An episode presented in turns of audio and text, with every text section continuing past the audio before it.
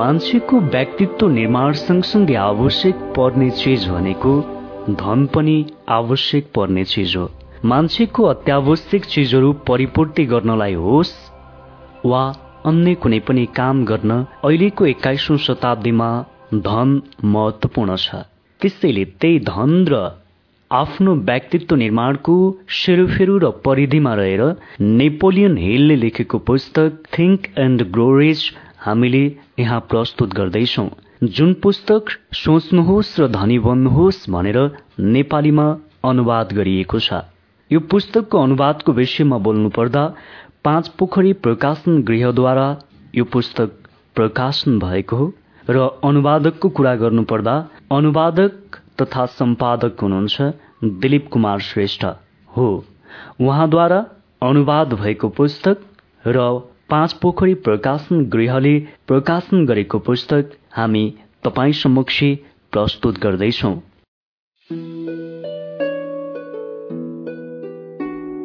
तपाईँ अनुमान लगाउन सक्नुहुन्छ कि यो पुस्तक पढेर नै सयौं हजारौं मानिसहरूले आफ्नो जीवन परिवर्तन गरिसकेका छन् र आफ्नो फाइनेन्सियल जुन स्ट्रगल छ त्योबाट बाहिर आएर उनीहरू धनी बनिसकेका छन्। सयौं हजारौं मानिसहरू त डाइरेक्ट नेपोलियन हिलको स्पिचबाट नै धनी बनेका छन् र पुस्तक पढेर त लाखौं मानिसहरूले त्यो जुन स्ट्रगलिङ फेज थियो त्यो स्ट्रगलिङ फेजबाट बाहिर आएर धनी बनिसकेका छन्। हो त्यही विषयवस्तु र त्यही परिधिको पुस्तक हो थिङ्क एन्ड ग्रो सोच्नुहोस् र धनी बन्नुहोस्। यो पुस्तकको सुरुवात यसरी हुन्छ।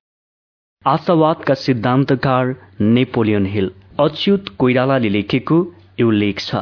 कुनै पुस्तक उठाउँदै गर्दा के तपाईँ यो सोच्नुहुन्छ? यो पुस्तकको उमेर कति होला? भर्खरै निस्किएका किताब मात्र हेर्ने बानी लागेका हामी अधिकांशले यस्तो नसोच्न पनि सक्छौ। यसै पनि किताबको दुनियाँमा आफ्ना लागि प्रेरणा दिने पुस्तक निकै कम फेला पर्छन्। मैले यस्तै एउटा पुस्तक केही दिन अघि फेला पारे त्यही भएर पनि सोच आयो। यो किताबको उमेर कति भयो होला? किताबको नाउँ हो थिङ्क एन्ड ग्रो यस किताबबारे इन्टरनेटबाट केही जानकारी पनि लिए बुझे। किताबको पनि इतिहास हुन्छ कथा हुन्छ मानिसको जस्तै। अझ किताब र मानिसको मिश्रित कथा त झनै रोचक हुँदो रहेछ।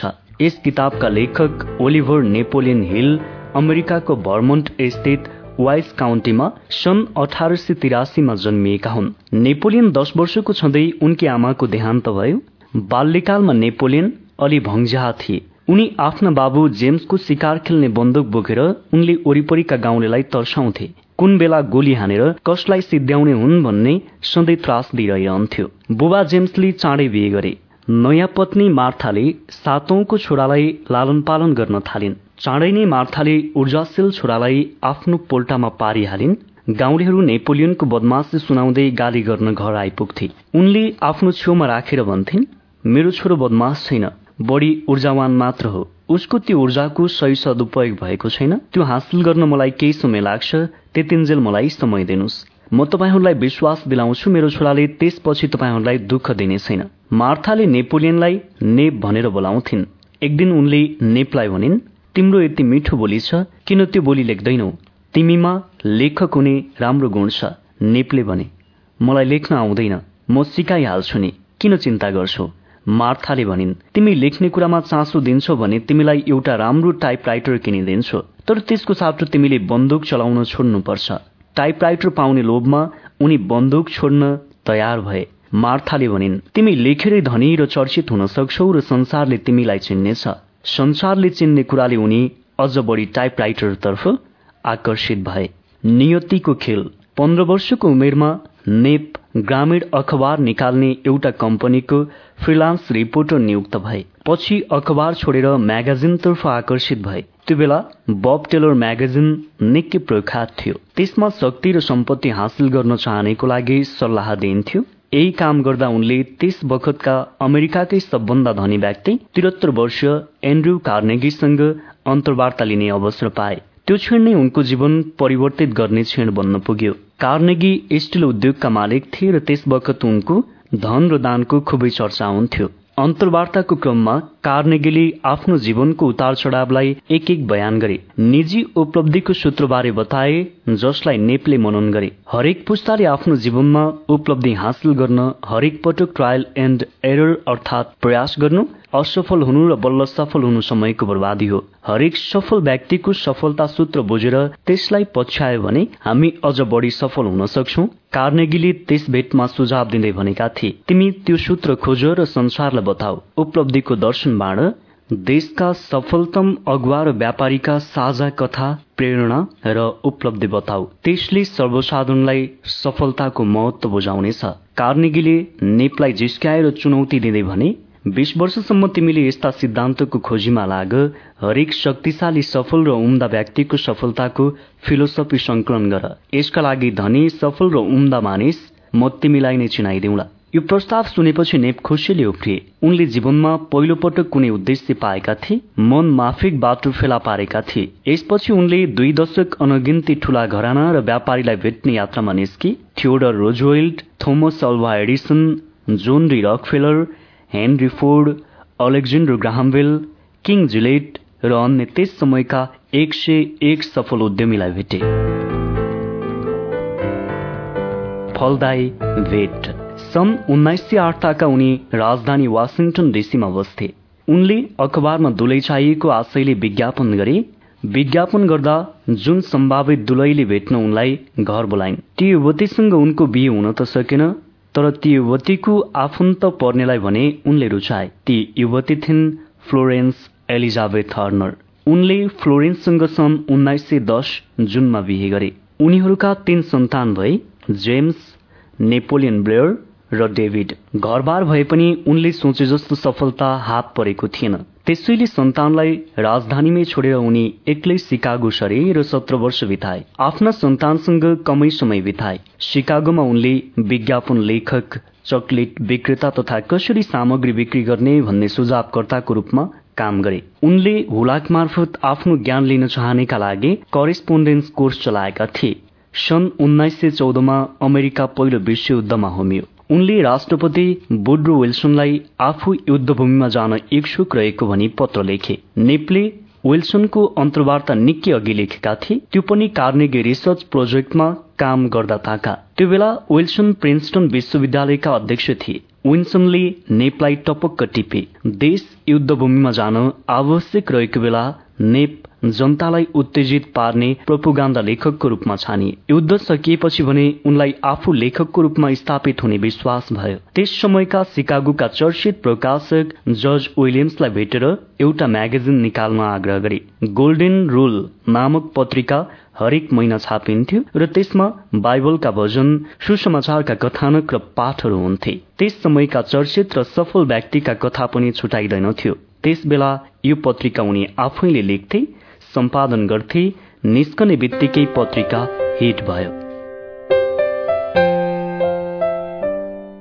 खतरनाक महत्वाकांक्षा सन् उन्नाइस सय बीसमा उनले आफ्नो सिद्धान्त र लेखनीको देशव्यापी लेक्चर टुर चलाए। यसको सफलता लगत्तै उनका व्यापारी साथी विलियमले पत्रिकामाथि आफ्नो स्वामित्व दावी गरे। हुन पनि उनैको सहयोग र साथमा पत्रिका शुरू गरेका थिए। पत्रिकामा नेप कामदार भन्दा बढी थिएनन् कानूनी रूपमा। यसबाट दिक्क भएर उनी न्युयोर्क बसाई सरे न्युयोर्कमा पनि आफ्नै सोचको नयाँ पत्रिका नेपोलियन हिल्स म्यागजिन शुरू गरे। अप्रेल उन्नाइस सय एक्काइसमा शुरू हुने बित्तिकै पत्रिका हिट भयो। कुनै विषयको ज्ञान हुनु एउटा कुरा हो भने आर्थिक रूपमा व्यवस्थापित हुनु अर्को कुरा। पत्रिका त चल्यो। पत्रिका चलाउन लिएको ऋण समयमै तिर्न नसक्दा पत्रिका बन्द हुन पुग्यो। असफलताले भुइँमा पछारिन पुगेका नेप पुनः आफ्नै गोडामा उभिनु पर्ने भयो। उनी ओयु राज्य बसाई सरे र एउटा बिजनेस कलेजमा पत्रकारिता विज्ञापन र पब्लिक स्पिकिङ पढाउन थाले। त्यसै बेला उनको भेट क्यान्टन डेली न्यूज पत्रिकाका प्रकाशक डोनाल्ड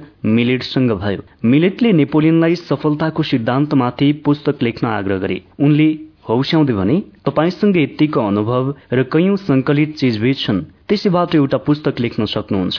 त्यो बेला ओयुमा लागू पदार्थ ओसार पसार कुलत र अन्य विविध विषयको अति समस्या थियो। स्थानीय प्रशासनले ती समस्यामा आँखा चिम्लिएको थियो। विद्यालय पढ्ने केटाकेटी लागु पदार्थले समस्याग्रस्त थिए। मिलेटले आफ्नो अखबारमा यिनै समस्या उगाउँदै स्थानीय प्रशासनमाथि दबाव दिइरहेका थिए। मिलेटलाई साथ दिँदै नेपले पनि ओइयोको गभर्नरमाथि दबाव दिइरहेका थिए। अचानक सन् उन्नाइस सय छब्बीसको जुलाईमा मिलेटलाई कसैले उनकै घर अघिल्तिर गोली हानी हत्या गर्यो। नेपोलियनलाई पनि गोलीले कुरेर बसिरहेको थियो।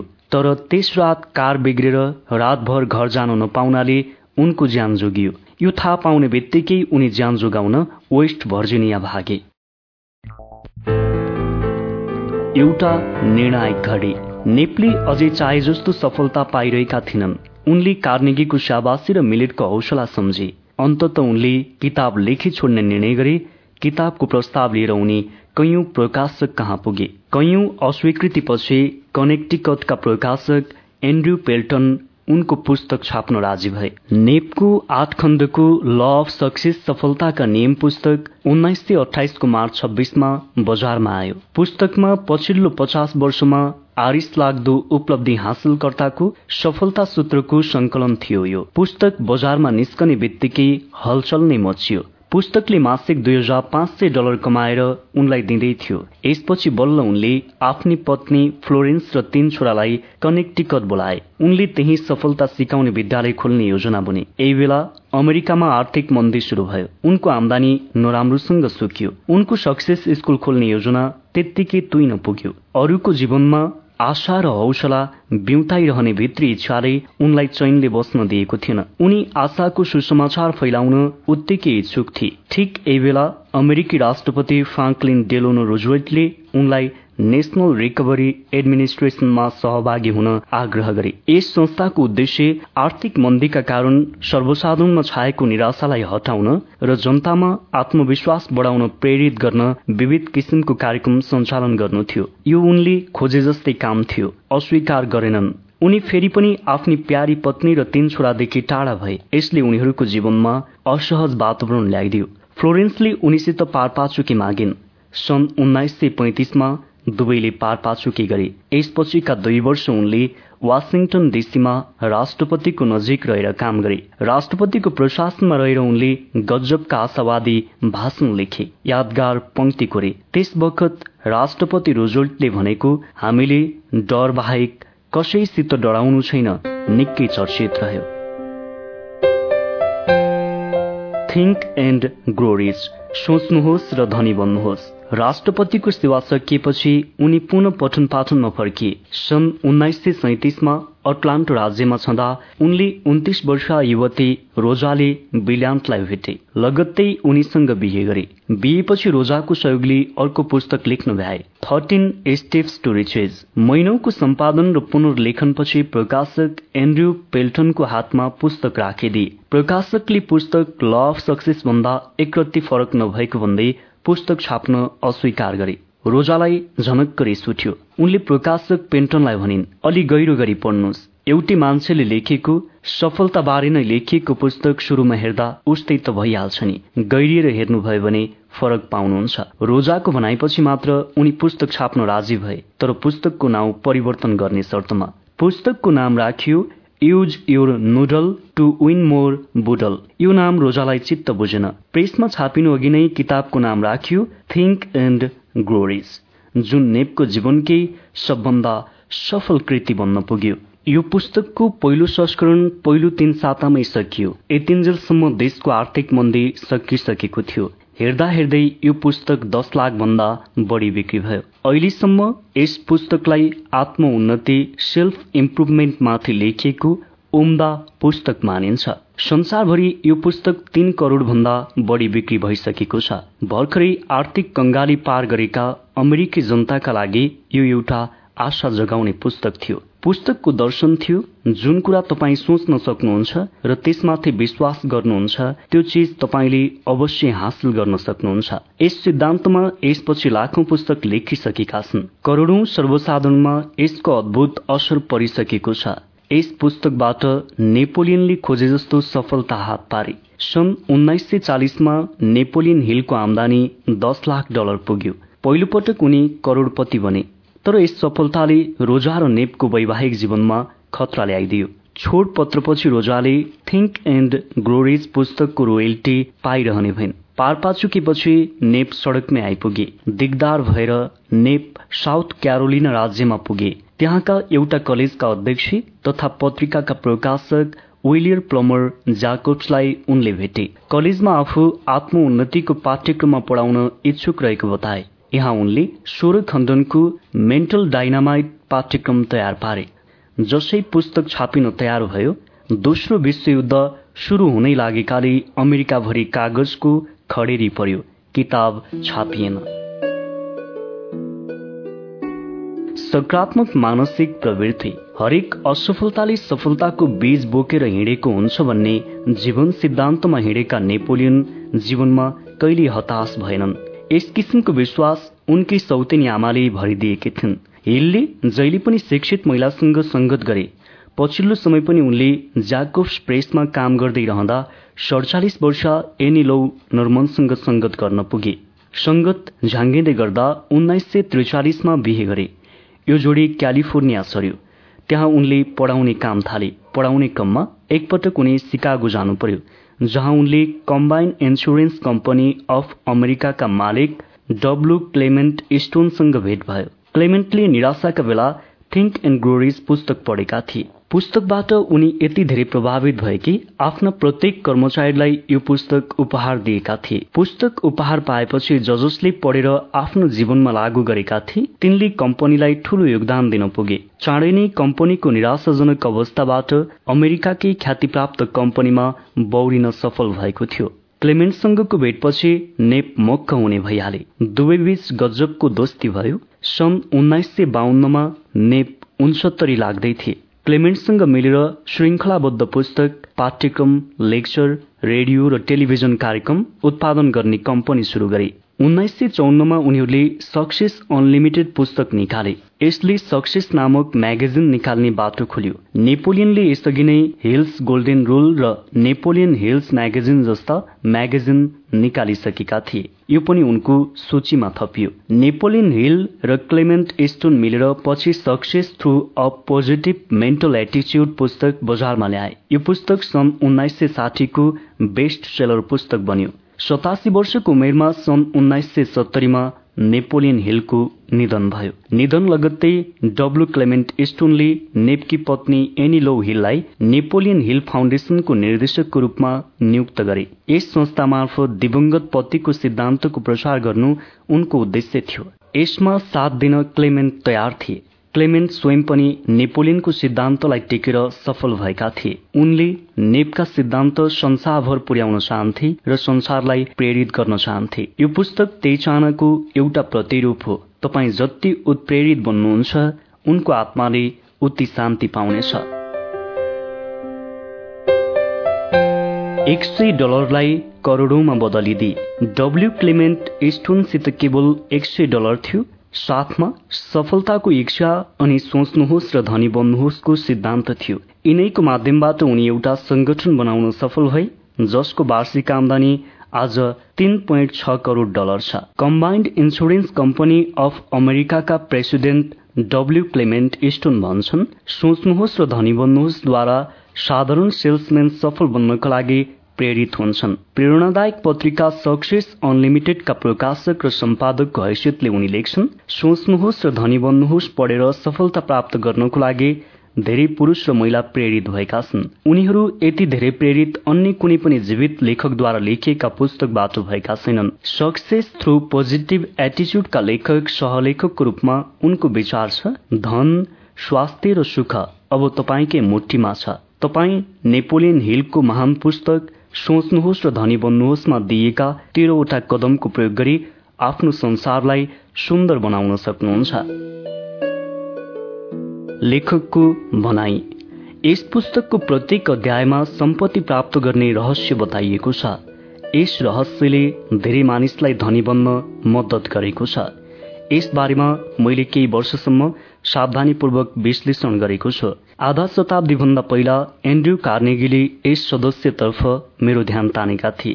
त्यस बेला म सानै थिएँ। यी चलाक र प्रेमपूर्ण व्यक्तिले यो रहस्य मेरो दिमागमा भरिदिएका थिए। उनी आफ्नो कुर्सीमा एकाग्र भएर बसे। उनका आँखामा खुसीको चमकता थियो। उनले सावधानीपूर्वक यसको लागि मसित बुद्धि छ या छैन भनेर हेरे। उनले भनेका केही कुरालाई मैले पूर्ण महत्वका साथ बुझ्न सकु भन्ने चाहे। पछि मैले उनको विचारलाई स्पष्टसँग बुझेको थाहा पाएँ। मैले आफ्नो जीवनको बीस वर्ष या त्यसभन्दा धेरै समय यस काममा लगाउन सक्छु या सक्दिन भनेर उनीसँग सोधे। म यस रहस्यलाई संसारमा धेरै मानिसहरूसम्म पुर्याउन चाहन्थे। यस बिना उनीहरू जीवनमा असफल नै रहन्छन्। पछि कार्नेगीकै सहयोगले मैले आफ्नो संकल्प पूरा गरे। यस पुस्तकमा सफलताको रहस्य बताइएको छ जसलाई हजारौं मानिसले जीवनको प्रत्येक क्षेत्रमा अप्नाएर हेरेका छन्। कार्नेगीले ए जादु जस्तै सूत्र अप्नाए यसले उनलाई प्रचुर सम्पत्ति दियो। यस रहस्यलाई मानिस कसरी धनवान बन्न सक्छ भनेर पत्ता लगाउने समय नहुनेहरूसम्म पुर्याउनु जरुरी छ।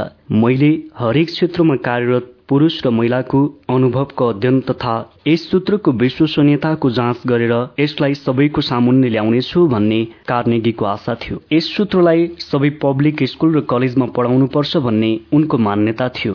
यदि यसलाई सही तरिकाले सिकाएको खण्डमा यो शिक्षाले पुरै सिस्टममा क्रान्ति ल्याउन सक्छ स्कुलमा बिताउने समय आधा कम गर्न सक्छ। यस पुस्तकको आस्था सम्बन्धी अध्यायमा तपाईँले युनाइटेड स्टेट्स स्टिल कर्पोरेसन संगठनको अद्भुत कहानी पढ्नुहुनेछ। एउटा अचम्मको विचार एक युवकको मनमा आयो। उसले त्यसलाई सफल बनायो। यसद्वारा कार्नेगीले यो सूत्रले यसको लागि तयार हुने सबैका लागि काम गर्न सक्छ भन्ने सिद्ध गरे। यस रहस्यको एक भाग मात्रैको प्रयोगले पनि चार्ल्स एम स्वाब धन र अवसर दुवैले सम्पन्न बने। वास्तवमा यस सूत्रको प्र्याक्टिकल मूल्य आठ करोड डलर थियो। यो रहस्य हजारौं मानिसलाई बताइएको थियो। उनीहरूले आफ्नो व्यक्तिगत लाभका लागि यसलाई कार्नेगीले चाहे जस्तै गरी प्रयोग गरे केहीले प्रचुर सम्पत्ति कमाए केहीले आफ्नो घरमा सद्भावनापूर्ण वातावरण बनाए। एक क्लर्जीमेनले त यसको प्रयोग अति राम्ररी गरे। फलस्वरूप उनलाई पचहत्तर हजार डलर भन्दा बढी आमदानी हुन थाल्यो। सिन सिनाटीका टेलर आर्थर न्यासले आफ्नो लगभग डुबिसकेको व्यापारमा यस सूत्रलाई अप्नाएर हेरे। उनको व्यापार फेरि खडा भयो। उनले आफ्नो मालिकलाई प्रशस्त धन प्रदान गरे। हुन त मिस्टर न्यास अहिले यस संसारमा छैनन्। यो व्यापार भने अहिले पनि समृद्ध अवस्थामा छ। यो रहस्य डल्लास टेक्सासको एस्टुअर्ट अस्टिन बियरलाई दिइयो। उनी यसको लागि तयार थिए। उनले आफ्नो प्रोफेसन छोडिदिए र कानून पढ्न शुरू गरे। के उनी सफल भए? पुस्तकमा यसबारेमा पनि बताइएको छ। लासेले एक्सटेन्सन युनिभर्सिटीको एडभर्टाइजिङ म्यानेजरको रूपमा काम गर्दा जब यो युनिभर्सिटी एउटा नामभन्दा बढी केही थिएन मलाई युनिभर्सिटीको प्रेसिडेन्ट जेर्जे च्याप्लिनलाई भेट्न सौभाग्य प्राप्त भयो। उनले यस सूत्रको प्रयोग अति प्रभावकारी ढंगले गरे। अनि लासेलेलाई देशको महान एक्सटेन्सन स्कुलमध्ये एक बनाइदिए मैले बताइरहेको रहस्य यस पुस्तकमा कमसे कम एक सय पटक उल्लेख गरिएको छ। यसलाई सिधा तरिकाले बताइएको छैन। यसका लागि तयार र यसको खोजमा रहेका मानिसको लागि यसले अधिक सफलतापूर्वक काम गर्छ। यदि प्रयोग गर्न तयार हुनुहुन्छ भने तपाईँले प्रत्येक अध्यायमा कमसे कम एकपटक यस रहस्यलाई चिन्न सक्नुहुन्छ। तर अहिले बताए भने तपाईँलाई आफ्नै प्रयासबाट प्राप्त हुने भन्दा कम लाभ प्राप्त हुन जान्छ। हुन सक्छ तपाईँ कुनै बेला हताश हुनुभएको थियो। तपाईँले विभिन्न कठिनाईको सामना गर्नु परेको थियो। आफ्नो कलेजो नै बाहिर आएको जस्तो अनुभव भएको थियो। कोसिस गरे पश्चात असफल हुनुभएको थियो या बिरामी वा शारीरिक समस्याले ग्रस्त हुनुभएको थियो। यदि त्यस्तो भने मेरो छोराको कहानीमा कार्नेगी सूत्रको प्रयोग पढेपछि तपाईँलाई आफ्नो निराशाको मरूभूमिमा एउटा झरना प्राप्त हुन्छ। जसलाई तपाईँ खोज्दै हुनुहुन्छ। राष्ट्रपति बुड्रो विल्सनले प्रथम विश्वयुद्धको क्रममा यस रहस्यलाई प्रशस्त प्रयोग गरेका थिए। यो रहस्य युद्धमा लड्न गइरहेका प्रत्येक योद्धालाई बताइयो। मोर्चामा जानुभन्दा पहिले दिइएको प्रशिक्षणमा यसलाई सावधानीपूर्वक सामेल गरियो। राष्ट्रपति विल्सनले मलाई बताए अनुसार युद्धको लागि आवश्यक रकम जुटाउनमा पनि यो एक महत्वपूर्ण तत्व प्रमाणित भयो।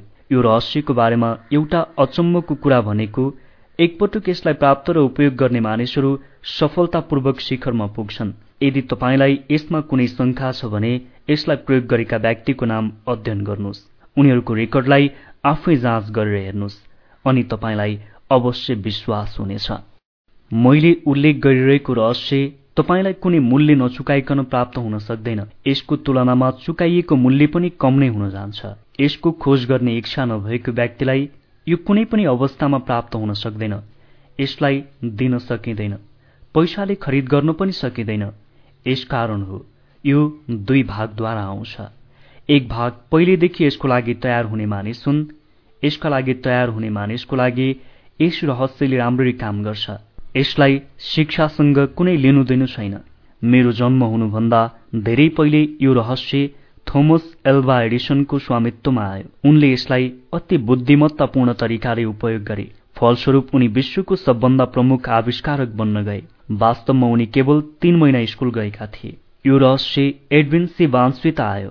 उनी एडिसनको व्यापारमा सहयोगी थिए। उनले यसको अति प्रभावकारी ढंगले उपयोग गरे। त्यस समयमा उनी केवल बाह्र सय डलर प्रतिवर्ष कमाइरहेका थिए। पछि उनले प्रचुर सम्पत्ति प्राप्त गरे र युवा अवस्थामै सक्रिय व्यापारबाट रिटायर भए। उनको कहानी तपाईँले पहिलो अध्यायको शुरूमै भेट्नुहुनेछ। यसबाट तपाईँलाई सम्पन्नता आफ्नो पहुँच बाहिर छैन भन्ने विश्वास हुनेछ। तपाईँ आफूले चाहे जस्तै बन्न सक्नुहुन्छ। धन सम्पत्ति मान सम्मान र सुख शान्ति जस्ता वरदान यसका लागि तयार र दृढ संकल्पित हुने सबै व्यक्तिलाई मिल्न सक्छ।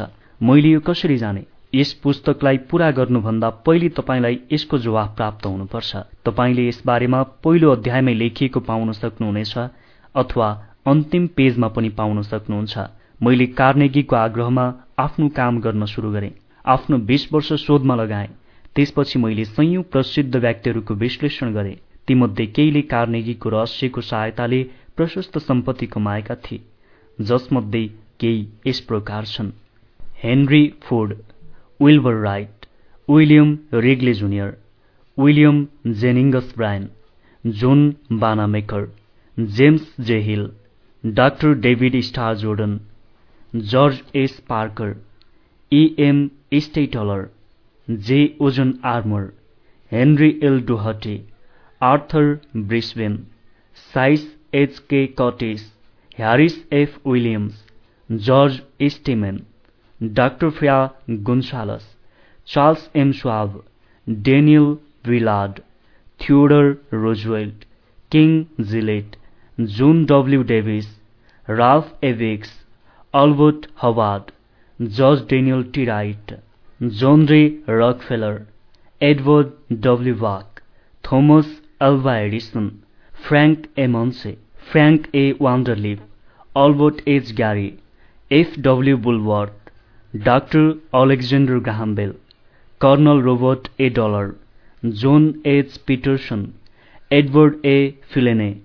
Julius Rosenwald Edwin C Barnes Stuart Austin Wier Arthur Nash doctor Frank Crane Clarence Darrow George M Alexander Woodrow Wilson JG Chaplin William Howard Taft अमेरिकी सेनेटर जोनिङ्स ऱ्याडोल्फ लुथर बर्विङ्क इनाम संयुक्त प्रसिद्ध अमेरिकीको एक सानो भाग हो उनीहरूको आर्थिक एवं अन्य उपलब्धिले कार्नेगी रहस्यलाई बुझ्ने र अप्नाउने मानिसहरू जीवनमा उचाइसम्म पुग्न सक्छन् भन्ने प्रमाणित हुन्छ। म यस रहस्यलाई प्रयोग गरेर पछि आफूले छनौट गरेको क्षेत्रमा उल्लेखनीय सफलता हासिल नगरेका मानिसलाई चिन्दिन प्रशस्त सम्पत्ति प्राप्त गरेका तर यस रहस्यलाई प्रयोग नगरेका मानिसको बारेमा म जान्दिन। यी दुवै तत्वद्वारा म यो रहस्य आत्मसंकल्पका लागि अनिवार्य ज्ञानको एक भागको रूपमा महत्वपूर्ण छ भन्ने निष्कर्ष निकाल्छु। अति महत्वपूर्ण छ। महत्वपूर्ण भन्नाले यसमा हामीले प्राप्त गरिरहेको जस्तै शिक्षा प्राप्त गर्ने कुरा पनि छैनन्। वास्तवमा शिक्षा के हो? पुस्तकमा यसको उत्तर पनि पूर्ण रूपले दिइएको छ। पुस्तक पढ्दै गर्दा रहस्य कहिले कुनै पेजबाट निस्किएर कुद्नेछ या बहादुरीका साथ तपाईँकै सामुन्ने होइनेछ। तर यदि तपाईँ यसका लागि तयार हुनुभएको खण्डमा यो आएको बेलामा तपाईँले यसलाई चिन्नुहुनेछ। पहिलो या अन्तिम अध्यायमा कतै पनि रहस्य आएको जस्तो लाग्यो भने तपाईँ एकछिनको लागि रोकिनुहोस्। आफ्नो घडीमा दृष्टि राख्नुहोस्। यो अवसर तपाईँको जीवनको सबभन्दा महत्वपूर्ण मोड प्रमाणित हुनेछ। पुस्तक पढ्दै गर्दा त्यहाँ दिएका घटना तथ्याङ्क हुन् भन्ने कुरा नभुल्नुहोस्। यो कुनै कहानी फिक्सन या कल्पना होइन।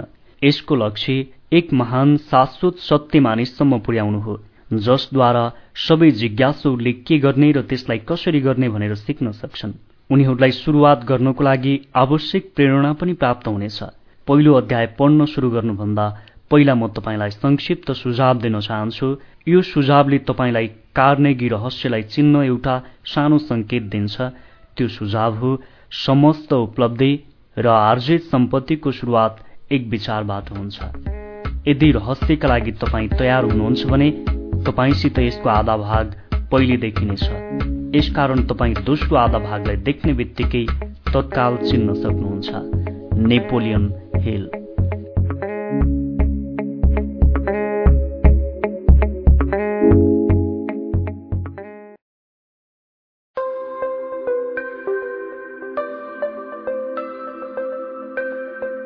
पहिलो पृष्ठमा छ विचारको शक्ति विचार नै वस्तु हो। थोमस अल्वा एडिसनको पार्टनर बन्ने बारेमा सोच्ने व्यक्ति। विचार अति नै शक्तिशाली वस्तु हो अर्थात् विचार नै वस्तु हो। कुनै व्यक्तिसित निश्चित लक्ष्य र लगन छ भने त्यसले धन वा अन्य भौतिक वस्तु प्राप्त गर्ने प्रबल इच्छासँग जोडिदिन्छ। केही वर्ष पहिले एडविन सी वान्सले मानिस सोचेर धनी बन्न सक्छन् भन्ने सत्यलाई जाने। उनले त्यस सत्यलाई एकै बैठकमा जान्न सकेका भने होइनन्। यो सत्य उनको दिमागमा बिस्तारै आयो। यसको सुरुवात भयो थोमस अल्वा एडिसनसित पार्टनरसिप गर्ने उनको प्रबल इच्छाबाट। एडविन वान्स थोमस एल्बा एडिसनसहित काम गर्न चाहन्थे। उनले कसरी आफ्नो इच्छालाई वास्तविकतामा बदले भन्ने कुरा ध्यानपूर्वक पढ्नुहोस्। बल्ल तपाईँले धन प्राप्त गर्ने सिद्धान्तलाई राम्ररी बुझ्न सक्नुहुन्छ। एल्भा एडिसनसँग पार्टनरसिप गर्ने इच्छा वा विचार आफ्नो मस्तिष्कमा पहिलो पटक आउँदा एडविन वान्स यसलाई लागू गर्ने स्थितिमा थिएनन्। उनको बाटोमा दुईवटा बाधा थिए। पहिलो उनी एल्बा एडिसनलाई चिन्दैनथे। दोस्रो उनीसित न्यू जर्सी जानका लागि गाडी भाडा समेत थिएन। यही बाधाको कारण धेरैजसो मानिसको हौसला घट्छ। त्यसबेला उनीहरू आफ्नो इच्छालाई वास्तविकतामा बदल्न कुनै कोसिस गर्दैनन्। वान्सको इच्छा साधारण थिएन। वान्स एक दिन एडिसनको प्रयोगशालामा गए। आफू महान आविष्कारक एल्बा एडिसनसँग बिजनेस पार्टनर बन्न आएको कुरा सविस्तार बताए। उनी र एडिसन बीच भएको यस पहिलो भेटको बारेमा बोल्दै वर्षौंपछि एडिसनले भनेका छन् उनी एक साधारण मानिस जस्तै मेरो सामुन्ने उभिएका थिए। आफूले पाउन चाहेको लक्ष्य पूरा गर्ने दृढ भाव उनको अनुहारमा झल्किरहेको थियो। कसैले दृढ रूपले कुनै कुरा पाउने इच्छा चाहना राख्छ भने उसले आफ्नो पुरै भविष्य दाउमा लगाउन सक्छ। यस्तो अवस्थामा उसको जित निश्चित छ। मानिससित वर्षौंको अनुभव पश्चात मैले यो कुरा बुझेको छु। सफल नबनेसम्म उनी जुटिरहनेछन् भन्ने मलाई पूर्ण विश्वास थियो। त्यसैले मैले उनको मनले चाहेको जस्तै अवसर दिएँ। यस्तो गरेर मैले कुनै गल्ती गरेको थिइनँ। उनको कामले पछि यो प्रमाणित गरिदियो। एडिसन वान्सको होलियाबाट प्रभावित भएका थिएनन् वान्सको व्यक्तित्व राम्रो थिएन। फरक एडिसनको सोचले पारेको थियो। वान्सलाई पहिलो भेटमै एडिसनले आफ्नो पार्टनर बनाएनन्। सुरुमा उनलाई एडिसनको अफिसमा काम गर्ने अवसर मिल्यो। समय बित्दै गयो। वान्सले आफ्नो मस्तिष्कमा बनाएको महान लक्ष्य अफिसमा काम गर्नुबाट पूरा भएन। यस कामबाट उनको मस्तिष्कमा भने महत्वपूर्ण परिवर्तन आयो। उनी आफ्नो इच्छालाई लगातार प्रबल बनाउँदै गइरहेका थिए। एक दिन एडिसनको बिजनेस पार्टनर बनेर देखाउने कुरामा उनी विश्वस्त थिए। मनोवैज्ञानिकहरू सही भन्छन्।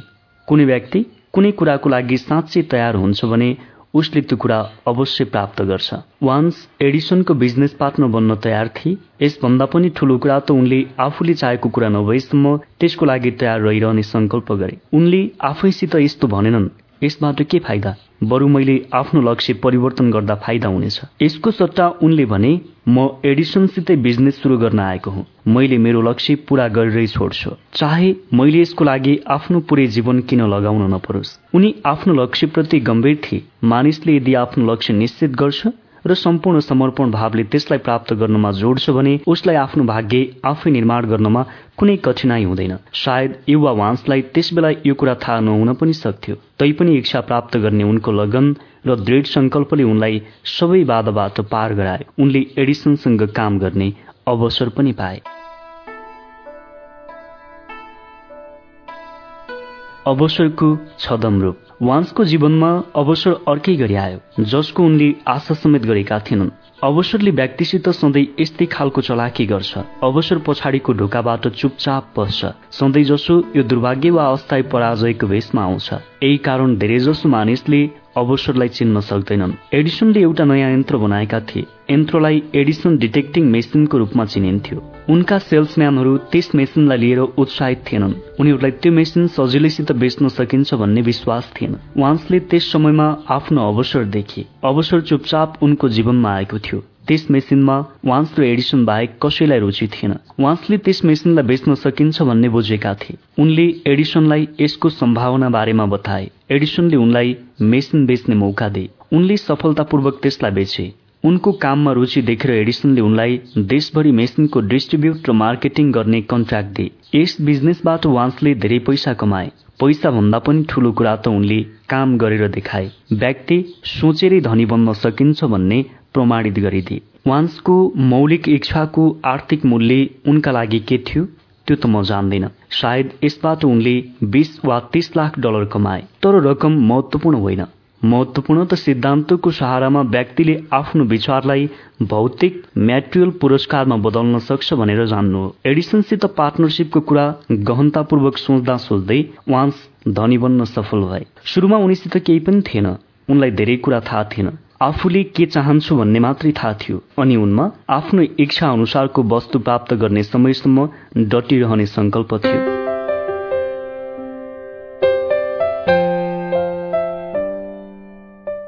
सबभन्दा तीन फुट पर। असफलताको एक आम कारण अस्थायी पराजय पश्चात मैदान छोडिदिनु हो। प्रत्येक मानिसले कुनै न कुनै बेला यस्तो गल्ती गर्छ। आर्यु डार्वीका अङ्कल गोल्ड रस सुनको खोजी गर्ने अभियानमा जुटे। सुन खोजेर धनी बन्ने उद्देश्यले उनी पश्चिम दिशातिर गए। जमिन मुनि भन्दा धेरै सुन मानिसको विचारमा लुकेको हुन्छ भन्ने उनी जान्दैनथे। त्यसैले उनी कोदालोले भुइँ खन्नमा तल्लीन रहे। केही हप्ताको मेहनत पश्चात उनले चम्कँदै गरेको सुनको झलक देखे। त्यसलाई सतहसम्म ल्याउन मेसिनको आवश्यकता पर्थ्यो। उनले आफूले खनेको खाल्डोको मुख छोपिदिए। आफ्नो गाउँ विलियम्सबर्ग फर्केर आफन्त र केही साथीलाई यसबारेमा बताए। मेसिन किन्न आवश्यक पर्ने धन जुटाए। मेसिन लिएर अङ्कल र डार्बी सुन निकाल्न खानीमा पुगे। उनीहरूले कच्चा धातुलाई पहिलो पटक स्मेल्टरसम्म पुर्याए। त्यो खानी कोलोराडोको सबभन्दा ठूलो भएको उनीहरूले थाहा पाए। केही कच्चा धातुबाटै डार्बी ऋणबाट मुक्त हुन्थे। यसमा धेरै मुनाफा हुन्थ्यो। अब सुन खन्ने काम सुरु भयो। मेसिन जमिनमुनि जाँदै गर्दा डार्बी र उनका अङ्कलको आशाले आकाश छोइरहेको थियो। यत्तिकैमा अचानक सुनको झलक गायब भयो। उनीहरू सफलताको आखिरीसम्म पुगिसकेका थिए। तर अब त्यहाँ सुन थिएन। एकपटक फेरि सुनको झलक देखिएला भन्ने आशाले उनीहरूले खन्दै गए। उनीहरूको मेहनत खेर गयो त्यहाँ सुन पाउन सकेनन्। अन्तमा डार्बीले मैदान छोड्ने निर्णय गरे। कौडीको मोलमा मेसिन बेचिदिए रेलबाट घर फर्किए मेसिन किनेको कबाडीले एक इन्जिनियरलाई बोलाएर खानेको अनुसन्धान गराए। इन्जिनियरले प्रतिक्रिया दिए यसको मालिकलाई बीचमा फल्ट लाइन आउँछ भन्ने थाहा थिएन। त्यसैले ऊ असफल भयो। इन्जिनियरको विश्लेषण अनुसार डार्बीले खन्न बन्द गरेको स्थानबाट केवल तीन फिट तल सुन थियो। खनेर हेर्दा इन्जिनियरको अनुमान सत्य निस्कियो। कबाडीले सुन खानीबाट लाखौं करोडौं डलर बराबरको सुन पायो। हार मान्नुभन्दा पहिला विशेषज्ञको सल्लाह लिनु यस सफलताको कारण थियो।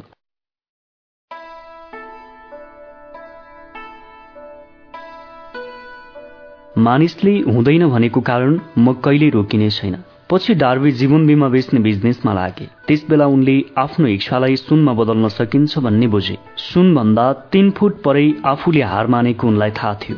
यस अनुसन्धानबाट उनले ठूलो पाठ सिके। उनी आफ्नो नयाँ बिजनेसमा आफूसँगै भन्ने गर्थे म सुन भन्दा तीन फुट परै रोकिएको थिएँ अब म मानिसलाई बिमा खरिद गर्नका लागि भन्छु। उसले हुँदैन भनेको कारणले म कहिले रोकिन्न। डार्बी विश्वज्ञ व्यक्ति मध्ये एक बने। प्रत्येक वर्ष एक मिलियन डलरको बिमा बेच्न सफल भए सुन खन्न हार मानेको अनुभवले जुटिरहने पाठ सिकेको कारण उनी सफल बनेका थिए। सबै मानिसको जीवनमा सफलता आउनु पूर्व अस्थायी असफलता वा पराजय पक्कै आउँछ।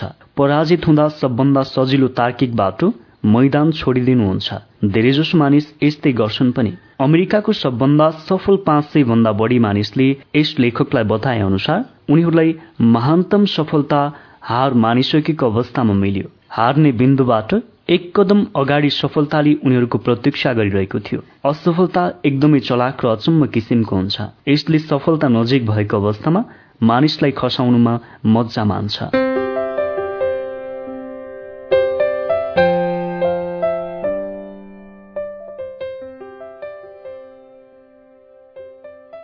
लगनको पचास सेन्टको पाठ डार्बीलाई सुन खन्ने अनुभवले असफलताको युनिभर्सिटीबाट डिग्री प्राप्त भयो त्यसको केही समय पश्चात उनले एउटा अर्को अनुभव प्राप्त गरे।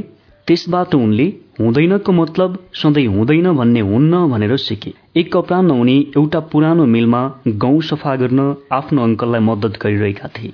अङ्कलको ठूलो फर्ममा धेरै अश्वेत किसान बस्ने गर्थे। त्यत्तिकैमा बिस्तारै ढोका खुल्यो। भाडामा बस्ने एक अश्वेतकी सानी छोरी भित्र पसेर ढोकामै रोकिएर उभे अङ्कलले उतर्फ हेरेर कराउँदै सोधे तिमीलाई के चाहियो? विनम्रतापूर्वक बच्चीले जवाब दे। मेरी मम्मीले भन्नुभएको तपाईँले उहाँलाई पचास सेन्ट दिनुहोस् रे। म दिन्न। अङ्कलले जवाब दिए अब तिमी तुरुन्तै गइहाल बच्चीले हुन्छ सर भन्ने जवाब त दिए तर अलिकति पनि हलचल गरिन। अङ्कल आफ्नो काममा जुटे। अति व्यस्तताको कारण उनले बच्चीतर्फ ध्यान नै दिएनन्। बच्ची भने अझै गएकी थिइन। धेरै बेर पश्चात उनले बच्चीलाई अझैसम्म उभिएकी देखे। उनी फेरि कराए मैले तिमीलाई घर जाऊ भनेको होइन? जान्छौ या तिमीलाई पिटु? बच्चीले भने हुन्छ सर। तर ऊ फेरि अलिकति पनि हलचल गरिन। अङ्कल एउटा लट्ठी उठाएर बच्चीतर्फ बढे। उनको हाउभावबाट उनले बच्चीलाई पाठ सिकाएर मात्रै छोड्नेछन् भन्ने लागिरहेको थियो। डार्बीको सास थामियो। अङ्कल अब बच्चीलाई कुट्न गइरहेको उनले देखेका थिए। अङ्कलको रिस कडासो भन्ने उनलाई थाहा थियो। अङ्कल बच्चीको नजिक पुगे। बच्ची अगाडि सरी। अङ्कलको आँखामा आँखा जुदाएर ठूलो आवाजमा कराई मेरो मम्मीलाई पचास सेन्ट चाहियो। अङ्कल रोकिए। केही समय बच्चीतर्फ एकरो हेरे बिस्तारै लट्ठी भुइँमा राखिदिए। अनि आफ्नो खल्तीमा हात हालेर आधा डलर निकालेर बच्चीलाई दिए। बच्चीले पैसा लिएर ढोकातिर बढ्न थाली। बाहिर निस्कने बेलासम्म उसले आफ्नो आँखा अङ्कलबाट हटाइन जसलाई उसले भर्खरै हराएकी थिए। ऊ गएपछि अङ्कल एउटा बाकसमाथि बसे दस मिनटसम्म झ्यालबाट बाहिर हेरेर केही सोच्दै रहे। एउटी सानी बच्चीको लगनले आफूलाई कसरी हराइदियो भन्ने उनी सोचिरहेका थिए। डार्वीको मनमा पनि चिन्तन चलिरहेको थियो। यस्तो अनुभव उनले पहिलो पटक गरेका थिए। यसअघि उनले कुनै अश्वेत बच्ची कुनै बेसको श्वेत मानिसमाथि भारी भएको देखेको थिएनन्। उनको मनमा विभिन्न प्रश्न दौडिरहेका थिए। अङ्कलले कसरी आफ्नो रेस नियन्त्रण गरे? अङ्कल भेडा जस्तै आज्ञाकारी कसरी बने?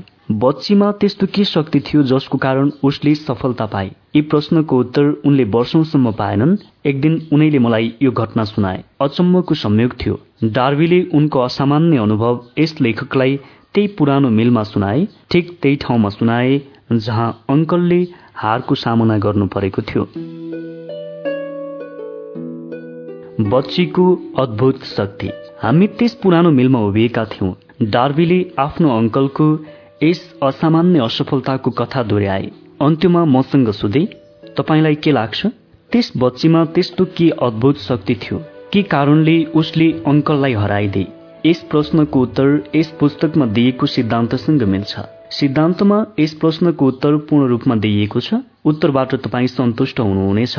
सिद्धान्तमा कुनै पनि व्यक्तिले बच्चीले जस्तै अद्भुत शक्तिको प्रयोग गर्न सक्छ भन्ने कुराको वर्णन र निर्देशन छ। त्यस बच्चीले यस अद्भुत शक्तिको प्रयोग संयोगवश गरेकी थिइन्।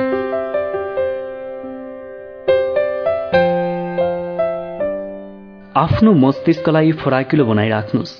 अवश्य पनि अद्भुत शक्तिले कसरी त्यस बच्चीलाई मद्दत गर्यो भन्ने तपाईँलाई थाहा पाउनुहुनेछ।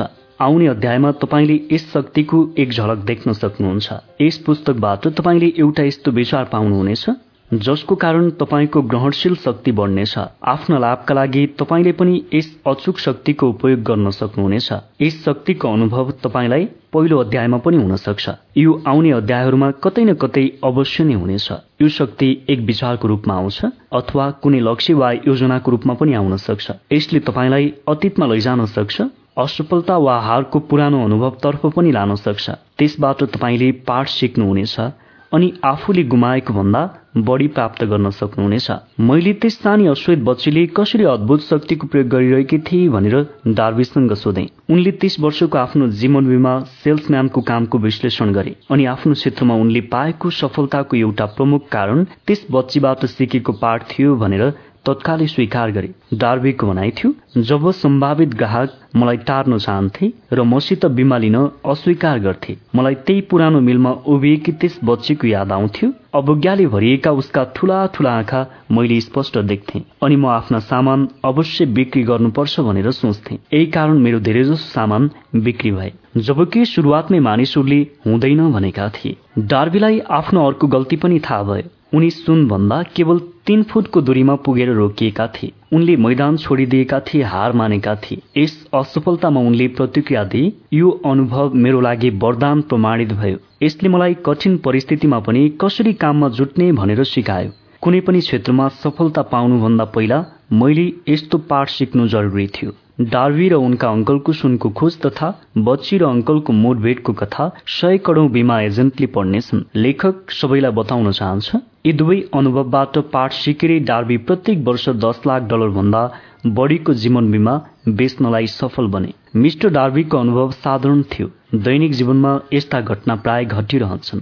यस्तै घटनाको कारणले डार्बीको भाग्य बदलिदियो। ती अनुभव उनको जीवनमा अनमोल उपहार बने। उनले दुवै नाटकीय अनुभवको लाभ उठाए अनुभवको विश्लेषण गरेर पाठ सिके। तर त्यस्ता व्यक्तिको हकमा के हुन सक्ला? जोसित असफलताको विश्लेषण गर्न समय छैन इच्छा छैन। यस्ता व्यक्तिलाई सफलताको बाटोमा बढ्ने ज्ञान कहाँबाट मिल्ला? तिनीहरूले कसरी हारलाई अवसरको सिँढीमा बदल्ने कला सिक्लान्? यिनै प्रश्नका उत्तर दिनको लागि यस पुस्तक लेखिएको हो।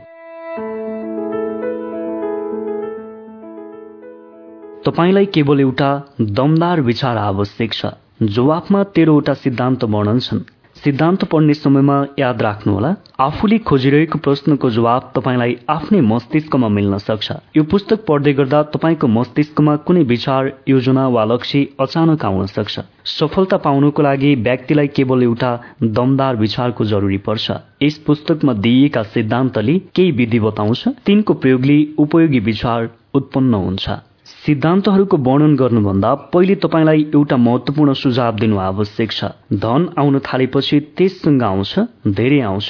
त्यस बेला व्यक्ति आफ्नो गरिबीको समयमा त्यो धन कहाँ लुकेको थियो भन्ने कुराले चकित बन्छ। यो कुरा अचम्म लाग्दो छ। त्यस लोकप्रिय विश्वासको विरुद्ध पनि छ। जसले धन केवल लामो समयसम्म कडा परिश्रम गर्नेले मात्र पाउँछ भनेर मान्ने गर्छन्। तपाईँ सोचेर धनी बन्न सुरु गर्नुहोस् अनि तपाईँले सम्पत्ति मानसिक अवस्था र लक्ष्यको निश्चितताबाट सुरु हुन्छ भनेर थाहा पाउनुहुन्छ। चाहे उसले कडा मेहनत गरेको होस् या नहोस्। तपाईँ र तपाईँ जस्तै प्रत्येक व्यक्तिले धनलाई आकर्षित गर्ने मानसिक अवस्था कसरी पाउने भन्नेतर्फ रुचि लिनुपर्छ। म पनि मानिस कसरी धनी बन्छ भन्ने जान्न चाहन्थे। त्यसैले मैले पच्चिस वर्ष रिसर्च गर्नमा बिताएँ। धेरै गम्भीरतापूर्वक लागि परे तपाईँले यस दर्शनको सिद्धान्तलाई अप्नाउनु भयो र दिइएका निर्देशनलाई अनुसरण गर्न थाल्नुभयो भने तपाईँको आर्थिक स्थिति सुध्रिन थाल्छ। आफूले छोएका हरेक चिज तपाईँलाई फाइदाजनक लाग्न थाल्छन्। असम्भव जस्तो लाग्यो।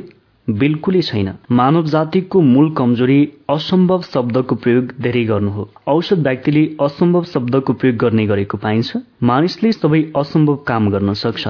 गर्न नसक्ने सबै चिज गर्न र जान्न सक्छ यो पुस्तक यस्ता नियम जान्न चाहनेका लागि हो। यी नियममा चल्नको लागि आफ्ना सबै कुरा दाउमा लगाउन इच्छुक हुनेका लागि हो। सफलताको बारेमा जागरूक हुनेलाई नै सफलता प्राप्त हुन्छ। असफलताको बारेमा जागरूक हुनेलाई असफलता नै प्राप्त हुन्छ। यो पुस्तकको लक्ष्य आफ्नो मस्तिष्कलाई असफलताको जागरूकताबाट निकालेर सफलताको जागरूकतातर्फ लिएर जान चाहनेका लागि हो। धेरैजसो मानिसमा एउटा अर्को कमजोरी हुन्छ। आफ्नो विश्वास र अनुभवको बलमा प्रत्येक वस्तु र व्यक्तिलाई नाप्ने उनीहरूको बानी हुन्छ। यो पुस्तक पढ्ने कतिपय पाठकले खराब चिन्तनको बानी भएका गरिब तथा अभाव दुःख असफलता र हारको दलदलमा फँसेका मानिस मात्रै सोचेर धनी बन्न सक्छन् भन्ने विश्वास गरिरहेका हुन सक्छन्। यी दुर्भाग्यशाली व्यक्तिले मलाई एक प्रसिद्ध चिनिया व्यक्तिको याद दिलाउँछन्। त्यो चिनिया युवक अमेरिकी व्यवहार सिक्न आएको थियो। त्यो चिनिया युवक अमेरिकी व्यवहार सिक्न आएको थियो। ऊ युनिभर्सिटी अफ सिकागोमा पढ्न थाल्यो। एक दिन प्रेसिडेन्ट हार्परसँग उसको भेट भयो हार्परले उसित केही बेर कुराकानी गरे। उनले अमेरिकी मानिसमा उसले प्रमुख कुरा के देखियो भन्ने बारेमा उसित सोधे। युवकले जवाब दियो तपाईँहरू सबैका आँखा तिर जस्तै छन्। अमेरिकीहरूको यही कुरा मलाई सबभन्दा खास लाग्यो। आफूले बुझ्न नसक्ने कुरा हामी विश्वास गर्न अस्वीकार गर्छौं। त्यसबेला हामीलाई आफ्नै मूर्खतामाथि विश्वास हुन्छ। सामुन्नेको व्यक्तिको आँखा आफ्नो जस्तो छैन भने अवश्य पनि तपाईँलाई त्यो तिखो लाग्छ। असम्भव फोर्ड बी एट मोटर। एक दिन हेनरी फोर्डले आफ्नो प्रसिद्ध बी एट मोटर बनाउने निर्णय गरे।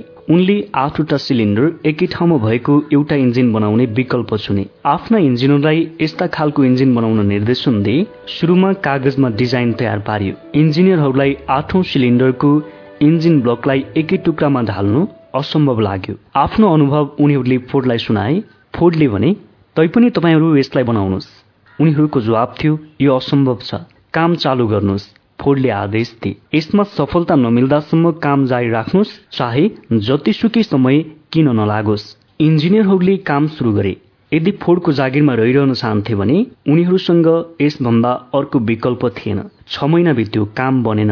इन्जिनियरहरूले आदेश पालनाको हर सम्भव कोसिस गरे। उनीहरूलाई त्यो काम असम्भव लागिरहेको थियो। एक वर्षपछि फोर्डले इन्जिनियरलाई फेरि बोलाए। आफूले उनको आदेश पूरा गर्न कुनै तरिका फेला पार्न नसकेको प्रतिक्रिया इन्जिनियरहरूले दिए। काम जारी राख्नुहोस्।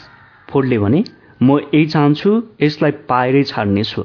इन्जिनियरहरूले काम गरिरहे। एक दिन जादुको छडी जस्तै रहस्य प्रकट भयो। फोर्डको लगनले एकपटक फेरि जित्यो। हुन सक्छ? यो घटना अक्षर सत्य होइन। घटनाको भाव भने बिल्कुलै सही छ।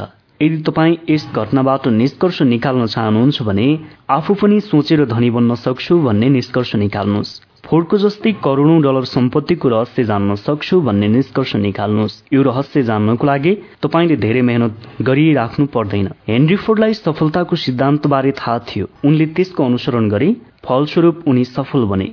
सिद्धान्तहरूमध्ये एक हो इच्छा। तपाईँले आफू के चाहन्छु भनेर जान्नुपर्छ। पढ्ने समयमा फोर्डको कहानी याद राख्नुहोस्। उनको अभूतपूर्व उपलब्धिको रहस्य बताइएका पंक्ति दोहोऱ्याउनुहोस्।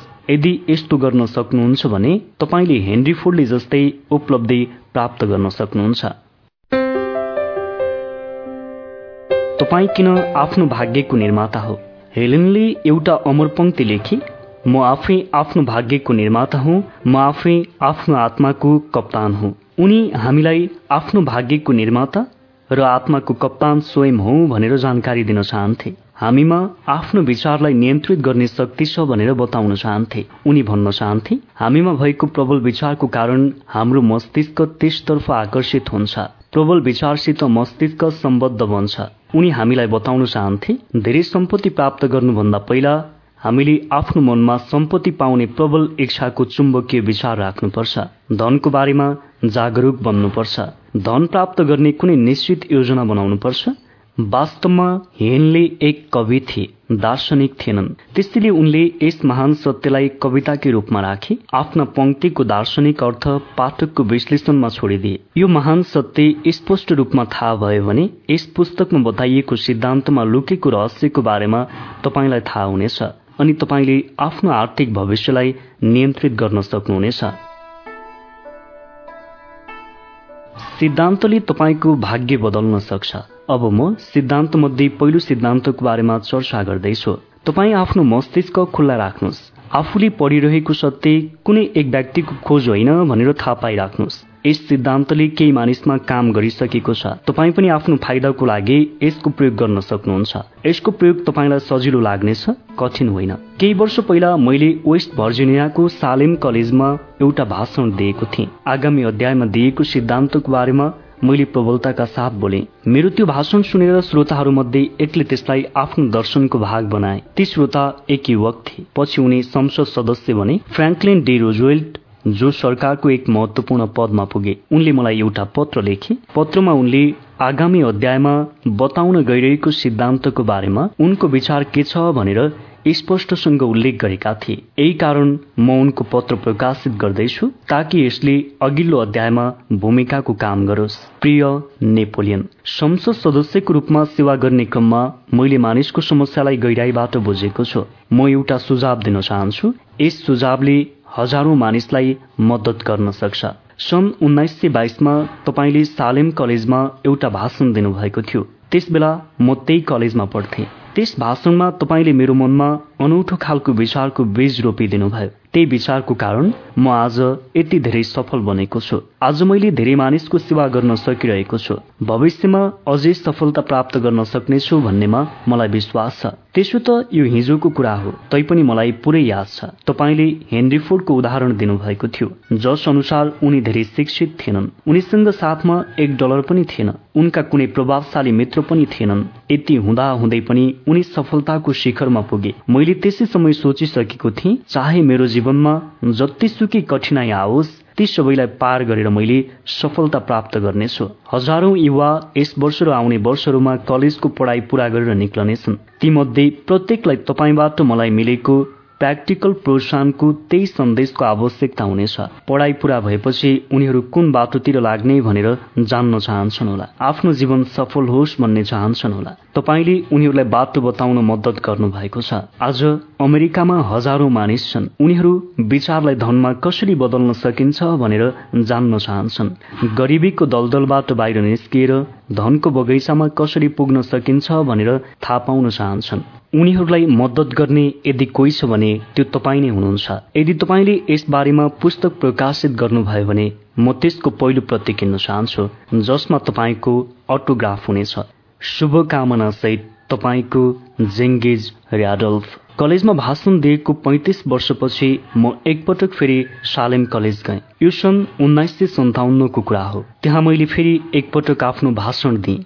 मलाई त्यस कलेजबाट डी. लिट उपाधि प्रदान गरियो। सन् उन्नाइस सय बाइसदेखि आजसम्म मैले जेङ्गिस ऱ्याडोल्फलाई लगातार अगाडि बढेको देखेको छु। देशको प्रमुख एयरलाइन्स एक्जिक्युटिभ मध्ये एक वेस्ट भर्जिनियाबाट अमेरिकी सिनेटर र महान प्रेरणादायक वक्ता बनेको देखेको छ। व्यक्तिको मस्तिष्कले जे सोच्छ र जसमाथि विश्वास गर्छ उसले त्यो प्राप्त गर्न सक्छ।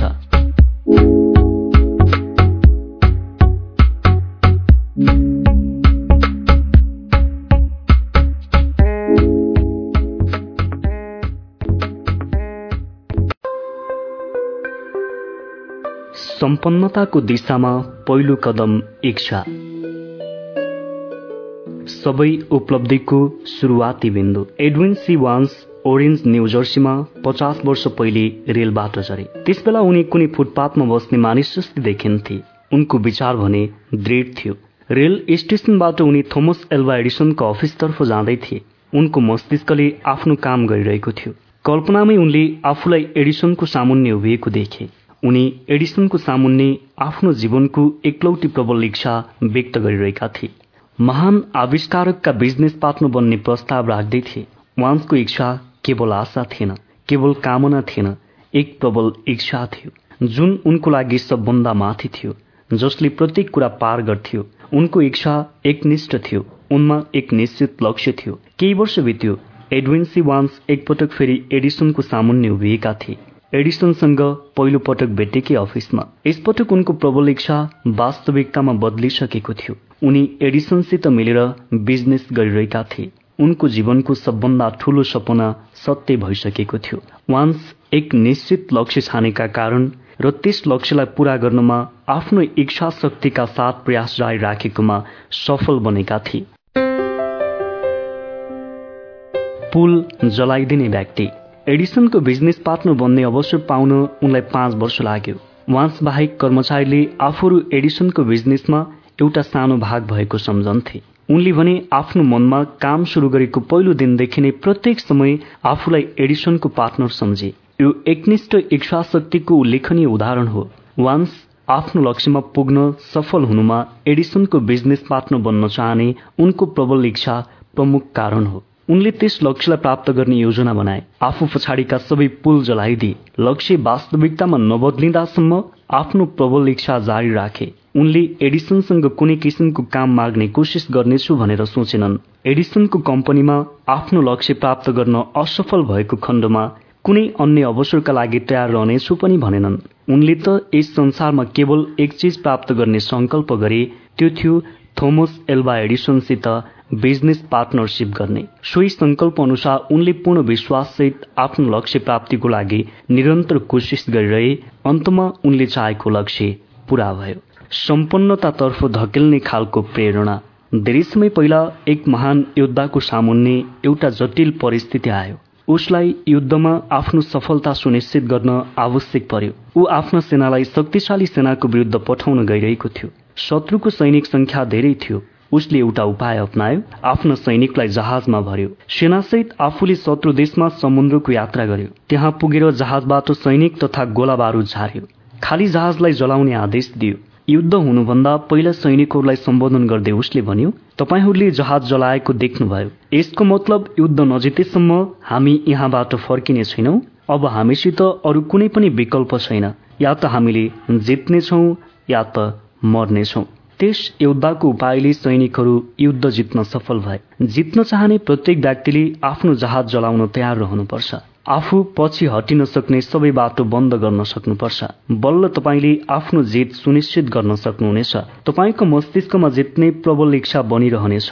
यस्तो इच्छा सफलताको लागि अनिवार्य छ।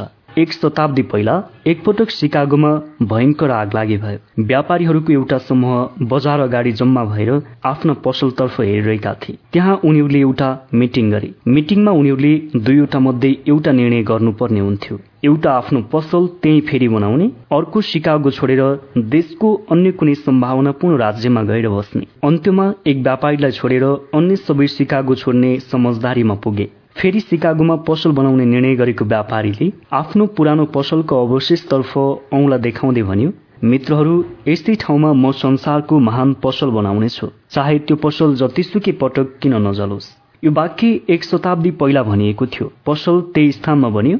आज पनि त्यही उभिएको छ। प्रबल इच्छा शक्तिको यो प्रत्यक्ष प्रमाण हो। मार्शल फिल्डका लागि पनि आफ्ना साथी व्यापारी जस्तै सहर छोडेर जानु सजिलो बाटो थियो। आफूले रोजेको बाटो कठिन थियो।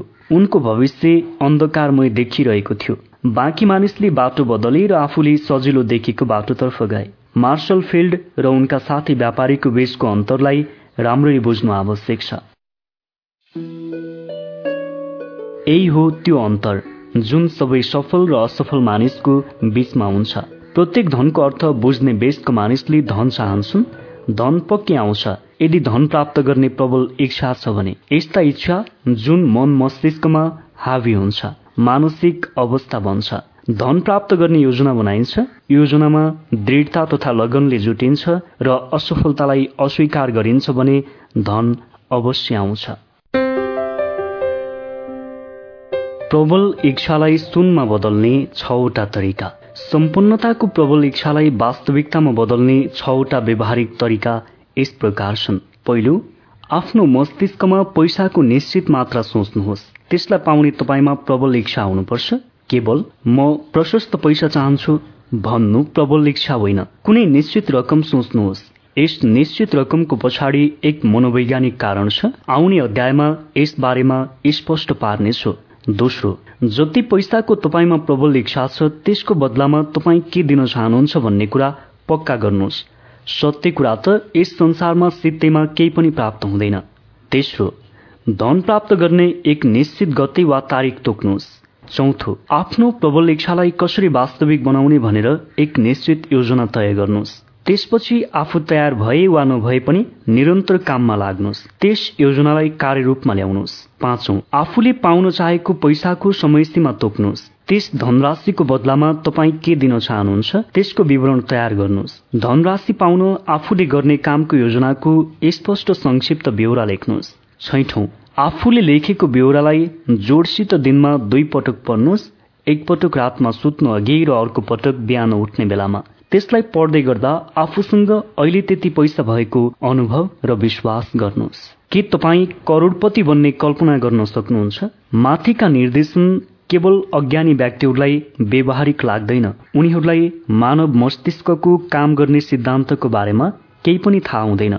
उनीहरूले यो जानकारी एन्ड्रयू कार्नेगीबाट प्राप्त भएको हो भनेर जान्नु आवश्यक छ। कार्नेगीले स्टिल मिलमा साधारण मजदुरको रूपमा आफ्नो काम सुरु गरेका थिए। उनले यसै सिद्धान्तको प्रयोगले दस करोड डलर भन्दा धेरै सम्पत्ति कमाए। तपाईँको लागि अर्को एउटा कुरा जान्नु पनि महत्वपूर्ण छ। थोमस एल्बा एडिसनले माथि सुझाव दिएको छवटा कदमलाई सावधानीपूर्वक विश्लेषण गरेका थिए। त्यसमा आफ्नो सहमतिको मोहर लगाएका थिए। यसमा उनको भनाइ थियो यो सिद्धान्त सम्पत्ति कमाउनको लागि मात्र नभई कुनै पनि लक्ष्य प्राप्त गर्नको लागि अनिवार्य छ। यस सिद्धान्तमा कुनै कठिन मेहनतको आवश्यकता पर्दैन। यसले तपाईँसित कुनै बलिदान माग्दैन। तपाईँ मूर्ख वा अति विश्वासी बन्नुहोस् भन्ने चाहँदैन। यसलाई अनुसरण गर्नको लागि तपाईँ उच्च शिक्षित हुनु पनि जरुरी छैन। यी छ कदमलाई सफलतापूर्वक जीवनमा उतार्नको लागि तपाईँमा पर्याप्त कल्पना शक्ति हुनुपर्ने अनिवार्य छ। अनि तपाईँले धनी बन्नुलाई भाग्य संयोग वा अवसरको विश्वासमा छोड्न सकिँदैन भनेर थाहा पाउनुहुनेछ। धेरै सम्पत्ति आर्जन गर्ने मानिसले सम्पत्ति पाउनुभन्दा पहिला प्रशस्त सपना देखेको छ भनेर प्रत्येक व्यक्तिले बुझ्नु आवश्यक छ। उसले पहिलेदेखि आशा सजाएको छ। प्रबल इच्छा र योजनाको सहारा लिएको छ। तपाईँ अर्को एउटा कुरा पनि जानिराख्नुहोस्। आफूमा धनी बन्ने प्रबल इच्छा नहुन्जेल र त्यसमाथि विश्वास नगरुन्जेल तपाईँसँग प्रशस्त सम्पत्ति हुने छैन। महान सपनाको शक्ति। आजको तेजसँग परिवर्तन भइरहेको संसारमा नयाँ विचार काम गर्ने नयाँ तरिका नयाँ नेता नयाँ आविष्कार शिक्षणको नयाँ तरिका मार्केटिङको नयाँ तरिका नयाँ पुस्तक नयाँ साहित्य टेलिभिजनको नयाँ फिचर्स फिल्मका लागि नयाँ विचार आदिको प्रशस्त माग छ। नयाँ र राम्रो कुराको मागको पछाडि एउटा विशेष गुण हुन्छ। त्यस गुणलाई जित्नु अनिवार्य छ। त्यो गुण हो निश्चित लक्ष्य। प्रबल इच्छाद्वारा तपाईँले आफू के चाहन्छु भनेर जान्नु आवश्यक छ। आफ्नो लक्ष्यसम्म पुग्न आफूले के गर्छु भनेर बुझ्नु आवश्यक छ। धन जम्मा गर्ने प्रबल इच्छासँगै हामीले अर्को कुरा पनि याद राख्नुपर्छ। संसारको सच्चा नेता सधैँ विचारको महान शक्तिलाई सहर फ्याक्ट्री हवाई जहाज वाहन र सुख सुविधामा बदल्ने व्यक्ति रहे। सम्पन्न बन्ने योजना बनाउने समयमा तपाईँ आफूलाई सपना देख्ने व्यक्ति मात्रै नसम्झिनुहोस्। कसैले तपाईँलाई सपना देख्नु मूर्खता हो भन्न सक्छ। तपाईँलाई सम्झाउन चाहने त्यस्ता व्यक्तिको कुरामा नबोल्नुहोस् संसारमा महान सफलता पाउनको लागि तपाईँले अतीतका सफल मानिसको सूत्र अनुसार चल्नु आवश्यक छ। ती सफल मानिसको सपनाले मानव जातिलाई धेरै बहुमूल्य चिज दियो। उनीहरूको त्यो सूत्र हाम्रो देशको धमनीमा रगत जस्तै प्रवाहित भइरहेको छ। अवसरलाई चिन्नुहोस्। आफ्नो प्रतिभालाई विकसित गरी त्यसलाई मार्केटिङ गर्नुहोस्। आफूले गर्न चाहेको काम यदि सही छ र तपाईँ त्यसमा विश्वास गर्नुहुन्छ भने अगाडि बढ्नुहोस्। त्यो काम सुरु गर्नुहोस्। आफ्नो सपनालाई सामुन्य राख्नुहोस्। तपाईँको अस्थायी असफलतामा मानिसले के भन्छ भन्नेतर्फ वास्ता नगर्नुहोस्। सायद मानिसहरूलाई प्रत्येक असफलताभित्र त्यति नै सफलताको बीज दुखेको हुन्छ भनेर थाहा नै हुँदैन। थोमस एडिसनले बिजुलीबाट बल्ने एउटा बल्बको सपना देखेका थिए। उनी आफ्नो सपनालाई भौतिक रूपमा साकार पार्न सफल भए। सफल हुनुभन्दा पहिला उनी धेरै पटक असफल भए। तैपनि उनी आफ्नो सपना साकार नहुने बेलासम्म जुटिरहे। व्यवहारिक मानिसहरू मैदान छोडेर कहिल्यै भाग्दैनन्। राइट दाजुभाइले हावामा उड्ने मेसिनको सपना देखे। उनीहरूको सपना दमदार थियो भनेर आज हामी संसारभरिका मानिसले प्रत्यक्ष प्रमाण देख्न सक्छौ। मार्कुनीले तार बिना हावामा सन्देश पठाउने आफ्नो सपनामा टेक्दै वायुको अपरिचित शक्तिको प्रयोग गरे। संसारका प्रत्येक रेडियो र टेलिभिजन सेटमा हामीलाई उनको सपना व्यर्थ थिएन भन्ने कुराको प्रमाण मिल्छ। तपाईँलाई उनको बारेको जानकारी रोचक लाग्नेछ। मार्कोनीले तार बिना हावामा सन्देश पठाउन सकिने सिद्धान्त आफूले पत्ता लगाएको भनाई सार्वजनिक गरे। उनका साथीहरूले उनको मानसिक अवस्था ठिक नभएको भन्दै उनलाई हिरासतमा लगे। मनोवैज्ञानिक अस्पतालमा उनको चेकअप गरे। आज ती स्वप्नदर्शी ठिकै स्थितिमा छन्। संसार आज प्रचुर अवसरले भरिएको छ। त्यस्तो अवसर अतीतका स्वप्नदर्शीको भाग्यमा थिएन। आफ्नो सपनालाई कसरी उच्च राख्ने बन्ने र गर्ने प्रबल इच्छा सुरुवाती बिन्दु हो। त्यहाँबाट स्वप्नदर्शीले आफ्नो यात्रा सुरु गर्नुपर्ने हुन्छ। महत्वाकांक्षाको अभाव उदासीनता वा आलस्यबाट सपना उत्पन्न हुँदैन। याद राख्नुहोस् सफल भएका मानिसले सफलताको शिखरमा पुग्नुभन्दा पहिला धेरै बाधा भोग्नु परेको थियो। सफल मानिसको जीवनमा टर्निङ पोइन्ट आम रूपमा कुनै संकटको समयमा आउँछ। त्यस बेला उसलाई आफ्नो दोस्रो व्यक्तित्व अदर साइड थाहा हुन्छ। जुन बनैले अङ्ग्रेजी साहित्यको अमर पुस्तक दि पिलग्रेम्स प्रोग्रेस लेख्दा उनलाई उनको धार्मिक विचारको कारण जेलमा कैद गरिएको थियो। ओ हेनरीले आफ्नो मस्तिष्कमा सुतेको प्रतिभालाई जान्दा उनीमाथि दुर्भाग्यको पहाड खस्यो। उनलाई ओहियोमा कैद गरियो। दुर्भाग्यवश उनले आफ्नो दोस्रो व्यक्तित्वबाट परिचित हुन विवश हुनु पर्यो आफ्नो कल्पनाशीलताको प्रयोगद्वारा उनले आफू दुखी अपराधी र असम्मानित व्यक्तिको सट्टा महान लेखक बन्न सक्छु भनेर थाहा पाए। चार्ल्स डिकेन्सले सुरुमा बोतलमा लेबल टाँच्ने काम गर्थे। पहिलो प्रेमको असफलताले उनको आत्मामा गहिरो छाप पर्यो। यसले उनलाई विश्वको महानतम लेखकको श्रेणीमा ल्याएर छोडिदिए। उनले पहिले डेभिङ कपरफिल्ड लेखे पछि अन्य उपन्यास लेखे। उनका लेखनले पाठकको जीवनलाई अझ समृद्ध बनायो। हेलेन केलर जन्मिएको केही समयपछि बैरी लाटी र अन्धी भइन्। आफ्नो महानतम दुर्भाग्यको बावजुद उनी इतिहासको एक महान मानिसको रूपमा परिचित भइन्।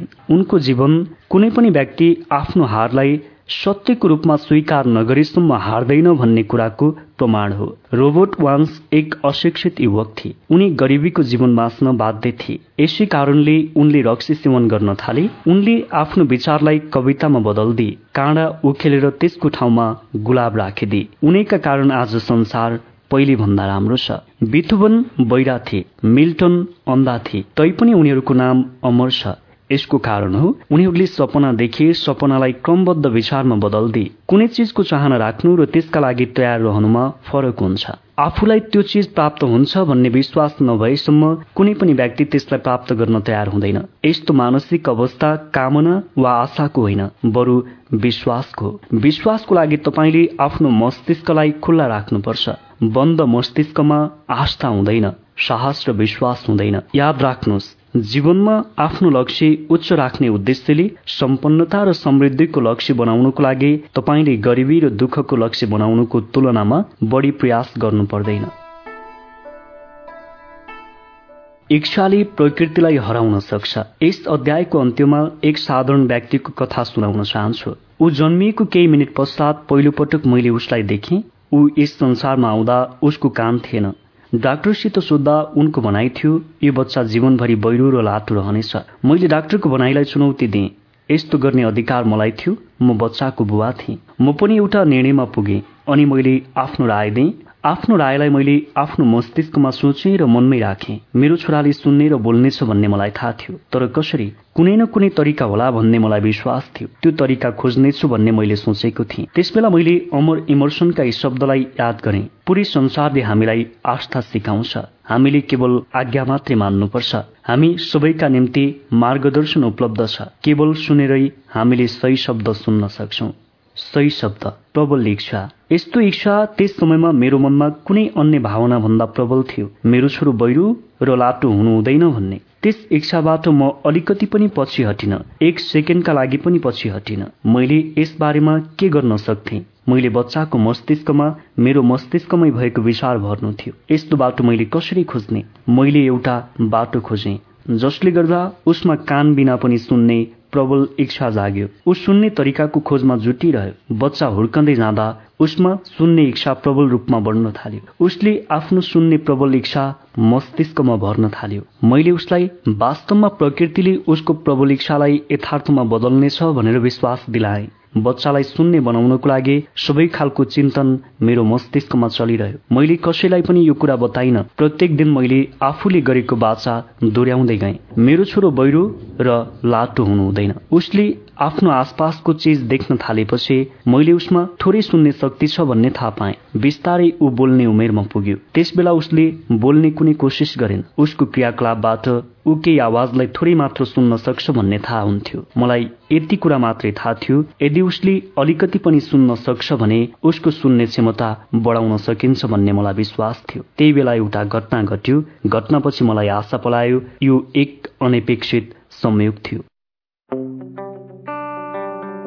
दुर्घटनाले जीवन बदलिदियो। एक दिन मैले एउटा रेकर्ड प्लेयर ल्याएँ। यसको सङ्गीत पहिलो पटक सुन्दा बच्चा खुसीले गदगद भयो। उसले त्यस मेसिनमाथि आफ्नो हैकम जमायो। एकपटक त रेकर्ड प्लेयरको सामुन्ने उभिएर रेकर्डलाई उसले दुई घन्टासम्म सुनिरह्यो। त्यस बेला उसको दाँत त्यस मेसिनको एक किनारामा जकडिएको थियो। उसको त्यस बानीको महत्व मैले केही वर्षसम्म थाहा पाइन। धोनीको बोन कन्डक्सनको सिद्धान्तको बारेमा थाहा भएपछि मैले यस बारेमा बुझेँ। रेकर्ड प्लेयरमाथि उसले आफ्नो हैकम जमाएको केही समय पश्चात मैले थाहा पाएँ। यदि मैले उसको टाउकुको तल हड्डीबाट आफ्नो ओठ लगाएर बोलेको खण्डमा उसले मेरो कुरा स्पष्ट सुन्न सक्छ। यो थाहा भए पश्चात मैले तत्काल उसको मस्तिष्कमा सुन्ने र बोल्ने इच्छालाई भर्न सुरु गरेँ। मैले छिट्टै नै बच्चाहरूलाई बेड टाइम कथामा मजा आउँछ भन्ने थाहा पाएँ। त्यसैले मैले एउटा कथा लेखेँ जसले उसलाई स्वावलम्बन कल्पना शक्ति र सुन्ने तथा सामान्य बन्ने तीव्र इच्छा विकसित गर्ने सन्देश दिन सकोस्। मैले उसलाई एउटै कथामा जोड दिएँ त्यही कथा मैले उसलाई पटक पटक नयाँ र नाटकीय तरिकामा बोल्दै सुनाइरहे। यस कथाद्वारा म उसको मस्तिष्कमा उसको शारीरिक स्थिति दुर्भाग्य होइन बरु उसमा लुकेको बहुमूल्य सौभाग्य हो भन्ने विचारको चिज रोपिदिन चाहन्थे। वास्तवमा दर्शनले मलाई प्रत्येक दुर्भाग्यले आफ्नो साथमा सौभाग्यको बीज लिएर आउँछ भनेर सिकाएको छ। सत्य भनौँ भने त्यस बेला मलाई यो दुर्भाग्य कसरी सौभाग्य बन्न सक्छ भनेर अलिकति पनि अनुभव थिएन।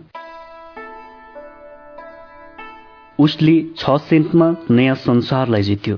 मेरो छोरालाई म प्रति विश्वास छ भनेर मलाई थाहा थियो। यही कारण उसलाई चमत्कारी परिणाम प्राप्त भयो। उसले कुनै प्रश्नै नसोधे मेरो कुरा मान्यो। मैले उसको मस्तिष्कमा ऊ आफ्नो दाई भन्दा बढी लाभप्रद स्थितिमा छ भन्ने विचार बसाइदिए। उसलाई धेरै तरिकाले बढी लाभ मिल्नेछ भनिदिए उदाहरण दिँदै मैले भने स्कुलमा शिक्षकले जब तिम्रो काम देख्दैनन् तिमीप्रति ध्यान दिनेछन्। तिमीसित असाधारण दयालुका साथ पेश हुनेछन्। शिक्षकले मैले भने जस्तै गरे। मैले उसको मस्तिष्कमा ऊ पेपर बेच्न लायक ठूलो मानिस हुनेछ भन्ने विचार पनि बसाइदिए। उसको दाईले पहिलेदेखि पेपर बेच्ने गर्थ्यो। मैले उसँग भने तिमीलाई दाईको तुलनामा धेरै फाइदा हुनेछ। मानिसले तिम्रो सामानलाई धेरै पैसा दिनेछन्। यति समझदार र सोझो बच्चाको कान नभएको थाहा पाउँदा मानिसले ऊप्रति अतिरिक्त सहानुभूति राख्नेछन्। उसको मस्तिष्कमा मैले रोपिदिएको बीजले अब फल दिन थाल्यो। ऊ सात वर्षको हुँदा उसले पहिलो पटक यस कुराको प्रमाण दियो। केही महिनासम्म उसले पत्रिका बेच्ने इच्छा गर्यो। अन्त्यमा ऊ एक कदम अगाडि बढ्यो। एक अपरान्न घरमा ऊ र एकजना नोकर थिए। त्यही मौकामा ऊ भान्साको झालबाट बाहिर निस्क्यो। कुदेर घर बाहिर गयो। जुत्ता बनाउने छिमेकीसँग छ सेन्ट उधारो लियो। त्यस पैसाले पत्रिका किन्यो त्यो पत्रिका बेच्यो फेरि किन्यो र बेच्यो। यस प्रकार उसले साँझसम्म पत्रिका किन्दै र बेच्दै गर्यो यसरी उसले उधारो लिएको रकम चुक्ता गरेर बयालिस सेन्ट नाफा कमायो। राति घर फर्किँदा मैले उसलाई ओछ्यानमा देखेँ।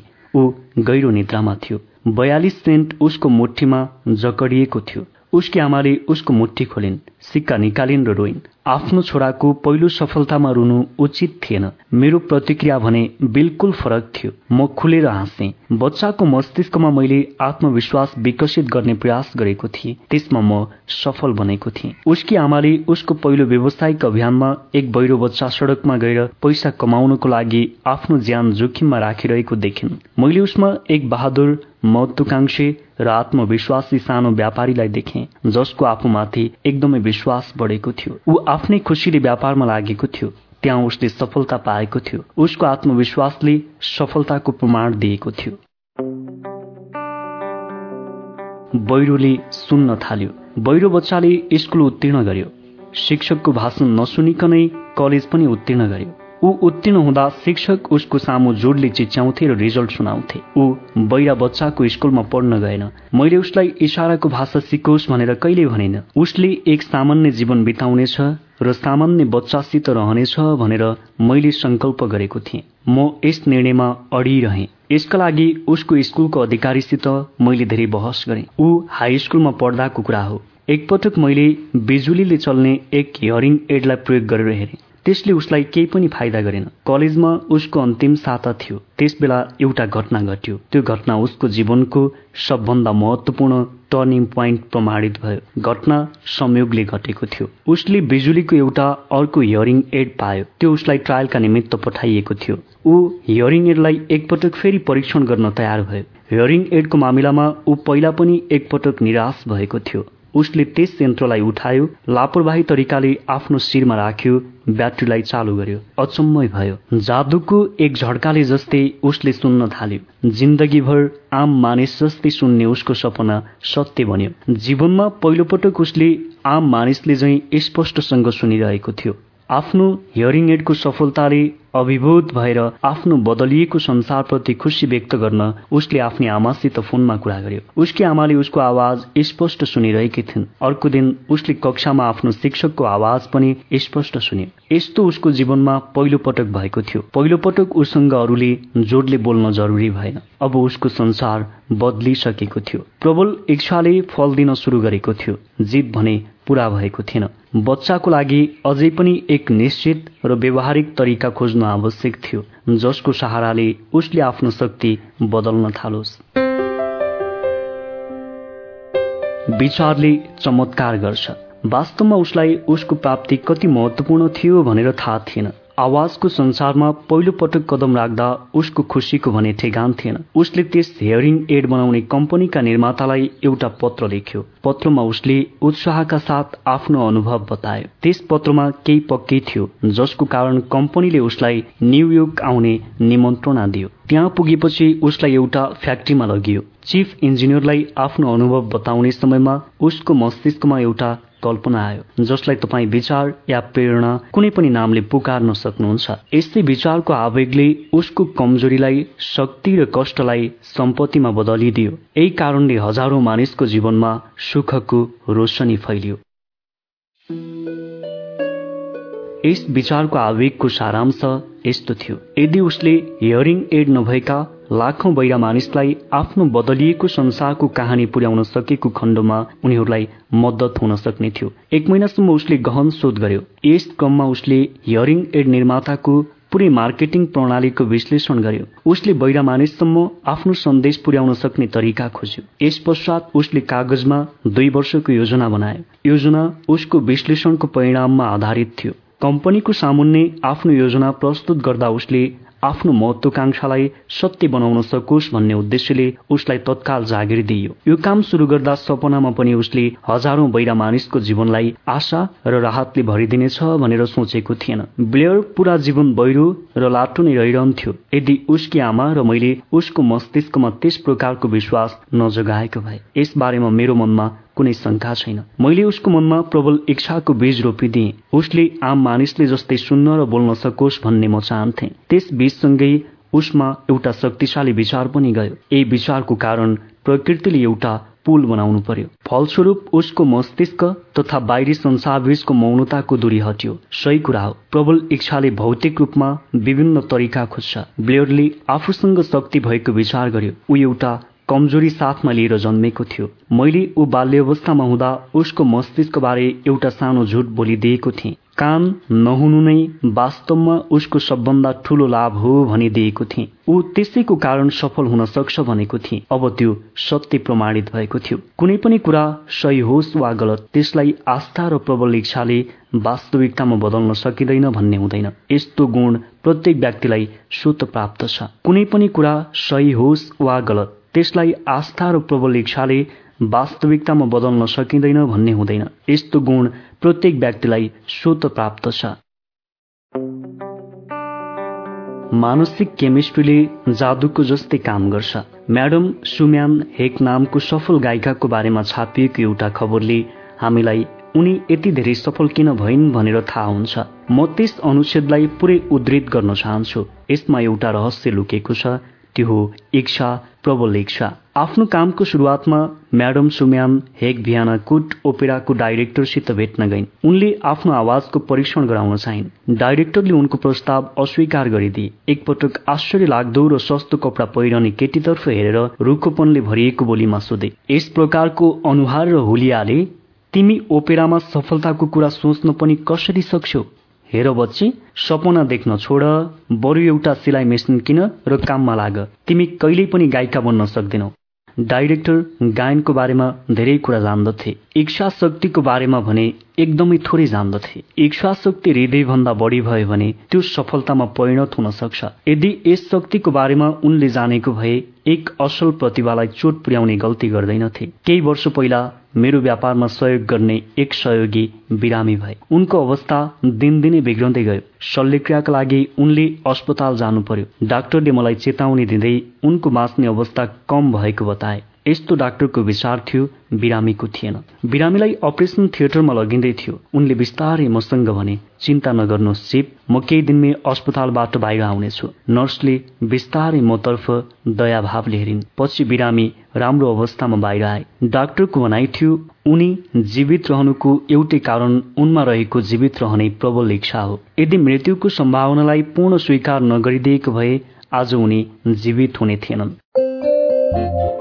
म आस्थासँगै इच्छाको प्रबल शक्तिमा विश्वास गर्छु। यो शक्तिले मानिसलाई गरिबीको बीचबाट सत्ता र सम्पत्तिको चुचुरोसम्म उठाउन सक्छ भनेर मैले देखेको छु। यही शक्तिको कारण सय करोड पटक असफल भएको मानिस पनि आखिरमा सफल भएरै छोड्छ। यही शक्तिको कारण मेरो छोराले आज सामान्य सुखद र सफल जिन्दगी बाँचिरहेको छ। जबकि प्रकृतिले उसलाई यस संसारमा कान रहित पठाएकी थिइन्।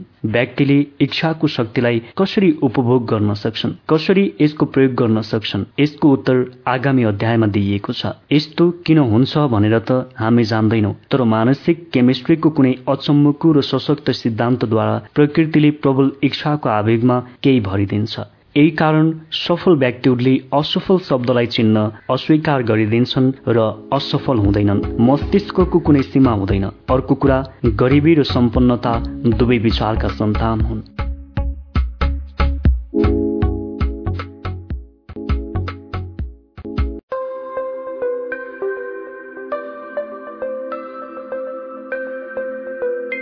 सम्पन्नताको दिशामा दोस्रो कदम आस्था। इच्छा प्राप्त गर्ने तरिका। आस्था मस्तिष्कको प्रमुख तत्व हो। आस्थालाई विचारसित मिलाइदा अवचेतन मस्तिष्कले तत्काल यसको कम्पनलाई महसुस गर्छ। यसलाई यसको आध्यात्मिक समतुल्य स्पिरिचुअल इक्भ्यालेन्टमा बदल्छ।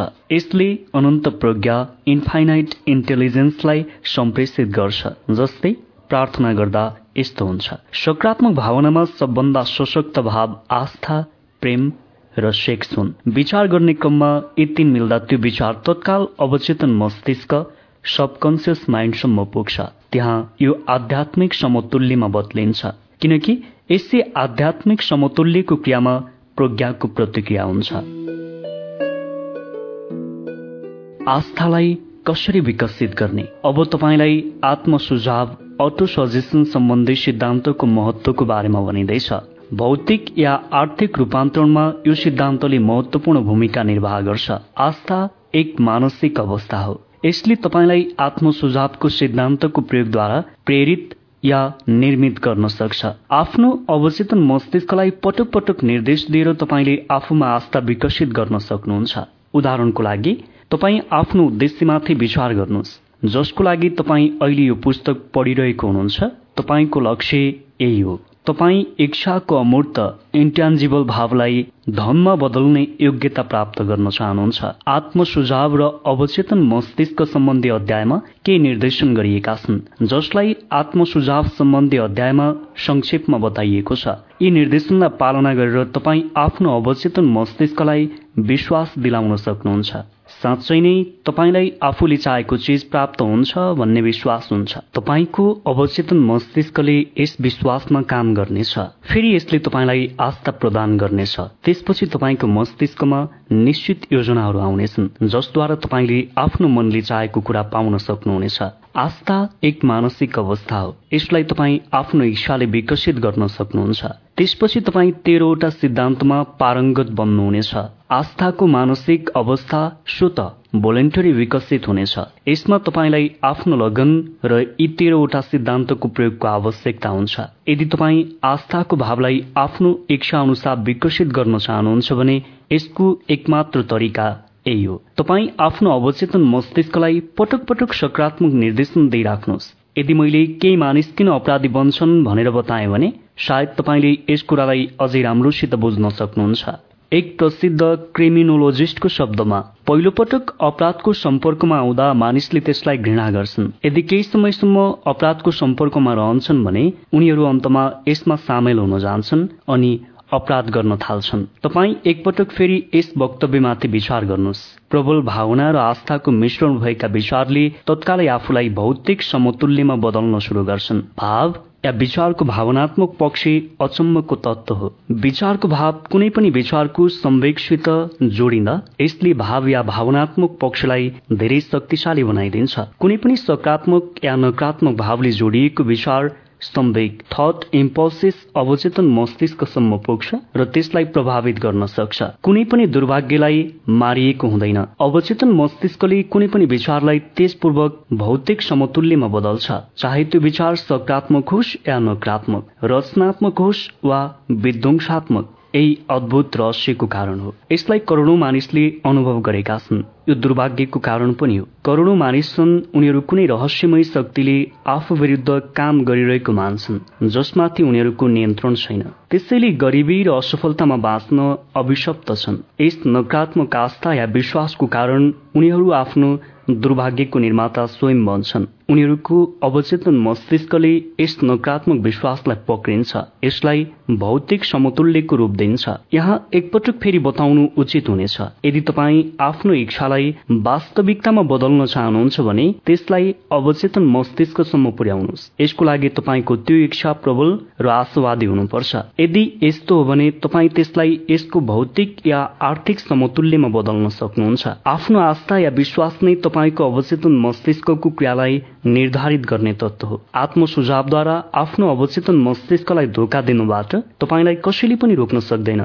जसरी मैले आफ्नो छोराको अवचेतन मस्तिष्कलाई धोका दिएको थिएँ यस धोकालाई धेरै यथार्थवादी बनाउनुको लागि फरक खालको व्यवहार गर्नुहोस्। मानौ तपाईँसित आफूले पाउने इच्छा गरिरहेको भौतिक वस्तु पहिलेदेखि नै उपस्थित थियो। यस्तो भाव तपाईँमा आफ्नो अवचेतन मस्तिष्कलाई आदेश दिने बेलामा हुनुपर्छ। अवचेतन मस्तिष्कमा विश्वास र आस्थाको स्थितिमा दिएको कुनै पनि आदेश वास्तविकतामा बदलिन सक्छ। त्यसको बारेमा तपाईँलाई विश्वास भने हुनुपर्छ। यस अवस्थामा सबभन्दा सिधा र व्यवहारिक तरिकाले यसलाई यसको भौतिक समतुल्यमा बदल्न सकिन्छ। तपाईँलाई भनिसकिएको छ पहिला तपाईँ सुरुवाती बिन्दुसम्म पुग्नुहोस्। त्यहाँ तपाईँले प्रयोग र अभ्यास गर्न सक्नुहोस्। आफ्नो अवचेतन मस्तिष्कलाई दिने कुनै पनि आदेशलाई तपाईँको आस्थाले बराबर गर्ने योग्यता प्राप्त गर्न सकोस्। पूर्णता अभ्यासबाटै मिल्छ केवल निर्देशनलाई पढेर पूर्णता आउन सक्दैन।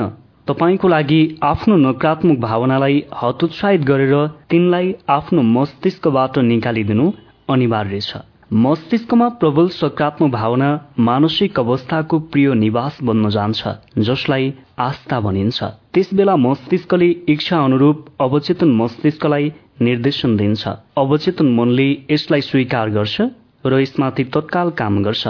आस्था एक मानसिक अवस्था हो। यसलाई आत्म सुझावद्वारा विकसित पनि गर्न सकिन्छ। संघर्षरत मानवलाई धर्मावलम्बीहरूले यस वा त्यस धार्मिक सिद्धान्तमा आस्था राख्नुपर्छ भनेर सन्देश दिइरहेका छन्। यस्तो युगौंदेखि चल्दै आइरहेको छ तैपनि उनीहरू आस्था कसरी उत्पन्न गर्ने भनेर बताउनु भने असफल छन्। उनीहरूले आस्था एक मानसिक अवस्था हो भनेर बताएनन्। यसलाई आत्म सुझावद्वारा विकसित गर्न सकिन्छ भनेर सिकाएनन्। एक आम मानिसले बुझ्ने भाषामा हामीले सिद्धान्त बताउनुपर्छ जसद्वारा आस्थाको अस्तित्व नभएको ठाउँमा यसको विकास गर्न सकियोस्। आस्था नै त्यो अमृत हो जसले विचारको आवेगलाई जीवन शक्ति र क्रियाशीलता प्रदान गर्छ।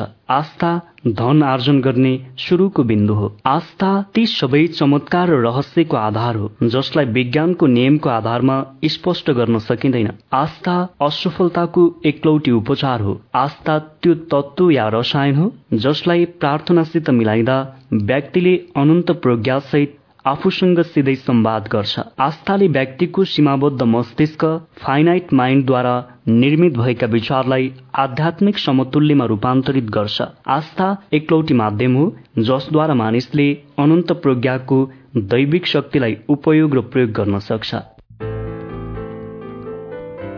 आत्म सुझावको जादु। आस्थाको लागि सजिलैसित प्रमाण दिन सकिन्छ।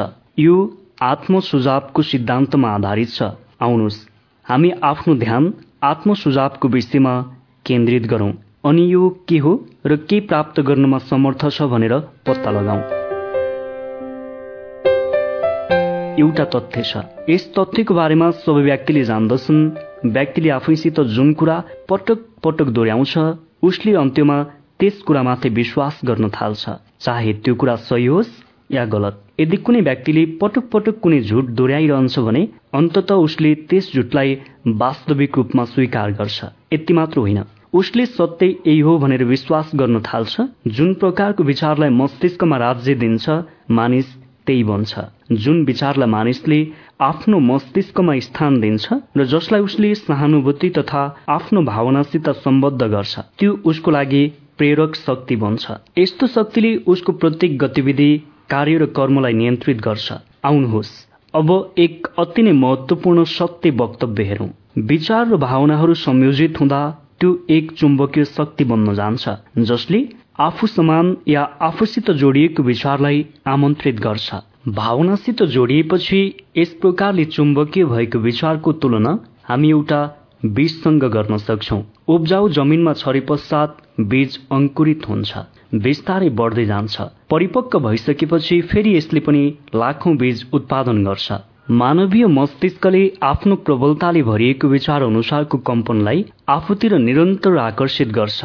व्यक्तिको मस्तिष्कमा प्रबलताले भरिएको कुनै विचार योजना वा लक्ष्यले आफ्नो आफन्तलाई आमन्त्रित गर्छ आफूतिर आकर्षित गर्छ। आफन्तसित जोडिए पश्चात आफू शक्तिशाली बन्छ। व्यक्तिको मस्तिष्कमा बसिरहँदासम्म त्यस व्यक्तिको प्रबल मालिक बन्छ अब एकपटक सुरुवातको बिन्दुमा जाउँ। कसरी कुनै विचार योजना वा लक्ष्यको मूल बीज मस्तिष्कमा छर्न सकिन्छ भनेर जानौ जान्न सजिलो छ। कुनै पनि विचार योजना वा लक्ष्यलाई पटक पटक दोहोऱ्याउनाले यसलाई मस्तिष्कमा राख्न सकिन्छ। तपाईँ आफ्नो प्रमुख लक्ष्यलाई लेख्नुहोस्। त्यसलाई याद गर्नुहोस्। जोडसित प्रत्येक दिन पढ्नुहोस्। त्यसको ध्वनिको कम्पन तपाईँको अवचेतन मस्तिष्कसम्म नपुगेसम्म पढिरहनुहोस्। दुर्भाग्यशाली वातावरणको प्रभावलाई हटाउने संकल्प गर्नुहोस्। आफ्नो जीवनलाई सही बाटोमा लिएर आउनुहोस्। आफ्नो मानसिक पुँजी र दायित्व एसेट्स र लाइबिलिटीको हिसाब लगाउनुहोस्। तपाईँले सिद्धान्तको मद्दतले त्यो कमी या अडचनलाई भगाउन सकेको पाउनुहुनेछ। आफ्नो सङ्कोचलाई साहसमा बदल्न सक्नुहुनेछ। यस सिद्धान्तको प्रयोग तपाईँले केही लेख्नुहोस् याद गर्नुहोस्। अनि यो तपाईँको अवचेतन मस्तिष्कको सक्रिय उपकरणको भाग नबनेसम्म पटक पटक दोहोऱ्याउनुहोस्। आत्मविश्वासको सूत्र। पहिलो मसित जीवनको निश्चित लक्ष्य प्राप्त गर्ने योग्यता छ। यो कुरा मलाई थाहा छ।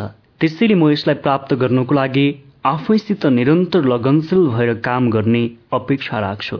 म यसै प्रकारले काम गर्ने संकल्प गर्छु। दोस्रो लेख्नुहोस्।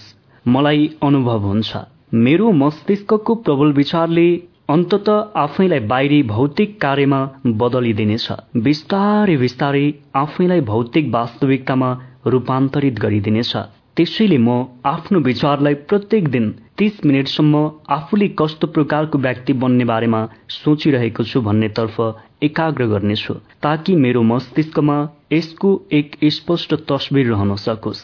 तेस्रो आत्म सुझावको सिद्धान्तको प्रयोगद्वारा मैले जुनसुकै इच्छालाई आफ्नो मस्तिष्कमा निरन्तर बनाएर राख्नेछु। त्यो अन्तत कुनै व्यवहारिक तरिकाद्वारा आफै भौतिक समतुल्यमा बदलिनेछ। मैले लक्ष्य बनाएको त्यो वस्तु मलाई प्राप्त हुनेछ। यो कुरा म जान्दछु। त्यसैले मैले प्रत्येक दिन दस मिनट आफ्नो आत्मविश्वास विकास गर्ने काममा खर्च गर्नेछु। चौथो मैले स्पष्टसँग जीवनमा आफ्नो प्रमुख निश्चित लक्ष्यको वर्णन लेखेको छु। ममा त्यसलाई प्राप्त गर्ने आत्मविश्वास नभएसम्म मैले त्यसको लागि कोसिस गर्न पनि छोड्ने छैन। पाँचौं लेख्नुहोस्। मलाई पूर्ण रूपले सत्य र न्यायमा आधारित नभएसम्म कुनै पनि सम्पत्ति वा पद लामो समयसम्म राखिराख्न सकिँदैन भन्ने अनुभव हुन्छ। त्यसकारण म यसबाट प्रभावित सबै मानिसलाई फाइदा नगरेसम्म कुनै पनि गतिविधिमा संलग्न हुँदैन। आफूले प्रयोग गर्न चाहने शक्तिलाई आफ्नो तर्फबाट आकर्षित गरेर मैले सफलता पाउनेछु। मैले दोस्रो व्यक्तिको सहयोगद्वारा सफलता पाउन सक्छु। मैले सारा मानवताप्रति प्रेम विकास गर्नेछु। घृणा ईर्षा स्वार्थ र द्वेष देख्ने बानीलाई आफ्नो मस्तिष्कबाट भगाउनेछु। अरूप्रति नकारात्मक दृष्टि राख्नाले मलाई कहिले सफलता प्राप्त हुन सक्दैन भन्ने थाहा छ। म उनीहरू र स्वयंमाथि विश्वास राख्छु। मैले माथि सूत्रमा विश्वासपूर्वक आफ्नो हस्ताक्षर गर्नेछु याद गर्नेछु प्रत्येक दिन जोडले दोहोऱ्याउनेछु। यसो गर्नाले मलाई एक स्वावलम्बी र सफल व्यक्ति बन्नको लागि सहयोग मिल्नेछ। यस सूत्रको पछाडि एउटा प्राकृतिक नियम छ। यस नियमलाई तपाईँ कुन नामले पुकार्नुहुन्छ भन्ने कुरा महत्वपूर्ण छैन। महत्वपूर्ण कुरा त यसले मानव जातिको सफलताको लागि काम गर्छ। मात्रै यसको रचनात्मक प्रयोग गर्नु जरुरी छ। अर्कोतर्फ यदि यसको विद्वांसात्मक प्रयोग गरेको खण्डमा यसले त्यति नै तत्परताले नष्ट पनि गर्न सक्छ।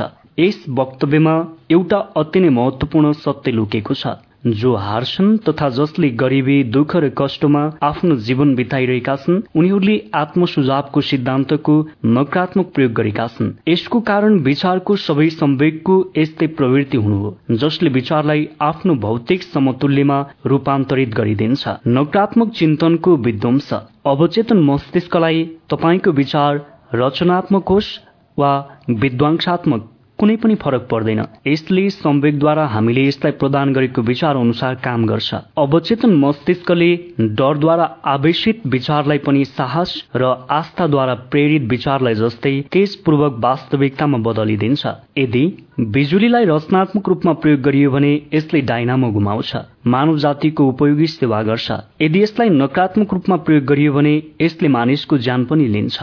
यस्तै गरी आत्मसुझावको नियमले तपाईँलाई सुख शान्ति र समृद्धि दिन सक्छ वा यसले तपाईँलाई दुःख असफलता र मृत्युको खाडलमा फ्याँक्न पनि सक्छ। यो कुरा तपाईँ यसलाई कति हदसम्म लागू गर्न सक्नुहुन्छ भन्ने कुरामा निर्भर गर्छ। यदि तपाईँ आफ्नो मस्तिष्कमा डर शङ्का र अविश्वास भर्नुहुन्छ।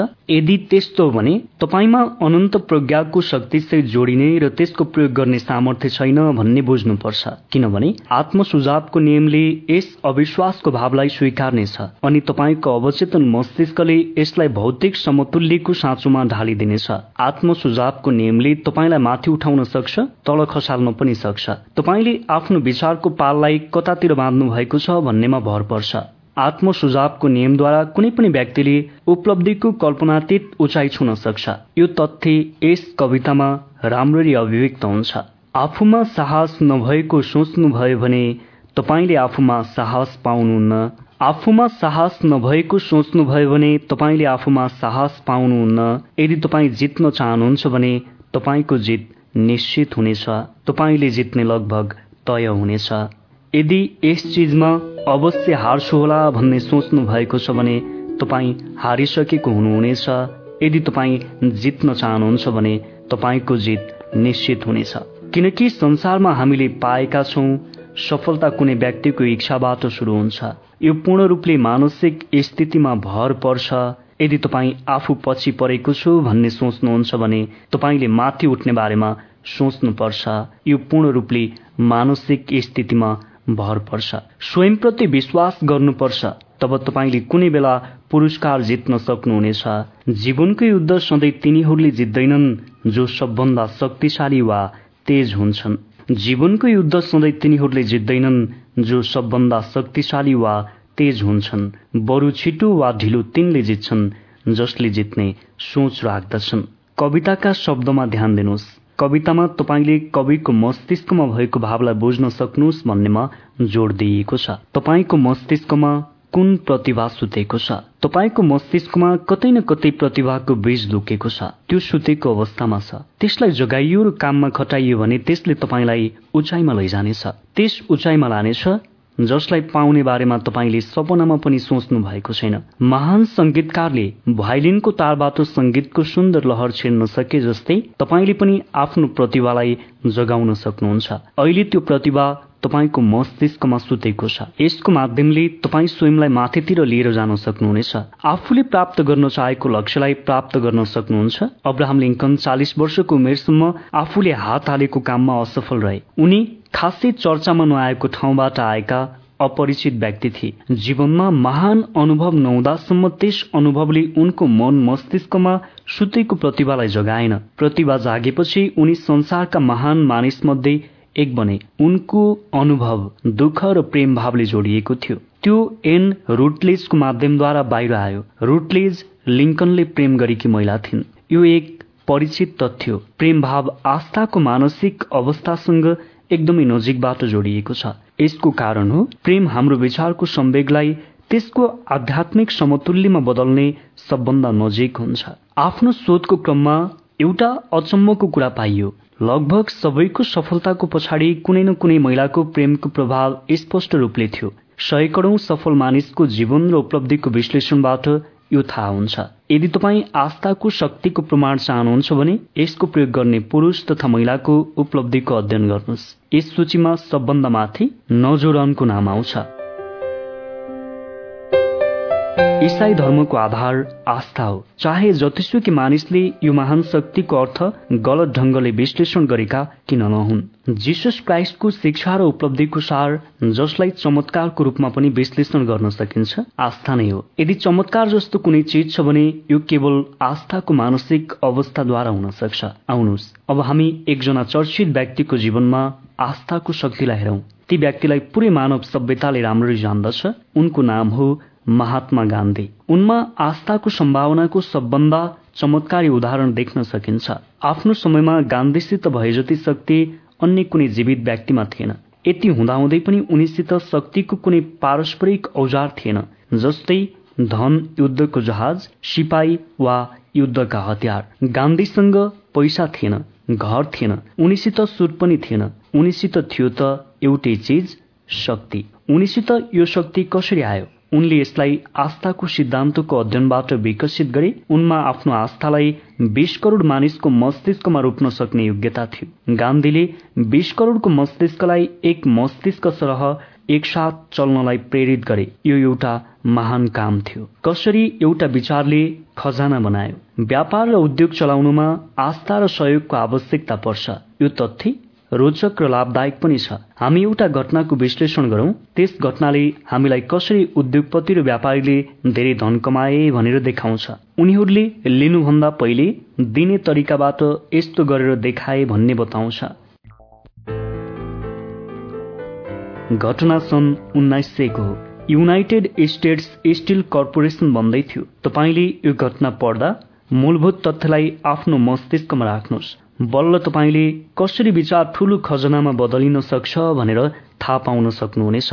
युनाइटेड स्टेट्स स्टिल कर्पोरेसनको निर्माणको यो घटनाले तपाईँलाई धेरै कुरा सिकाउँछ।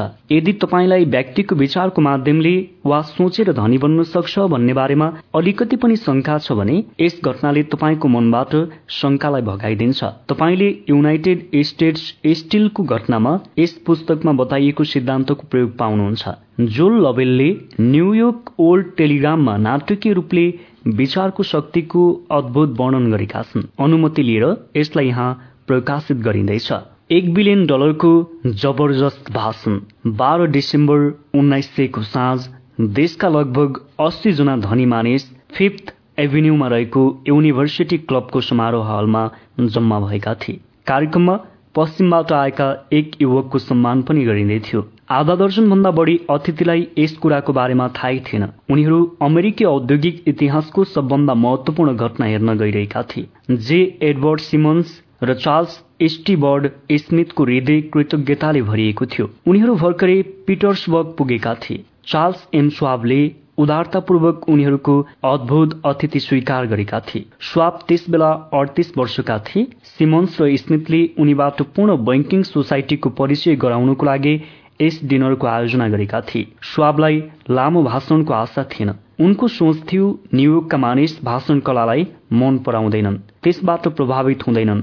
यदि उनी स्टिल म्याम ह्यारी म्याम र वाल्टर विड जस्ता श्रोतालाई बोर गर्न चाहँदैनन् भने आफ्नो भाषण पन्ध्र या बीस मिनटमा सीमित राख्दा राम्रो हुन्छ। कार्यक्रममा जोन पियर पोन्ट मार्गन आफ्नो उच्च पदको कारण स्वापको दाहिने हात थिए। उनी पनि यस समारोहमा उपस्थित भएका थिए। उनी त्यहाँ केही समय मात्र बसे। कार्यक्रममा प्रेस र जनताको उपस्थिति महत्वहीन थियो। कतिसम्म भने अघिल्लो दिन यस समारोहको उल्लेख कुनै पनि पत्रिकामा छापिएन। अतिथिहरूको डिनर कार्यक्रम सकियो। यस बीचमा धेरै कम चर्चा भयो। जति भयो त्यो पनि तनावको वातावरणमा। यस बेलासम्म धेरै कम ब्याङ्कर र ब्रोकरले स्वापसित भेट गरेका थिए। उनलाई कुनै पनि अतिथिले राम्ररी चिन्दैनथे तर स्वापको भाषण सकिएपछि साँझ समाप्त हुनु पूर्व सबै अतिथिको अवस्था बदलियो। फलस्वरूप बिलियन डलरको युनाइटेड स्टेट्स कर्पोरेसनको बीज रोपियो। इतिहासको दृष्टिकोणले दुर्भाग्य नै भन्नुपर्छ त्यस डिनरमा चार्ज स्वाबले दिएको भाषण कुनै रेकर्ड छैन। सायद उनले एक घरेलु भाषण दिए होलान् जसमा व्याकरणको केही गल्ती भयो होला। स्वाब भाषाको शुद्धतामा बढी ध्यान दिँदैनथे सायद त्यस भाषामा सुक्ति र चुड्किला पनि मिसिएको थियो होला। यसबाहेक उनमा एक प्रबल शक्ति अवश्य थियो जसमा ती पाँच बिलियन डलर लगभग सम्पत्ति भएको श्रोतामा अविस्मरणीय प्रभाव पार्यो। स्वाबले नब्बे मिनटको भाषण दिएका थिए। भाषण समाप्त हुँदा श्रोताहरू मन्त्रमुग्ध थिए। मार्गनले स्वाबलाई झ्यालको छेउमा छुट्टी लगे। त्यहाँ एक घण्टासम्म चर्चा गरे। स्वाबको व्यक्तित्वको जादुले पुरै शक्तिका साथ काम गरिरहेको थियो। यसभन्दा महत्वपूर्ण त उनको भाषण पूर्ण र स्पष्ट थियो। उनले स्टिलको विस्तारको लागि आफ्नो भनाई प्रस्तुत गरेका थिए। मानिसहरूले उच्च पदमा रहेका मार्गनलाई उनले स्टिलको लागि पनि ट्रस्ट बनाउन् भनेर मनाउने कोसिस गरिरहेका थिए। जसरी बिस्कुट रबर विस्की तेल वा चुइङ्गमका लागि उनका ट्रस्ट बनेका थिए। जोन डब्ल्यू र गेट्स ग्याम्लरले पनि यसको प्रस्ताव राखेका थिए। मार्गनलाई उनीहरूको प्रस्तावमा विश्वास थिएन। बिल र जिम्मोर सिकागोमा स्टकमा लागेका मानिस थिए। उनीहरूले एउटा ट्रस्ट र क्रेकर कर्पोरेसन बनाइसकेका थिए। उनीहरूले पनि मार्गनलाई यस्तै प्रस्ताव राखेका थिए। यसमा उनीहरू असफल भए। अल्बर्ट एजग्यारी नामक वकिल पनि यही चाहन्थे उनको कुराको पनि त्यति प्रभाव पर्न सकेन। केवल स्वापको वाक पटुताले नै जेपी मार्गनलाई उचाइसम्म लैजान सक्यो। स्वापबाट उनले यस साहसिक आर्थिक कामको जबरजस्त परिणाम निक्लनेछ भन्ने थाहा पाए। साँच्चै भन्ने हो भने सजिलैसित पैसा कमाउने मानिसको दृष्टिमा यस्तो विचार एक पागलपनले भरिएको थियो। ट्रस्ट अवधारणा एक पिँढी पहिले शुरू भएको थियो। यसले स्टिल जगतमा हजारौं साना र केही धराशायी भइसकेका कर्पोरेसनमा लगानी गरेर प्रयोग गरिसकेको थियो। यस्तो खालको व्यापार पाइरेट जोन डब्ल्यू गेट्सद्वारा खोजिएको तरिकाबाट सम्भव भएको थियो। सानो कम्पनीको श्रृङ्खलालाई गेट्सले पहिले नै अमेरिकन स्टिल र मार्गनसित मिलेर फेडरल स्टिल कम्पनी बनाएका थिए। यदि यिनको तुलना एन्ड्रयू कार्नेगीको विशाल काय ट्रस्टसित गर्यौं जसको त्रिपन्न जना मालिक र सञ्चालक थिए भने अन्य ट्रस्टका सारा कम्पनी र कर्पोरेसन साना थिए। उनीहरू सबै मिलेर पनि कार्नेगीको साम्राज्यमा पुग्न सक्दैनथे। मार्गन यो कुरा जान्दथे। कार्नेगी पनि जान्दथे। मार्गनको एस्किबो क्यासलको शानदार उचाइलाई कार्नेगीले पहिले त रोचकतापूर्वक हेरे पछि चिडिए। मार्गनको सानो कम्पनी उनको व्यापारमा प्रवेश गरिएको देखेर उनी चिडिएका थिए। यो प्रयास अधिक साहसिक देखेर कार्नेगी क्रोधित बने। उनले प्रतिशोध लिन शुरू गरे आफ्नो प्रतियोगिताका प्रत्येक मिलको नक्कल गर्ने निर्णय गरे अहिलेसम्म उनले वायर पाइप होप एसिड कुनैमा पनि रुचि देखाएका थिएनन्। यसको सट्टा उनी यस प्रकारको कम्पनीलाई स्टिल बेच्नमै सन्तुष्ट थिए। उनी ती कम्पनीलाई आफ्नो इच्छा अनुसारको आकारमा ढाल्न दिन्थे। अब आफ्नो प्रमुख तथा योग्य लेफ्टिनेन्ट स्वापको सहयोगले उनी आफ्नो शत्रुलाई बर्बाद गर्ने लक्ष्य बनाइरहेका थिए। चार्ल्स एम स्वापको भाषणले मार्गनको समस्याको जवाब प्राप्त भयो। कार्नेगी बिना बनाएको कुनै पनि ट्रस्ट जोसित सबभन्दा ठूलो स्टिल कम्पनी थियो वास्तवमा ट्रस्ट भन्न सकिँदैन। बाह्र डिसेम्बर उन्नाइस सयको साँझ स्वापको भाषणमा विशालकाय कार्नेगी साम्राज्यलाई मार्गनको टेन्टमा ल्याउन सकिने कुराको कुनै दावी वा संकल्प गरिएको थिएन। त्यस दिन स्वाबले स्टिलको भविष्यको बारेमा चर्चा गरे। यस्तो एउटा सिस्टम बनाउनमा जोड़ दिए जसमा सक्षमता होस् विशेषता होस् वस्तुमा प्रयासको एकाग्र होस्। ओभरहेड र प्रशासनिक मन्दीमा बचत होस्। विदेशी बजारमा सफल प्रवेश होस्। यति मात्र होइन उनले उपस्थित मानिसलाई उनीहरूले पाइरेसीमा गल्ती गरेका छन् भनेर बताए। उनले आफ्नो व्यापारको वर्तमान लक्ष्य व्यापारमा एकाधिकार बनाउनु मूल्य बढाउनु र यस पूरा प्रक्रियामा स्वयंलाई ठूलो लाभांश दिनुभएको तर्फ पनि संकेत गरे। स्वाबले रोचक तरिकाले उनीहरूको सिस्टमको आलोचना गरे। उनले आफ्ना श्रोतालाई यस प्रकारको नीतिमा दूरदर्शिता भएको बताए। यसले बजारलाई संकुचित गरिरहेको दावी गरे। उनले भने स्टिलको मूल्य कम गर्नाले बजारको विस्तार हुनेछ। स्टिलको अधिक उपयोग खोज गरिनेछ। विश्व व्यापारको एक ठूलो भाग उनीहरूको झोलामा आउनेछ।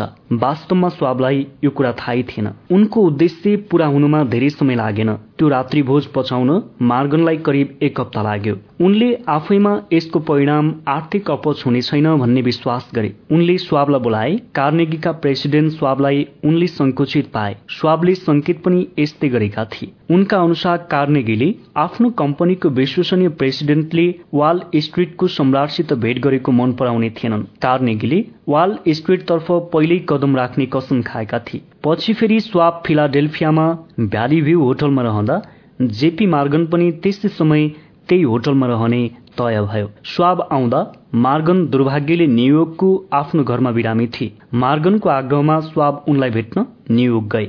मार्गनको लाइब्रेरीमा ती दुईको भेट भयो। केही आर्थिक इतिहासकारको विश्वास अनुसार यस नाटकको शुरूदेखि अन्त्यसम्म मञ्चका निर्देशक एन्ड्रयू कार्नेगी थिए। स्वाबको डिनरदेखि उनको प्रसिद्ध भाषण तथा स्वाब र मार्गनको भेटघाटसम्मको सबै घटना चतुर कार्नेगीको मस्तिष्कको उपज थियो। सत्य भने यसभन्दा ठिक विपरीत थियो। यस सम्झौताको अन्तिम रूप दिनको लागि बोलाइँदा स्वाब लिटल बोस एन्ड्रयू कार्नेगीले यसलाई मान्नेछन् या छैनन् भनेर जान्दथे। उनले बेच्ने प्रस्तावको बारेमा सोच्ने छन् या छैनन् भनेर जान्दथे। खास गरी ती मानिस जोसित उनी नराम्रोसँग चिडिन्थे मान्नेछन् या छैनन् भनेर पनि जान्दथे। स्वाबले त्यस भेटमा आफ्नै लेखाइमा कपर प्लेटको आँकडाको छवटा सिट लगेर गए जसमा यस नयाँ ट्रस्टका प्रत्येक स्टिल कम्पनीको आर्थिक मूल्य र त्यसको सम्भावित आर्थिक क्षमता के थियो भन्ने बारेमा लेखिएको थियो। चारजना मानिस त्यस आँकडालाई विश्लेषण गर्दै पुरै रात बसिरहे। तीमध्ये सबभन्दा प्रमुख व्यक्ति मार्गन थिए। उनलाई धनको दैवी अधिकारमा दृढ विश्वास थियो।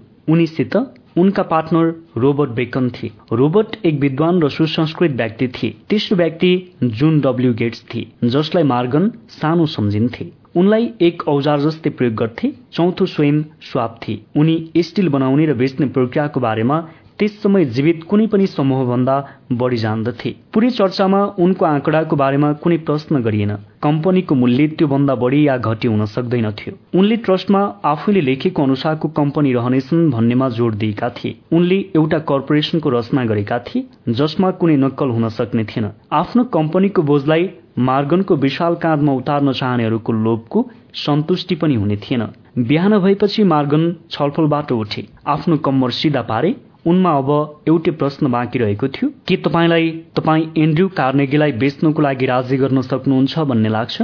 उनले स्वाबसँग सोधे। स्वाबले उत्तर दिए म कोसिस गर्नेछु। यदि तपाईँ उनलाई बेच्नको लागि राजी गर्नुहुन्छ भने मैले खरिद गर्नेछु। मार्गनले जवाब दिए। यहाँसम्म सबै कुरा ठिक थियो तर के कार्नेगीले बेच्लान्?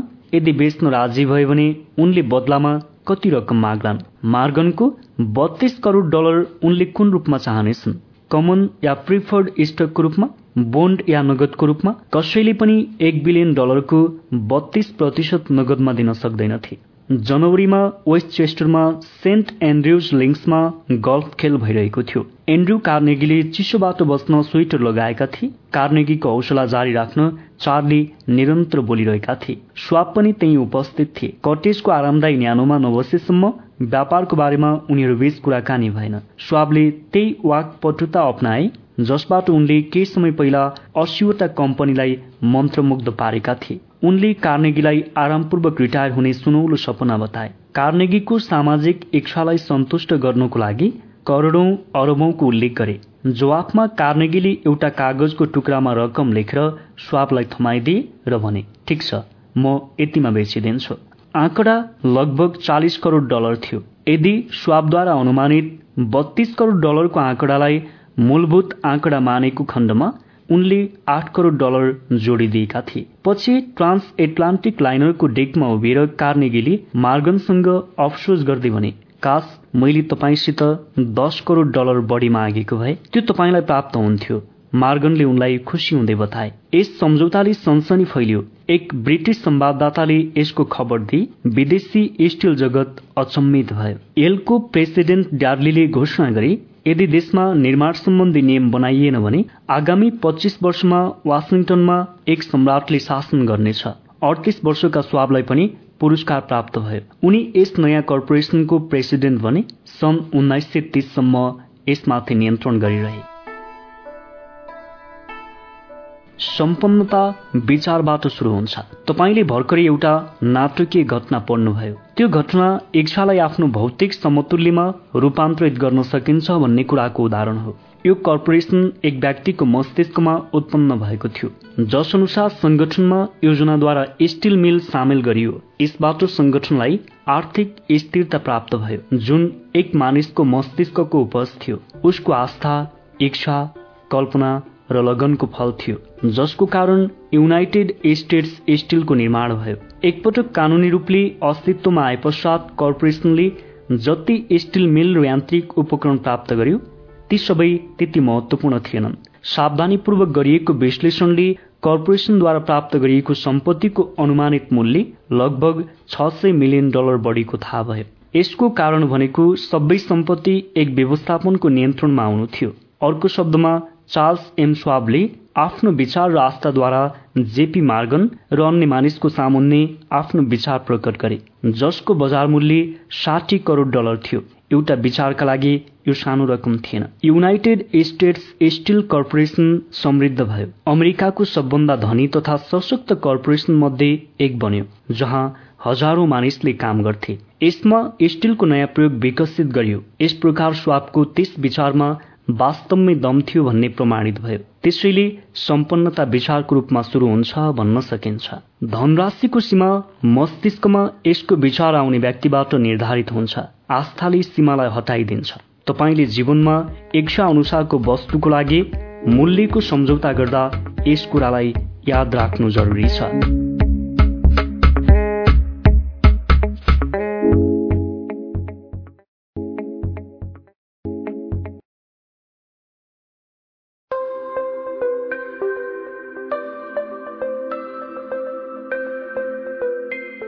हामीले तपाईँलाई थिङ्क एन्ड ग्रो रिच सोच्नुहोस् र धनी बन्नुहोस् पुस्तक सुनाइरहेका छौँ। र तपाईँले सुनिरहेको पुस्तकबाट जुन कुराहरू बताइएका छन् ती कुराहरूलाई तपाईँले जीवनमा लागू गर्ने कोसिस गर्नुभएको छ कि छैन? कमेन्ट बक्समा कृपया कमेन्ट गर्नुहोला दिल खोलेर कमेन्ट गर्नुहोला। किनकि यदि तपाईँले आफ्नो जीवनमा लागू गर्नुभएको छैन भने किन गर्नुभएको छैन र गर्नुभएको छ भने कुन पोइन्टलाई ठिक लागेर तपाईँले आफ्नो जीवनमा लागू गर्नुभएको छ त्यो कमेन्ट कृपया कमेन्ट बक्समा गरिदिनुहोला। यसकारण तपाईँको निम्ति मैले एउटा एउटा अध्याय राखेको छु कि तपाईँले त्यो चिजलाई दोहोऱ्याएर सुन्न सक्नुहोस्। तपाईँले त्यो चिजलाई पटक पटक सुन्न सक्नुहोस् र त्यहाँ सिकेको र सुनेको चिजलाई जीवनमा इम्प्लिमेन्ट गर्न सक्ने प्रयास गर्नुहोस्। तपाईँको निम्ति मैले सम्पूर्ण पुस्तक पनि राख्न सक्थेँ। तर मैले सोचेँ कि तपाईँलाई मैले एउटा एउटा अध्याय राखेँ भने तपाईँले बाध्यताले पनि त्यो पुस्तकलाई दोहोऱ्याएर सुन्नुपर्ने अवस्था आउँछ। तपाईँले सम्पूर्ण पुस्तकलाई छुट्टा छुट्टै तरिकाले सुन्न सक्नुहुन्न। त्यसै कारणले तपाईँको निम्ति मैले एउटा एउटा अध्याय बनाएर राखिरहेको छु। तपाईँले सिकेको कुरा जीवनमा लागू गर्नु भएन भने त्यसको कुनै पनि अर्थ रहन्न। तपाईँले सिकेको चिजको पनि अर्थ रहन्न र तपाईँले सुनेको चिजको पनि अर्थ रहन्न। ज्ञानलाई जबसम्म व्यवहारिक जीवनमा उतारिँदैन त्यसको कुनै पनि अर्थ रहन्न। आउनुहोस् अब सुरु गरौँ। आत्मसुझाव सम्पन्नताको दिशामा तेस्रो कदम। अवचेतन मस्तिष्कलाई प्रभाव पार्ने तरिका। पाँचौं इन्द्रियको माध्यमले हाम्रो मस्तिष्कसम्म पुर्याउने सबै सुझाव आत्म सुझाव अटो सजेसनको श्रेणीमा पर्छन्। यसमा आफूलाई दिइएको सुझाव पनि पर्छ। अर्को शब्दमा भन्ने हो भने आत्म सुझाव आफैलाई दिइएको सुझाव हो। यो अवचेतन मस्तिष्कसँग गरिने संवादको प्रमुख माध्यम हो। तपाईँले आफ्नो प्रबल विचारलाई चेतन मस्तिष्कमा रहने अनुमति दिनुभयो भने त्यो आफै अवचेतन मस्तिष्कसम्म पुग्छ र मस्तिष्कलाई प्रभावित गर्छ। यो प्रक्रिया आत्म सुझावको सिद्धान्तद्वारा हुन्छ। नकारात्मक र सकारात्मक दुवै विचारमा यो लागू हुन्छ। प्रकृतिले व्यक्तिलाई फरक तरिकाले बनाइदिएको छ। व्यक्तिले आफ्नो अवचेतन मस्तिष्कसँग पहुँच रहेको विचारलाई पुरै नियन्त्रणमा राख्न सक्छ। यसको अर्थ व्यक्तिले सधैँ यस नियन्त्रणको प्रयोग गर्छ भन्ने होइन। यसलाई नियन्त्रण नगरेकै कारण यति धेरै मानिस जीवनभर गरिब बनिरहन्छन्। भनिन्छ अवचेतन मस्तिष्क एउटा बगैँचा जस्तै हो। यसमा राम्रो बाली लाग्ने बीज नरोपेको खण्डमा उत्पादन पनि राम्रो हुन सक्दैन। त्यस बेला बीजलाई अनुपयोगी झारपातले छोप्छ। आत्म सुझाव नियन्त्रण गर्ने एक खालको एजेन्सी हो जसद्वारा व्यक्तिले आफ्नो अवचेतन मस्तिष्कको यस बगैँचामा सकारात्मक र रचनात्मक प्रकृतिको बीज रोप्न सक्छ अथवा उसले त्यसको सही हेरचाह गर्दैन र नकारात्मक प्रकृतिको विचारलाई यस भित्र आउने अनुमति दिन्छ। धनलाई आफ्नो हातमा हेर्नुहोस् र महसुस गर्नुहोस्। इच्छा सम्बन्धी अध्यायमा छवटा कदम दिइएका थिए। तीमध्ये अन्तिम कदममा तपाईँलाई एउटा निर्देशन दिएको छ। जस अनुसार तपाईँ प्रत्येक दिन दुई पटक धनको इच्छाको बारेमा लेखिएको आफ्नो वक्तव्यलाई जोडसँग पढ्नुहोस्। त्यो धन आफूसितै भएको कल्पना गर्नुहोस्। आफू त्यसको स्वामी बनेको रचना गर्नुहोस्। यस निर्देशनको पालना पूर्ण आस्थाका साथ गर्नुभयो भने तपाईँले आफ्नो इच्छित वस्तुलाई सिधै आफ्नो अवचेतन मस्तिष्कसम्म पुर्याउनुहुन्छ। यस तरिकाले पटक पटक दोहोऱ्याउनाले तपाईँ विचारको एउटै बानी बसाउन सक्नुहुन्छ। यसले इच्छालाई यसको आर्थिक समतुल्यमा बदल्नको लागि सही प्रयास गराउन तपाईँलाई मद्दत गर्छ।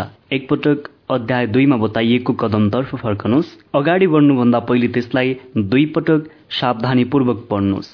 त्यसपछि तपाईँ मास्टरमाइन्ड समूहको संगठनको बारेमा दिइएको चारवटा कदमलाई सावधानीपूर्वक पढ्नुहोस्। यसको वर्णन सुव्यवस्थित योजना सम्बन्धी अध्यायमा छ। याद राख्नुहोस् आफ्नो इच्छाको वक्तव्य जोडले पढ्ने समयमा तपाईँ धनको चेतना विकसित गर्ने प्रयास गरिरहनु भएको हुन्छ। केवल शब्दलाई पढ्नाले काम चल्दैन तपाईँको शब्दमा प्रबल भावना या इच्छा हुनुपर्छ।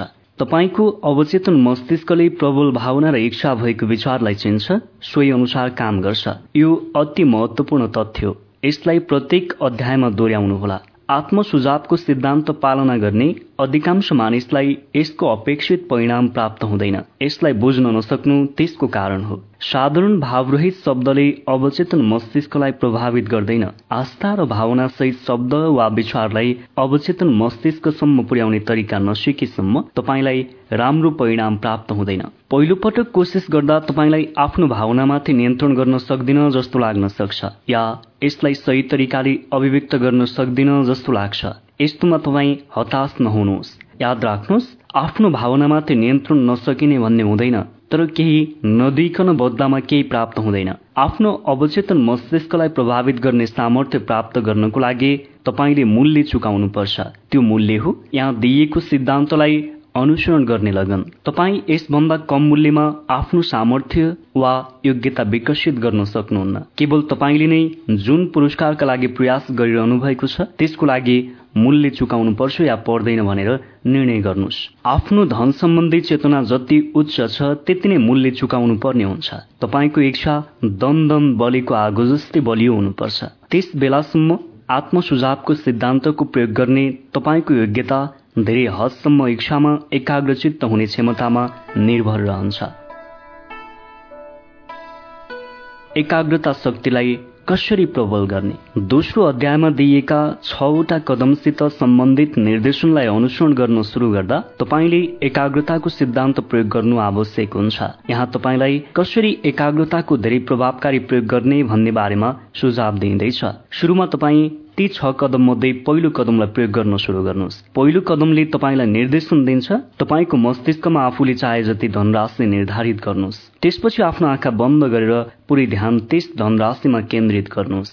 धनराशिलाई भौतिक रूपमा साँच्चै नदेख्ने बेलासम्म केन्द्रित रहनुहोस्। प्रत्येक दिन कमसे कम एक पटक यस्तो गर्नुहोस्। आफूलाई त्यति नै धनराशिको स्वामीको रूपमा हेर्नुहोस्। यहाँ एउटा अत्यन्तै महत्वपूर्ण तथ्य प्रस्तुत गरिँदैछ। जस अनुसार अवचेतन मस्तिष्कले आस्थाको भावनासहित दिएको निर्देशनलाई स्वीकार गर्छ। सोही आदेश अनुसार काम गर्छ। यस्तो आदेशलाई पटक पटक दोहोऱ्याउनुपर्छ। बल्ल अवचेतन मस्तिष्कले ती आदेशलाई पालना गर्छ। माथिको तथ्यलाई अनुसरण गर्दै तपाईँ एउटा सम्भावनामाथि विचार गर्नुहोस्। मानौ तपाईँ आफ्नो अवचेतन मस्तिष्कलाई पूर्ण रूपले धोका दिइरहनु भएको छ। त्यस बेला तपाईँ आफ्नो विश्वास अनुसार मस्तिष्कलाई पनि विश्वास दिलाइरहनु भएको हुन्छ। तपाईँले कल्पना गरिरहेको धनराशिले तपाईँलाई पर्खिरहेको छ। यसलाई प्राप्त गर्ने समयको नजिक पुग्ने अब तपाईँको अवचेतन मस्तिष्कको काम हो। यसले तपाईँलाई त्यस धनराशि प्राप्त गर्ने व्यवहारिक तरिका वा योजना बताउँछ जुन तपाईँको अधिकार पनि हो। माथि दिइएको सल्लाह अनुसारको विचारलाई आफ्नो कल्पनामा पुर्याउनुहोस्। यस पश्चात हेर्नुहोस् तपाईँको कल्पना या इच्छाको रूपान्तरणले पैसा कमाउने व्यवहारिक तरिकाको बारेमा सुझाव दिन के गर्न सक्छ या गर्नेछ? आफ्नो सेवा वा वस्तुको बदलामा आफ्नो इच्छित धनराशि प्राप्त गर्न चाहने कुनै निश्चित योजनालाई कहिले नपर्खिनुहोस्। बरु तत्कालै आफूलाई त्यस धनराशिको स्वामीको रूपमा हेर्न थाल्नुहोस्। तपाईँको अवचेतन मस्तिष्कले तपाईँलाई आवश्यक पर्ने योजनाको सुझाव दिनेछ। त्यस योजनाको बारेमा सतर्क रहनुहोस्। त्यो प्रकट हुँदा तत्काल काम सुरु गर्नुहोस्। योजना सायद तपाईँको मस्तिष्कमा छैठौं इन्द्रियद्वारा प्रेरणाको रूपमा आउनेछ। त्यसलाई सम्मान गर्नुहोस्। त्यो प्राप्त हुँदा तपाईँ त्यस अनुसार काम गर्न सुरु गर्नुहोस्। छवटा कदम मध्ये चौथो कदममा तपाईँलाई एउटा निर्देशन गरिएको छ। आफ्नो इच्छालाई वास्तविकतामा बदल्नको लागि एक निश्चित योजना बनाउनुहोस्। तत्कालै त्यस योजनालाई कार्यरूपमा बदल्न सुरु गर्नुहोस्। तपाईँले यस निर्देशनको अनुसरण माथिको अनुच्छेदमा बताइएको तरिकाले गर्नुपर्नेछ। इच्छा रूपान्तरणद्वारा धन कमाउने योजना बनाउनु हुँदा तपाईँ आफ्नो तर्कमा विश्वास नगर्नुहोस्। तपाईँको तार्किक क्षमता आलसी खालको हुन सक्छ। यदि तपाईँ पूर्ण रूपले तर्कमा निर्भर रहनुहुन्छ भने त्यसले तपाईँलाई निराश बनाउन सक्छ। तपाईँ आफूले पाउन चाहने धनराशिलाई वास्तविक कल्पनामा हेर्नुहुन्छ भने त्यसको सजीव चित्र हेर्नुहोस्। आफ्नै आँखा अगाडि त्यो वस्तु पाएको हेर्नुहोस्। त्यस धनको बदलामा आफूले कुनै सेवा वा वस्तु दिएको हेर्नुहोस्। यो काम अति महत्वपूर्ण छ। अवचेतन मस्तिष्कलाई प्रेरित गर्ने छवटा कदम। दोस्रो अध्यायमा छवटा कदमको सम्बन्धमा दिइएको निर्देशनलाई अब संक्षेपमा उल्लेख गरिँदैछ। यस अध्यायको सिद्धान्तलाई जोडेर अब यस प्रकार बताउन सकिन्छ। पहिलो कुनै शान्त ठाउँमा जानुहोस्। राति ओछ्यानमा सबभन्दा उचित हुन्छ। जहाँ कुनै अवरोध नहोस् त्यसपछि आफ्नो आँखा बन्द गर्नुहोस्। त्यस धनराशिको बारेमा लेखिएको वक्तव्य जोडले दोहोऱ्याउनुहोस्। आफ्नो शब्दलाई सुन्न सक्ने गरी दोहोऱ्याउनुहोस्। आफूले जम्मा गर्न चाहेको धन त्यसलाई प्राप्त गर्ने समय सीमा र त्यसको बदलामा तपाईँले दिन चाहने सेवा वा वस्तुको वर्णन गर्नुहोस्। अब तपाईँले आफूलाई पहिलेदेखि त्यस धनको स्वामी भएको पाउनुहुनेछ। उदाहरणको लागि आजभन्दा पाँच वर्षपछि जनवरीसम्म तपाईँ पचास हजार डलर कमाउन चाहनुहुन्छ। त्यस धनको बदलामा सेल्सम्यानको रूपमा आफ्नो व्यक्तिगत सेवा दिन चाहनुहुन्छ। त्यस बेला तपाईँको लक्ष्यको लिखित वक्तव्य तल दिए जस्तै हुनुपर्छ। हेर्नुहोस् त्यो वक्तव्य। जनवरी बिससम्म मसँग पचास हजार डलर हुनेछ। यस क्रममा यो रकम मसित समयसम्ममा विविध मात्रामा आउनेछ। यस पैसाको बदलामा मैले dot dot dot dot dot जुन डट डट डट डट भनिएको छ त्यस ठाउँमा आफूले बेच्न चाहेको सेवा वा वस्तुको नाम लेख्नुहोस् अनि भन्नुहोस् सेल्सम्यानको रूपमा सर्वश्रेष्ठ क्षमताले सेवा दिनेछु। अधिकतम सम्भव मात्रा र अधिकतम गुणात्मकता प्रदान गर्नेछु। मलाई विश्वास छ मसँग यति पैसा हुनेछ यस धनलाई आफ्नै आँखाको सामुन्ने देख्न सक्ने ममा आस्था छ। म यसलाई आफ्नो हातले छुन सकिरहेको छु। यसले मलाई पर्खिरहेको छ। यो मेरो हातमा आउनेछ। मैले सेवा दिएकै अनुपातमा आउनेछ। यति धन कमाउन सक्ने योजनालाई म पर्खिरहेको छु। त्यो योजना मिल्ने बित्तिकै मैले त्यसलाई अनुसरण गर्न सुरु गर्नेछु। दोस्रो यस कार्यक्रमलाई बिहान र बेलुका दोहोऱ्याउनुहोस्। कल्पनामा आफूले कमाउन चाहेको धनराशिलाई नदेख्दासम्म दोहोऱ्याइरहनुहोस्। तेस्रो आफ्नो वक्तव्यको लिखित प्रतिलाई बिहान र बेलुका देख्न सकिने ठाउँमा राख्नुहोस्। त्यसलाई सुत्नुभन्दा ठिक पहिला र उठ्ने बित्तिकै पढ्नुहोस्। याद नहुँदासम्म पढ्न छोड्दै नछोड्नुहोस्। याद राख्नुहोस्। यी निर्देशनलाई पालना गर्नुहुँदा तपाईँले आत्मसुझावको सिद्धान्तलाई पालना गरिरहनु भएको हुन्छ। यस सिद्धान्तको लक्ष्य तपाईँको अवचेतन मस्तिष्कलाई आदेश दिनु हो। तपाईँको अवचेतन मस्तिष्कले भावनासहित यसमा पुर्याइने निर्देशन अनुरूप काम गर्नेछ। आस्था सबै भावना मध्ये प्रबल रचनात्मक भावना हो। आस्थाको अध्यायमा दिएको निर्देशनको अनुसरण गर्नुहोस्। सुरुमा यी निर्देशन तपाईँलाई अव्यवहारिक या अमूर्त लाग्न सक्छन्। यसबाट दुखित नहुनुहोस्। सुरुवातमा जतिसुकै अव्यवहारिक र अमूर्त लागे पनि तपाईँ निर्देशनलाई पालना गरिरहनुहोस्। यदि तपाईँ शब्द र काम दुवैद्वारा निर्देशनलाई पालना गरिरहनुहुन्छ भने तपाईँको सामुन्ने एउटा नयाँ संसार खुल्ने समय चाँडै आउनेछ। मानसिक शक्तिको रहस्य। सबै नयाँ विचारप्रति शङ्काको भाव राख्ने मानिसको स्वभाव हुन्छ। यदि तपाईँले माथिका निर्देशनलाई पालना गर्नुभयो भने तपाईँको शङ्का आस्थामा बदलिनेछ। केही दार्शनिकले भनेका छन् यस धरतीमा मानिसहरू आफ्नो भाग्यको निर्माता आफै हुन्। उनीहरूमध्ये अधिकांश आफू आफ्नो भाग्यको निर्माता किन हुन् भन्ने भुलेका छन्। यस अध्यायमा यस कुरालाई राम्रोसँग बुझाइएको छ। मानिस आफ्नो भाग्यको खास गरी आर्थिक भाग्यको निर्माता बन्न सक्छ। मानिस स्वयं र आफ्नो वरिपरिको वातावरणको निर्माता बन्न सक्छ।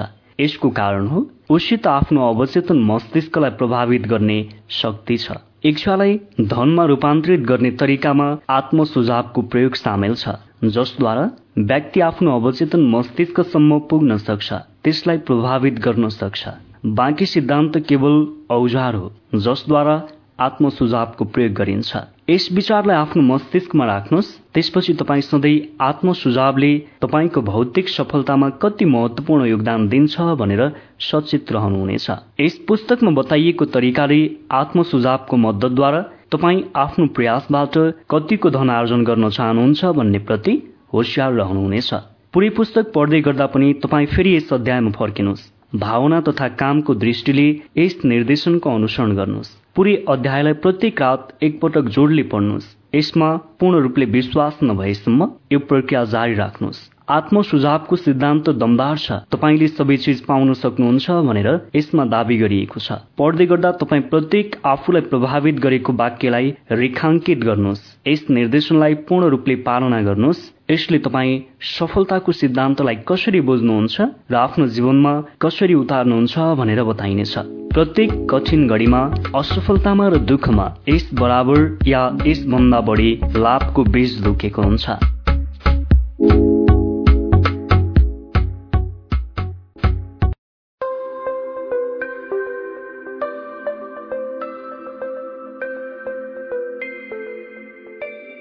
सम्पन्नताको दिशामा चौथो कदम विशेषज्ञ ज्ञान व्यक्तिगत अनुभव या विचार। ज्ञान दुई प्रकारको हुन्छ सामान्य र विशिष्ट ज्ञान। सामान्य ज्ञान जतिसुकै मात्र या विविधतामा भए पनि धनको संग्रहमा यो धेरै उपयोगी हुँदैन। मानिसको सभ्यतामा सामान्य ज्ञानको जति पनि रूप हुन सक्छन् ती सबै ठूला विश्वविद्यालयमा पाउन सकिन्छ। धेरैजसो प्रोफेसरहरूसित एकदमै कम पैसा हुन्छ।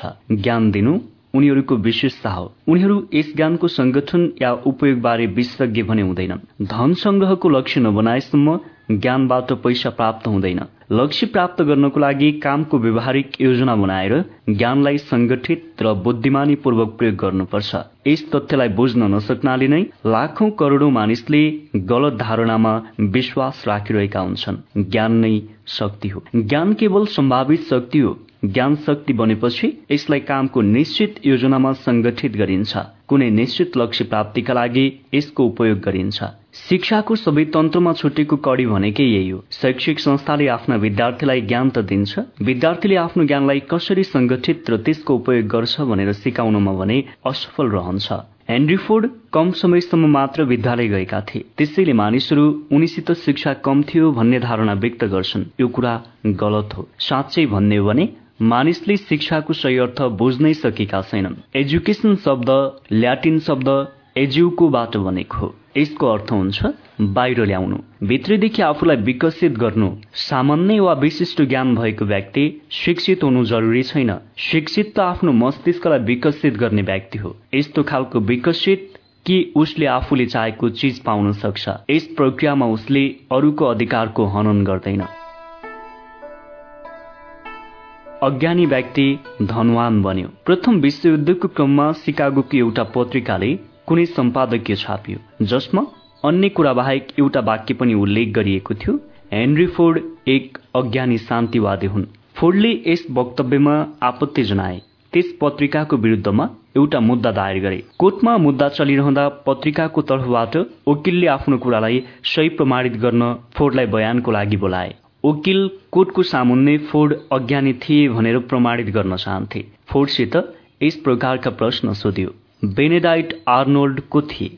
सन् सत्र सय छिहत्तरको विद्रोहलाई समाधान गर्नको लागि ब्रिटेनले कति सैनिकलाई अमेरिका पठायो? यस अन्तिम प्रश्नको जवाब फोर्डले यसरी दिए। मलाई ब्रिटेनले पठाएको सैनिकको निश्चित संख्या त थाहा छैन तर मैले सुने अनुसार त्यहाँ गएका सैनिक मध्ये निकै कम फर्किए। फोर्ड यस प्रकारको प्रश्नको जवाफ दिँदा दिँदा थाके। उनले एउटा अचम्मको प्रश्नको जवाफमा विरोधी वकिलतर्फ औँला उठाउँदै भने तपाईँद्वारा अहिलेसम्म सोधिएको यस मूर्खतापूर्ण प्रश्नको जवाफ यदि साँच्चै नै चाहे भने मैले बोलाउने व्यक्तिले दिन सक्छ। मेरो टेबलमा केही बटन जडान गरिएका छन्। म ती बटन दबाएर आफ्नो सहायताको लागि सही जवाफ दिने व्यक्तिलाई बोलाउन सक्छु।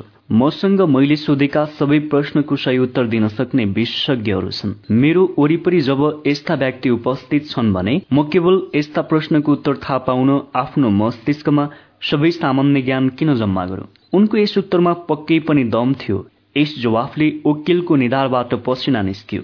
अदालतमा बसेका प्रत्येक व्यक्तिलाई यो जवाब कुनै अज्ञानी व्यक्तिको नभएको अनुभव भयो। यो एक शिक्षित व्यक्तिको जवाब थियो। आफ्नो मास्टरमाइन्ड समूहको सहयोगले हेनरी फोर्डसित अमेरिकाकै धनीमध्ये एक बन्नको लागि आवश्यक सबै विशिष्ट ज्ञान थियो। सबै ज्ञान उनकै मस्तिष्कमा हुनु जरुरी थिएन।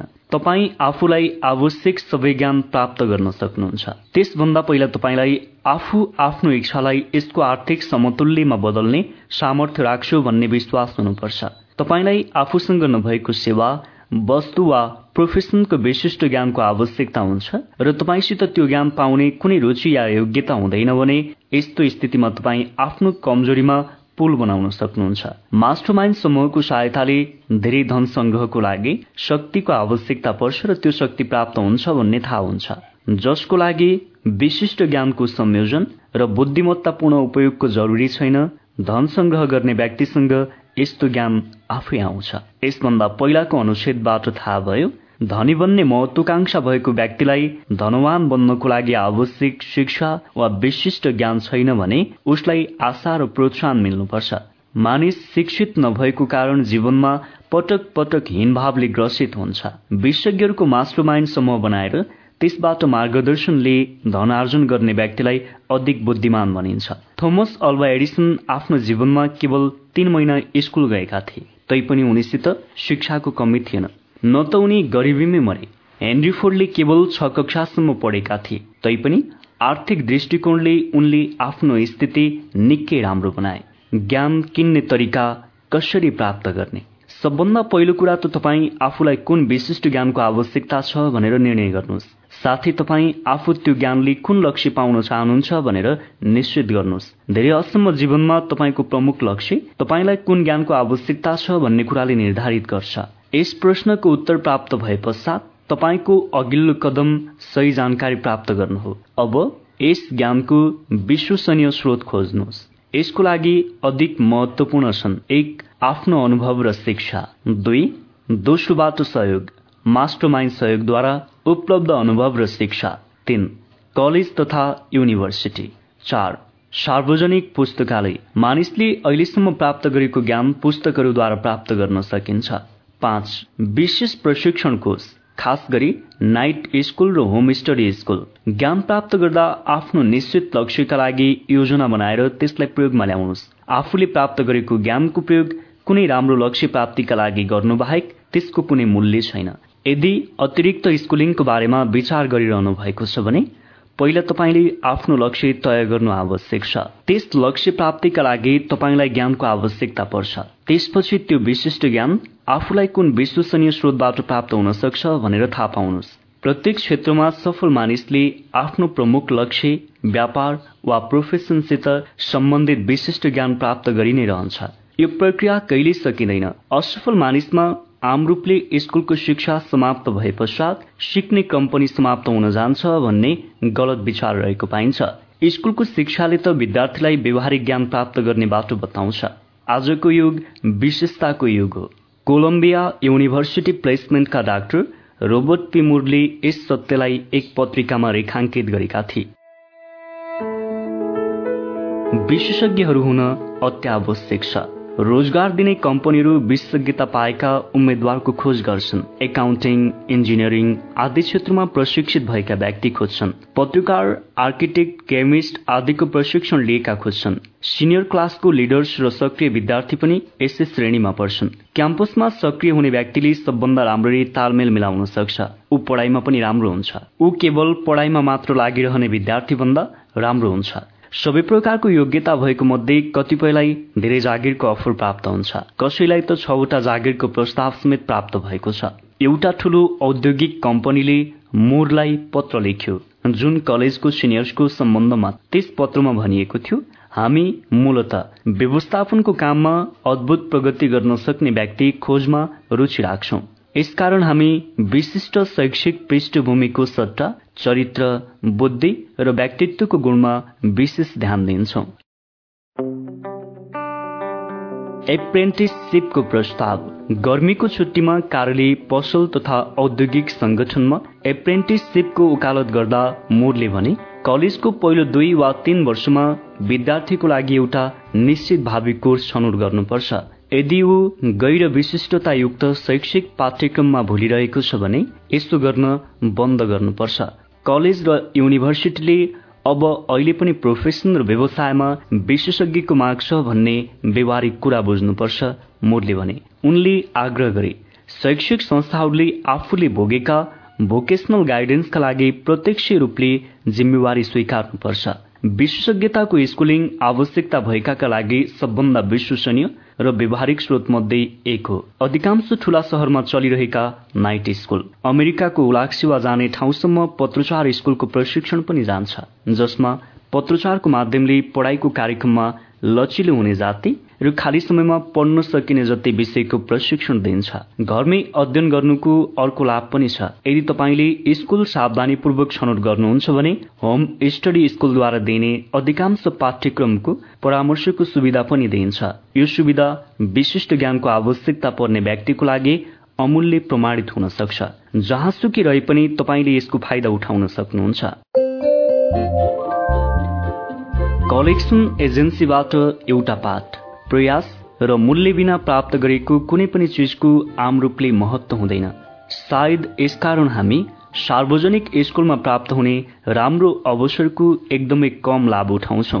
विशिष्ट अध्ययनको निश्चित कार्यक्रमबाट हामी केही हदसम्म अनुशासित हुन्छौ। पत्रचार स्कुल एकदमै राम्रो तरिकाले चलाइने व्यापारिक संस्था हो। यसको ट्युसन फी अति कम छ। त्यसैले तत्काल पेमेन्टमा जोड दिनु यसको बाध्यता हो चाहे विद्यार्थीको नतिजा राम्रो होस् वा नहोस्। यसले आफ्नो पेमेन्ट लिन्छ। यसबाट विद्यार्थीमा प्रभाव पर्छ र ऊ त्यस कोर्सलाई पूरा गर्न बाध्य हुन्छ। जसलाई उसले छोड्न मुस्किल पर्छ पत्रचार स्कुलले यस बिन्दुलाई धेरै रेखाङ्कित गरेको छैन। साँचो कुरा भनेको यसको कलेक्सन डिपार्टमेन्टले हामीलाई निर्णय शीघ्रता र कुनै काम सुरु गरे बापत पूरा गर्ने बानीको बारेमा धेरै राम्रो प्रशिक्षण दिन्छ। मैले यो अनुभवबाट सिकेको छु। पैंतालिस वर्ष पहिलेको कुरा हो। मैले एडभर्टाइजिङको एउटा होम स्टडी कोर्समा आफ्नो नाम लेखाएँ। आठ वा दस पाठ पूरा भए पश्चात मैले पढ्न छोडेँ। तैपनि स्कुलले मलाई बिल पठाउन छोडेन। स्कुलले पेमेन्टमा जोड दियो। चाहे मैले पढौँ या नपढौँ। यदि यस कोर्सको लागि भुक्तान गर्नुपर्छ भने मैले आफ्नो पाठ पूरा गर्नु नै उचित छ ताकि मेरो पैसाको पूरा मूल्य असुल होस् भनेर मैले निर्णय गरेँ। त्यसबेला मैले स्कुलको कलेक्सन सिस्टम केही बढी नै राम्रो तरिकाले नियोजित छ भन्ने अनुभव गरेँ। तर मैले पछिको मेरो जीवनमा यसबाट पाठ सिकेँ। यस कुराले मलाई धेरै राम्ररी तथा मूल्यवान प्रशिक्षण दियो जुन मलाई निशुल्क प्राप्त भएको थियो। मलाई पैसा तिर्न बाध्य गरिएको थियो त्यसैले म अगाडि बढेँ। मैले त्यो कोर्स पूरा गरेँ। त्यस स्कुलको सक्षम कलेक्सन सिस्टम मेरो लागि पैसा कमाउने अर्थमा धेरै महत्व थियो। यसको कारण थियो एडभर्टाइजिङमा लिएको त्यस प्रशिक्षणलाई मैले अनिच्छापूर्वक पूरा गरेको थिएँ। विशेषज्ञ ज्ञानको मार्ग भनिन्छ यस देशमा संसारको सबभन्दा ठूलो पब्लिक सिस्टम छ। मानिसहरूमा एउटा अचम्मको कुरा भनेको आफूले बढी मूल्य चुकाएको चिजलाई उनीहरू मूल्यवान र महत्वपूर्ण सम्झिन्छन्। अमेरिकाको निशुल्क स्कुल र पब्लिक लाइब्रेरीले मानिसलाई प्रभावित पार्दैन। किनकि ती निशुल्क छन्। यही एउटा ठूलो कारण हो जसका नियोक्ता होम स्टडी कोर्स गर्नेलाई बढी ध्यान दिन्छन्। मानिसमा एउटा कमजोरी पनि छ जसको कुनै उपचार हुँदैन। त्यो शाश्वत कमजोरी हो महत्वकांक्षाको कमी। खास गरी जागिर खाने मानिसले आफ्नो खाली समयको सदुपयोग गरेर होम स्टडीको उपयोग गरी अधिकतम लाभ प्राप्त गर्न सक्नेछन्। यसमा दुई मत छैन। प्रशिक्षणको होम स्टडीको तरिका जागिर खाने व्यक्तिको लागि खास गरेर उपयोगी हुन्छ। त्यस जागिरलाई बढी उपयोगी हुन्छ। जसलाई आफूले स्कुल छोडे पश्चात कुनै अतिरिक्त विशेषज्ञ ज्ञान प्राप्त गर्नुपर्छ तर स्कुल जानको लागि उसँग समय हुँदैन। स्टुअर्ट ओस्टेन सेयरले आफूलाई कन्स्ट्रक्सन इन्जिनियरको रूपमा तयार पारेका थिए। उनी यस पेसामा अगाडि बढे। मन्दीको क्रममा उनको कामको स्थिति राम्रो भएन। उनले आफूलाई आवश्यक भए जति कमाउन सकिरहेका थिएनन्। उनले आफैलाई अवलोकन गरे आफ्नो गुणको सूची बनाए। त्यसपछि ओकालतको व्यवसायमा जाने निर्णय गरे। उनी दोस्रो पटक स्कुल गए त्यहाँ उनले विशेष कोर्स गरे जसद्वारा उनले आफूलाई कर्पोरेसन वकिलको रूपमा तयार पारे। प्रशिक्षणपछि उनलाई राम्रो आमदानी हुन थाल्यो। केही मानिसले यस्तो वाहन बनाउन सक्छन् म स्कुल जान सक्दिन मसित परिवार छ जसलाई मैले पाल्नुपर्छ या म बुढो भइसके। स्योरले उमेर ढल्केपछि नै यो कोर्स गरेका थिए। उनको उमेर चालिस वर्षभन्दा बढी थियो। उनी विवाहित थिए। यति मात्र होइन। अति विशेषज्ञ कोर्स र कलेज सावधानीपूर्वक छनौटको कारणले स्योरले दुई वर्षमै त्यो कोर्स पूरा गरे। ल स्टुडेन्ट्सले आम रूपमा यो कोर्स पूरा गर्न चार वर्ष लगाउँछन्। ज्ञान कसरी खरिद गर्ने भनेर जान्नु वास्तवमै महत्वपूर्ण हुन्छ। एउटा सजिलो विचार बहुमूल्य प्रमाणित भए। हामी एउटा विशिष्ट उदाहरण लिउँ ग्रोसरी स्टोरको एक सेल्सम्यानले अचानक आफूलाई बेरोजगार पायो। उसित बुक किपिङको केही अनुभव मात्रै थियो। त्यसैले उसले अकाउन्टिङको एउटा विशेष कोर्स गर्यो। उसले आफूलाई बुक किपिङ र अफिस उपकरणलाई नवीनतम रूपले परिचित गरायो। आफैले व्यापार सुरु गर्ने दिशामा उसले कदम राख्यो। आफ्नो कामको सुरुवात उसले पहिला काम गर्ने गुरोसरबाटै गर्यो। त्यसपछि उसले एक सय भन्दा बढी व्यापारीसित उनीहरूको हिसाब किताब राख्ने र बदलामा नाम मात्रको मासिक शुल्क लिने अभिप्रायले सम्झौता गर्यो। उसको विचार अति व्यवहारिक प्रमाणित भयो। छिट्टै नै उसले एउटा सानो डेलिभरी ट्रकमा पोर्टेबल अफिस बनाउनु पर्यो। त्यसमा उसले आधुनिक बुक किपिङ मेसिन राख्यो। अब उसित सहयात्रीको लागि धेरै कर्मचारी छन् जसद्वारा उसले साना व्यापारीलाई कम मूल्यमा बढी र राम्रो अकाउन्टिङ सेवा दिन्छ। विशेषज्ञ ज्ञान र कल्पना त्यो तत्व थियो जसको कारण ऊ अद्भुत र सफल व्यापारी बन्न सक्यो। पछिल्लो वर्ष उसले इन्कम ट्याक्स बुझायो। जुन ग्रोसरीको पसलमा सेल्सम्यान हुँदा मिल्ने भन्दा दस गुणा बढी थियो। यस सफल व्यापारको सुरुवात केवल एउटा विचारबाट भयो। बेरोजगार सेल्सम्यानका लागि एउटा अर्को विचार बताउँछु। जसमा योभन्दा बढी आमदानीको सम्भावना छ। यो विचार सेलिङ छोडिदिएको एक सेल्सम्यानद्वारा सुझावमा मिलेको हो। त्यो सेल्सम्यान होलसेल स्तरमा बुककिपिङको व्यापारमा गयो। उसको बेरोजगारीको समस्याको बारेमा उसलाई सुझाव दिँदा उसले तत्काल प्रतिक्रिया दियो मलाई विचार मन पर्यो। तर म यसलाई क्यासमा कसरी बदल्ने मलाई थाहा छैन। अर्को शब्दमा भन्ने हो भने उसले गुनासो गर्यो बुककिपिङको ज्ञान प्राप्त गरे पश्चात मार्केटिङ कसरी गर्ने भन्ने उसलाई ज्ञान थिएन। त्यसैले उसले एउटा अर्को सुल्झाउनु पर्ने समस्या थियो। एक महिला टाइपिस्टको मद्दतले उसले आफ्नो बारेमा पुरै कहानी लेख्यो। एउटा अति नै आकर्षक पुस्तक तयार पार्यो जसमा बुक किपिङको नयाँ सिस्टमको लाभको वर्णन गरिएको थियो। सबै पृष्ठलाई राम्ररी टाइप गरियो। व्यापारको कथा अति प्रभावकारी ढंगले लेखिएको थियो। फलस्वरूप त्यसको मालिकसित धेरै अकाउन्ट आयो जसलाई सम्हाल्न समेत उसलाई गाह्रो भयो। आदर्श जागिर पाउनको लागि अप्नाइएको एउटा योजना। देशभरमा हजारौं मानिस छन् जसलाई आफ्नो व्यक्तिगत सेवालाई मार्केटिङ गर्न सक्ने मार्केटिङ विशेषज्ञ सेवाको आवश्यकता छ। यसबाट उनीहरूले आफ्नो लागि एउटा आकर्षक बायोडाटा तयार गर्न सकुन्। अब यहाँ प्रस्तुत गर्न लागि विचार आवश्यकताको उपज थियो। आपतकालीन स्थितिमा उठाइएको कदम थियो तर यसबाट धेरै मानिसलाई लाभ भयो। यस्तो विचार फुर्ने महिलाको मस्तिष्कमा कल्पना शक्ति तेज थियो। उनको त्यस विचारमा एउटा नयाँ प्रोफेसन सुरु गर्ने शक्ति थियो जसद्वारा व्यक्तिगत मार्केटिङ गर्नको लागि व्यवहारिक मार्गदर्शनको आवश्यक भएका हजारौं मानिसको सेवा गर्न सकिन्थ्यो। ती महिलाको व्यक्तिगत सेवाको मार्केटिङ गर्ने आफ्नो पहिलो योजना तत्काल सफल भयो। यसबाट उनलाई प्रेरणा मिल्यो। ती ऊर्जावान महिलाले त्यसपछि आफ्नो छोराको पनि यस प्रकारको समस्याको समाधान खोजिन्। उनको छोरा भर्खरै कलेजको पढाइ सकेर निस्किएको थियो। उसलाई आफ्नो सेवाको लागि बजार मिलिरहेको थिएन। ती महिलाले आफ्नो छोराको लागि एउटा मार्केटिङ योजना बनाइन्। त्यो व्यक्तिगत सेवालाई बेच्ने एउटा राम्रो उदाहरण थियो। योजना पुस्तिका पूरा हुँदा टाइप गरिएको पचास पेज भयो जसमा पूरै जानकारी राम्ररी सुनियोजित थियो। त्यसमा छोराको जन्मजात योग्यता स्कुलिङ व्यक्तिगत अनुभव बाहेक धेरै जानकारी दिएको थियो। यस योजना पुस्तिकामा उनको छोरालाई कस्तो प्रकारको पद चाहिन्छ भन्ने बताइएको थियो। यस बाहेक त्यस पदमा रहेर कसरी काम गर्ने भन्ने बारेमा पनि बताइएको थियो। योजना पुस्तिका तयार गर्नमा केही हप्ताको मेहनत लाग्यो। यस क्रममा ती महिलाले आफ्नो छोरालाई प्रत्येक दिन सार्वजनिक लाइब्रेरीमा पठाइन्। त्यही लाइब्रेरीमा जहाँबाट उनले आफ्नो सेवालाई सर्वश्रेष्ठ तरिकाले बेच्नको लागि आवश्यक डाटा लिएर आएकी थिइन्। उनले आफ्नो छोरालाई उसको लागि उपयुक्त हुने सबै विधिको जानकारी प्राप्त गराइन्। योजना बनाउनमा यो जानकारी एकदमै महत्वपूर्ण प्रमाणित भयो। योजना बनेर तयार हुँदा यसमा आधा दर्जन भन्दा बढी श्रेष्ठ सुझाव थिए जसद्वारा सम्भावित नियुक्तिलाई लाभ हुन सक्थ्यो र उसको व्यापार राम्रो बन्न सक्थ्यो। तलबाट सुरु गर्न जरुरी छैन। जागिर प्राप्त गर्नको लागि यति झन्झटको के आवश्यकता छ भन्ने तपाईँलाई लाग्न सक्छ। यसको उत्तर हो कुनै कामलाई राम्ररी गर्नमा कहिले झन्झट हुँदैन। ती महिलाले आफ्नो छोराको हितलाई ध्यानमा राखेर बनाएको योजनाको कारण छोरालाई पहिलो अन्तर्वार्तामै जागिर प्राप्त भयो। उसले आवेदन गरेकै जागिर मिल्यो मागेकै जति तलब उसले पायो। यति मात्र होइन। यसभन्दा पनि बढी महत्वपूर्ण कुरा त उसले तल्लो स्तरबाट काम सुरु गर्नु परेन। जुनियर एक्जिक्युटिभको पदमा एक्जिक्युटिभको तलबमा उसले आफ्नो काम सुरु गर्यो। यति झन्झट किन उठाउने? किनकि यदि त्यस युवकले तलबाट काम सुरु गरेको भए उसलाई यस अवस्थासम्म उठ्नलाई लगभग दस वर्ष लाग्ने थियो। तर सुनियोजित प्रस्तुतिको कारण उसले एकै झट्कामा जागिर पायो। तल्लो तहबाट जागिर सुरु गर्ने र माथिल्लो पदमा निरन्तर प्रयास गर्ने विचार वास्तवमै दमदार लाग्छ। तर धेरैजसो तलबबाट जागिर सुरु गर्ने मानिसले अवसरले उनीहरूलाई देख्न सक्ने जति आफ्नो शिर उठाउँदैनन् त्यसैले सधैँ तल रहिरहन्छन्। हामीले सधैँ याद राख्नुपर्छ तलबाट देखिने दृश्य त्यति उत्साहवर्धक हुँदैन। यसमा महत्वाकांक्षाको घाँटी रेट्ने प्रवृत्ति हुन्छ। हामी यसलाई रुटिनमा फस्नु पनि भन्न सक्छौ। अर्थात् हामीलाई यसको बानी पर्छ। त्यसैले हामी आफ्नो भाग्यलाई दोष दिन्छौ। दैनिक रुटिनको बानी बसाउँछौ। यो बानी अन्तत अति प्रबल हुन जान्छ।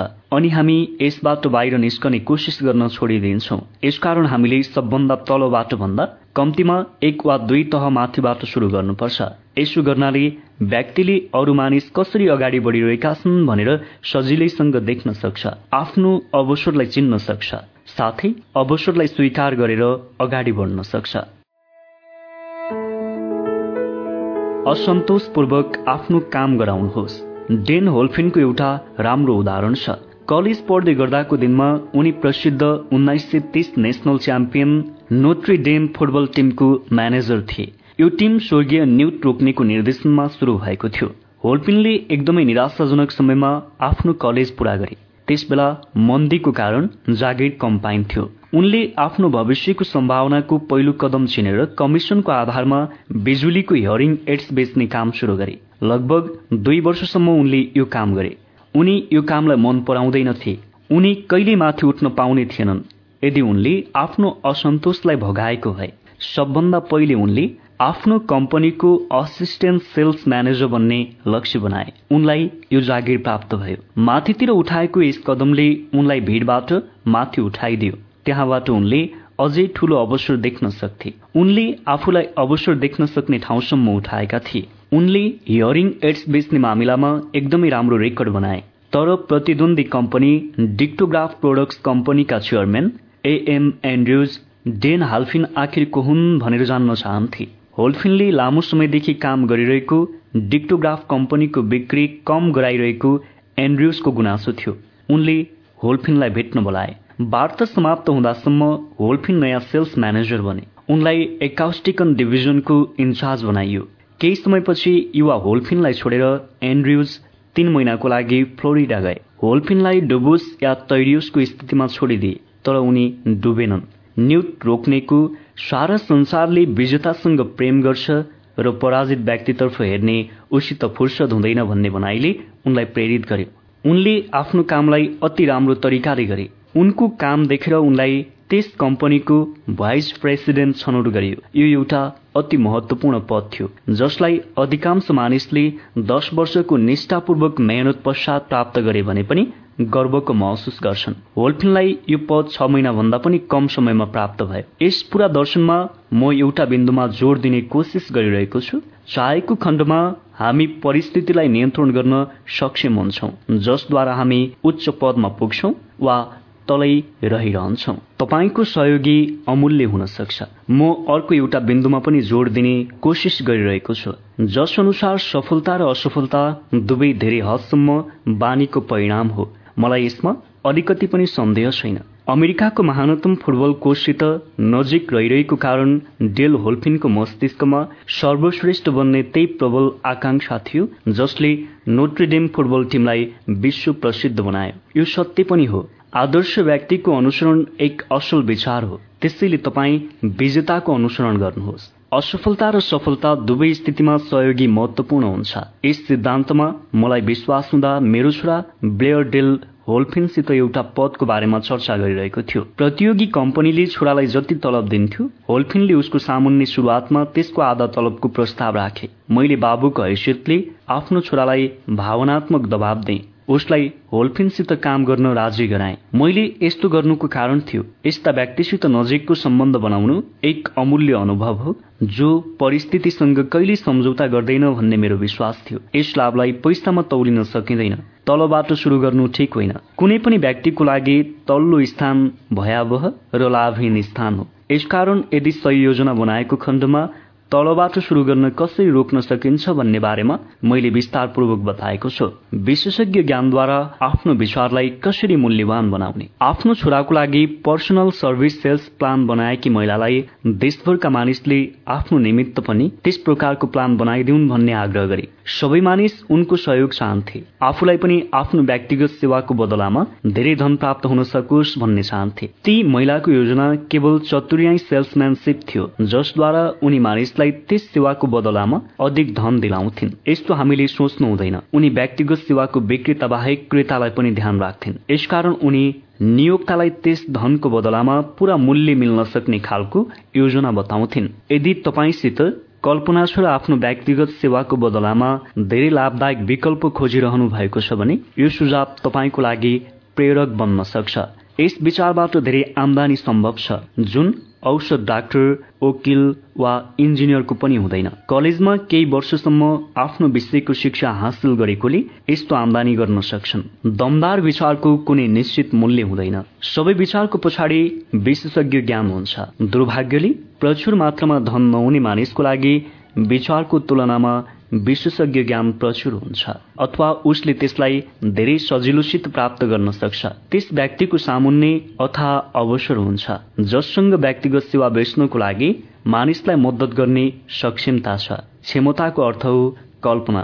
त्यो गुण हो जसले विशेषज्ञ ज्ञानलाई विचारसँग जोड्छ। यदि तपाईँमा कल्पना छ भने यो अध्यायले तपाईँलाई एउटा विचार प्रदान गर्न सक्छ जसबाट तपाईँलाई धन प्राप्त हुन थाल्छ जसको तपाईँ इच्छा राख्नुहुन्छ। याद राख्नुहोस् विचार नै प्रमुख वस्तु हो।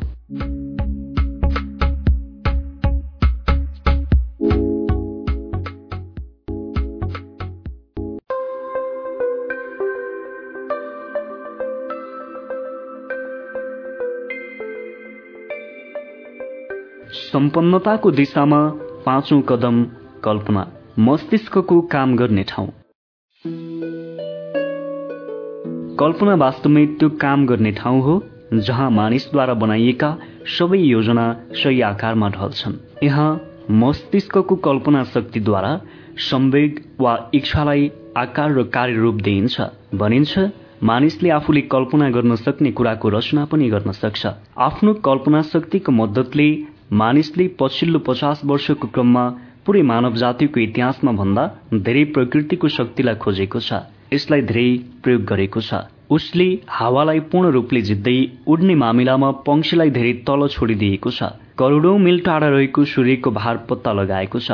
त्यसको विश्लेषण गरेको छ। कल्पनाको मद्दतले उसले त्यो कुन तत्वद्वारा बनेको छ भनेर निर्धारित गरेको छ। उसले वाहनको गति बढाएको छ। अब उसले छ सय मिल प्रति घण्टा भन्दा पनि धेरै गतिमा यात्रा गर्न सक्छ। तर्कको दृष्टिले मानिसको एकलौटी सीमा उसको कल्पनाशीलताको विकास र प्रयोगबाट हुन्छ। ऊ आफ्नो कल्पना शक्तिको प्रयोगको विकासको शिखरमा अझै पुग्न सकेको छैन। उसमा त केवल उसले खोजेको कल्पनाशीलता छ। उसले धेरै नै प्रारम्भिक तरिकाले यसलाई प्रयोग गर्न सुरु गरेको छ। कल्पनाका दुई रूप कल्पनाले दुई रूपमा काम गर्छ।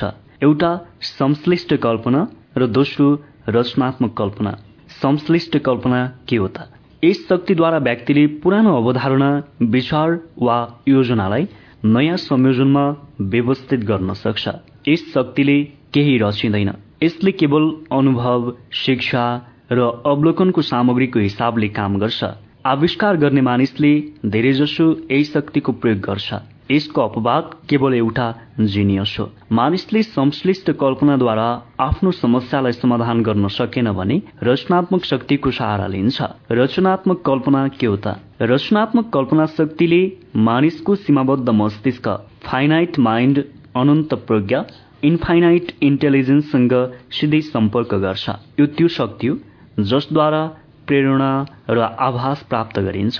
यस्तै शक्तिद्वारा सबै मूलभूत वा नयाँ विचार मानिसलाई प्रदान गरिन्छ। यसै शक्तिद्वारा कुनै व्यक्तिले अर्को मानिसको अवचेतन मस्तिष्कसित संवाद गर्न सक्छ।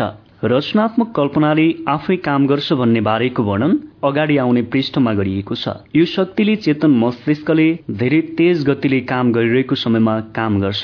उदाहरणको लागि चेतन मस्तिष्क प्रबल इच्छाको भावद्वारा प्रेरित हुन्छ। व्यापार उद्योग र फाइनान्सका महान नेता कलाकार संगीतकार कवि र लेखक महान बन्नुको कारण हो उनीहरूले कल्पना शक्तिलाई विकसित गरेका हुन्छन्। कल्पनाको संश्लिष्ट र रचनात्मक शक्ति प्रयोगद्वारा अधिक सशक्त बन्न जान्छ। ठिक त्यसै गरी जसरी शरीरको कुनै मांसपेशी वा अङ्ग उपयोगद्वारा सुदृढ बन्न जान्छ। इच्छा केवल एक विचार हो यसको संवेग हो यो क्षणिक हुन्छ। अमूर्त र अव्यवहारिक हुन्छ। यसकारण यसलाई भौतिक समतुल्यमा नबदलेसम्म यसको कुनै मूल्य हुँदैन। इच्छाको संवेगलाई धनमा रूपान्तरित गर्ने प्रक्रियामा संश्लिष्ट कल्पनाको प्रयोग अधिकतम रूपमा गरिन्छ। यसकारण तपाईँले यस तथ्यलाई आफ्नो मस्तिष्कमा राख्नुपर्छ किनकि तपाईँले यस्तो परिस्थितिलाई कुनै पनि बेला सामना गर्नुपर्ने हुन सक्छ जसमा तपाईँलाई आफ्नो रचनात्मक कल्पनाको प्रयोग पनि आवश्यकता हुन सक्छ। आफ्नो कल्पनालाई थोरै व्यायाम गराउनुहोस्। प्रयोगको अभावमा तपाईँको कल्पना शक्ति थोरै कमजोर भएको हुन सक्छ। यसलाई तपाईँ प्रयोगद्वारा फेरि जोगाउन सक्नुहुन्छ सशक्त बनाउन सक्नुहुन्छ। यो शक्ति कहिल्यै मर्दैन। प्रयोगको अभावमा यो सुत्न सक्ने सम्भावना भने रहन्छ तपाईँ संश्लिष्ट कल्पनाको विकासमा आफ्नो ध्यान केन्द्रित गर्नुहोस्। यही त्यो शक्ति हो जसको प्रयोगद्वारा तपाईँ आफ्नो इच्छालाई धनमा रूपान्तरित गर्न सक्नुहुन्छ। इच्छाको अमूर्त संवेगलाई मूर्त यथार्थमा रूपान्तरणको लागि योजना बनाउनु आवश्यक छ। यस्तो योजना कल्पनाको सहायताले बनाउनुपर्छ। मुख्य रूपमा संश्लिष्ट कल्पना शक्तिको माध्यमले यसो गर्नुपर्छ। पुरै पुस्तक पढ्नुहोस्।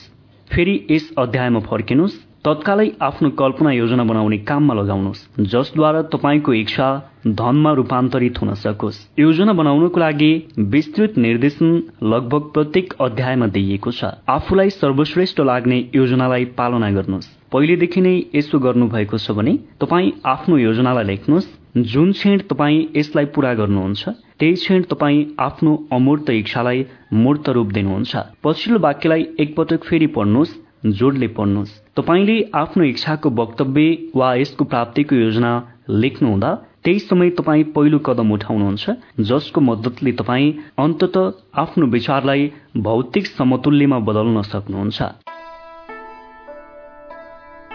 नियमले सम्पन्नतातर्फ लैजान्छ। तपाईँ र भौतिक वस्तु विकासवादी परिवर्तनको परिणाम हुन् जसद्वारा पदार्थको सूक्ष्म कण क्रमबद्ध रूपमा सुव्यवस्थित र नियोजित गरिएको छ। यति मात्र होइन यो धरती तपाईँको शरीरका लाखौं कोशिका मध्ये प्रत्येक र पदार्थको प्रत्येक अणु ऊर्जाको अमूर्त रूपमा प्रारम्भ भएको थियो। इच्छा एक विचार सम्वेग हो। विचार सम्वेग ऊर्जाको रूप हो। धन कमाउन प्रारम्भ गर्नुहुँदा तपाईँले आफ्नो सेवामा त्यही ऊर्जाको प्रयोग गर्नुहुन्छ जसद्वारा प्रकृतिले यस धरतीको रचना गरेकी थिइन्। यसमा शरीर र मस्तिष्क पनि सामेल छ। जसमा विचार सम्वेगले काम गर्छ। तपाईँ यी नियमको मद्दतले सम्पन्न बन्न सक्नुहुन्छ। यो अपरिवर्तनीय छ तर पहिले तपाईँ यो नियमसित परिचित हुनुपर्छ। यसको प्रयोग गर्न सिक्नुपर्छ। यस सिद्धान्तलाई पटक पटक दोहोऱ्याउने र प्रत्येक सम्भव कोणबाट वर्णन गर्ने हो भने सायद तपाईँ समक्ष धेरै सम्पत्ति जम्मा गर्ने रहस्य प्रकट हुन जान्छ। यो कुरा अचम्म र विरोधाभासी लाग्न सक्छ किनभने यो रहस्य वास्तवमा रहस्य नै होइन। प्रकृतिले हामी रहेकै धरतीमा यस रहस्यको विज्ञापन गर्छ। हाम्रो आँखाले देखिने प्रत्येक जीवित प्राणीले यही रहस्यलाई उजागर गर्छ। अगाडि आउने सिद्धान्तले कल्पनाबोधको बाटो खोलिदिन्छ। पहिलो पटक यस दर्शनलाई पढ्नुहुँदा तपाईँ जति बुझ्न सक्नुहुन्छ त्यसलाई ग्रहण गर्नुहोस्। यस पश्चात यसलाई दोहोऱ्याएर पढ्नुहोस् अनि तपाईँलाई सम्पूर्ण स्थिति व्यापक रूपमा प्राप्त हुन्छ। सबभन्दा ठूलो कुरा भनेको यस पुस्तकलाई कमसे कम तीन पटकसम्म नपढेसम्म तपाईँ यस सिद्धान्तको अध्ययनमा नरोकिनुहोस्। यस पश्चात तपाईँ यो पुस्तकलाई पढ्न कहिल्यै बन्द गर्नुहुन्न। कल्पनाको व्यवहारिक प्रयोग कसरी गर्ने? विचार सम्पन्नताको सुरुवाती बिन्दु हो। यो कल्पनाद्वारा उत्पन्न हुन्छ। आउनुहोस् हामी एक सुपरिचित विचारको परीक्षण गरौं जसद्वारा धेरै सम्पत्ति आर्जन भएको छ। आशा छ यस उदाहरणबाट तपाईँलाई एउटा तरिकाको निश्चित जानकारी मिल्नेछ। यसको प्रयोग कल्पनाको प्रयोग सम्पन्न बन्नको लागि गर्न सकिन्छ। जादुको कितली। पचास वर्ष पहिले एकजना बुढा डाक्टर र घोडा चढेर सहरमा आए। उनले आफ्नो घोडा बाँधे एउटा औषधिको पसलमा पछाडिको ढोकाबाट बिस्तारै भित्र छिरे। एउटा ड्रग क्लकसित चर्चा गर्न थाले। एक घण्टासम्म बुढा डाक्टर र क्लकले कुराकानी गरे। त्यसपछि डाक्टर बाहिर निस्के उनी आफ्नो बग्गीको छेउमा पुगे। त्यसबाट एक ठूलो पुरानो किटले निकाले त्यसलाई क्लकको पसलको पछाडि लगेर राखिदिए क्लर्कले कितले जाँच गरे आफ्नो भित्री खल्तीमा हात हालेर नोट निकाले त्यो नोट डाक्टरलाई दिए। क्लर्कले डाक्टरलाई कुल पाँच सय डलर दिएका थिए। जुन क्लर्कको पुरै बचत थियो। डाक्टरले क्लर्कलाई एउटा सानो कागजको टुक्रा दिए जसमा एउटा गोपनीय फर्मुला लेखिएको थियो। त्यस सानो कागजमा लेखिएको शब्दको मूल्य राजाको खजना बराबरको मूल्य थियो। डाक्टरका लागि भने होइन। मात्रै जादु शब्द उम्लन सुरु गर्न आवश्यक थियो। तर केतलीबाट कति अथाह धन वर्षिनेछ भन्ने डाक्टर र क्लर्क दुवैले जान्दैनथे। बुढा डाक्टर पाँच सय डलरमा कितली बेचेर धेरै खुसी भए। क्लर्क आफ्नो जीवनभरिको बचत एउटा कागजको टुक्रा र पुरानो कितलीको लागि दाउमा लगाएर धेरै जोखिम उदाइरहेका थिए। उनले सपनामा पनि सोचेका थिएनन् उनको कितली उम्लिँदा त्यसबाट सुन बग्नेछ जसले एक दिन अलादिनको चमत्कारी प्रदर्शनलाई पनि पछाडि छोडिदिनेछ। क्लर्कले किनेको चिज एउटा विचार थियो। कितलीको चमत्कारी प्रदर्शन शुरू हुँदा यसको नयाँ मालिकले गोपनीय निर्देशन सहित एउटा तत्व मिलाए जसको बारेमा डाक्टर केही जान्दैनथे सोच्नुहोस् के तपाईँ बताउन सक्नुहुन्छ? वास्तवमा त्यो के थियो? जुन त्यस युवकले गोपनीय सन्देशसित मिलाएको थियो जसको कारण कितलीबाट सुन वर्षिन थाल्यो। यहाँ तपाईँलाई एउटा वास्तविक कहानी बताउन गइरहेको छु जुन एक विचारको रूपमा प्रारम्भ भयो। आउनुहोस् हामी सुनको त्यस विशाल थुप्रोतर्फ हेरौं जुन विचारबाट उत्पन्न भयो। यस थुप्रोले धेरै धन कमाएको छ। आज पनि यसले संसारमा कितलीको सामग्रीलाई करोडौं मानिससम्म पुर्याइरहेको छ। मानिसलाई धन कमाएर दिइरहेको छ। पुरानो कितली आज संसारमा सबभन्दा ठूलो उपभोक्ता मध्ये एक हो। यस कारणले यसले हजारौं मानिसलाई रोजगार उपलब्ध गराइरहेको छ। पुरानो कित्तेले प्रत्येक वर्ष करोडौं काँचको बोतललाई काममा ल्याउँदा काँचको काम गर्ने धेरै मानिसलाई रोजगार मिल्छ। पुरानो कित्लीले पुरै देशमा क्लर्क स्टेनोग्राफ कपिराइट्स र एडभर्टाइजिङ विशेषज्ञको समूहलाई रोजगार दिन्छ। यसले ती दर्जनौं कलाकारलाई सम्पत्ति दिलाएको छ जसले यस उत्पादनलाई विज्ञापन गरेर राम्रो छवि बनाएका छन्। पुरानो कितलीले एउटा सानो दक्षिणी सहरलाई दक्षिणको व्यापार राजधानी बनाइदिएको छ जहाँ यसले प्रत्यक्ष या अप्रत्यक्ष रूपले शहरको प्रत्येक व्यापार र नागरिकलाई लाभ पुर्याउँछ। यस विचारको प्रभावले अब संसारको प्रत्येक सभ्य देशलाई लाभ पुर्याएको छ। यसलाई सुने प्रत्येक व्यक्तिलाई सुनको बग्दै गरेको धाराबाट आफ्नो भाग प्राप्त हुन्छ। कितलीबाट वर्षिएको सुनबाट दक्षिणको एक प्रसिद्ध कलेज बनाइयो जहाँ हजारौं युवा युवती सफलताको लागि अनिवार्य प्रशिक्षण प्राप्त गर्छन्। यदि पित्तलको यो पुरानो कितली बोल्न सकेको खण्डमा यसले प्रत्येक भाषामा रोमान्सका रोमाञ्चक कहानी सुनाउनेछ। प्रेम रोमान्स व्यापारको रोमान्स प्रोफेसनल पुरुष र महिलाको रोमान्स आदि। लेखक कमसे कम एउटा रोमान्सको बारेमा पूर्ण रूपले अनुभवी रहेको छ। रोमान्सको एउटा भाग रहेको छ। यो रोमान्स र क्लर्कले पुरानो कितली खरिद गरेको स्थानबाट धेरै टाढा शुरू भएको थिएन। त्यहाँ लेखकले आफ्नी पत्नीसित भेट गरेको थियो। उनीले लेखकलाई यस जादुको कित्लीको बारेमा पहिलो पटक बताएकै थिइन्। लेखकले उनलाई सोध्यो के तिमी मसित विवाह गर्छौ? तपाईँ जोसुकै हुनुहोस् जहाँसुकै रहनुहोस् जेसुकै काम गर्नुहोस् कुनै फरक पर्दैन। भविष्यमा केवल यति याद राख्नुहोस् धन र प्रभावको यो साम्राज्य एउटा विचारबाट सुरु भएको थियो। ड्रक्लकले त्यस गोपनीय फर्मुलासित जुन रहस्यमय तत्व मिलाएका थिए कल्पना। अर्को कुरा पनि याद राख्नुहोस्। धनी बन्नको लागि यस पुस्तकमा बताइएका कदमको सहाराले कोकाकोलाको प्रभाव संसारको प्रत्येक सहर र गाउँमा फैलिएको छ। तपाईँको मस्तिष्कमा उत्पन्न हुने प्रत्येक विचार कोकाकोला जस्तै दमदार र सम्भावनापूर्ण हुन सक्छन् जसले संसारभरिको प्यास मेटाउने कोका कोलाले राखे बराबरको रेकर्ड राख्न सक्छ। मसँग दस लाख डलर भएको खण्डमा मैले के गर्नेछु? यस कहानीले त्यस पुरानो भनाइलाई सत्य सिद्ध गर्छ जहाँ इच्छा त्यहाँ उपाय। यो घटना मलाई प्रिय शिक्षाविद र धर्मोपदेशक स्वर्गीय फ्रेङ्क डब्ल्यू गुन्सालसले सुनाएका थिए। उनले सिकागोको इस्टक एर्ट क्षेत्रमा धर्मोपदेशक भएर आफ्नो काम सुरु गरेका थिए। कलेजमा पढ्दा उनलाई शिक्षा तन्त्रमा केही दोष रहेको थाहा भयो। यदि उनी कलेजको प्रमुख बनेको खण्डमा यी दोषलाई टाढा गर्न सकिन्छ भन्ने उनलाई विश्वास थियो। उनले आफ्नो मनमा एउटा नयाँ कलेज बनाउने तथा शिक्षाको पारम्परिक तरिकाबाट हटेर केही गर्ने सोच बनाए। उनले आफ्नो मनमा एउटा नयाँ कलेज बनाउने तथा शिक्षाको पारम्परिक तरिकाबाट हटेर केही गर्ने सोच बनाए। उनलाई यस कामको लागि दस लाख डलरको आवश्यकता थियो। यति धेरै रकम कहाँबाट जुटाउने? यही प्रश्न त्यस महत्वाकांक्षी युवा धर्मोपदेशकको विचारमा प्रत्येक क्षण घुमिरहन थाल्यो। तैपनि उनी यस दिशामा कुनै प्रगति देख्न सकिरहेका थिएनन्। प्रत्येक रात उनी आफ्नो ओछ्यानमा यसैको विचार गरेर सुत्थे। प्रत्येक बिहानी यही विचारको साथमा निद्राबाट जाग्ने गर्थे। उनी जता जता जान्थे। यो विचार उनको साथ साथ जान्थ्यो। दृढ विचारको रूपमा नबदलिएसम्म उनले यसलाई लगातार आफ्नो मस्तिष्कमा बसाइरहे। दार्शनिक र धर्मोपदेशक भएको कारण डाक्टर गुन्सालसलाई थाहा थियो जीवनमा सफल हुने सबै मानिसले पनि यसलाई जान्दछन्। लक्ष्यको निश्चितता नै त्यो सुरुवातको बिन्दु हो जहाँबाट मानिसले सुरु गर्नुपर्छ। उनी अर्को कुरा पनि जान्दथे लक्ष्य निश्चित भएपछि उनी जीवन्त हुनेछन्। त्यसमा जीवन र शक्तिको संचार हुनेछ।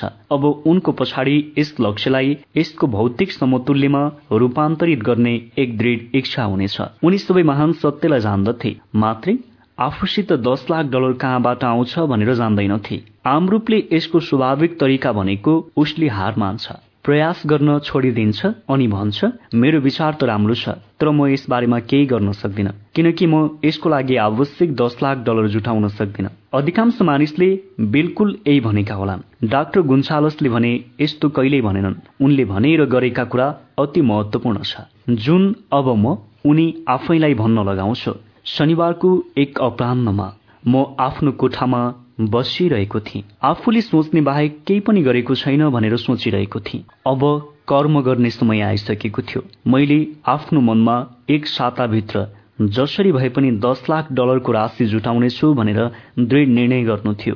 एक निश्चित समय सीमामा धनराशि जुटाउनु महत्वपूर्ण कुरा थियो। म समय सीमाभित्र धनराशि जुटाउने निर्णयमा पुग्दा मलाई एउटा आश्चर्यजनक राहत मिल्यो। यस्तो मलाई पहिले कहिल्यै महसुस भएको थिएन। म भित्र मानौ कोही बोलिरहेको थियो। तिमी यस निर्णयमा धेरै पहिले किन पुगेनौ? यो धनराशिले तिमीलाई लामो समयदेखि पर्खिरहेको छ। घटना तेज रूपमा घट्यो। मैले केही पत्रकारलाई बोलाएँ र अर्को बिहान प्रवचन दिनेछु भनेर घोषणा गरे। प्रवचनको शीर्षक बताए यदि मसित दस लाख डलर भएको खण्डमा मैले के गर्नेछु? म तत्कालै प्रवचन गर्नको तयारीमा जुटे। म तपाईँलाई साँचो कुरा बताउँछु प्रवचन तयार गर्ने काम गाह्रो थिएन। यसको त मैले लगभग दुई वर्षदेखि तयार गरिरहेको थिएँ। आधा रात हुनुभन्दा पहिले मैले प्रवचन लेख्न समाप्त गरेँ। त्यसपछि म ओछ्यानमा गएँ। विश्वासको अनुभूतिसहित सुते मैले देख्न सकिरहेको थिएँ मसित दस लाख डलर उपस्थित थियो। म त्यसको स्वामी थिएँ। भोलिपल्ट बिहान म चाँडै उठेँ। बाथरूम गएँ प्रवचन पढेँ आफ्नो घुँडा टेकेँ अनि आफैलाई सोधेँ के मेरो प्रवचनले कुनै आवश्यक धनराशि प्रदान गर्न सक्ने व्यक्तिको ध्यान आकर्षित गर्न सक्ला? मैले प्रार्थना गरिरहँदा मलाई पहिलाको जस्तै आश्वस्त गर्ने अनुभूति एकपटक फेरि भयो। आवश्यक धनराशि आउनेछ भन्ने विश्वास भयो। म अति रोमाञ्चित थिएँ। मैले प्रवचन नोट ल्याउन भुलेछु। श्रोताको सामुन्य उभिएर त्यसलाई सुरु गर्न तयार नहुँदासम्म मलाई यो कुरा थाहा भएन। अब आफ्नो नोट्स ल्याउने समय थिएन तर त्यसलाई घरमा बोलेर आउनु मेरो लागि वरदान प्रमाणित भयो। नोट्सको सट्टा अवचेतन मस्तिष्कले मलाई मेरो आवश्यकताको सामान प्रदान गर्यो। म आफ्नो प्रवचन सुरु गर्नको लागि उभिएँ। आफ्नो आँखा बन्द गरे। आफ्नो सपनाको बारेमा आत्माबाटै बोले। मैले न केवल श्रोतासित कुराकानी गरे बरु मलाई लाग्छ मैले ईश्वरसँग पनि कुरा गरेँ। यदि यति धन मेरो हातमा राखिदिएको खण्डमा म दस लाख डलरले के गर्न सक्थेँ भनेर बताइदिएँ। मैले मेरो मस्तिष्कमा भएको योजना विस्तारपूर्वक भने मैले कसरी महान शैक्षिक संस्था बनाउन गइरहेको छु भन्ने बारेमा बताएँ। त्यस संस्थामा युवा व्यक्तिले व्यवहारिक कुरा गर्न सिक्नेछन् र उनीहरूको मस्तिष्कको विकास पनि हुनेछ भनेर सुनाए। मैले भाषण समाप्त गरेर बस्दै गर्दा पछाडिको तेस्रो पंक्तिबाट एकजना व्यक्ति बिस्तारै आफ्नो कुर्सीबाट उठ्यो र मतर्फ बढ्यो। उसले आफ्नो हात बढाउँदै भन्यो मलाई तपाईँको प्रवचन मन पर्यो। आफूले बोल्नुभएका कुरा तपाईँले वास्तवमै गर्न सक्नुहुन्छ भन्ने मलाई पुरै विश्वास छ। अवश्य पनि तपाईँसित दस लाख डलर हुनेछ। मलाई तपाईँको प्रवचनमा विश्वास छ भनेर सिद्ध गर्नको लागि म तपाईँलाई दस लाख डलर दिन सक्छु। यदि तपाईँ भोलि बिहान मेरो कार्यालयमा आउनुभयो भने मेरो नाम फिलिप डी आर्मर हो। युवा गुन्सालस मिस्टर आर्मरको कार्यालयमा गए। त्यहाँ उनलाई दस लाख डलर प्राप्त भयो। त्यस धनराशिबाट उनले आर्मर इन्स्टिच्युट अफ टेक्नोलोजी स्थापना गरे जुन अहिले एलिनियो अफ टेक्नोलोजीको नामले चिनिन्छ। यो दस लाख डलर उनीसित एक विचारको परिणामको रूपमा आयो। यस विचारको पछाडि एक इच्छा थियो जसलाई युवा गुन्सालसले आफ्नो मस्तिष्कमा लगभग दुई वर्षदेखि पालिरहेका थिए। यस महत्वपूर्ण तथ्यमाथि ध्यान दिनुहोस्। उनी आफ्नो मस्तिष्कमा निश्चित निर्णयमा पुगे। उनले यसलाई प्राप्त गर्ने एउटा निश्चित योजना अनुसरण गर्ने निर्णय गरे। त्यसको छत्तीस घण्टा पछाडि नै उनले त्यो धनराशि पनि प्राप्त गरे। दस लाख डलरको बारेमा युवा गुन्सालसको अस्पष्ट चिन्तन र झिनो आशाको बारेमा नयाँ वा अद्भुत केही छैन। त्यसभन्दा पहिले र त्यस पश्चात पनि धेरै मानिसको मनमा यस प्रकारको विचार आएको थियो। तर त्यस अविस्मरणीय शनिबार उनी आफ्नो निर्णयमा पुगे। त्यो निर्णय केही भिन्न र अभूतपूर्व थियो। त्यसबेला उनले आफ्नो अस्पष्टतालाई हटाइदिए र निश्चितपूर्वक भने एक रातमा मैले यो धनराशि जुटाउनेछु। योभन्दा पनि ठूलो कुरा त डाक्टर गुन्सालसलाई दस लाख डलर दिलाएको सिद्धान्त आज पनि जीवित छ। यो सिद्धान्तले तपाईँको लागि पनि काम गर्न सक्छ। यो शाश्वत नियमले त्यस युवा धर्मोपदेशकको समयमा जत्तिकै आज पनि काम गर्छ। विचारलाई नगदमा रूपान्तरित कसरी गर्ने? आशा क्याडलर र डाक्टर फ्याङ्कको बीचमा एउटा कुरा सामान्य थियो। दुवैले निश्चित लक्ष्य र योजना शक्तिद्वारा विचारलाई नगदमा बदल्न सकिन्छ भन्ने सत्यलाई जान्थे। केही मानिस केवल कडा मेहनत र इमान्दारिताले सम्पन्नता आउँछ भन्ने सोच्छन्। यदि तपाईँ पनि यस कुरामाथि विश्वास गर्नुहुन्छ भने यस विचारलाई आफ्नो मस्तिष्कबाट निकालिदिनुहोस्। यो कुरा साँचो होइन। धन निश्चित मागको प्रतिक्रिया स्वरूप प्राप्त हुन्छ। यो केही निश्चित सिद्धान्तको प्रयोगमा आधारित छ जसलाई भाग्यसँग कुनै लेनदेन छैन। आम रूपमा विचारले कल्पनाको सहारा लिएर कर्मलाई प्रेरित गर्छ। सबै अनुभवी सेल्सम्यानलाई जहाँ सामान बेच्न सक्दैन त्यहाँ विचार बेच्छ भन्ने थाहा हुन्छ। औषध सेल्सम्यान यस कुरालाई जान्दैनन् त्यसैले उनीहरू औषध सेल्सम्यान हुन्छन्। कम मूल्यका पुस्तकको एक प्रकाशकले एउटा खोज गरे जुन आम रूपले सबै प्रकारका मानिसका लागि महत्वपूर्ण प्रमाणित हुन सक्छ। उनले केही मानिस पुस्तकको भित्रको शब्दलाई खरिद गर्दैनन् बरु उनीहरू शीर्षक खरिद गर्छन् भनेर सिके। त्यस बेलासम्म उनको एउटा पनि पुस्तक बिक्रिरहेको थिएन। उनले पुस्तकको शीर्षक बदल्दा पुस्तकको बिक्री दस लाख प्रतिभन्दा बढी भयो। ध्यान दिनुहोस् पुस्तक भित्रको सामग्री अलिकति पनि परिवर्तन गरिएको थिएन। उनले केवल पुस्तकको कभर बदलिदिएका थिए अनि पुस्तकको नयाँ शीर्षक राखिदिएका थिए जुन आकर्षक थियो। बुक बिक्रीको यस्तो परिवर्तन एउटा विचारकै प्रतिफल हो। विचारको कुनै औसत वा निर्धारित मूल्य हुँदैन। विचारको रचनाकारले आफैले आफ्नो मूल्य तय गर्छ। यदि त्यो चुस्त भएको खण्डमा उसलाई मूल्य प्राप्त हुन्छ। व्यवहारिक दृष्टिले प्रत्येक सम्पन्नताको कथा त्यस दिनबाट सुरु हुन्छ। विचारको एक रचयिता र विक्रेता जम्मा हुन्छन्। मिलेर काम गर्छन्। कार्नेगीले आफ्नो वरिपरि आफूले गर्न नसक्ने खालका काम गर्ने मानिस जम्मा गरेका थिए। करोडौं मानिस जिन्दगीभर ब्रेक वा मौकाको खोजीमा रहन्छन्। हुन सक्छ उनीहरूलाई भाग्यवश कुनै मौका प्राप्त हुन्छ। तर सबभन्दा सुरक्षित योजना भनेको भाग्यको भरोसामा हातमा हात बाँधेर नबस्नुहोस्। मलाई एउटा सुनौलो मौका प्राप्त भयो जसबाट मलाई मेरो जीवनको सबभन्दा ठूलो अवसर मिल्यो। पच्चिस वर्षको लगनपूर्वक गरिएको प्रयास पश्चात यो अवसर मेरो पुँजी बन्न सक्यो। मलाई एउटा सुनौलो मौका प्राप्त भयो जसबाट मलाई मेरो जीवनको सबभन्दा ठूलो अवसर मिल्यो। पच्चिस वर्षको लगनपूर्वक गरिएको प्रयास पश्चात यो अवसर मेरो पुँजी बन्न सक्यो। यो एउटा मौका थियो। मैले एन्ड्रयू कार्नेगीसित भाग्यवश भेटेँ। मलाई उनको सहयोग प्राप्त भयो। त्यस अवसरमा कार्नेगीले मेरो मस्तिष्कमा विचारको बीज रोपिदिए त्यो बीज थियो म उपलब्धिको सिद्धान्तलाई सफलताको फिलोसफीको रूपमा व्यवस्थित गरौं। पच्चिस वर्षसम्म भएको शोधमा जुन खोज भएको छ त्यसबाट हजारौं मानिसले लाभ उठाएका छन्। केही मानिस यस फिलोसफीलाई अप्नाएर धनी बनिसकेका छन्। उनीहरूको शुरूआत सजिलो थियो। त्यो एउटा विचार थियो यसलाई जोसुकैले पनि विकसित गर्न सक्छ। मलाई सहायता दिने अवसर कार्नेगीबाट प्राप्त भएको थियो। तर लगन निश्चित लक्ष्य लक्ष्यलाई प्राप्त गर्ने इच्छा र पच्चिस वर्षको लगनको के कुनै अर्थ छैन त? त्यो कुनै सामान्य इच्छा थिएन? जुन यति निराशा मानिसद्वारा निरुत्साहितता अस्थायी पराजय आलोचना र समयको बर्बादीको बावजुद बनिरह्यो। त्यो एउटा तीव्र इच्छा थियो। मेरो मस्तिष्कमा यस्तो विचार कार्नेगीले रोपेपछि यसलाई जीवन्त बनाउनका लागि मनाइयो। यसलाई हेरचाह गरियो आकर्षित गरियो। बिस्तारै बिस्तारै यो आफ्नै शक्तिले शक्तिशाली बन्यो। यसले पछि मलाई मनायो मेरो हेरचाह गर्यो मलाई प्रेरित गर्यो। पहिले तपाईँ विचारलाई काम र मार्गदर्शन दिनुहुन्छ पछि त्यो आफै शक्तिशाली बन्न जान्छ। आफ्नो बाटोको तमाम अवरोध हटाइदिन्छ। विचार अमूर्त शक्ति हो। यसमा जसबाट यो उत्पन्न हुन्छ त्यो भौतिक मस्तिष्कभन्दा धेरै शक्ति हुन्छ। यसमा जीवित रहिरहने शक्ति हुन्छ। यो शक्ति बनिरहँदा यसलाई जन्म दिने मस्तिष्क हराइसकेको हुन्छ।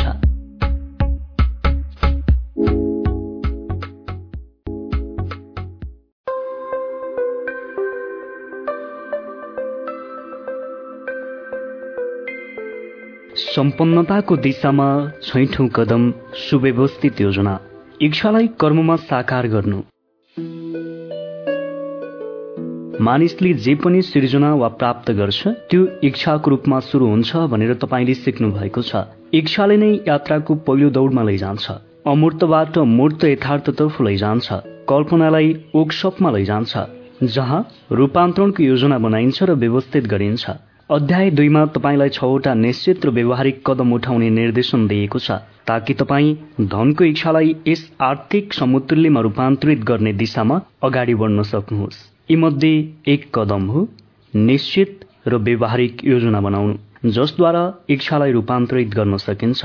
अब तल तपाईँलाई व्यवहारिक योजना कसरी बनाउने भनेर निर्देशन दिन लागि छ। धन कमाउने योजना बन्न र पूरा हुनमा तपाईँलाई आवश्यक पर्ने मानिसको समूह बनाउनुहोस्। आउने अध्यायमा बताइएको तरिकाले मास्टर माइन्ड सिद्धान्तको प्रयोग गर्नुहोस्। त्यस निर्देशनको पालना गर्नु बिल्कुल अनिवार्य छ। यस कुरामा शङ्कै नगर्नुहोस्। दुई मास्टर माइन्ड समूह बनाउनुभन्दा पहिले तपाईँ आफ्नो समूहको सदस्यलाई सहयोगको बदलामा के लाभ दिन सक्नुहुन्छ भनेर निर्णय गर्नुहोस्। कुनै पनि व्यक्तिले फाइदा बिना पछिसम्म काम गर्दैन। कुनै पनि समझदार व्यक्तिले पर्याप्त लाभ बिना दोस्रो व्यक्तिसित काम गर्ने आग्रह वा आशा पनि गर्दैन। लाभ सधैँ धनको रूपमा लागू नहुन सक्छ। तीन सातामा कमसे कम दुई पटक या जति सम्भव हुन्छ आफ्नो मास्टरमाइन्ड समूहको सदस्यसित भेट गर्नुहोस्। यो क्रम धन कमाउनको लागि आवश्यक योजना पूर्ण रूपले नभन्दासम्म जारी राख्नुहोस्। चार आफ्नो मास्टरमाइन्ड समूहको प्रत्येक सदस्यसित तपाईँको तालमेल आदर्श हुनुपर्छ। यदि यस निर्देशनलाई पूर्ण रूपले पालना गर्नुहुन्न भने तपाईँ असफल बन्न सक्नुहुन्छ। मास्टर सिद्धान्त पुरै तालमेल नभएको ठाउँमा सफल हुन सक्दैन। यी तथ्यलाई आफ्नो मस्तिष्कमा राख्नुहोस्। पहिलो तपाईँ आफ्नो लागि एक अत्यन्त महत्वपूर्ण काममा संलग्न हुनुहुन्छ। सफलता सुनिश्चित गर्नको लागि तपाईँसित त्रुटिहीन योजना हुनुपर्छ। दोस्रो तपाईँले दोस्रोको अनुभव शिक्षा प्राकृतिक योग्यता र कल्पनाको लाभ प्राप्त गर्नुपर्छ। यो त्यस तरिकासित मेल खान्छ जसको अनुसरण गरेर प्रत्येक निर्धन व्यक्तिले धन कमाएका छन्। अन्य व्यक्तिको सहयोग बिना कुनै पनि व्यक्तिमा धन सुनिश्चित हुने जति अनुभव शिक्षा जन्मजात योग्यता र ज्ञान हुँदैन। धन कमाउने आफ्नो प्रयासमा तपाईँले जुनसुकी योजनालाई प्रयोगमा ल्याउनुहोस्। तर योजना तपाईँ र तपाईँको मास्टर माइन्ड समूहको प्रत्येक सदस्यको संयुक्त रचना हुनुपर्छ। तपाईँ आफ्नो मस्तिष्कबाट निस्किएको योजनालाई आंशिक वा पूर्ण रूपले बनाउन सक्नुहुन्छ। त्यस योजनालाई तपाईँको मास्टर माइन्ड समूहको सदस्यद्वारा जाँच्नु र स्वीकार गर्नुपर्छ भन्ने जरुरी छैन। पहिलो योजना असफल भयो भने अर्को योजना अप्नाउनुहोस्। यदि तपाईँद्वारा बनाइएको पहिलो योजनाले सफलतापूर्वक काम गरेन भने त्यसको ठाउँमा एउटा नयाँ योजना ल्याउनुहोस्। यदि नयाँ योजनाले पनि काम गरेन भने फेरि अर्को नयाँ योजना ल्याउनुहोस्। काम गर्ने खालको योजना नमिलेसम्म यस्तो गरिरहनुहोस्। यही बिन्दुमा अधिकांश मानिस असफल हुने गर्छन्। कारण हो उनीहरूमा असफल योजनाको ठाउँमा नयाँ योजना बनाउने लगनको अभाव हुन्छ। संसारको सबभन्दा बुद्धिमान व्यक्ति पनि धन कमाउने वा कुनै अरू काममा सफल हुन नसक्दा योजना व्यवहारिक र प्रयोगमा ल्याउन योग्य नहुने गरेको देखिन्छ। यस तथ्यलाई आफ्नो मस्तिष्कमा राख्नुहोस्। अल्पकालीन पराजय स्थायी असफलता होइन। यसको अर्थ हो तपाईँ जुन योजनाको काम गरिरहनु भएको थियो त्यो दमदार र त्रुटिहीन थिएन। त्यसैले अर्को योजना बनाउनुहोस्। एकपटक फेरि काम सुरु गर्नुहोस्। अल्पकालीन पराजयको एउटा अर्थ हुन्छ त्यो हो तपाईँको योजनामा कुनै खास किसिमको ज्ञानको कमी थियो। लाखौं करोडौं मानिसले गरिबी र दुःखले भरिएको जीवन बिताउँछन् किनकि उनीहरूसित कुनै दमदार योजना हुँदैन। जसद्वारा उनीहरूले धन कमाउन सकुन्। योजना जति दमदार हुन्छ तपाईँको उपलब्धि त्यति नै हुन्छ। आफ्नो मैदान नछोडेसम्म कुनै पनि मानिसले हारेको हुँदैन। आफ्नो मनमा हिम्मत नहारेसम्म हारेको हुँदैन। पहिलो पटक पूर्वदेखि पश्चिमसम्म रेलवे लाइन बनाउन आवश्यक पुँजी जुटाउने प्रयास गर्दा जेम्स जे हिलले अल्पकालीन पराजयको सामना गर्नु पर्यो पछि उनले नयाँ योजनाद्वारा आफ्नो पराजयलाई विजयमा बदलिदिए। हेनरी फोर्डले पनि अल्पकालीन पराजयको सामना गर्नु पर्यो अटोमोबाइलमा आफ्नो काम सुरु गर्दा मात्रै उनले पराजय भोग्नु परेन। पछि धेरै उचाइमा पुग्दा पनि भोग्नु पर्यो त्यसबेला उनले नयाँ योजना बनाए र आर्थिक विजयतर्फ एउटा लामो फड्को मारे। हामी धेरै धन कमाएका मानिसलाई देख्छौँ प्राय उनीहरूको विजय मात्र देख्न सक्छौँ। उनीहरूको अल्पकालीन पराजयलाई गलत रूपमा सोच्छौँ जसलाई पार गरेरै उनीहरू त्यस स्थितिमा पुग्न सफल भए। यस दर्शनको कुनै पनि अनुयायीले उनीहरूलाई अल्पकालीन पराजयको अनुभव बिना प्रशस्त धन मिल्नेछ भनेर आशा गर्दैनन्। पराजयलाई आफ्नो योजना दमदार नभएको संकेतको रूपमा मान्नुहोस्। यदि आफ्नो लक्ष्यसम्म पुग्नुभन्दा पहिले प्रयास गर्न छोड्नुभयो भने तपाईँ डरपोक हुनुहुन्छ। डरपोकले कहिले जित्दैन विजय मानिस कहिले भाग्दैन। यस कुरालाई एक इन्च अग्लो अक्षरमा कागजको एउटा टुक्रामा लेख्नुहोस्। प्रत्येक रात सुत्नुभन्दा पहिले र प्रत्येक बिहान उठे पश्चात देख्न सक्ने ठाउँमा राख्नुहोस्। आफ्नो मास्टरमाइन्ड समूहको सदस्यलाई छनौट गर्न सुरु गर्नुहुँदा पराजयलाई गम्भीरतापूर्वक नलिने मानिसलाई छनौट गर्ने प्रयास गर्नुहोस्। केवल पैसाले नै पैसा कमाउन सकिन्छ भनेर मानिसहरू मूर्खतावश विश्वास गर्छन्। यो साँचो होइन। प्रबल इच्छा मात्रै त्यो माध्यम हो जसद्वारा पैसा कमाउन सकिन्छ। तपाईँ आफ्नो प्रबल इच्छालाई यहाँ बताइएका सिद्धान्तको मद्दतले यसको आर्थिक समतुल्यमा रूपान्तरित गर्न सक्नुहुन्छ। धन आफैमा केही पनि होइन।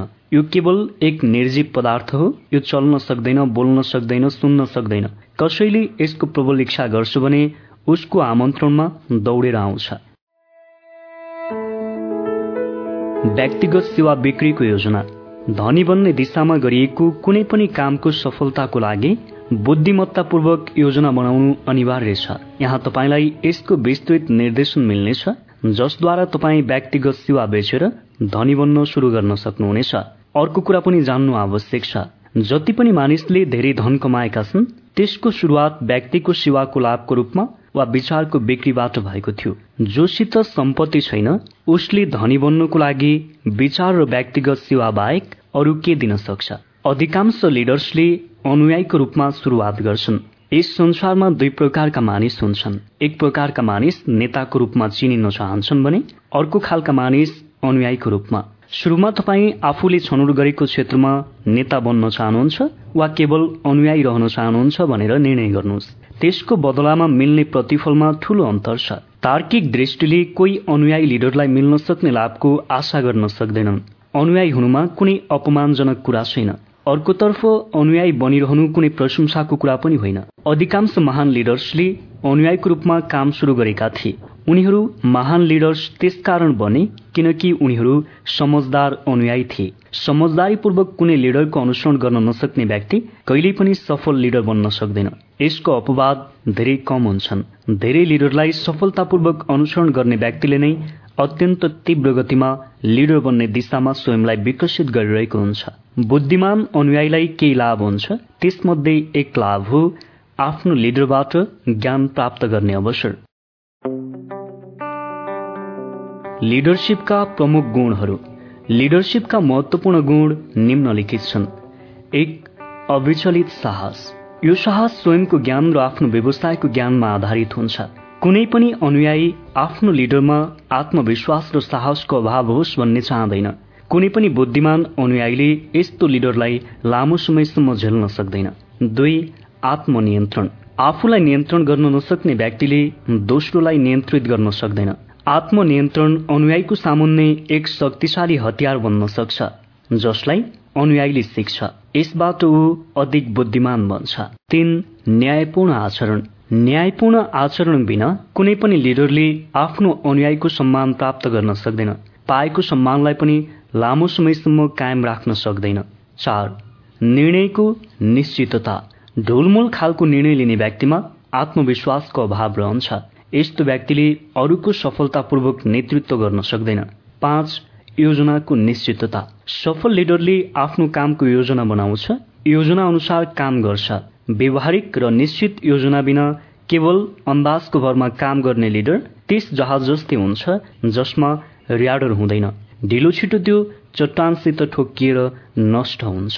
छ प्राप्त भएभन्दा बढी दिने बानी। आफ्ना अनुयायीले आशा गरे भन्दा धेरै स्वेच्छाले दिनको लागि ऊ तयार हुनुपर्छ। सात सहानुभूति र सोझबुझ सफल लिडरले आफ्ना समर्थकप्रति सहानुभूति राख्नुपर्छ। यति मात्र होइन। यसले अनुयायी र आफ्नो समस्याप्रति सोझबुझ राख्नुपर्छ। आठ सुखद व्यक्तित्व। लापरवाही गर्ने कुनै पनि व्यक्ति सफल लिडर बन्न सक्दैन। लिडरसिपको निमित्त सम्मान चाहिन्छ। अनुयायीले सुखद व्यक्तित्वको लागि चाहिने सबै तत्वमा राम्रो अङ्क प्राप्त नहुने लिडरलाई सम्मान गर्दैन। नौ वितरणको कुशलता।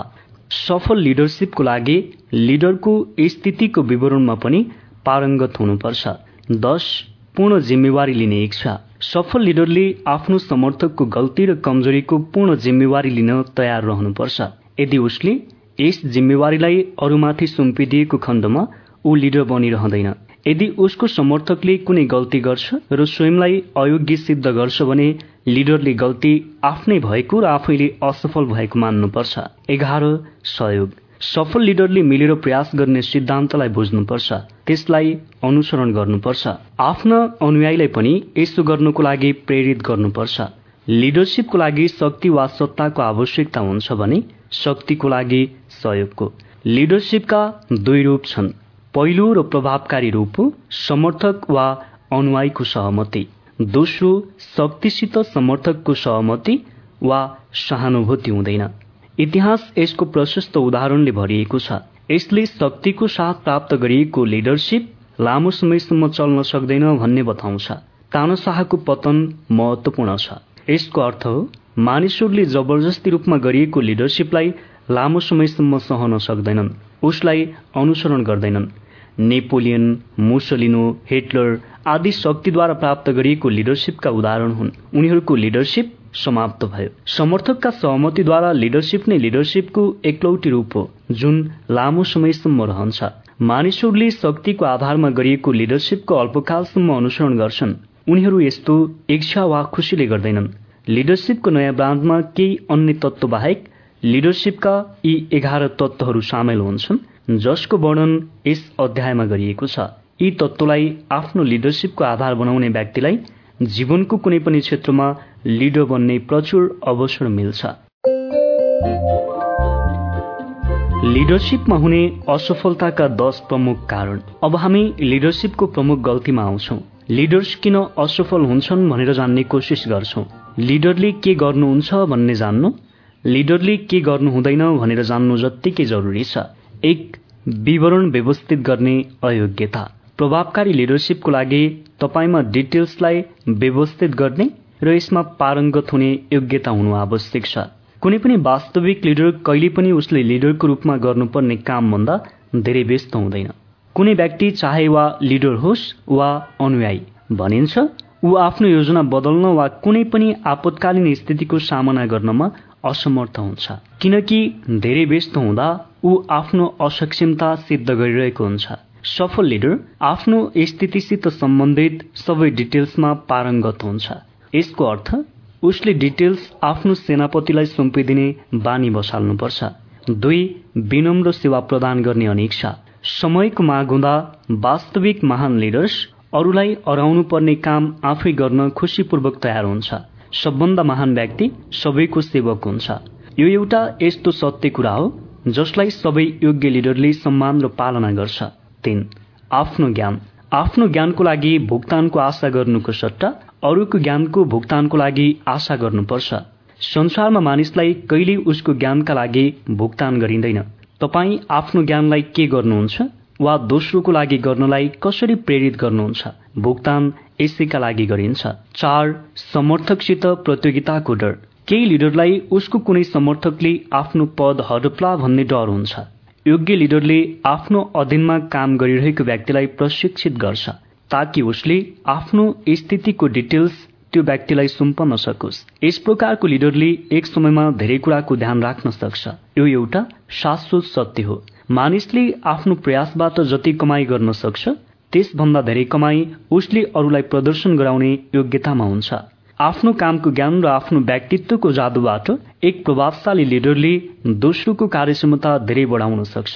उसलाई धेरै र राम्रो सेवा दिनको लागि प्रेरित गर्न सक्छ।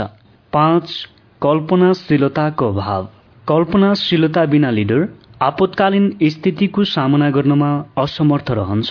आफ्नो समर्थकको प्रभावकारी मार्गदर्शन गर्ने योजना बनाउन कहिल्यै सक्दैन। छ स्वार्थ। आफ्नो समर्थकको कामको सारा श्रेय आफैले लिने लिडरसँग सबै चिडिन्छन्। वास्तविक महान लिडरले कहिले पनि श्रेय लिने प्रयास गर्दैन। उसले सबै सम्मान र श्रेय आफ्नो समर्थकलाई जान दिन्छ। उसलाई अधिकांश मानिसले प्रशंसा र प्रतिष्ठाको लागि यति कठोर काम गर्दैनन् भन्ने थाहा हुन्छ। सात असंयम। अनुयायीले असंयमी लिडरलाई सम्मान गर्दैन। यति मात्र होइन। उसले कुनै पनि रूपमा असंयमी व्यक्तिको सहनशक्ति र तेजस्वितालाई नष्ट गरिदिन्छ। आठ निष्ठाको अभाव। सायद यसलाई सूचीमा सबभन्दा पहिलो नम्बरमा राख्नु आवश्यक थियो। आफ्ना सहयोगी वरिष्ठ कनिष्ठ र आफ्नो कार्यप्रति इमान्दार नहुने व्यक्ति लामो समयसम्म लिडर बनिरहन सक्दैन। सात असंयम अनुयायीले असंयमी लिडरलाई सम्मान गर्दैन यति मात्र होइन।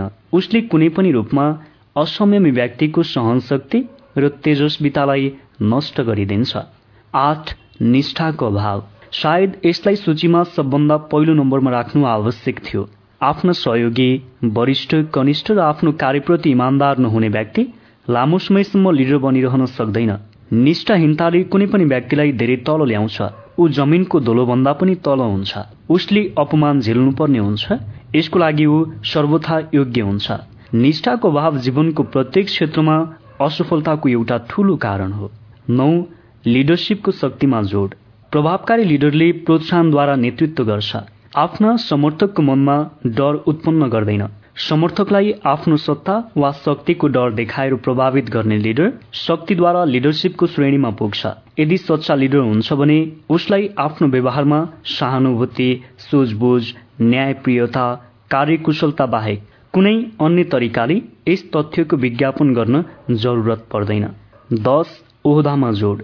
योग्य लिडरलाई आफ्नो समर्थकको सम्मान प्राप्त गर्नको लागि कुनै ओहदा वा पदवीको जरुरत हुँदैन। ओहदालाई महत्व दिने व्यक्तिसित आम रूपले महत्व दिनको लागि अरू केही हुँदैन। वास्तविक लिडरको अफिसको ढोका त्यहाँ प्रवेश गर्न चाहने सबैको लागि खुल्ला रहन्छ। उसको काम गर्ने स्थान औपचारिकता देखावटीबाट मुक्त रहन्छ। यो लिडरसिपमा हुने असफलताको सबभन्दा आम कारण हुन्। यी मध्ये कुनै पनि गल्ती तपाईँलाई असफल बनाउनको लागि पर्याप्त छ। यदि तपाईँ लिडर बन्न चाहनुहुन्छ र यी गल्ती गर्दिन भन्ने सुनिश्चित गर्नुहुन्छ भने यस सूचीलाई सावधानीपूर्वक अध्ययन गर्नुहोस्। केही उब्जाउ क्षेत्रमा नयाँ लिडरसिपको आवश्यकता पर्छ।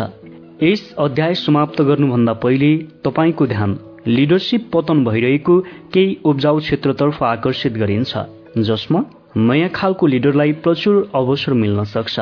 पहिलो राजनीतिको क्षेत्रमा नयाँ लिडरको प्रशस्त माग छ।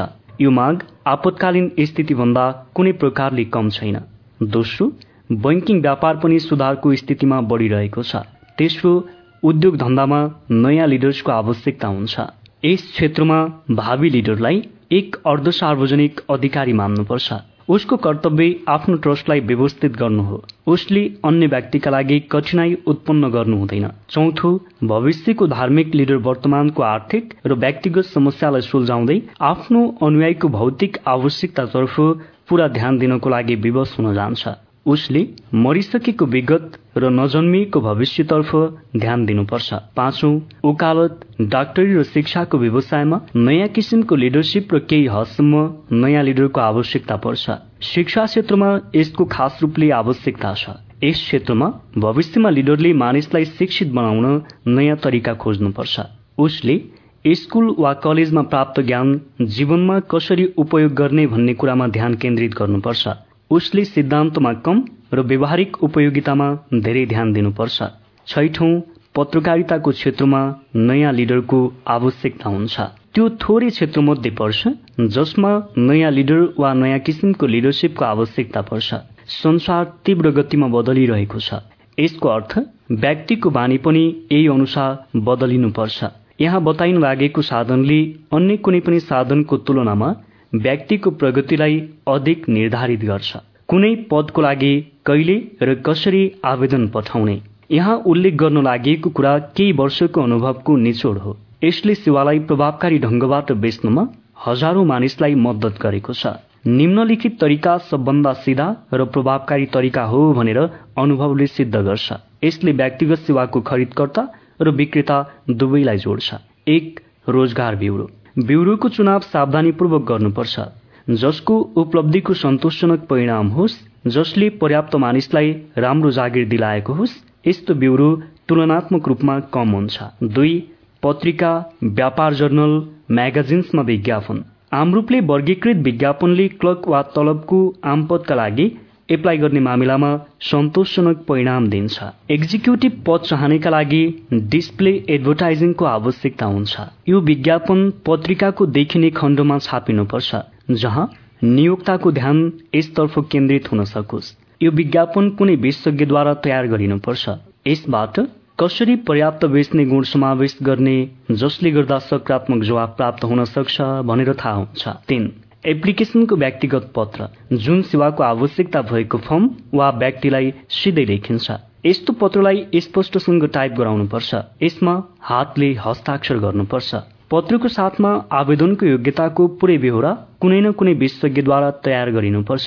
त्यसमा दिने जानकारीको लागि त्यससित सम्बन्धित निर्देशन पढ्नुहोस्। चार परिचितद्वारा व्यक्तिगत आवेदन। सम्भव भएसम्म आवेदनलाई कुनै साझा परिचितको माध्यमबाट सम्भावित नियुक्त कहाँ पठाउनुपर्छ? यस तरिकाले एक्जिक्युटिभ कनेक्सन चाहने र आफैले आफ्नो प्रशंसा गर्न नचाहने मानिसलाई विशेष लाभदायक हुन्छ।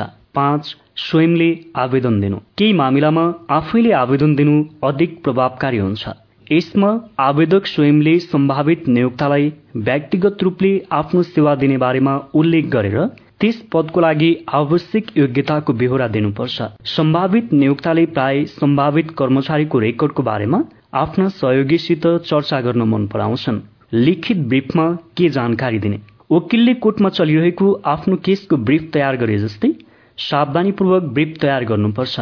यदि आवेदकलाई यस प्रकारको ब्रिफ तयार गर्ने अनुभव छैन भने विशेषज्ञको राय लिनु आवश्यक हुन्छ। सफल व्यवसायीले आफ्नो सामानको विशेषताको विज्ञापन गर्ने कला भएको र मनोविज्ञानलाई बुझ्ने मानिसलाई आफ्नो जागिरमा राख्छन्। जसलाई आफ्नो व्यक्तिगत सेवा बेच्नु छ उसले पनि यही गर्नुपर्छ। ब्रिफमा निम्न जानकारी समेटेको हुनुपर्छ। एक शिक्षा। संक्षेपमा तर स्पष्ट रूपले लेख्नुपर्छ आफ्नो शिक्षा आफूले कलेजमा विशेषज्ञता प्राप्त गरेको विषय र त्यस विशेषज्ञताको पछाडिको कारण पनि बताउनुपर्छ।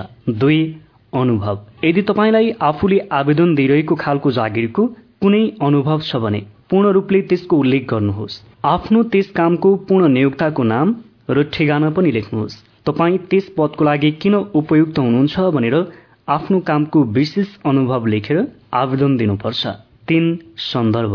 लगभग प्रत्येक व्यापारिक फर्मले जिम्मेवारी पदको लागि आवेदन दिने सम्भावित कर्मचारीको पछिल्लो रेकर्डका बारेमा सबै जान्न चाहन्छन्। आफ्नो ब्रिफको साथमा निम्न व्यक्तिको पत्रको फोटोकपी जोडिदिनुहोस्। अ पूर्व नियुक्त। आ तपाईँले पढ्नु भएको शिक्षक। यी प्रसिद्ध मानिस जसको कुरामा विश्वास गर्न सकिन्छ। चार आफ्नो फोटोग्राफ। ब्रिफको साथमा आफ्नो हालसालको फोटो टाँसिदिनुहोस्। पाँच कुनै निश्चित पदको लागि आवेदन दिनुहोस्। आवेदन दिने समयमा तपाईँले कुन पदको लागि आवेदन दिइरहनु भएको छ भनेर उल्लेख गर्नु नभुल्नुहोस्। कुनै पनि पदको लागि आवेदन दिनु भएन भने यसबाट तपाईँमा विशेषज्ञ ज्ञानको अभाव छ भन्ने स्पष्ट हुन्छ। छ। आफ्नो आवेदन दिएको पदको लागि आफ्नो योग्यताको वर्णन गर्नुहोस्। आफू त्यस पदको लागि पूर्ण रूपले योग्य भएको विश्वास जनाउने पुरै बेहोरा दिनुहोस्। यो तपाईँको आवेदनको सबभन्दा महत्वपूर्ण विवरण हो। कुनै पनि अन्य जानकारीको तुलनामा यसले तपाईँलाई छनौट गरिन्छ वा गरिँदैन भन्ने निर्धारित गर्छ। सात परीक्षणको लागि काम गर्ने प्रस्ताव राख्नुहोस्। यो एक क्रान्तिकारी सुझाव लाग्न सक्छ। अनुभवले सिद्ध गरे अनुसार यसबाट कमसे कम एउटा मौका मिल्न सक्छ। यदि आफ्नो योग्यतामा विश्वास छ भने तपाईँलाई केवल एउटा मौकाको आवश्यकता छ। यस प्रकारको प्रस्तावले तपाईँलाई आफूले आवेदन दिएको पदमा काम गर्ने आफ्नो योग्यतामा विश्वास छ भन्ने थाहा हुन्छ। यसबाट नियोक्ता सबभन्दा धेरै विश्वस्त हुन्छ। तपाईँको यस्तो प्रस्ताव यी कुरामा आधारित छ। अ तपाईँलाई त्यस पदको लागि आफ्नो योग्यतामा विश्वास छ।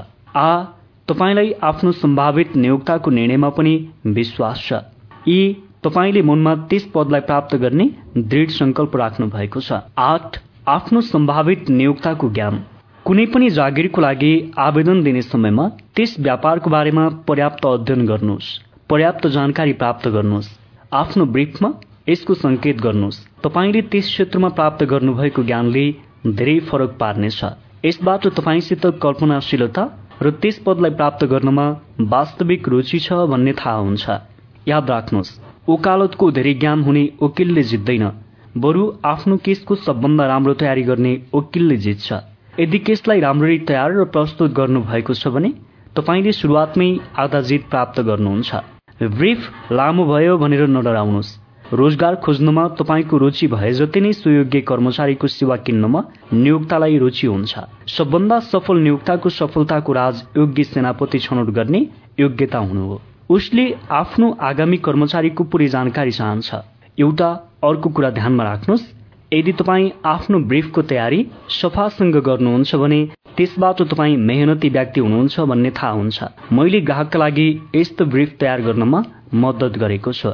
जुन अति प्रभावकारी र असाधारण थियो। नियोक्ताले आवेदकलाई व्यक्तिगत अन्तर्वार्ता बिनै जागिर दियो। तपाईँको ब्रिफ पूर्ण रूपले तयार भएपछि यसलाई राम्ररी टाइप गराउनुहोस्। प्रत्येक पटक तपाईँले ब्रिफ पठाउनु हुँदा कम्पनीको नाम बदल्नुहोस्। यस्तो व्यक्तिगत उपाय नियोक्ताको ध्यान आकर्षित गर्ने अचुक तरिका हो। आफ्नो ब्रिफलाई सबभन्दा राम्रो कागजमा टाइप गराउनुहोस्।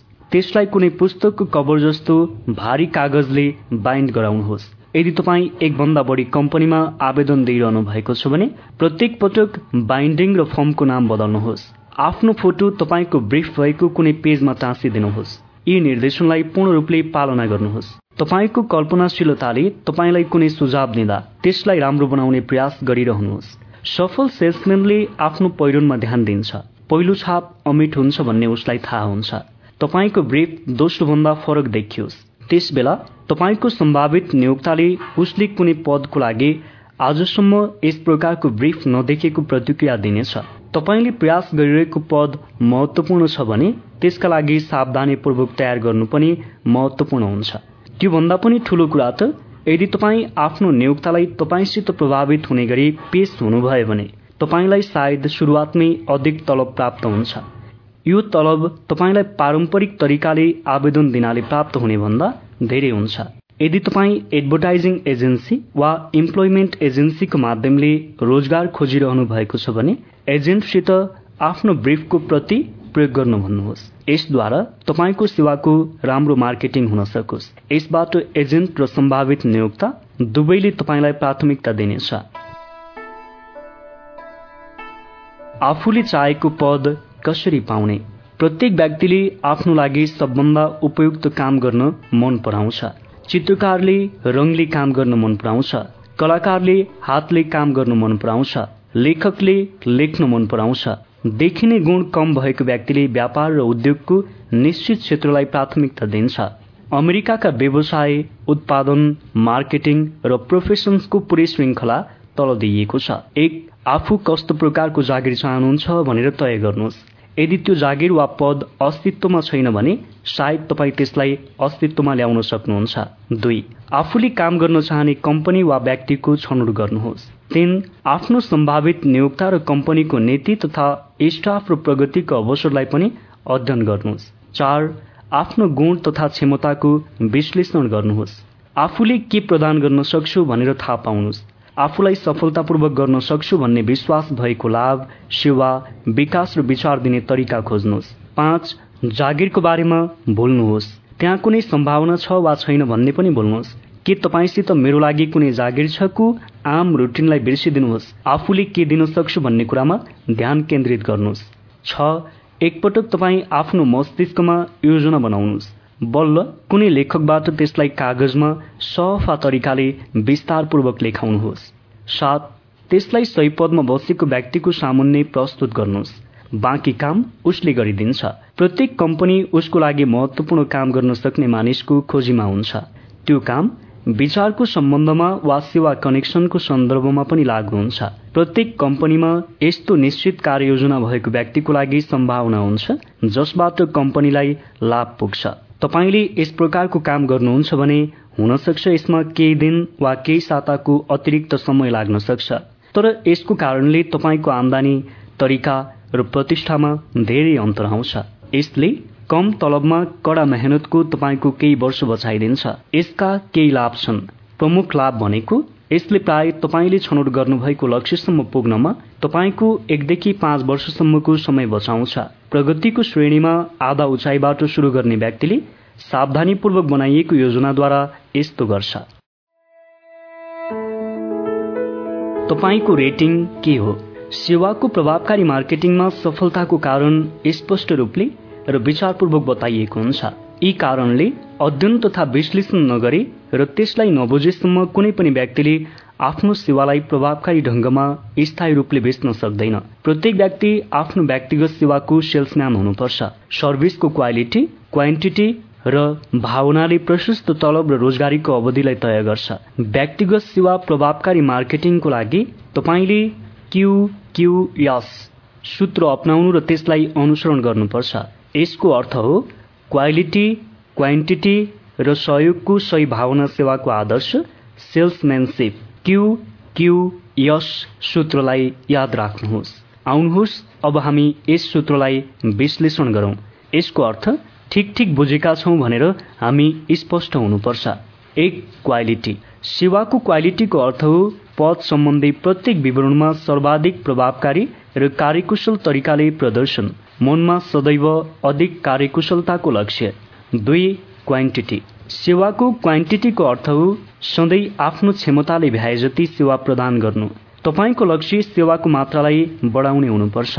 अभ्यास र अनुभवद्वारा तपाईँ आफ्नो क्षमता र निपुणतालाई विकसित गर्न सक्नुहुन्छ। एकपटक फेरि बानी शब्दमा जोड दिइँदैछ। तीन स्पिरिट सेवाको स्पिरिट या भावनाको अर्थ हो तालमेलको व्यवहार। जसबाट सहकर्मीको सहयोग प्राप्त गर्न सकियोस्। तपाईँको सेवाको क्वालिटी या क्वान्टिटी मात्रै तपाईँको सेवाको लागि स्थायी बजार बनाइराख्न पर्याप्त छ भन्ने कुरा महत्वपूर्ण तत्व हो। यसले केवल सेवाको बदलामा प्राप्त हुने भुक्तान मात्र प्रभावित हुँदैन। तपाईँको रोजगारीको अवधि पनि प्रभावित हुन्छ। एन्ड्रयू कार्नेगीले यस बिन्दुमा जोड दिएका थिए। उनको भनाइ अनुसार व्यक्तिगत सेवाको मार्केटिङमा सफलतातर्फ लैजाने तत्व बाँकी तत्वको तुलनामा सबभन्दा महत्वपूर्ण तत्व हो। उनले तालमेलको व्यवहारको आवश्यकतामा बारम्बार जोड दिए। तालमेल र सहयोगको भावनाले काम गर्न नसक्ने व्यक्ति चाहे उसको कामको क्वालिटी जतिसुकै प्रभावकारी होस् उसलाई जागिरमा राख्न चाहेनन्। उनले मानिसको प्रसन्नतामा विशेष जोड दिए। धनी बन्नको लागि सुखद व्यक्तित्व हुनु जरुरी छ। सुखद व्यक्तित्व त्यो हो जसको कारणले तपाईँ भावनापूर्वक सेवा गर्न सक्नुहुन्छ। यदि तपाईँको भावना सुखद छ र सद्भावले सेवा प्रदान गर्नुहुन्छ भने यस गुणको कारण सेवाको क्वालिटी र क्वान्टिटीको कमीको प्राय भरपाई हुन जान्छ। अन्य कुनै पनि कुराले सुखद व्यवहारको स्थान लिन सक्दैन। व्यक्तिगत सेवाको बिक्रीबाट आमदानी गर्ने व्यक्ति सामान बेच्ने व्यापारी जस्तै हो। सामान बेच्ने व्यापारीमा लागू भए जस्तै त्यस व्यक्तिमा पनि व्यवहारको त्यही नियम लागू हुन्छ। मैले यस कुरामा जोड दिनुको कारण छ। कारण हो सेवालाई बेचेर आजीविका गर्ने मानिसहरूमध्ये अधिकांश आफूलाई सामानको मार्केटिङ गर्ने व्यापारीलाई जस्तै व्यवहारको नियम लागू हुँदैन भन्ने कुरामा गल्ती गर्छन्। अब केवल जानुस् र लिनुहोस्। गो गेटरको समय गइसकेको छ। अब जानुस् र दिनुहोस्। गो गिभरको दिन आइसकेको छ। आफ्नो मस्तिष्कको वास्तविक पुँजीगत मूल्य के हो भन्ने कुरा तपाईँ आफ्नो सेवाको मार्केटिङद्वारा कमाउने आमदानीको मात्राद्वारा निर्धारण गर्न सक्नुहुन्छ। आफ्नो सेवाको पुँजीगत मूल्यको उचित अनुमान तपाईँ यस प्रकारले लगाउन सक्नुहुन्छ। आफ्नो वार्षिक आमदानीलाई सोह्र दशमलव छ छले गुणा गरिदिनुहोस्। तपाईँको आय तपाईँको पुँजीगत मूल्यको छ प्रतिशत हो। धनमा छ प्रतिशत प्रतिवर्ष ब्याज प्राप्त हुन सक्छ। धन मस्तिष्क भन्दा अधिक मूल्यवान हुँदैन। प्राय मस्तिष्क धनभन्दा अधिक मूल्यवान हुन्छ। योग्य मस्तिष्कलाई यदि प्रभावकारी ढंगले मार्केटिङ गरिएको खण्डमा यसले पुँजीभन्दा धेरै प्रभावकारी रूप देखाउँछ। यस्तो सामान बेच्ने व्यापारमा आवश्यक पनि हुन्छ। मस्तिष्क पुँजीको मन्दीको क्रममा स्थायी रूपले अवमूल्यनको शिकार नहुने रूप हो। न त पुँजीको यस रूपलाई चोरी नै गर्न सकिन्छ न त खर्च नै गर्न सकिन्छ। व्यापारको व्यवहारका लागि अनिवार्य धनलाई मस्तिष्कसम्म नजोडेसम्म यो धुलोको कण सरह हुन्छ। असफलताका एकतिसवटा प्रमुख कारणहरू छन्।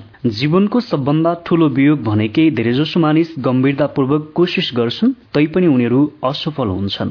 धेरैजसो मानिस असफल हुन्छन् थोरै मात्र सफल हुन सक्छन्। मलाई एकपटक हजारौं स्त्री पुरुषको बारेमा विश्लेषण गर्ने अवसर प्राप्त भयो। तीमध्ये अन्ठानब्बे प्रतिशत मानिस असफलताको श्रेणीमा भएको मैले पाएँ। मेरो विश्लेषणले असफलताको पछाडि एकतिसवटा प्रमुख कारण भएको प्रमाणित गर्यो। विश्लेषणबाट मानिसले धन जम्मा गर्न सक्ने एकतिसवटा प्रमुख सिद्धान्त पनि सामुन्य आयो। यस अध्यायमा असफलताका एकतिसवटा प्रमुख कारण विस्तारपूर्वक वर्णन गरिँदैछ। सूचीलाई पढ्नुहुँदा तपाईँ आफूतिर फर्किएर कतै यही बानी आफ्नो र सफलताको बीच बाधक त बनिरहेको छैन भनेर सोच्नुहोस्। के तपाईँ यही बानीको कारण असफल बनिरहनु भएको त छैन भन्ने कुरा पनि याद गर्नुहोस्। एक हानिकारक आनुवांशिक पृष्ठभूमि। मस्तिष्क कमजोर हुने मानिसलाई केही गर्न सकिँदैन। यो दर्शनले यस कमजोरीलाई हटाउने केवल एउटा तरिका सुझाव दिन सक्छ। त्यो हो मास्टर माइन्डको सहायता। यसबाट लाभ उठाउनुहोस्। यो असफलताको एकतिस कारण मध्ये व्यक्तिद्वारा सजिलै सुधार्न नसकिने एकमात्र कारण हो। दुई स्पष्ट लक्ष्यको अभाव। कुनै केन्द्रीय या निश्चित लक्ष्य नहुनेका लागि सफलताको आशा हुँदैन। मैले विश्लेषण गरेका मध्ये अन्ठानब्बे प्रतिशत मानिससित कुनै लक्ष्य थिएन। सायद यही उनीहरूको असफलताको प्रमुख कारण थियो। तीन अपर्याप्त शिक्षा। यो एउटा तुलनात्मक रूपले सजिलैसित पूरा गर्न सकिने कमी हो। प्राय स्वनिर्मित र स्वशिक्षित व्यक्ति नै पूर्ण शिक्षित हुन्छन् भन्ने कुरा अनुभवबाट प्रमाणित भएको छ। शिक्षित बन्नको लागि केवल कलेजको डिग्री भएर पुग्दैन। शिक्षित त आफूले चाहेको कुरा जीवनमा पाउन सिकेका व्यक्ति हुन्छन्। यस प्रक्रियामा उनीहरू अरूको अधिकार हनन गर्दैनन्। शिक्षामा केवल ज्ञान सामेल हुँदैन। ज्ञानको प्रभावकारी एवं सतत प्रयोग पनि सामेल हुन्छ। मानिसलाई केवल उसको ज्ञानको लागि पैसा प्राप्त हुँदैन बरु उसले ज्ञानलाई कसरी प्रयोग गर्छ भन्ने कुराले पैसा प्राप्त हुन्छ। चार औषध दर्जाभन्दा माथि उठ्ने महत्वाकांक्षाको अभाव। उदासीन जीवनमा अगाडि बढ्न नचाहने र मूल्य चुकाउने इच्छा पनि नभएका व्यक्तिलाई आशा प्रदान गर्न सकिँदैन। पाँच आत्म अनुशासनको कमी। अनुशासन स्वयंमाथि नियन्त्रणबाट आउँछ। यसको अर्थ मानिसले सबै नकारात्मक गुणलाई नियन्त्रणमा राख्नुपर्छ भन्ने हो। स्थितिलाई नियन्त्रणमा लिनु पूर्व तपाईँले आफैलाई नियन्त्रणमा राख्नुपर्छ। आफूलाई अनुशासित गर्ने काम सबभन्दा कठिन काम हो। यदि आफैलाई जित्न सक्नुहुन्न भने तपाईँ आफैसित हार्नुहुन्छ। ऐनाको अगाडि उभिँदा तपाईँले आफ्नो सबभन्दा राम्रो साथी र ठूलो साथी र ठूलो शत्रु एकसाथ उभिएको देख्न सक्नुहुन्छ। छ खराब स्वास्थ्य। कुनै पनि व्यक्तिले राम्रो स्वास्थ्य बिना उल्लेखनीय सफलताको सुख भोग्न सक्दैन। खराब स्वास्थ्यका केही कारणमाथि नियन्त्रण गर्न सकिन्छ। स्वास्थ्य बिग्रिनुको मुख्य कारण हुन् अ स्वास्थ्यको लागि हानिकारक भोज्य पदार्थ अधिक मात्रामा खानु आ विचारको खराब बानी नकारात्मक कुरा बोल्नु यी उचित शारीरिक व्यायामको अभाव यी सेक्सको अधिकता र यसको गलत प्रयोग ऊ गलत तरिकाले श्वास लिने कारणले स्वच्छ हावाको अपर्याप्त आपूर्ति। सात बच्चा अवस्थामा वातावरणको खराब प्रभाव। आपराधिक प्रवृत्ति भएका अधिकांश मानिसमा यस्तो प्रवृत्ति खराब वातावरण र बाल्यकालमा खराब संगतको कारणले गर्दा हुन्छ। आठ आलटाल। यो असफलताको सबभन्दा आम कारण मध्ये एक हो। आलटाल गर्ने व्यक्ति अन्य प्रत्येक व्यक्तिको पछाडि छाया झै उभिएको हुन्छ। उसले प्राय सफलतालाई बिगार्ने मौका पर्खिन्छ। हामी मध्ये अधिकांश मानिस जीवनभरि असफल भइरहन्छौ किनकि हामी कुनै महत्वपूर्ण काम शुरू गर्नुभन्दा पहिले सही समय पर्खिन्छौ। सही समयलाई नपर्खिनुहोस्। समय कहिल्यै पनि पूर्ण रूपले सही हुँदैन। आफू उभिएकै ठाउँबाट सुरु गर्नुहोस्। तपाईँसित भएको औजारको सहायताले काम सुरु गर्नुहोस्। अगाडि बढ्दै जाँदा अझै राम्रो औजार आफै प्राप्त हुँदै जान्छ। नौ लगनको अभाव। हामी मध्ये अधिकांश मानिसले कुनै कामको सुरुवात त गर्छौँ तर आफूले सुरु गरेको काम पूरा गर्नमा धेरै कमजोर हुन्छौँ। यति मात्र होइन। मानिसले पराजयको सम्भावना देख्ने बित्तिकै हिम्मत हार्छ। लगनको कुनै विकल्प हुँदैन। सफल व्यक्तिले लगनलाई आफ्नो यन्त्र बनाउँछ। उसको जीवनमा असफलता सधैँ टाढै रहन्छ। असफलताले लगनसित लड्नै सक्दैन। दस नकारात्मक व्यक्तित्व। नकारात्मक व्यक्तिको कारण देखाउँदै मानिसहरूलाई आफूबाट टाढा राख्ने व्यक्तिको लागि सफलताको कुनै आशा हुँदैन। सफलता शक्तिको प्रयोगद्वारा आउँछ। शक्ति अन्य मानिसको सहयोगपूर्ण प्रयासद्वारा प्राप्त गरिन्छ। एघार कामेच्छामा नियन्त्रणको अभाव। सेक्सको ऊर्जा सबै प्रेरक ऊर्जा मध्ये शक्तिशाली हो जसद्वारा मानिस कामका लागि प्रवृत्त हुन्छ। वास्तवमा यो सबभन्दा सशक्त भाव हो। यसकारण यसलाई नियन्त्रण गर्नुपर्छ। रूपान्तरणद्वारा अन्य च्यानलमा बदल्नुपर्छ। बाह्र केही पाउने खालको अनियन्त्रित इच्छा जुवाको बानी लाखौं मानिसलाई असफल बनाउँछ। यसको प्रमाण सन् उन्नाइस सय उन्तिसको वाल स्ट्रिट क्रासको अध्ययनबाट पाउन सकिन्छ। त्यस क्रममा लाखौं मानिसले स्टक मार्जिनमा जुवा खेलेर पैसा कमाउने कोसिस गरे। तेह्र। निर्णय गर्ने उचित शक्तिको अभाव। सफल हुने मानिस तत्काल निर्णयमा पुग्छ। यदि उसले त्यस निर्णयलाई बदलियो भने पनि धेरै ढिला बदल्छ। असफल हुने मानिसले या त निर्णय लिन सक्दैन या एकदमै ढिलो लिन्छ। उसले प्राय आफ्नो निर्णय बदल्छ छेडभरमै बदल्छ। अनिर्णय र आलटाल जुम्लेहा भाइ हुन्। एउटा भेटिएकै ठाउँमा अर्को पनि भेटिन्छ। यिनले असफलताको डोरीले बाँध्नु पूर्व नै तपाईँ यसलाई मारिदिनुहोस्। चौध छवटा मूलभूत डर मध्ये एक या धेरै। अन्तिम अध्यायमा छवटा मूलभूत डरको बारेमा विश्लेषण गरिएको छ। आफ्नो सेवाको प्रभावकारी मार्केटिङ गर्नुभन्दा पहिले तपाईँले यी डरलाई जित्नुपर्छ। पन्ध्र अति सावधानी। अलिकति पनि जोखिम नलिने व्यक्तिलाई आमरूपले बचेको कुरा मात्रै मिल्छ किनकि जोखिम लिने मानिसले राम्रो कुराको छनौट गरेर लगिसकेको हुन्छ। अति सावधानी पनि कम सावधानी जत्तिकै खराब हुन्छ। दुवै प्रकारको अतिबाट बस्नुहोस्। जीवनमा जोखिम तत्व सधैँ रहन्छ भन्ने कुरा भुल्दै नभुल्नुहोस् स्वर विवाहमा गलत जीवनसाथीको छनौट। यो असफलताको सबभन्दा आम कारण हो। वैवाहिक सम्बन्धले मानिसलाई अन्तरङ्ग रूपबाट नजिक ल्याउँछ। यो सम्बन्धको सुख तालमेल नहुँदासम्म असफलताले पक्कै पनि तपाईँलाई पछ्याउनेछ। यसभन्दा पनि ठूलो कुरा त यस असफलताको एउटा यस्तो रूप छ जसमा दुःख र कष्ट हुन्छ। जसले महत्वाकांक्षाको सबै लक्षणलाई नष्ट गरिदिन्छ। सत्र व्यापारमा सहयोगीको गलत छनौट। यो व्यापारमा असफलताको सबभन्दा आम कारण मध्ये एक हो। मार्केटिङमा तपाईँले नियुक्ता छनौट गर्दा एकदमै सावधानी पर्छ जसले तपाईँलाई प्रेरणा दियोस् जो आफू बुद्धिमान र सफल होस्। अनुसरण गर्न लायक नियोक्ताको छनौट गर्नुहोस्। अठार अन्धविश्वास र पूर्वाग्रह। अन्धविश्वास डरको एउटा रूप हो यो अज्ञानको निशानी पनि हो। सफल हुने मानिसले आफ्नो मस्तिष्क खुल्ला राख्छ ऊ कुनै कुराले डराउँदैन। उन्नाइस व्यवसायको गलत छनौट। आफ्नो रुचि नभएको काममा कुनै पनि मानिस सफल बन्न सक्दैन। व्यक्तिगत सेवाको मार्केटिङमा सबभन्दा महत्वपूर्ण कदम आफू पूर्ण उत्साहका साथ लाग्न सक्ने व्यवसाय छनौट गर्नु हो।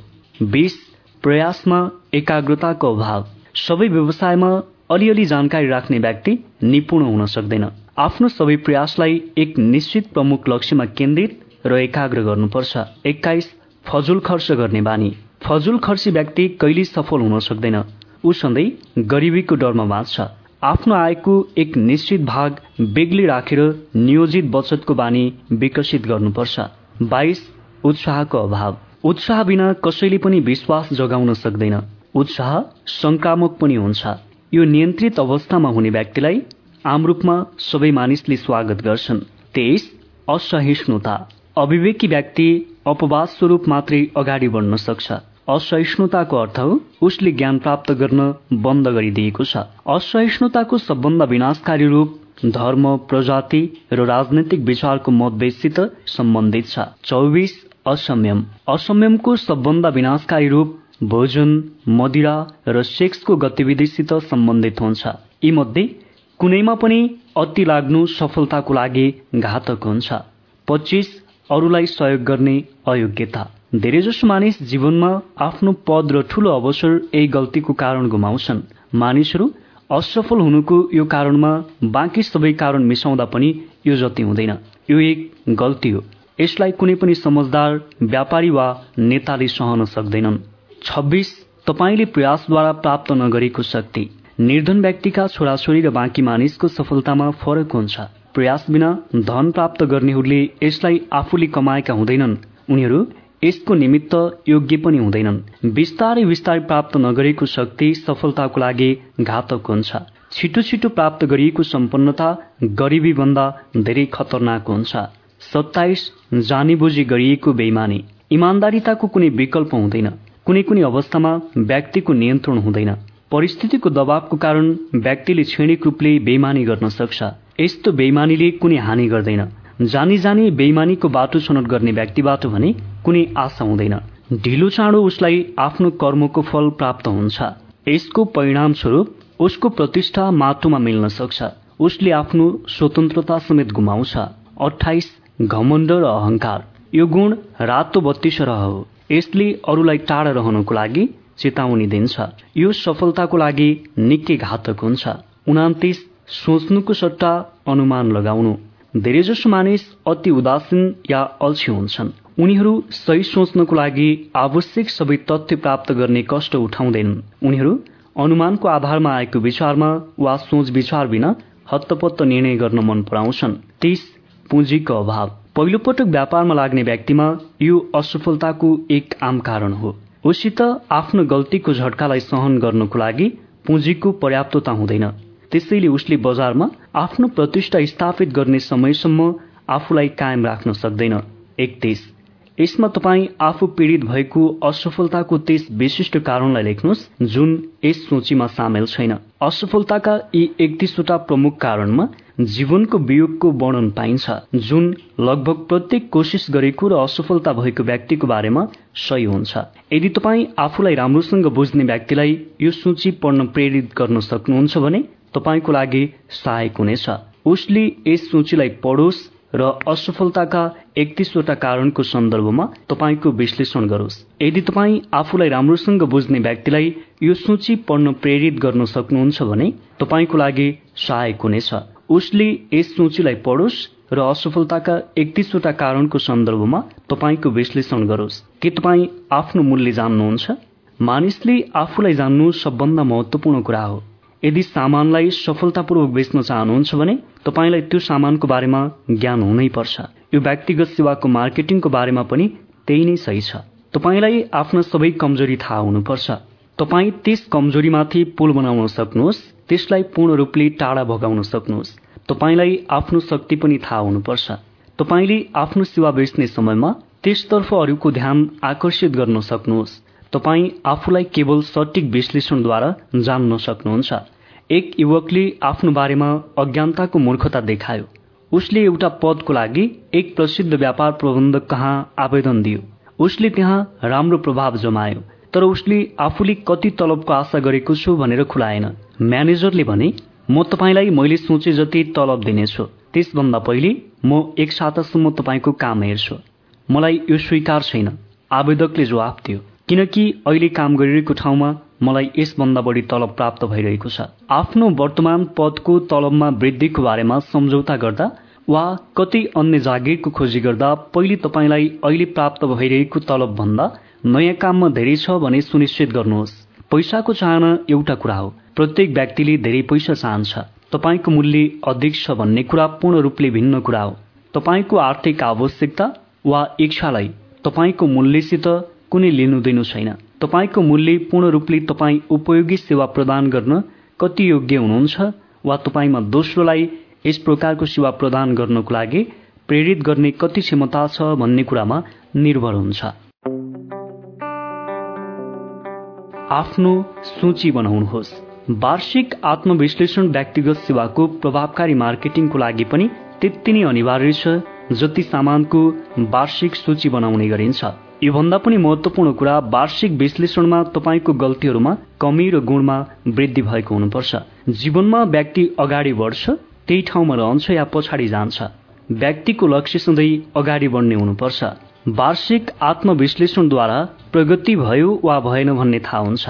तपाईँले कतै कुनै कदम पछाडितर्फ त उठाउनु भएन भन्ने पनि यसबाट थाहा हुन्छ।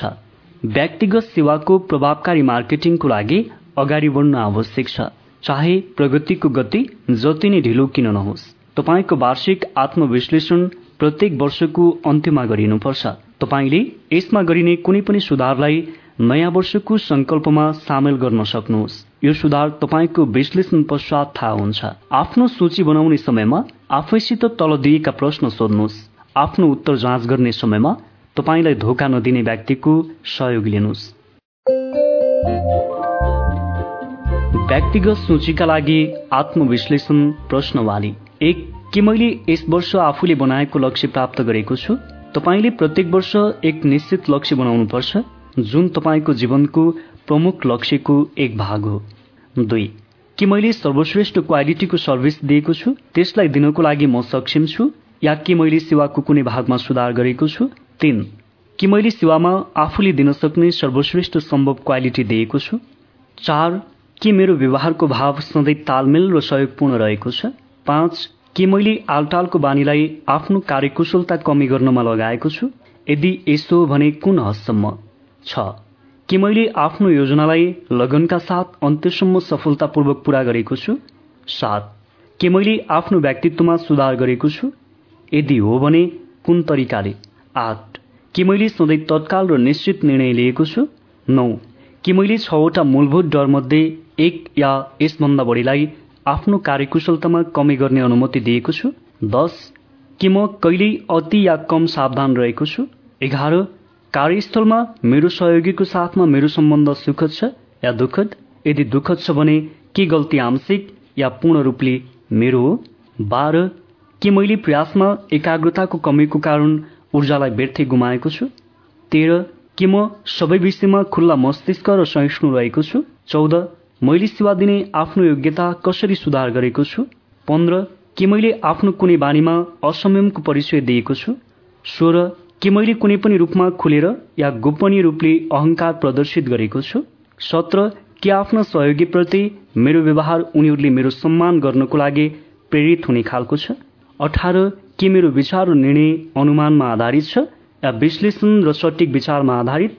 उन्नाइस के मैले आफ्नो समय र बानीको पालना गरेको छु या छैन? बिस मैले राम्रो लाभ उठाउन सक्ने कति समय लाभहीन प्रयासमा लगाएको छु? एक्काइस म आफ्नो समयको कसरी नयाँ योजना बनाउन सक्छु? आफ्नो बानीलाई कसरी बदल्न सक्छु? ताकि म आगामी वर्षमा अझै प्रभावकारी बन्न सकु? बाइस कसरी म आफूलाई धन प्राप्त भइरहेको कामलाई त्यसभन्दा धेरै र राम्रो सेवा दिन सक्छु? तेइस के मैले कसैप्रति अन्याय गरेको छु? यदि हो भने कसरी? चौबिस यदि मैले वर्षभरिको लागि आफ्नो सेवालाई किनेको खण्डमा के म यस खरिदबाट सन्तुष्ट रहनेछु?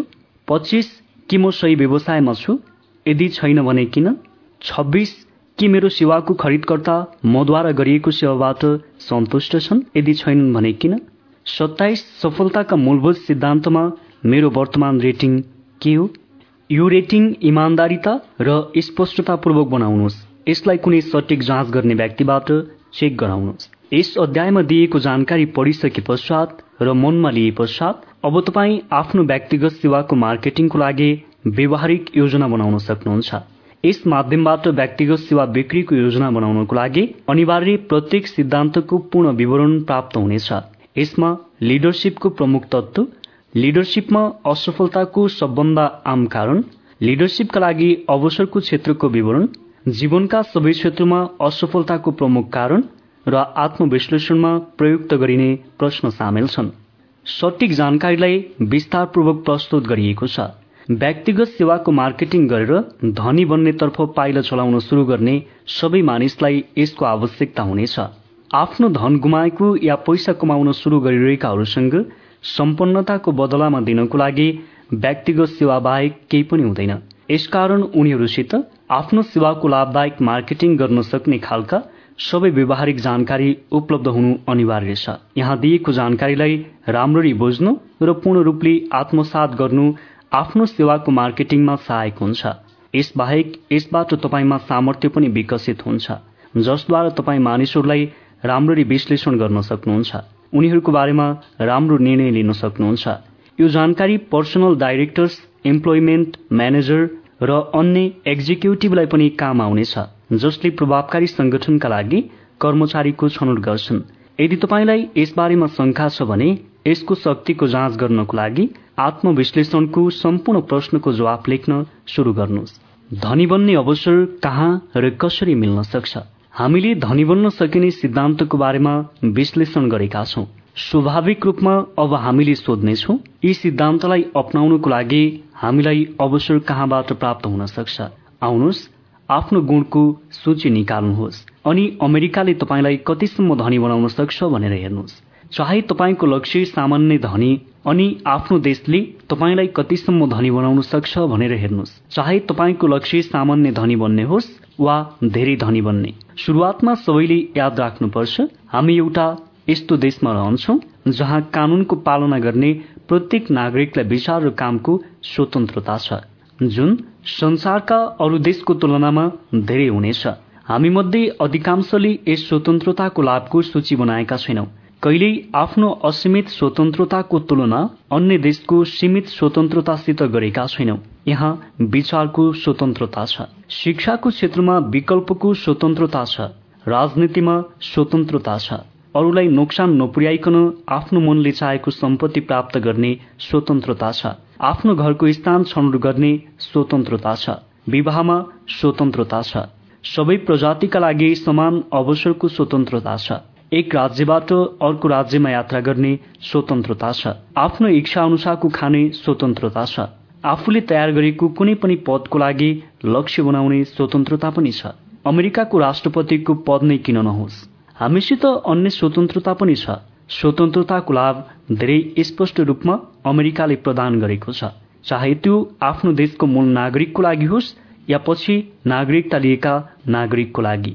आउनुहोस् अब यस विराट स्वतन्त्रताले हामीलाई प्रदान गरेको वरदानलाई हामी गणौं उदाहरणको लागि औषध अमेरिकी परिवारलाई लियौं। औषध परिवार अर्थात् औषध आमदानी भएको परिवार। यस देशमा परिवारको प्रत्येक सदस्यको लागि उपलब्ध अवसर र प्रचुरताको लाभको बारेमा गणौं एक भोजन।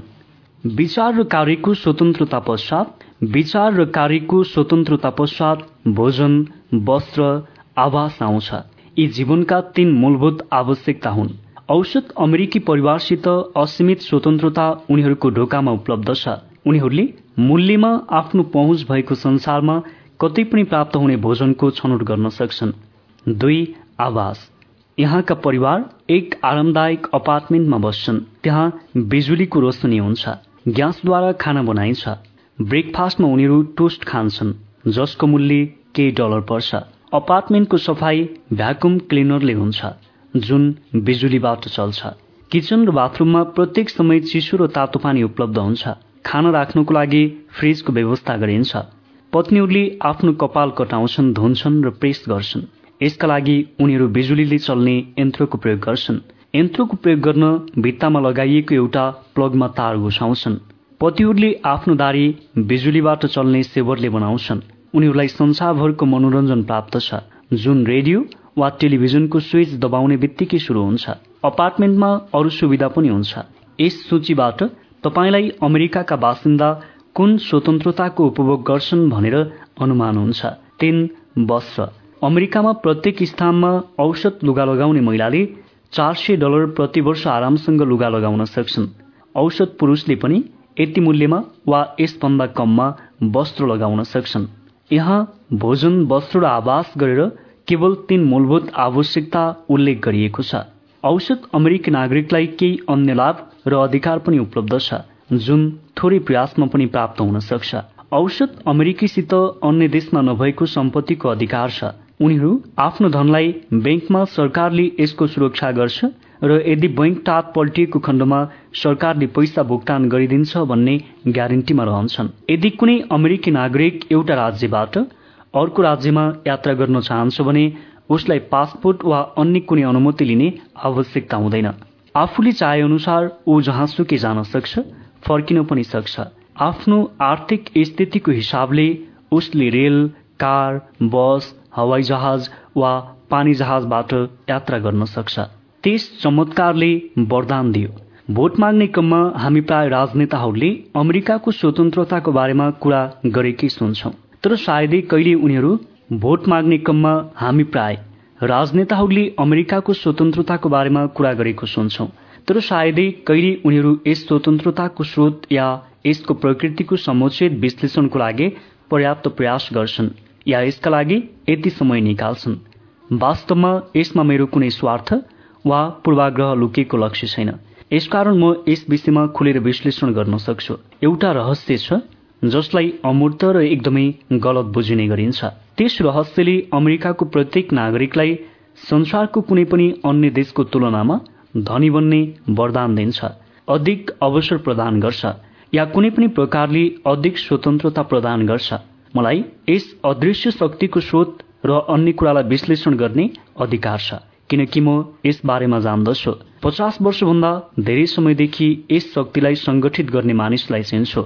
मानवताको यस रहस्यमय हितकारीको नाम पुँजी हो। पुँजीमा केवल धन आउँदैन।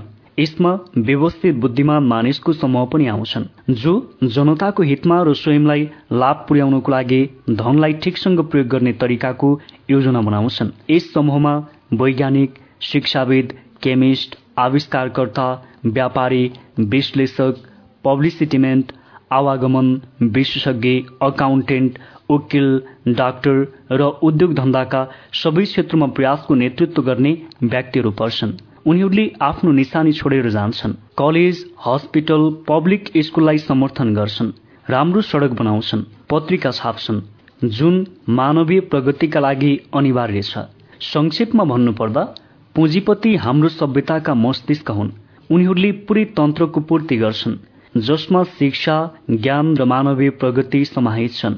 मस्तिष्क बिना धन सधैँ खतरनाक हुन्छ। यसको उचित उपयोग गरियो भने यो सभ्यताको लागि सबभन्दा महत्वपूर्ण र अनिवार्य तत्व बन्न जान्छ।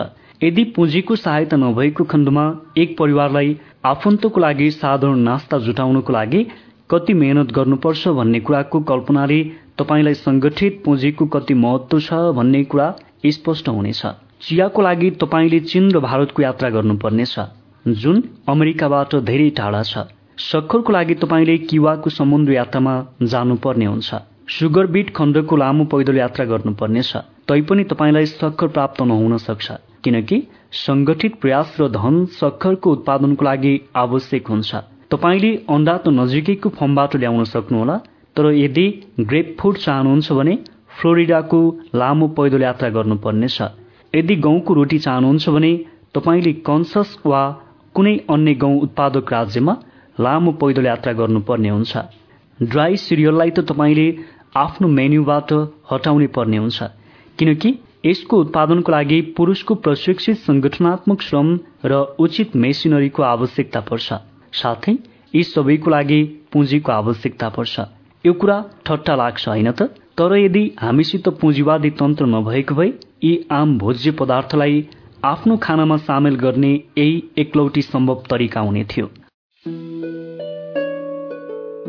हाम्रो जीवनको आधारशिला पुँजी सामान्य नास्ता आइटमको तुलनामा रेलरोड र स्टिमसिप बनाउने कार्यका लागि आवश्यक धनराशिको बारेमा सोच्दा हामी विचलित हुन पुग्छौँ। यो धनराशि हाम्रो कल्पनाभन्दा टाढा छ। यो अरबौं डलर हो। जबकि यसमा जहाज र रेलका प्रशिक्षित कर्मचारीको फौजको खर्च सामेल गरिएको छैन। आवागमन पुँजीवादी अमेरिकामा आधुनिक सभ्यताको आवश्यकताको केवल एक भाग हो। आवागमनका लागि पहिले जमिनबाट केही उगाउनु जरुरी हुन्छ वा मार्केटिङका लागि उत्पादन गर्नुपर्छ। यसका उपकरण यन्त्रहरू प्याकिङ मार्केटिङ र करोडौं मानिसका लागि करोडौं डलर अरू लाग्नेछ। स्टिमसिप र रेलरोड स्वयं बनिँदैन। त्यो सभ्यताको पुकार सुनेर आउँछ।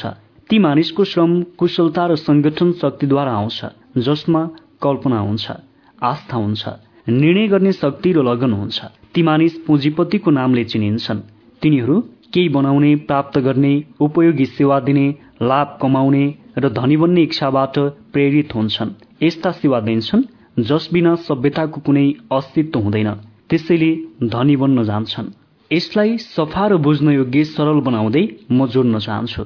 यी पुँजीपति तिनै मानिस हुन् जसलाई क्रान्तिकारी बेइमानी राजनेता र भ्रष्ट नेता शोषक र अमानवीय वा वाल स्ट्रिट भनिन्छ। म यहाँ कुनै समूह वा अर्थशास्त्रको तन्त्रको वकालत गरिरहेको छैन। यस पुस्तकको लक्ष्य सबभन्दा ज्ञान प्रदान गर्नु हो। सबैको लागि सबभन्दा विश्वसनीय दर्शन प्रस्तुत गर्नु हो जसको माध्यमले मानिस धनी बन्न सकुन्। आफूले चाहे जति धनराशि उनीहरूले कमाउन सकुन् मैले दुईवटा कुरा बताउनको लागि पुँजीवादी तन्त्रको लाभको विश्लेषण गरेको हुँ। एक मानिस धनी बन्न चाहने मानिसले सम्पन्नताको सबै बाटो नियन्त्रित गर्ने तन्त्रलाई चिन्न सकुन् स्वयंलाई त्यस अनुरूप ढाल्न सकुन्। तपाईँले राजनेता र वक्ताद्वारा आम रूपले देखाउने तस्बिरको पाटोभन्दा भिन्न पाटो जान्न सक्नुहोस्। राजनेता र वक्ताले जानी बुझिकन मुद्दालाई पेश गर्छन्। संगठित पुँजीको बारेमा यो कुनै विषयुक्त कोब्रा भए झै कुरा गर्छन्। यो एउटा पुँजीवादी देश हो। पुँजीको प्रयोगद्वारा विकसित भएको देश हो।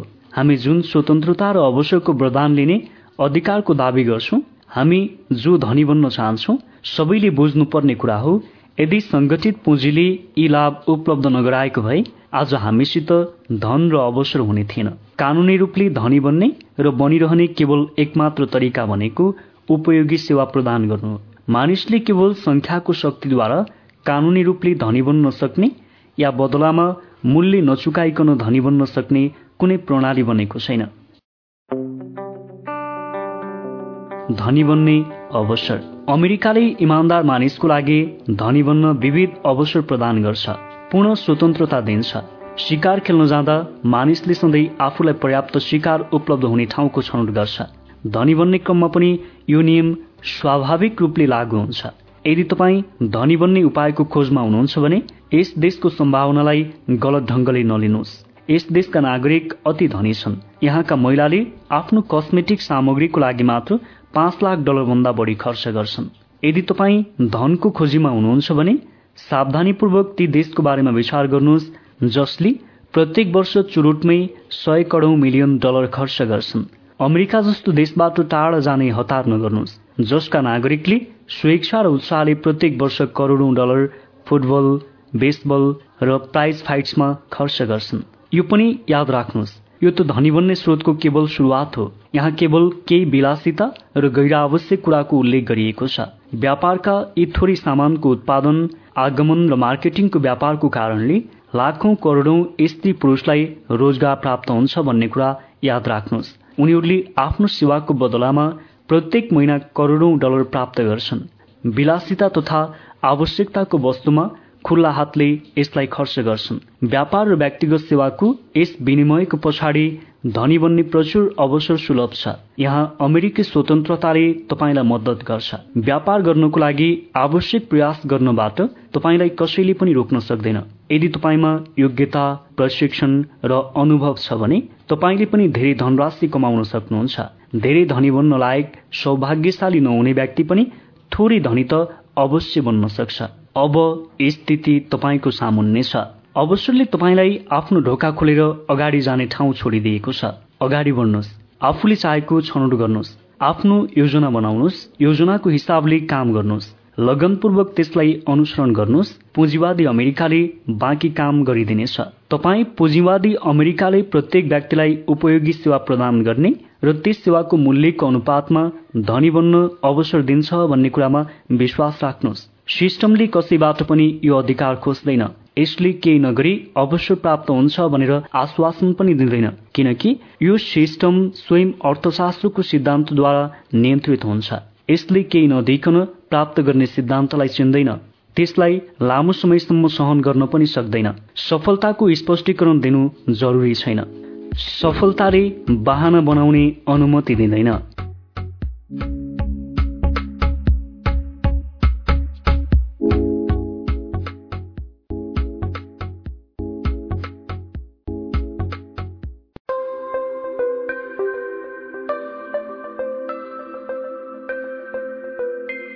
सम्पन्नताको दिशामा सातौं कदम निर्णय। आलटाल गर्ने बानीमाथि विजय प्राप्त गर्नु। पच्चिस हजार जना असफल पुरुष तथा महिलाको विश्लेषणबाट निर्णयको अभाव असफलताको एकतिसवटा प्रमुख कारणको सूचीमध्ये सबभन्दा माथि रहेको तथ्य थाहा भयो। आलटालको बानी निर्णयको विरोधी हो। एक आम शत्रु हो। यसलाई प्रत्येक व्यक्तिले जित्नुपर्छ। तपाईँले यो पुस्तक पढेर सक्नुहुँदा र यसमा बताइएको सिद्धान्तलाई कार्यरूपले बदल्नको लागि तयार हुनुहुँदा तपाईँलाई आफैलाई जाँच्ने अवसर प्राप्त हुनेछ। सय करोड प्रशस्त धन कमाएका व्यक्तिहरू छन्। उनीहरूले दस लाख डलर भन्दा बढी आमदानी गर्छन्। उनीहरूकै विश्लेषण पश्चात थाहा भएको छ उनीहरूमध्ये प्रत्येकमा तत्काल निर्णयमा पुग्ने बानी थियो।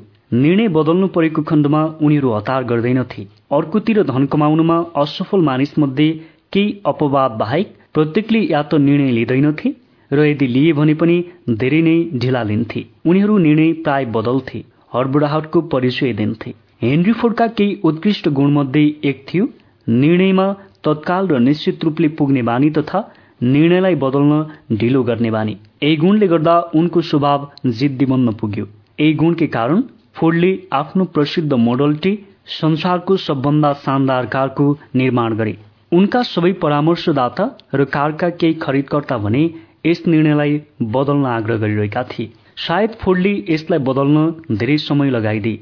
यस घटनाको दोस्रो पक्ष भनेको फोर्डको दृढ निश्चयको कारण उनी अमेरिकाको सबभन्दा धनी बने। यसमा कुनै सन्देह छैन। फोर्डको निश्चित निर्णयमा पुग्ने बानीलाई उनको जिद्दीपन मानियो। यो गुण निर्णयमा ढिलो गरी पुग्ने र त्यसलाई छिट्टो बदल्ने भन्दा राम्रो हो। निर्णय लिने बारेमा सल्लाह। आफ्नो आवश्यकता अनुरूप धन कमाउन असफल रहने अधिकांश मानिस आमरूपले अरूको विचारसित सजिलै प्रभावित हुन जान्छन्। उनीहरू आफ्नो लागि सोच्ने काम पत्रिका र गफ गर्ने काम आफ्ना छिमेकीलाई छोडिदिन्छन्। सल्लाह संसारको सबभन्दा सस्तो चिज हो। प्रत्येक व्यक्तिसित प्रशस्त सल्लाह उपस्थित हुन्छ। त्यसलाई अन्य व्यक्तिमा थोपरिदिन्छ। यदि निर्णयमा पुग्ने समयमा अरूको सल्लाहबाट प्रभावित हुनुहुन्छ भने तपाईँ आफ्नो इच्छालाई धनमा रूपान्तरित गर्ने त के? कुरै छोडिदिनुहोस्। यसरी तपाईँ कुनै पनि काममा सफल बन्नुहुन्न। यदि अरूको सल्लाहबाट प्रभावित रहनुहुन्छ भने तपाईँको आफ्नो कुनै इच्छा हुँदैन। यहाँ बताइएको सिद्धान्तलाई कार्यरूपमा बदल्न सुरु गर्नुहुन्छ भने तपाईँ आफै निर्णयमा पुग्न सक्नुहुन्छ। त्यसलाई अनुसरण गरी आफ्नो परामर्शदाता स्वयं बन्नुहुन्छ।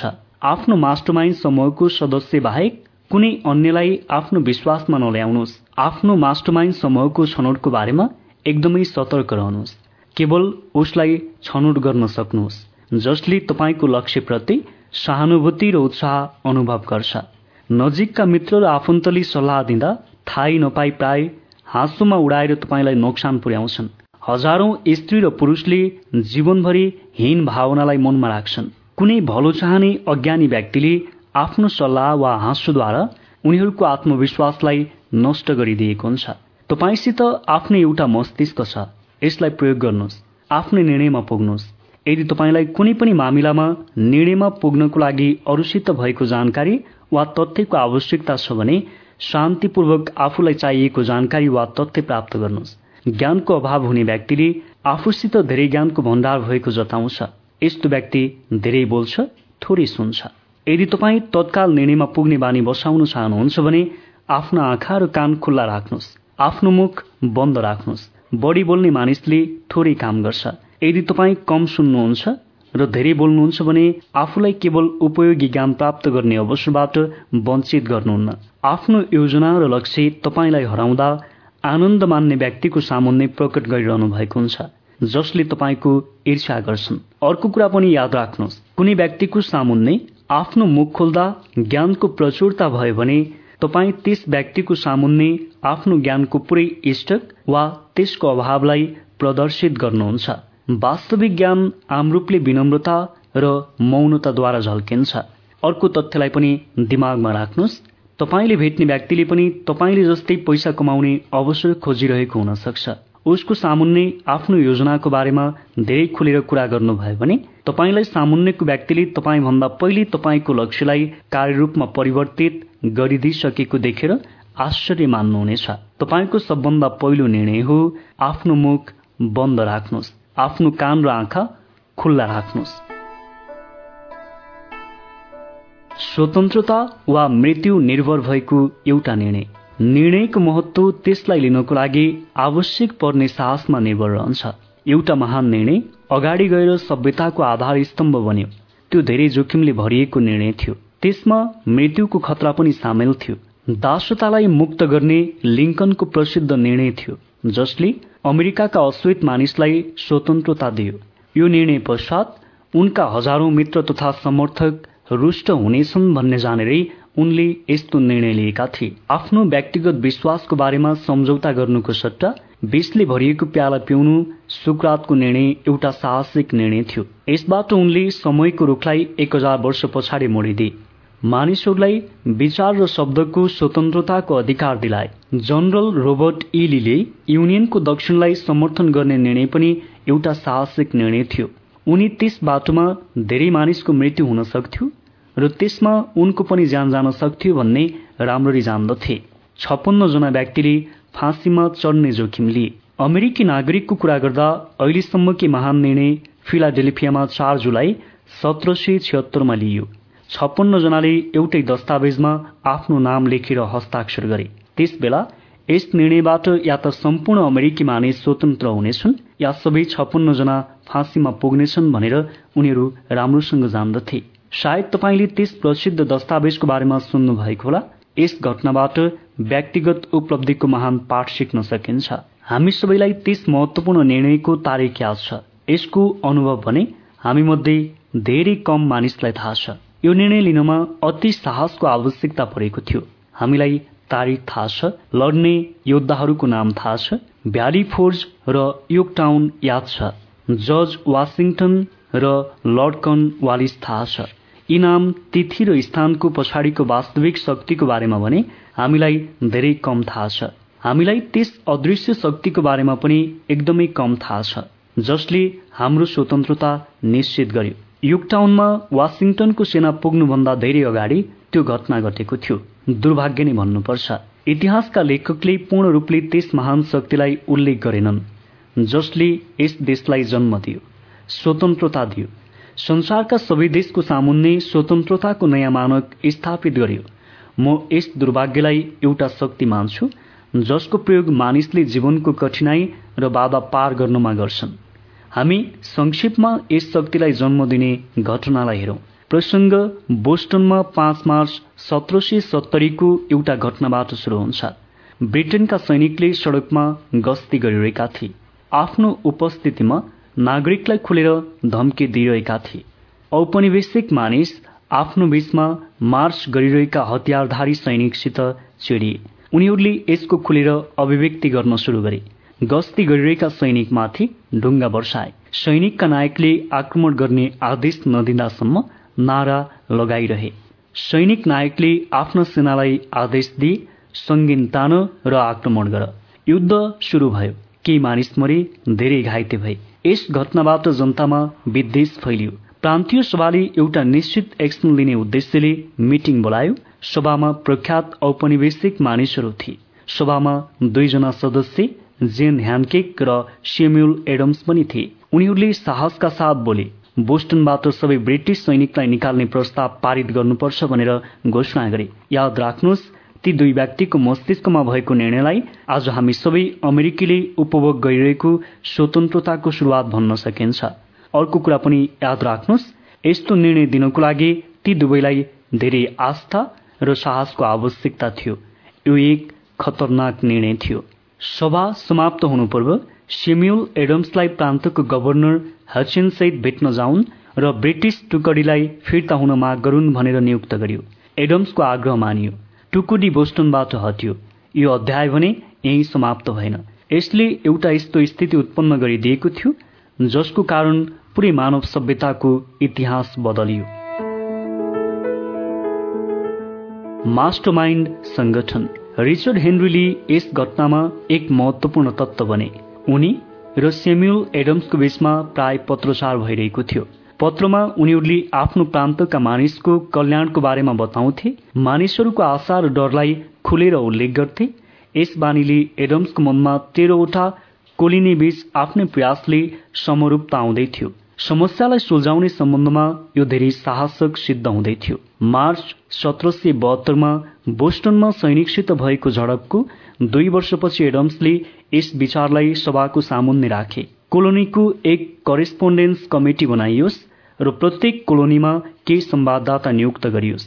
त्यसको लक्ष्य ब्रिटिस अमेरिकाको कोलोनीलाई राम्रो बनाउन मैत्रीपूर्ण सहयोगलाई बढुवा दिने होस्। त्यही संगठनको शुरूआतको कारण आज तपाईँ र म स्वतन्त्र छौं। मास्टरमाइन्ड पहिलेदेखि नै संगठित थियो जसमा एडम्स ले र ह्यानकेक थिए। कमिटी अफ करेस्पोन्डेन्स गठन गरियो। बोस्टनको दंगा जस्तै घटनाद्वारा कोलोनीका नागरिकले ब्रिटिस सैनिक विरूद्ध असंगठित युद्ध लडिरहेका थिए। त्यसले कुनै फाइदा भइरहेको थिएन। उनीहरूको व्यक्तिगत गुनासो कुनै मास्टरमाइन्डसँग समाहित थिएन। एडम्स ह्यान्डकेक र ली समाहित नहुँदासम्म मानिसको कुनै पनि समूहले आफ्नो मन मस्तिष्क आत्मा र शरीरलाई समष्टिमा एक निश्चित रूपमा परिणत गरेका थिएनन् र शरीरलाई समष्टिमा एक निश्चित निर्णयमा लगाएनन् जसले गर्दा ब्रिटेनसित उनीहरूको झगडा सधैँका लागि समाप्त हुन सकोस्। यस क्रममा ब्रिटेन पनि हातमाथि हात राखेर बसेन ब्रिटेनका मानिस पनि आफ्नो योजना बनाइरहेका थिए। आफ्नो तर्फबाट मास्टर माइन्डको तयारी गरिरहेका थिए। उनीहरूसित धन र संगठित समर्थन थियो। एउटा निर्णयले इतिहास बदलिदियो। सरकारले गेजेललाई हचिन्सनको ठाउँमा म्यासेच्युट्सको गभर्नरको रूपमा नियुक्त गर्यो। नयाँ गभर्नरको पहिलो काम मध्ये एक थियो सेम्युल एडम्सलाई सन्देश पठाउनु। उनको उद्देश्य डर देखाएर त्यहाँका नागरिकको विरोध समाप्त गर्नु थियो। त्यस समयको स्थितिलाई राम्ररी बुझाउनको लागि गेजले सन्देशवाहकको रूपमा कर्नेल फेन्टलाई पठाएका थिए। उनको र एडम्स बीचको चर्चा यहाँ वर्णन गर्न चाहन्छु।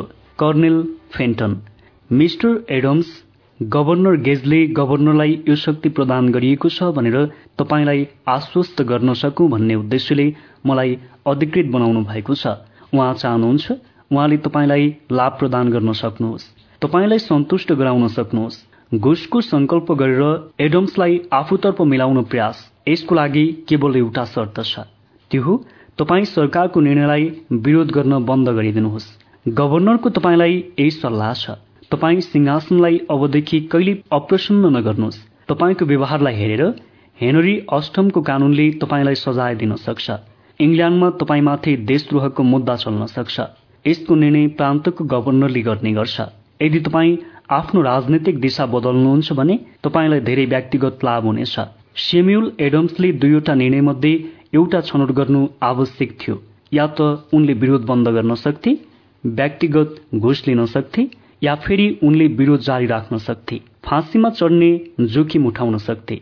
स्पष्ट रूपले एडम्सलाई तत्काल निर्णय लिन विवश हुनुपर्ने समय आइसकेको थियो। एउटा यस्तो निर्णय जसले उनको ज्यान पनि जान सक्थ्यो। एडम्सले सुरुमा कर्नेल फेन्टनसित उनले आफ्नो जवाब गभर्नरलाई दुरुस्तै सुनाउनेछन् भनेर संकल्प गराए। एडम्सको जवाब थियो तपाईँ गभर्नर गेजलाई मैले सम्राटहरूको सम्राटसित धेरै पहिले नै सल्लाह गरिसकेको छु भन्ने बताइदिनुहोस्। कुनै व्यक्तिगत लाभले मलाई आफ्नो देशको लागि सही काम गर्न छोडिदिनुको लागि प्रेरित गर्न सक्दैन।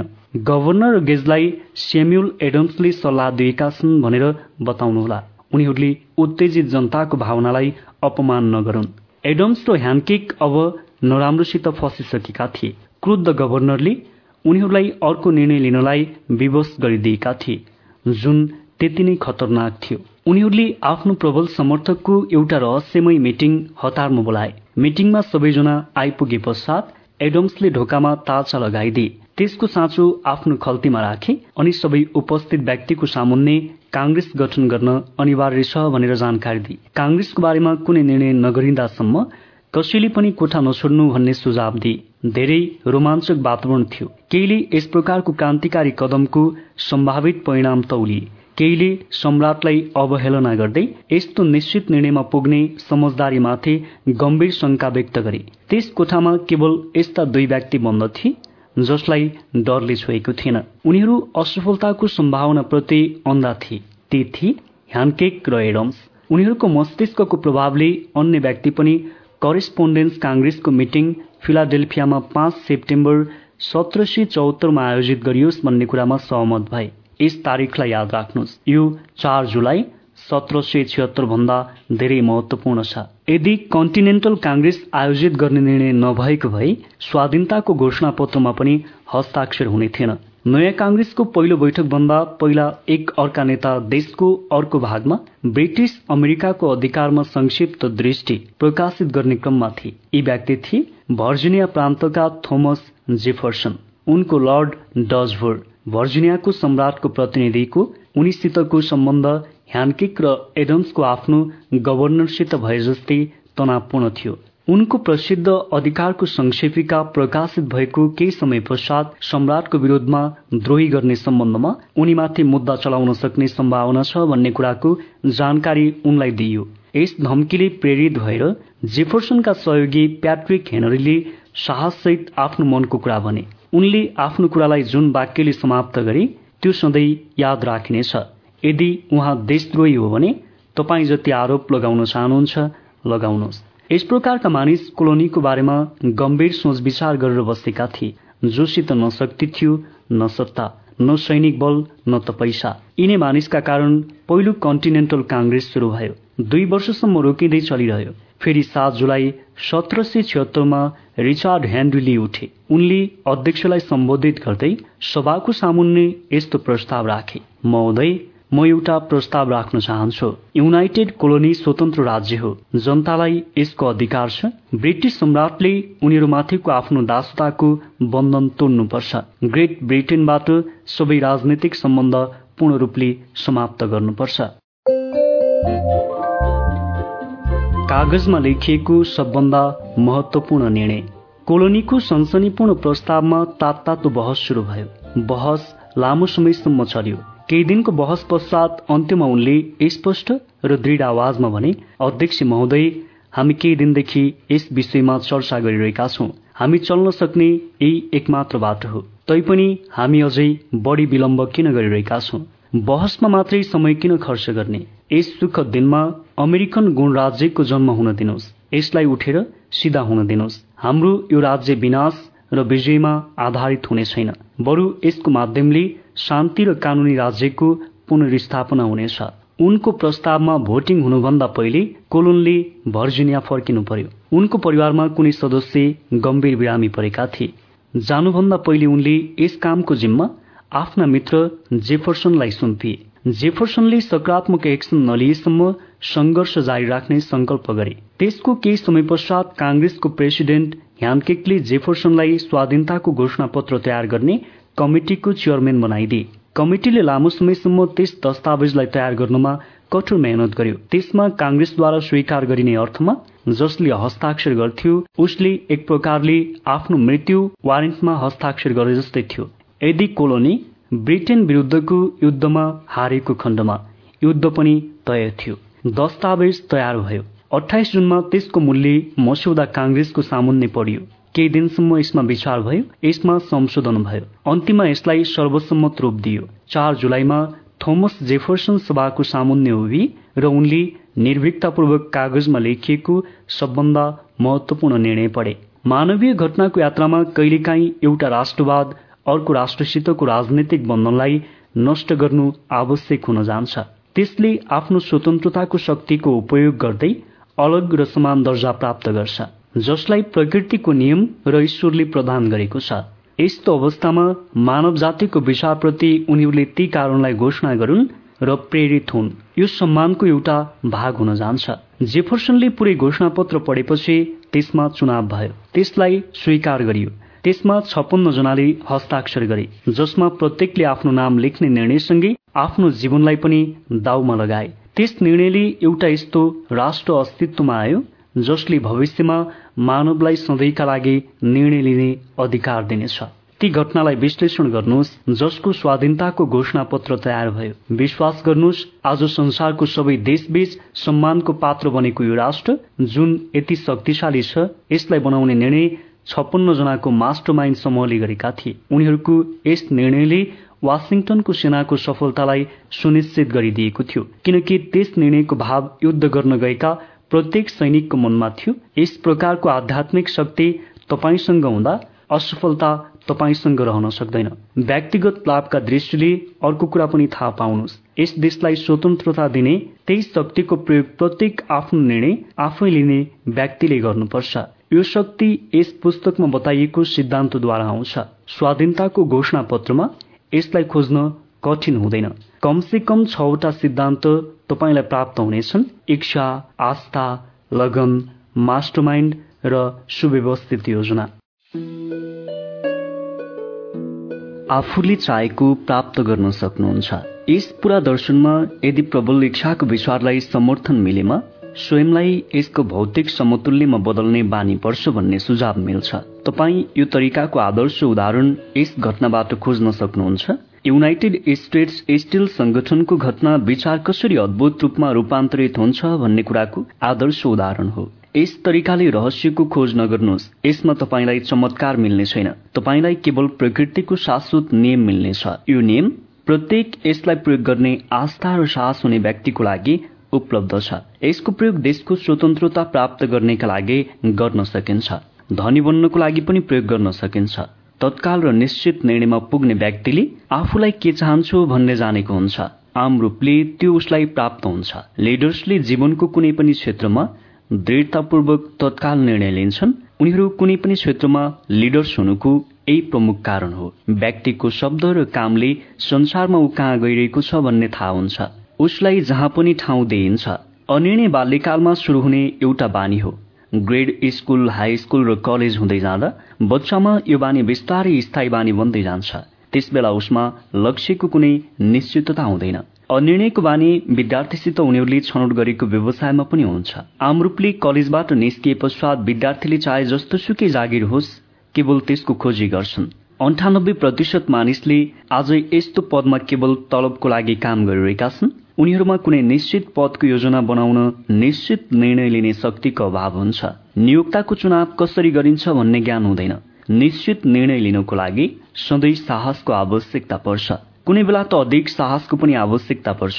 छप्पन्न जना व्यक्तिले स्वाधीनताको घोषणा पत्रमा हस्ताक्षर गर्दा उनीहरूले आफ्नो जीवनलाई दाउमा लगाए। दुवै पदलाई प्राप्त गर्ने व्यक्ति निश्चित निर्णयमा पुग्छ।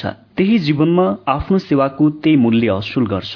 आफ्नो निर्णयमा आफ्नो जीवनलाई दाउमा लगाउन नचाहने व्यक्तिले आफ्नो आर्थिक स्वतन्त्रतालाई भने अवश्य दाउमा लगाउँछ। आर्थिक स्वतन्त्रता धन अपेक्षित व्यापार र प्रोफेसनल पदमा यी कुराको आशा गर्ने योजना बनाउने र यस मागलाई अस्वीकार गर्ने व्यक्तिको पहुँच हुँदैन। धन कमाउने इच्छा राख्ने व्यक्तिले निश्चित रूपले धन कमाउन सक्छ। जस प्रकार सेम्युल एडम्सलाई कोलोनीको स्वतन्त्रताको इच्छा थियो।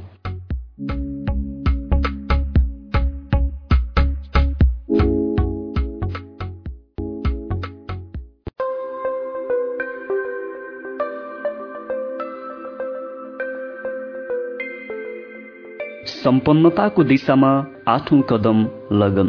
आस्था उत्पन्न गर्नको लागि निरन्तर प्रयास। इच्छालाई यसको समतुल्यमा रूपान्तरित गर्ने प्रक्रियामा लगन एक अनिवार्य तत्व हो। लगनको आधार इच्छा शक्ति हो। इच्छा शक्ति र प्रबल इच्छा सही तरिकाले मिल्न जाँदा एउटा युग्म बन्न जान्छ जसलाई तोड्न सकिँदैन। धनी बन्ने व्यक्तिलाई कुनै बेला आम रूपले भाव सुन्ने र कुनै बेला निर्मम पनि सम्झिन्छ। प्राय उसलाई गलत रूपले हेरिन्छ उसमा इच्छा शक्ति हुन्छ त्यसलाई उसले लगनसित मिलाइदिन्छ। यस प्रकार उसले आफ्नो लक्ष्य प्राप्ति सुनिश्चित गर्छ। धेरैजसो मानिसले पहिलो कठिनाई सामुन्ने आउन साथै आफ्नो लक्ष्य र इच्छा टाढा फ्याँकिदिन्छन्। केही व्यक्ति धेरै विरोध हुँदाहुँदै पनि अगाडि बढ्छन्। आफ्नो लक्ष्यलाई प्राप्त नगर्दासम्म बढिरहन्छन्। लगन शब्दको पछाडि कुनै ठूलो अर्थ लुकेको छैन। तैपनि यो गुण मानिसको चरित्रको लागि अति महत्वपूर्ण छ। स्टिलको लागि कार्बन स्टिलको लागि कार्बन आवश्यक भए जत्तिकै महत्वपूर्ण छ। धन कमाउनमा आम रूपले यस दर्शनका तत्वलाई अनुसरण गर्न जरुरी हुन्छ। धनी बन्न चाहनेले यी सिद्धान्तलाई बुझ्नुपर्छ। यिनमा लगन समावेश गर्नुपर्छ। लगनको परीक्षा। यदि तपाईँ यस पुस्तकमा दिइएको ज्ञानलाई आफ्नो जीवनमा लागू गर्ने हेतुले पढिरहनु भएको छ भने तपाईँले अध्याय दुईमा दिइएका छवटा कदमलाई अनुसरण गर्न सुरु गर्नुहोस्। बल्ल तपाईँको लगनको पहिलो परीक्षा हुनेछ। तपाईँ निश्चित लक्ष्य भएका दुई प्रतिशत मानिसमा पर्नुहुनेछ। आफ्नो लक्ष्यतर्फ तपाईँ बढ़िरहनु भएको छ र यस लक्ष्यलाई प्राप्त गर्नको लागि कुनै निश्चित योजना छ भने तपाईँले निर्देशनलाई पढ्नुहुनेछ। आफ्नो दैनिक जीवनमा लागू गर्नुहुनेछ। लगनको अभाव असफलताको सबभन्दा ठूलो कारण मध्ये एक हो। यति मात्र होइन हजारौं मानिसको अनुभवले लगनको अभाव प्रायजसो मानिसमा पाइने कमजोरी हो भन्ने कुरा सिद्ध गरेको छ। यो एउटा यस्तो कमजोरी हो जसलाई प्रयासद्वारा हटाउन सकिन्छ। तपाईँले सजिलैसँग लगनको अभावलाई जित्न सक्नुहुन्छ। तपाईँको इच्छा कति प्रबल छ भन्ने कुरामा यो पूर्ण रूपले निर्भर रहन्छ। वास्तवमा उपलब्धिको शुरूआती बिन्दु हो इच्छा। यसलाई सधैँ आफ्नो मस्तिष्कमा राख्नुहोस्। कमजोर इच्छा हुँदा सफलतातिरको परिवर्तन पनि कमजोर हुन्छ।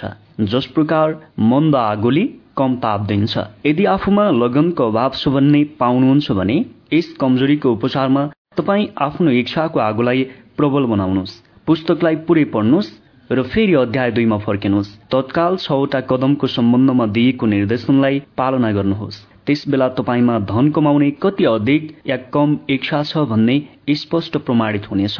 यदि उदासीन महसुस गर्नुहुन्छ भने तपाईँ यस नतिजासम्म पुग्न सक्नुहुन्न। तपाईँमा अहिले पनि धनको चेतना विकसित हुन पाएको छैन। जुन पैसा कमाउनको लागि अति जरुरी छ।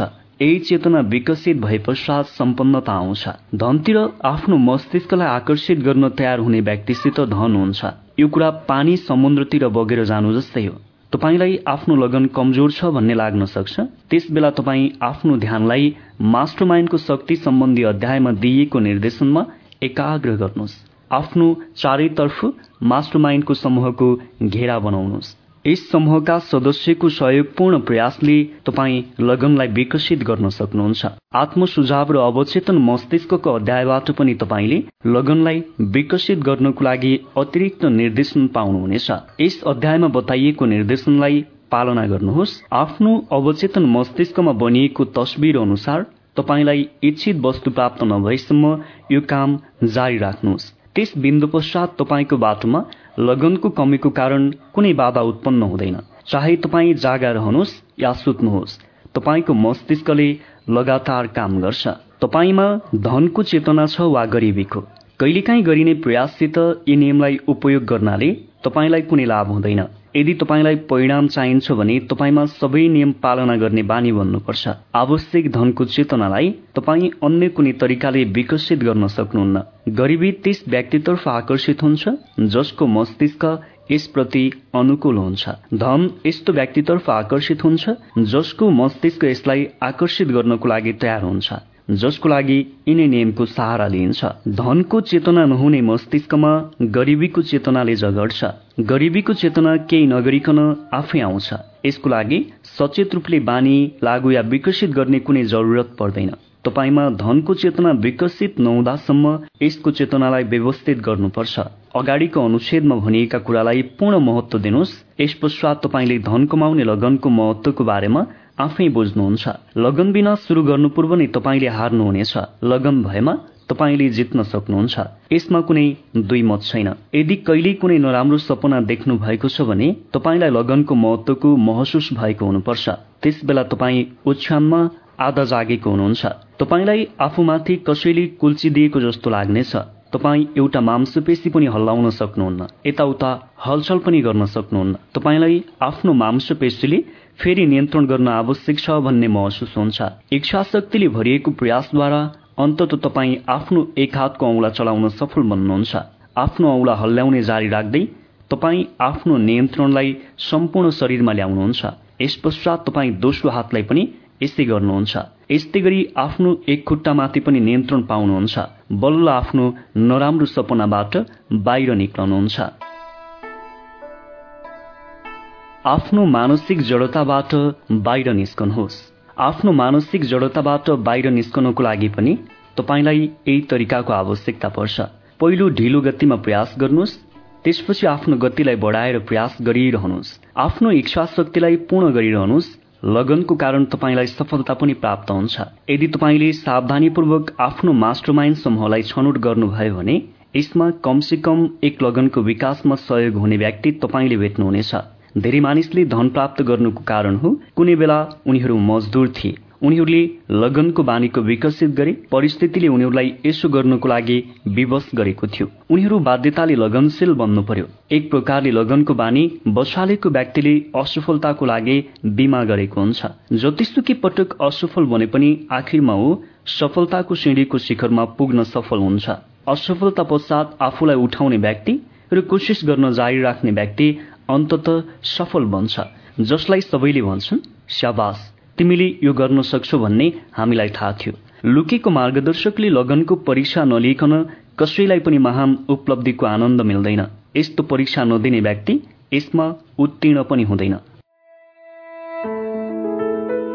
आफ्नो लगनको प्रचुर पुरस्कार प्राप्त हुन्छ।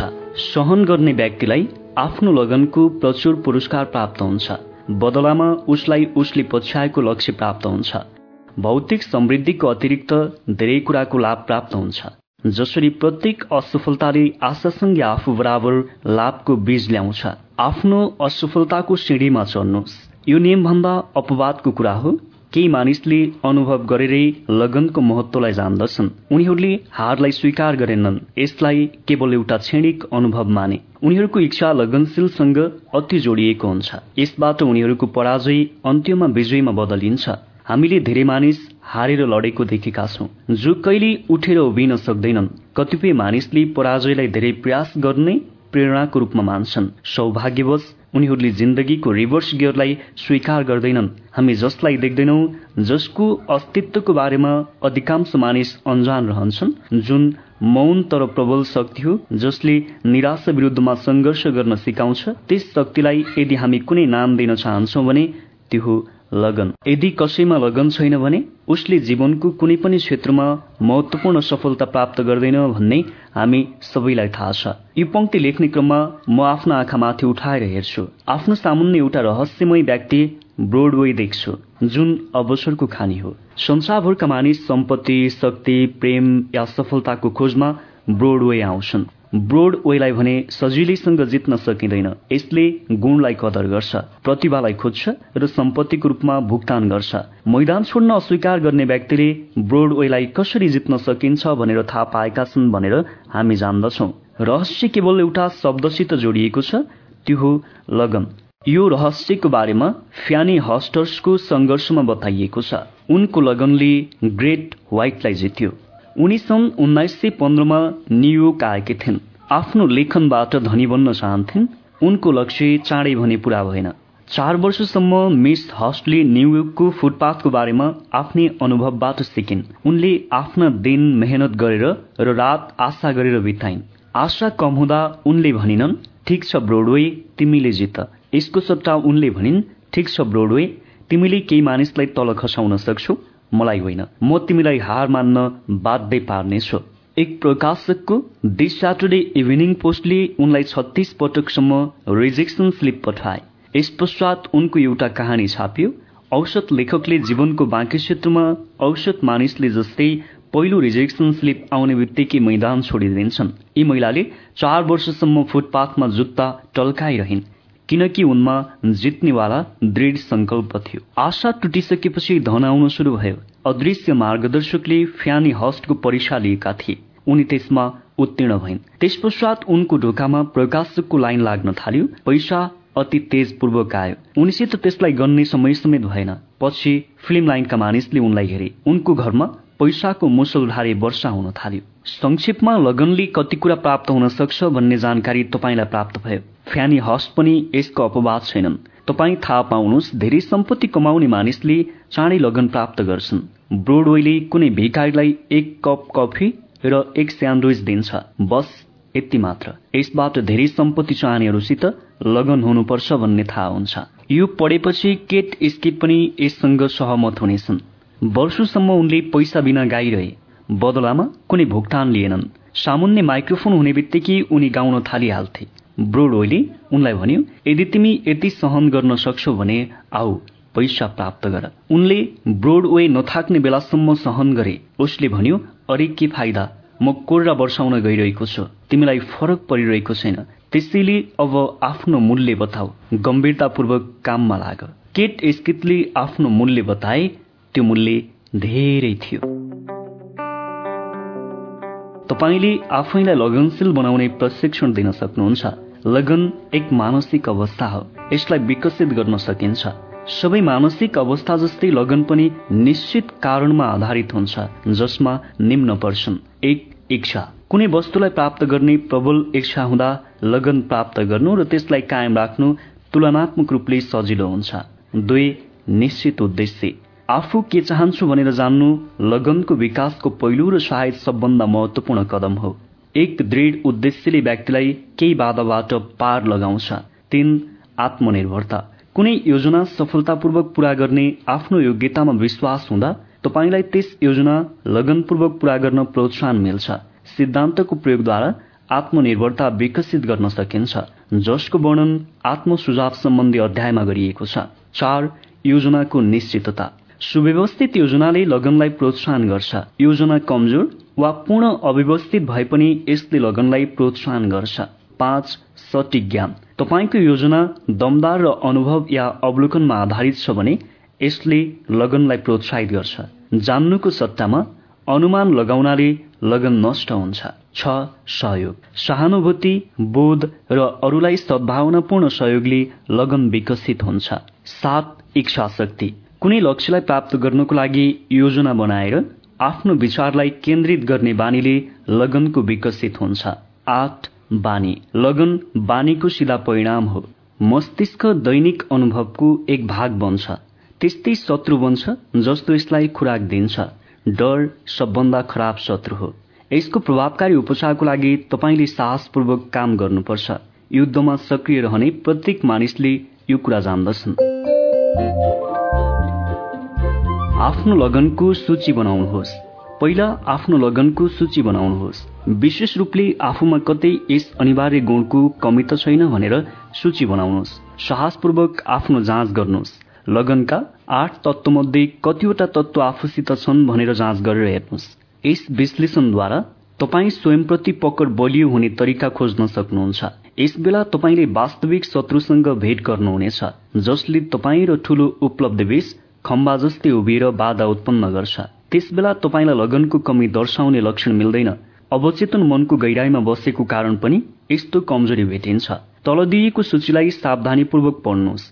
तपाईँ को हो र के गर्न सक्षम हुनुहुन्छ भनेर आफैसँग सोध्नुहोस्। यदि तपाईँ धनी बन्न चाहनुहुन्छ भने यी कमजोरीलाई तपाईँले जित्नुपर्छ। आफू के गर्न चाहन्छु भनेर थाहा नपाउनु या यसलाई ठिक र स्पष्ट रूपले परिभाषित गर्न दुई आलटाल गर्ने बानी यसको पछाडि कारण भए वा नभए पनि धेरैमा यही बाहना हुने गरेको पाइएको छ। तीन विशेषज्ञ ज्ञान प्राप्त गर्ने रुचिमा कमी। चार अनिर्णय। परिस्थितिलाई सामना गर्नुको सट्टा प्रत्येक अवसरमा त्यसलाई अरूको हातमा दिने बानी। यसमा पनि बाहना बनाइन्छ। पाँच समस्याको लागि निश्चित योजना बनाउनुको सट्टा बाहनामा विश्वास गर्ने बानी। छ आत्मसन्तुष्टि। यस बिरामीको कुनै सटिक उपचार छैन। यसबाट बिरामी हुनेको लागि कुनै आशा हुँदैन। सात उदासीनता। आम रूपले सबै प्रकरणमा सम्झौता गर्ने तत्परतामा झल्किन्छ। आठ आफ्नो गल्तीको लागि अरूलाई दोष दिने बानी। विपरीत परिस्थितिबाट बचेर निस्कने बानी। नौ इच्छाको कमजोरी। कर्मलाई प्रेरित गर्ने लक्ष्यको छनौटमा लापरवाहीको कारण यस्तो हुन्छ। दस पराजयको सम्भावना देख्ने बित्तिकै मैदान छोड्ने बानी। छवटा मूलभूत डरमध्ये एक या यसभन्दा अधिकतम आधारित एघार सुव्यवस्थित योजनाको कमी। यसलाई नलिखिकन विश्लेषण गर्न सकिँदैन। बाह्र विचारसहित अगाडि बढ्नलाई व्यवस्था गर्ने बानी। अवसर आउँदा त्यसबाट लाभ नउठाउने बानी। तेह्र दृढ इच्छा गर्नुको सट्टा केवल कल्पना लोकमा विचरण गर्नु। चौध धनी बन्ने लक्ष्यको सट्टामा गरिबीसित सम्झौता गर्ने बानी। केही बन्ने गर्ने र प्राप्त गर्ने महत्वाकांक्षाको अभाव। पन्ध्र धनी बन्न छोटो बाटोको खोज बदलामा बराबरीको मूल्य नचुकाइकन केही प्राप्त गर्ने कोसिस जुन आम रूपले जुवा या यस्तै खालको बानीमा झल्किन्छ। सोह्र आलोचनाको डर केही गर्ने व्यक्ति मानिसले के सोच्लान् के गर्लान् र के भन्लान् भन्ने सोचेर योजना बनाउँदैनन् त्यसलाई अनुसरण गर्न सक्दैनन्। यो शत्रु या सूचीमा सबभन्दा प्रमुख हो। यो आम रूपले अवचेतन मस्तिष्कमा रहन्छ। त्यहाँ यसको उपस्थिति देखिँदैन पछाडिको अध्यायमा छवटा मूलभूत डरलाई हेर्नुहोस्। तपाईँ आलोचनासित डराउनुहुन्छ? तपाईँ आलोचनासँग डराउनुहुन्छ? आउनुहोस् हामी आलोचनाको डरको केही लक्षणलाई जाँच गरौं। अधिकांश मानिस आफन्त मित्र र जनतालाई आफूबाट प्रभावित हौन् भन्ने खालको अनुभूति दिन्छन्। उनीहरू आफ्नो जीवन आफ्नै हिसाबले बाँच्न पाउँदैनन्। यस्तो गर्न उनीहरूलाई आलोचनाको डरले सताउँछ। ठूलो संख्यामा मानिसले विवाह गर्नमा गल्ती गर्छन्। त्यस गल्तीलाई कहिले सुधार गर्दैनन्। नतिजा हुन्छ। उनीहरू जीवनभर दुखी रहन्छन्। गल्ती सुधार्ने समयमा मानिसले आलोचना गर्नेछन् भन्ने उनीहरूलाई डर रहन्छ। यस प्रकारको डरलाई सामना गर्न हार मान्ने व्यक्तिले यसबाट कति ठूलो नोक्सान हुन्छ भन्ने जान्दछ। किनकि यसबाट महत्वाकांक्षा र प्राप्त गर्ने इच्छा नष्ट हुन्छ। लाखौं मानिस कलेज छोडे पश्चात बेसको शिक्षा प्राप्त गर्ने विचारलाई गलत सोच्छन् उनीहरूलाई आलोचनाको डरले सताउँछ। मानिसहरू व्यापारमा जोखिम लिन अस्वीकार गर्छन्। उनीहरूलाई आलोचनाको डर हुन्छ। असफल भएपछि आलोचना सुनिएला भन्ने लाग्छ। यस मामिलामा आलोचनाको डर सफलताको इच्छाभन्दा अधिक प्रबल हुन्छ। धेरै मानिस आफ्नो निम्ति उच्च लक्ष्य बनाउन अस्वीकार गर्छन्। उनीहरू क्यारियर छनौट गर्न पनि हिचकिचाउँछन्। उनीहरूलाई आफन्त र साथीभाइबाट आलोचनाको डर हुन्छ। साथीहरूले भन्न सक्छन् धेरै ठूलो लक्ष्य नबनाऊ मानिसहरूले तिम्रो दिमाग फुस्किएछ भन्ने सोच्छन्। एन्ड्रु कार्नेगीले मैले बीस वर्षसम्म व्यक्तिगत उपलब्धिको दर्शन विकसित गर्नमा मेहनत गरौं भन्ने सुझाव दिए। त्यसबेला मेरो पहिलो प्रतिक्रिया मानिसले के भन्लान् भन्ने डर नै थियो।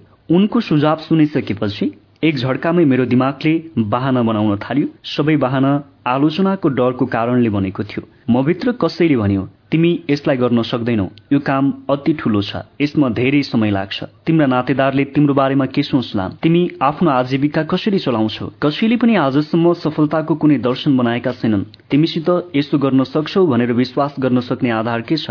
यति ठूलो लक्ष्य बनाउने तिमी को हौ? याद राख तिमी गरिब परिवारमा जन्मिएका हौ। तिमी दर्शनको बारेमा के जान्दछौ?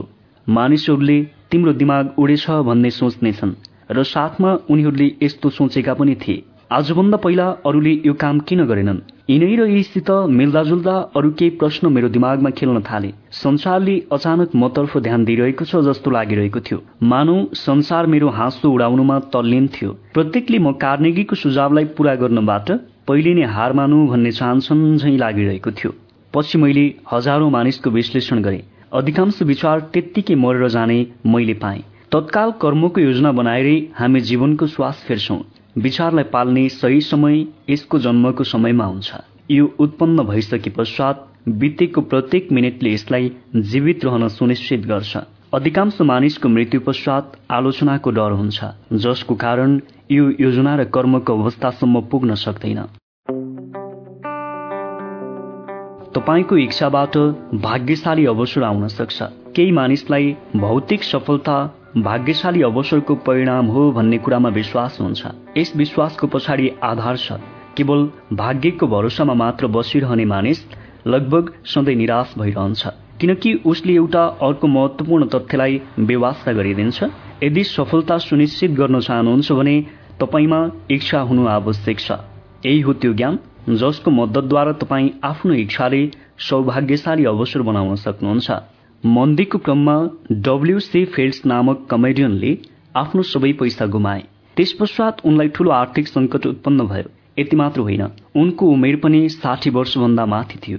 यो उमेरमा मानिसहरू आफूलाई बुढो सम्झिन्छन् जबकि उनले तलब बिना एउटा नयाँ क्षेत्र फिल्ममा काम गर्ने प्रस्ताव राखे। आफ्ना अन्य समस्याहरूको अलावा उनी लडे। उनको घाँटीमा पनि चोट लाग्यो। अन्य व्यक्ति भएका भई सायद यस मौकामा हार मान्ने थिए मैदान छोडिदिने थिए। तर फिल्ड्समा लगन थियो डटिरहेको खण्डमा ढिलो चाँडो अवसर मिल्नेछ भन्ने उनी जान्दथे त्यो अवसर मिल्यो पनि भाग्यकै कारणले भने त्यो अवश्य होइन। म्यारी ड्राजरले साठी वर्षको उमेरमा आफूलाई खराब स्थितिमा पाए। उनको सारा पैसा समाप्त भइसकेको थियो। उनीसँग कुनै पनि काम थिएन। उनी पनि अवसरको खोजमा थिए। त्यो उनलाई प्राप्त भयो। उनको लगनले उनलाई जीवनको साँझमा धेरै आश्चर्यजनक विजय दिलायो जबकि अधिकांश स्त्री पुरुष केही प्राप्त गर्ने महत्वाकांक्षा छोडिदिन्छन्। एडी क्यान्टरले सन् उन्नाइस सय उन्तिसको स्टक क्रासमा आफ्नो सम्पत्ति गुमाए। उनीसँग लगन र अदम्य साहस बाँकी थियो।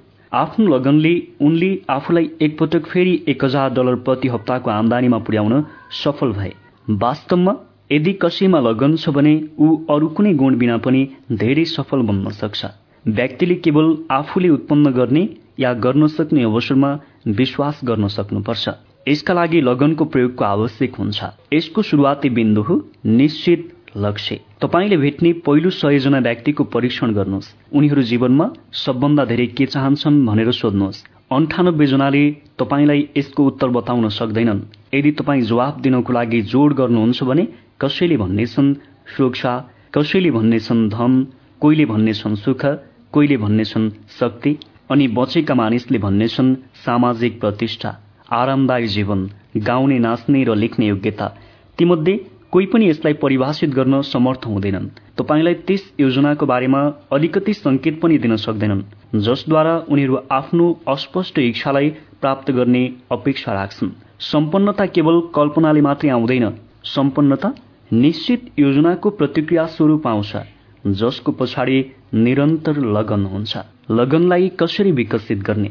लगनको बानी कायम राख्ने चारवटा सजिला कदम छन्। यसका लागि तपाईँमा धेरै बुद्धि या उच्च शिक्षित हुनु आवश्यक छैन। तपाईँले धेरै समय दिनु या प्रयास गर्नु पनि आवश्यक छैन। आवश्यक कदम निम्न छन्। एक निश्चित लक्ष्य। यसको पछाडि यसलाई प्राप्त गर्ने प्रबल इच्छा हुन्छ। दुई एक निश्चित योजना। जस अनुसार निरन्तर काम गर्नुपर्छ। तीन सबै नकारात्मक र हतोत्साहित गर्ने प्रभावतर्फबाट बन्द एउटा मस्तिष्क। यसमा नातेदार मित्र र परिचितको नकारात्मक सुझाव पनि सामेल छ।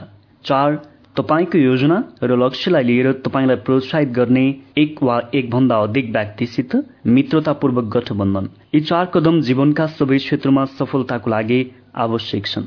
यस दर्शनको तेह्रवटा सिद्धान्तको मुख्य उद्देश्य यी चार कदमलाई आफ्नो बानीको रूपमा विकसित गराउनु हो। यिनै कदमद्वारा व्यक्तिले आफ्नो आर्थिक भाग्यलाई नियन्त्रित गर्न सक्छ।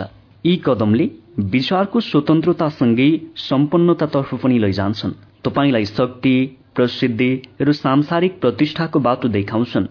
यिनै चार कदम हुन् जसले लाभदायक अवसरको गोरेटो प्रदान गर्छन्। यी कदमले सपनालाई भौतिक यथार्थमा बदल्छन्। यिनले तपाईँलाई डर हताशा उदासीनतामाथि विजय दिलाउँछन्।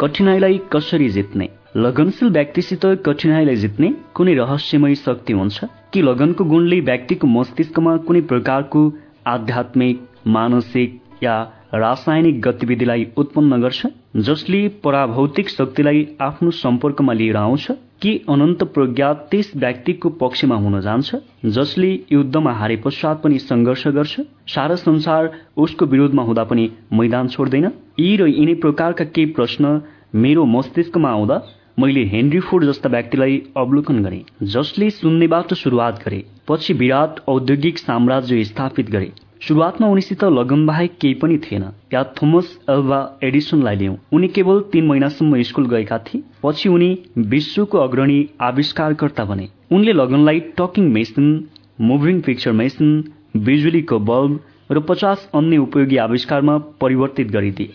मलाई एडिसन र फोर्डको विश्लेषण गर्ने सुखद अवसर प्राप्त भएको छ। मैले केही वर्षसम्म लगातार उनीहरूको क्यारियरमाथि ध्यान दिएको छु। मैले उनीहरूलाई नजिकबाट अध्ययन गरेको छु। यसकारण म यो कुरा वास्तविक ज्ञानको आधारमा भन्दैछु।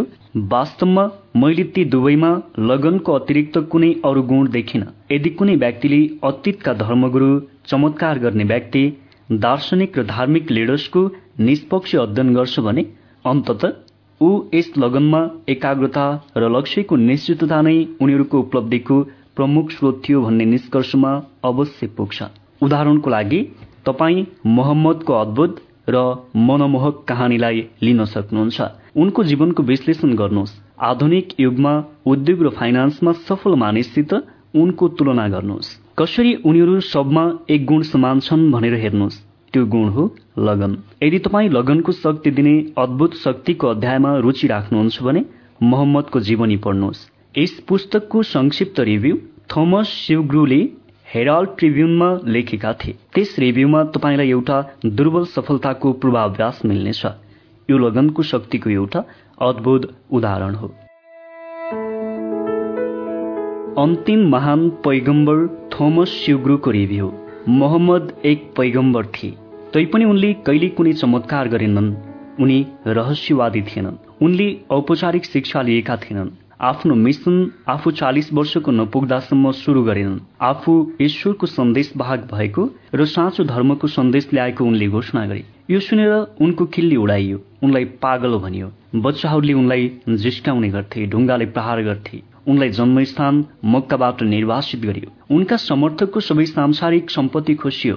उनीहरूलाई पनि मरूभूमिमा मोहम्मदको पछि पठाइयो। दश वर्षसम्म उपदेश दिए पश्चात पनि उनलाई केवल निर्वासन गरिबी र हाँसो बाहेक केही पनि प्राप्त भएन।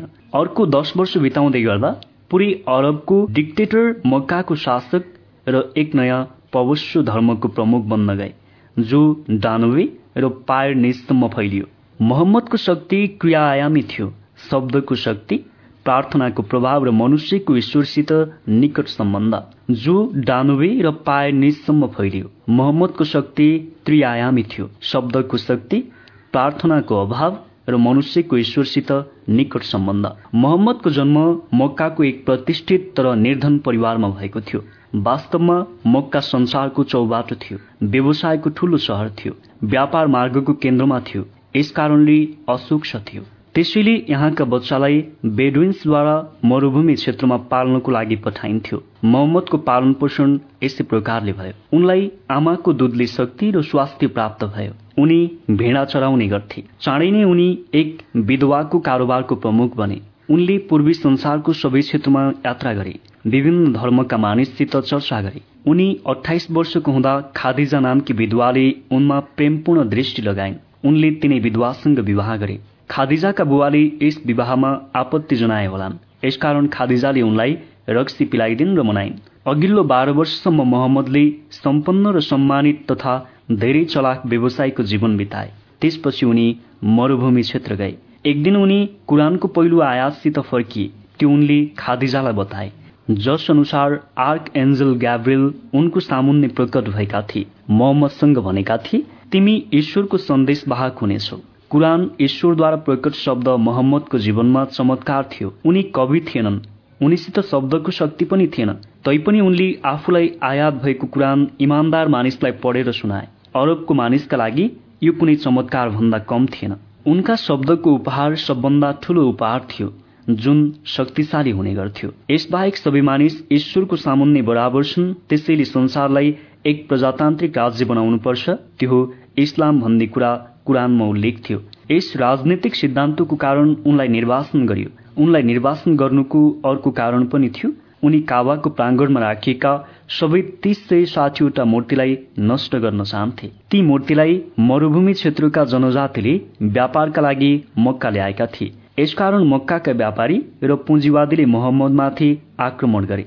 मोहम्मदले विश्वभरि नै सम्प्रभुताको माग गरे। इस्लामको उदय प्रारम्भ भयो। मरूभूमि क्षेत्रबाट एक स्वीकार निस्कियो। प्रजातान्त्रिक सेनासँग मिलेर लड्न र ज्यानको वास्ता नगरी मर्न समर्थकहरू तयार भए। मोहम्मदले इहुदी र इसाईलाई पनि आफ्नो साथमा आउन आमन्त्रण गरे। उनी ती सबैलाई एक आस्थामा सामेल हुनको लागि बोलाइरहेका थिए। यदि इहुदी र इसाईहरूले उनको आमन्त्रणालाई स्वीकार गरेको भए आज इस्लामले संसारलाई जित्ने थियो। तर उनीहरूले यसो गरेनन्। उनीहरूले मोहम्मदको मानवीय युद्धको नयाँ अवधारणालाई पनि स्वीकार गरेनन्। पैगम्बरका सेना जेरुसलममा दाखिला हुँदा उनको आस्थाको कारण कसैको पनि मृत्यु भएन। इसाईहरूले एक मुस्लिम विचारलाई अवश्य स्वीकार गरे शिक्षाको स्थान विश्वविद्यालय।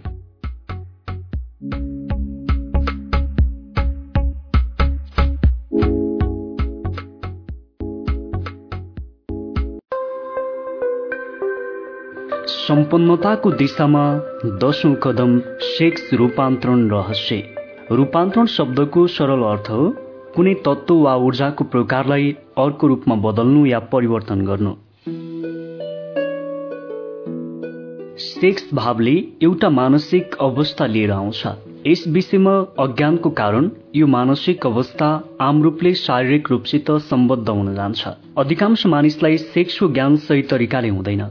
यस प्रकार यसको केवल भौतिक स्वरूपले उनीहरूको मस्तिष्कलाई पूर्वाग्रहले ग्रस्त पार्छ। सेक्स भावको पछाडि तीनवटा रचनात्मक सम्भावना छन्। एक मानव जातिको स्थायीकरण। दुई स्वास्थ्य संरक्षण। आरोग्यकारी माध्यमको रूपमा यसको कुनै तुलना छैन। तीन रूपान्तरणद्वारा औषध दर्जाको व्यक्तिगत जिनियसमा परिवर्तन सेक्सको रूपान्तरण सहज छ। यसलाई सजिलैसित बुझ्न सकिन्छ।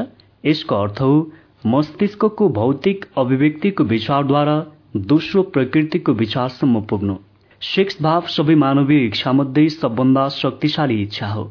यस इच्छाद्वारा सञ्चालित हुनाले व्यक्तिले प्रचुर कल्पनाशीलता साहस इच्छाशक्ति लगन र रचनात्मक योग्यता विकसित गर्न सक्छ जुन अन्य समयमा उनीहरूसित हुँदैन।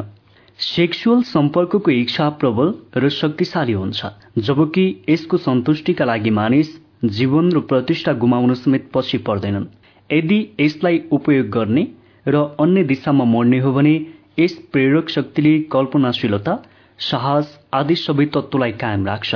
यस सशक्त रचनात्मक शक्तिको प्रयोग साहित्य कला या कुनै पनि अन्य व्यवसायमा गर्न सकिन्छ जसमा धनी बन्नु पनि सामेल छ। सेक्स ऊर्जाको रूपान्तरणको लागि निश्चित रूपले इच्छा शक्तिको प्रयोग आवश्यकता हुन्छ।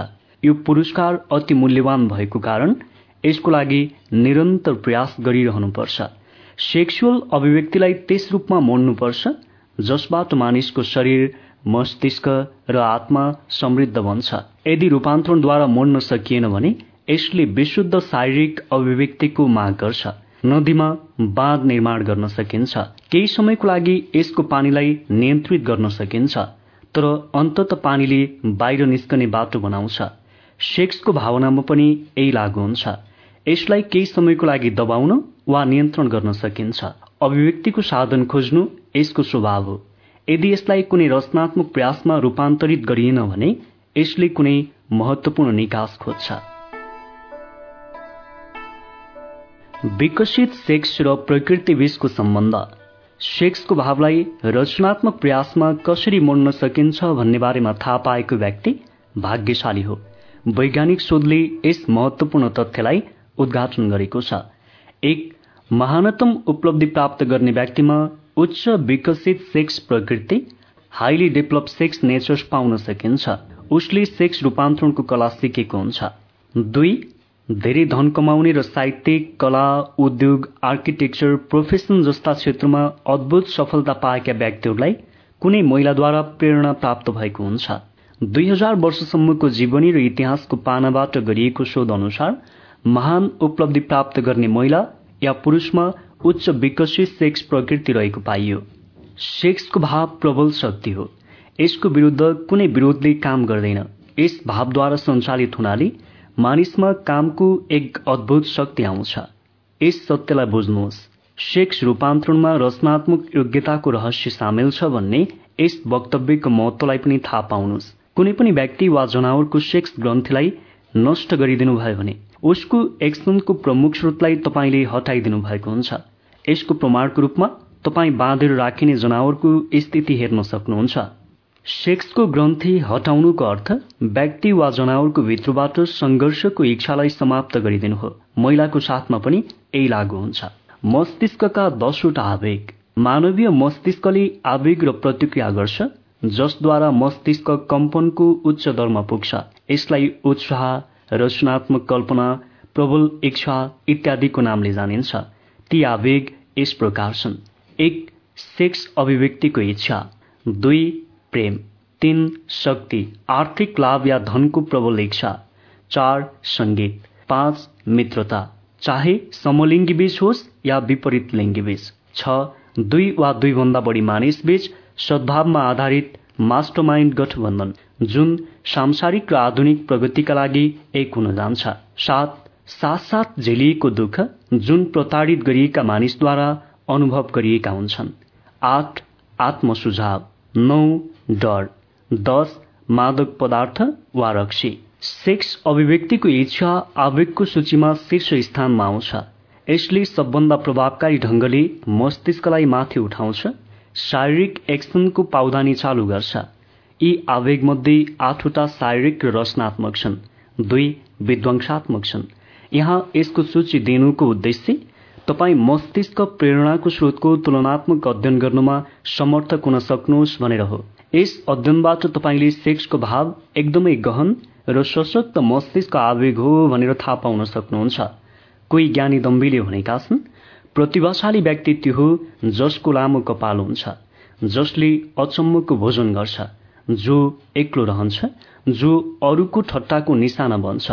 जिनियसको परिभाषा यस्तो छ प्रतिभाशाली व्यक्ति हुन् जसले कसरी विचारको गहनतालाई त्यस बिन्दुसम्म बढाउने जहाँ उनीहरूले ती श्रोतासित मुक्त सम्वाद गर्न सक्छन् भनेर खोजेका छन् जुन सामान्य विचार भएको व्यक्तिका लागि उपलब्ध छैन। चिन्तन गर्ने व्यक्तिले जिनियसको यो परिभाषाको सम्बन्धमा केही प्रश्न सोध्न सक्छन्। पहिलो प्रश्न हुन सक्छ कुनै व्यक्तिले कसरी ज्ञानका ती स्रोतसित सम्वाद गर्न सक्छ जुन सामान्य विचारको माध्यमले उपलब्ध हुँदैन? अर्को प्रश्न हुन सक्छ के ज्ञानको यस्तो ज्ञात स्रोत छ जुन केवल जिनियसलाई मात्र उपलब्ध छ? यदि त्यस्तो हो भने त्यो स्रोत कुन हो? त्यस स्रोतसम्म निश्चित रूपले कसरी पुग्न सकिन्छ? जिनियस छैठौं इन्द्रियद्वारा विकसित हुन्छ। छैठौं इन्द्रियको यथार्थ अब राम्ररी स्थापित भइसकेको छ। शक्तिको प्रयोग बहुसंख्यक कल्पनाशीलता हो। रचनात्मक कल्पनाशीलता शक्तिको प्रयोग बहुसंख्यक मानिसले पूरै जीवनमा कहिल्यै गर्दैनन्? यदि कहिल्यै गरे भने पनि यस्तो आम रूपले संयोगवश मात्र हुन्छ। तुलनात्मक रूपले कम संख्यामा मात्रै मानिसले कुनै उद्देश्यले सोच विचार गरी रचनात्मक कल्पना शक्तिको प्रयोग गर्छन्। स्वैच्छिक रूपले कार्यबोध सहित यसको प्रयोग गर्ने मानिस नै जिनियस हुन्छन्। रचनात्मक कल्पनाशीलता शक्ति मानिसको सीमाबद्ध मस्तिष्क र अन्तत प्रज्ञावेश एक सिधा कडी हो। सबै तथाकथित धार्मिक क्षेत्रको रहस्योद्घाटन र आविष्कारको क्षेत्रमा नयाँ वा मूलभूत सिद्धान्तको सबै खोज कल्पनाशीलता शक्तिद्वारा नै सम्भव हुन्छ। आभास कहाँबाट आउँछ? विचार वा अवधारणा कुनै व्यक्तिको मस्तिष्कमा आउँछ भने त्यसलाई लोकप्रिय भाषामा आभास भनिन्छ। ती यीमध्ये कुनै एक वा एकभन्दा बढी स्रोतबाट आउँछ। एक अनन्त प्रज्ञा। दुई अवचेतन मस्तिष्क जहाँ पाँचौं इन्द्रियद्वारा मस्तिष्कसम्म पुगी सारा विचार रेकर्ड हुन्छ। तीन कुनै सचेतन विचारको माध्यमले प्राप्त विचार वा अवधारणाको तस्बिर। चार कुनै अन्य ज्ञात स्रोत होइन जहाँबाट प्रेरक विचार वा आभास प्राप्त गर्न सकिन्छ। मस्तिष्कको कामलाई दसवटा मस्तिष्क आवेग मध्ये एक वा एकभन्दा बढी आवेगद्वारा प्रेरित गर्दा यसले व्यक्तिमा विशेष प्रभाव पार्छ। ऊ सामान्य विचारको क्षितिजबाट माथि उठ्न सक्छ। मस्तिष्क आवेगको कुनै स्वरूपद्वारा विचारको अधिक उच्च स्तरसम्म उठ्नुहुँदा तपाईँ हवाई जहाजमा अति उचाइमा पुग्नु भएको हुन्छ जहाँबाट तपाईँले क्षितिज पारी देख्न सक्नुहुन्छ। जुन जमिनमा रहेको समयमा तपाईँको आँखाले देख्न सक्दैन। त्यस बेला व्यक्तिले कुनै आवेगद्वारा बाधा वा बन्धन महसुस गर्दैन। यो कुरा उसले तीन मूलभूत आवश्यकताहरू भोजन वस्त्र र आवास प्राप्त गर्ने समस्यासित सङ्घर्ष गर्दा महसुस हुन्छ। ऊ विचारको एउटा यस्तो संसारमा हुन्छ जहाँ साधारण विचार प्रभावकारी ढङ्गले हट्छ। जस प्रकार हवाईजहाजमा माथि जाँदा पहाड र भौतिक दृष्टिका अन्य सीमा हट्छन्। विचारको यस उच्चतर स्तरमा मस्तिष्कको रचनात्मक शक्तिलाई काम गर्न स्वतन्त्रता मिल्छ। छैठौं इन्द्रियलाई काम गर्नको लागि बाटो स्पष्ट हुन जान्छ। यो ती विचारप्रति ग्रहणशील हुन जान्छ जुन व्यक्तिसम्म कुनै अन्य परिस्थितिद्वारा पुग्न सक्दैन। छैठौं इन्द्रिय एउटा यस्तो शक्ति हो जसले एक जिनियस र सामान्य व्यक्तिको अन्तरलाई स्पष्ट गर्छ रचनात्मक शक्तिलाई कसरी विकसित गर्ने? रचनात्मक शक्तिलाई अधिक उपयोग गरेमा यो त्यति नै धेरै विकसित हुन्छ। व्यक्तिको अवचेतन मस्तिष्क बाहिरबाट आएको तत्त्वप्रति त्यति नै अधिक फराकिलो र ग्रहणशील हुन्छ। व्यक्तिले यसमा जति विश्वास गर्छ त्यति नै प्रबल बन्दै जान्छ। यस शक्तिलाई केवल उपयोगद्वारा विकसित गर्न सकिन्छ जसलाई हामी अन्तरात्मा भन्छौँ। यसले पनि छैठौं इन्द्रियको शक्तिद्वारा नै काम गर्छ। महान कलाकार लेखक संगीतकार र कवि महान बन्नुको कारण उनीहरूले आफै भित्रको शान्त सानो आवाजप्रति विश्वास गर्ने बानी बसाए। यस आवाजले रचनात्मक कल्पनाशीलता शक्तिद्वारा भित्रबाट बोल्छ। यसमा प्रखर कल्पना शक्ति हुन्छ। आफूमा सर्वश्रेष्ठ विचार यस तथाकथित आभासद्वारा आउँछ भनेर उनीहरूले राम्रोसँग जान्दछन्। एक महान वक्ता छन्। उनी आफ्नो आँखा बन्द नगरुन्जेल र रचनात्मक कल्पनाशीलता शक्तिमा पूर्ण रूपले निर्भर नहुँदासम्म महानता प्राप्त गर्दैनन्। उनलाई आफ्नो भाषणको क्लाइमेक्समा पुग्नुभन्दा ठिक पहिले आफ्नो आँखा किन बन्द गर्नुहुन्छ भनेर सोधियो। उनले उत्तर दिए किनकि त्यसबेला म मेरो अन्तरात्माबाट आएको विचारलाई व्यक्त गर्छु। अमेरिकाका सबभन्दा सफल र प्रसिद्ध फाइनेन्सर मध्ये एकको यस्तै खालको बानी थियो। उनी निर्णय लिनुभन्दा पहिला दुई वा तीन मिनटसम्म आँखा बन्द गर्थे। उनले यसो किन गर्थे भनेर उनलाई सोधियो। उनले जवाफ दिए आँखा बन्द गर्नाले म सुपरियर प्रज्ञाको स्रोतले विचार प्राप्त गर्नमा समर्थ हुन सक्छु। एक आविष्कारले कसरी आफ्नो सर्वश्रेष्ठ विचार प्राप्त गरे?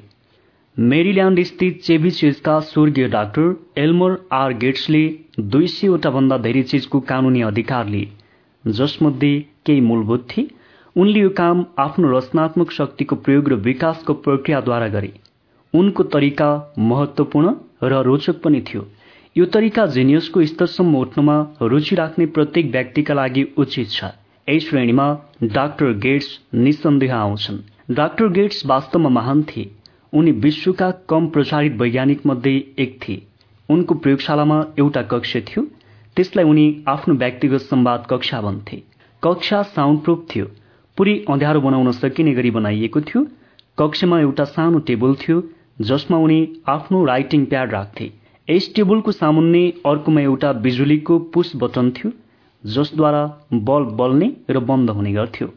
डाक्टर गेट्सलाई आफ्नो रचनात्मक शक्तिद्वारा उपलब्ध शक्ति लिउँ भन्ने इच्छा हुँदा उनी यस कोठामा गएर टेबलको सामुन्ने बस्थे।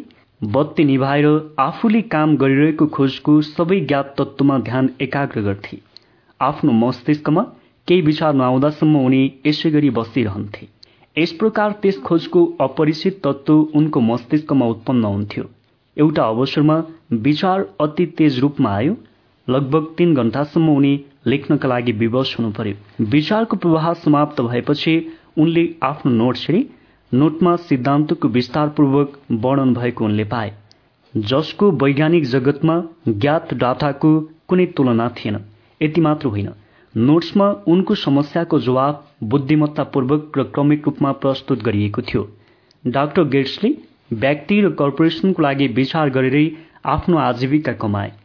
अमेरिकाको केही सबभन्दा ठूलो कर्पोरेसनले उनलाई प्रति घण्टाको हिसाबले प्रशस्त फिस दिने गर्थे ताकि उनी विचारका लागि बस्छन्। तार्किक शक्ति प्राय गडबड हुन्छ। यो धेरै हदसम्म व्यक्तिको सञ्चित अनुभवले निर्देशित हुन्छ। अनुभवद्वारा ज्ञात सबै ज्ञान सही हुँदैन। रचनात्मक शक्तिद्वारा प्राप्त विचार अधिक विश्वसनीय हुन्छ। त्यो यस्तो स्रोतद्वारा आउँछ जुन मस्तिष्कको तार्किक शक्तिको उपलब्ध स्रोत भन्दा धेरै विश्वसनीय हुन्छ। जिनियसद्वारा प्रयोग हुने तरिका अब तपाईँको लागि उपलब्ध छ। जिनियस र साधारण आविष्कारकमा सबभन्दा ठूलो अन्तर भनेको जिनियसले आफ्नो रचनात्मक कल्पना शक्तिद्वारा काम गर्छ साधारण व्यक्ति यस शक्तिको बारेमा केही जान्दैन। वैज्ञानिक आविष्कारकले संश्लिष्ट र रचनात्मक दुवै प्रकारको कल्पना शक्तिको प्रयोग गर्न सक्छ। उदाहरणको लागि एक वैज्ञानिक आविष्कारकले कुनै खोज सुरु गरेपछि संश्लिष्ट शक्ति तार्किक शक्तिद्वारा सञ्चित आफ्नो ज्ञान विचार या सिद्धान्तलाई जम्मा र संगठित गर्छ। यदि उसलाई यो सञ्चित ज्ञान उसको आविष्कारको लागि पर्याप्त छैन भन्ने लाग्यो भने उसले आफ्नो रचनात्मक शक्तिको प्रयोगद्वारा उपलब्ध ज्ञानको स्रोतको सहारा लिन्छ। उसको तरिकाको सार यस प्रकार हुन्छ। एक उसले आफ्नो मस्तिष्कलाई प्रेरित गर्छ ताकि यसले सामान्यदेखि माथिल्लो स्तरसम्म काम गरोस्। यसका लागि उसले दश मस्तिष्क आवेगमध्ये एक वा एकभन्दा धेरै अथवा आफ्नो इच्छाको कुनै अन्य आवेगको प्रयोग गर्न सक्छ। दुई उसले आफ्नो आविष्कारका सबै ज्ञात तत्त्वमा ध्यान एकाग्र गर्छ। आफ्नो मस्तिष्कमा आविष्कारसित सम्बन्धित सबै अज्ञात तत्त्वको एउटा पूरा तस्बिर बनाउँछ। त्यस तस्बिरलाई उसले आफ्नो मस्तिष्कमा राख्छ। त्यसलाई अवचेतन मस्तिष्कले नपक्रिँदासम्म राख्छ। त्यसपछि उसले आफ्नो मस्तिष्कबाट सबै विचारलाई निकाल्छ। मस्तिष्कमा जवाफ प्रस्फुटन नहुन्जेलसम्म पर्खिन्छ। केही पटक परिणाम निश्चित र तत्काल हुन्छ। बाँकी समय परिणाम नकारात्मक हुन्छ। जुन छैठौं इन्द्रिय या रचनात्मक शक्तिको विकासको अवस्थामा निर्भर गर्छ। थोमस एल्वा एडिसनले बिजुलीको बल्ब बनाउनको लागि आफ्नो कल्पनाको संश्लिष्ट शक्तिद्वारा दस हजार भन्दा धेरै विचारको संयोजन गरे। फेरि उनी रचनात्मक शक्तिद्वारा विश्वसनीय स्रोतसित जोडे बल्ल उनलाई आफ्नो समस्याको समाधान प्राप्त भयो। उनले बल्ब बनाउन सके। फोनोग्राफ बनाउने समयमा पनि अश्लीलता शक्तिको प्रयोगद्वारा महानता प्राप्त गरे। उनले यस शक्तिलाई प्रेमको आवेगको परिणामस्वरूप खोजे। यस्तो अनुभव उनलाई रुटलेससित भेट भएपछि भयो। जिनियसको स्रोतको अध्ययनको सम्बन्धमा यो महत्वपूर्ण कुरा हो। सेक्सको प्रेरक शक्ति। महान लिडर्सका रेकर्डले इतिहास भरिएको छ। उनीहरूको उपलब्धिको पछाडि कुनै महिलाको मस्तिष्कको प्रयोग थियो।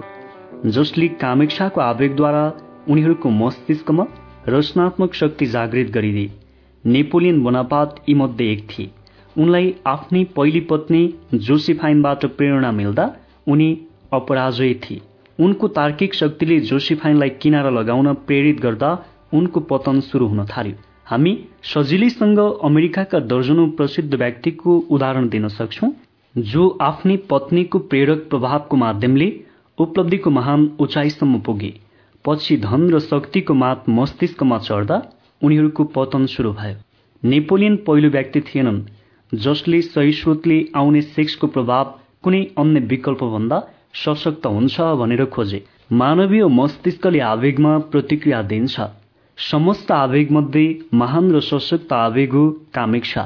यसको उपयोग र रूपान्तरित गरिन्छ भने यो प्रेरक शक्तिले मानिसलाई विचारको अधिक उचाइसम्म उठाउन सक्छ जसद्वारा तल्लो स्तरमा जसको बाटोमा रोडा बनेको चिन्ता र छुटपुट कठिनाईको स्रोतलाई टाढा भगाउन सक्षम भइन्छ। यादलाई ताजा बनाउने उद्देश्यले यहाँ महान उपलब्धि प्राप्त गरेका केही व्यक्तिको नामावली प्रस्तुत गरिएको छ। जसमध्ये प्रत्येकमा काम प्रवृत्ति उच्च स्तरको थियो। उनीहरूको प्रतिभा निसन्देह सेक्स ऊर्जामा रूपान्तरित हुने शक्तिको स्रोतमा पाउन सकिन्छ। एक जर्ज वासिङटन दुई थोमस जेफर्सन। तीन नेपोलियन बोनापार चार अल्बर्ट हबार्ड। पाँच विलियम सेक्सपियर छ अल्बर्ट एजगारी सात अब्राहम लिङ्कन आठ बुड्रो विल्सन। नौ रोबर्ट बनसत्र दस जोन एच पिटर्सन एघार एन्ड्रु ज्याक्सन बाह्र एन्ड्रिको क्यारोसोराफ तेह्र वाल्डो इमर्सन। तपाईँ जीवनभरि आफ्नो ज्ञानले यस सूचीमा केही अन्य नाम जोड्न सक्नुहुन्छ। पुरै इतिहास र सभ्यतामा एकमात्र व्यक्ति खोज्नुहोस् जसले कुनै पनि क्षेत्रमा अद्भुत सफलता पाएको होस्। यदि तपाईँ अहिले जीवित नभएका व्यक्तिको जीवनीमा विश्वास गर्न चाहनुहुन्छ भने जसलाई तपाईँ महान उपलब्धि प्राप्त गरेका व्यक्ति मान्नुहुन्छ तिनलाई हेर्नुहोस्। के तीमध्ये उच्च सेक्स प्रकृतिको नरहेको व्यक्ति कुनै छैन? सेक्सको ऊर्जा प्रत्येक जिनियसको रचनात्मक ऊर्जा हो। विश्वका कुनै पनि महान व्यक्तिमा सेक्सको प्रेरक शक्तिको अभाव रहेको पाइँदैन। यसको मतलब उच्च सेक्स प्रकृतिका प्रत्येक व्यक्ति जिनियस हुन्छन् भन्ने होइन। जिनियसको स्तरलाई प्राप्त गर्नको लागि मानिसहरूले कल्पनाको रचनात्मक शक्तिद्वारा आफ्नो मस्तिष्कलाई प्रेरित गर्छन्। उपलब्धि शक्तिको सहारा लिन्छन्। प्रेरणा दिने आवेग मध्ये प्रमुख सेक्स ऊर्जा। यस ऊर्जाको परिस्थिति मात्रै जिनियस हुनुको लागि प्रशस्त छैन। यस ऊर्जालाई शारीरिक सम्पर्कको इच्छाले रूपान्तरित गरी इच्छा र एक्सनको कुनै अन्य रूपमा बदल्नुपर्छ।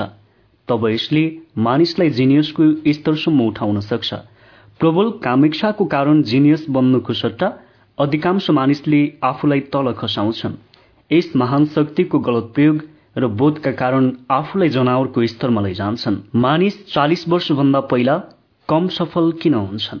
मैले पच्चिस हजार जनाभन्दा बढीको विश्लेषणबाट चालिस वर्षभन्दा कम उमेरमा मानिसहरू सायदै किन सफल हुन्छन् भन्ने कुराको खोज गरे।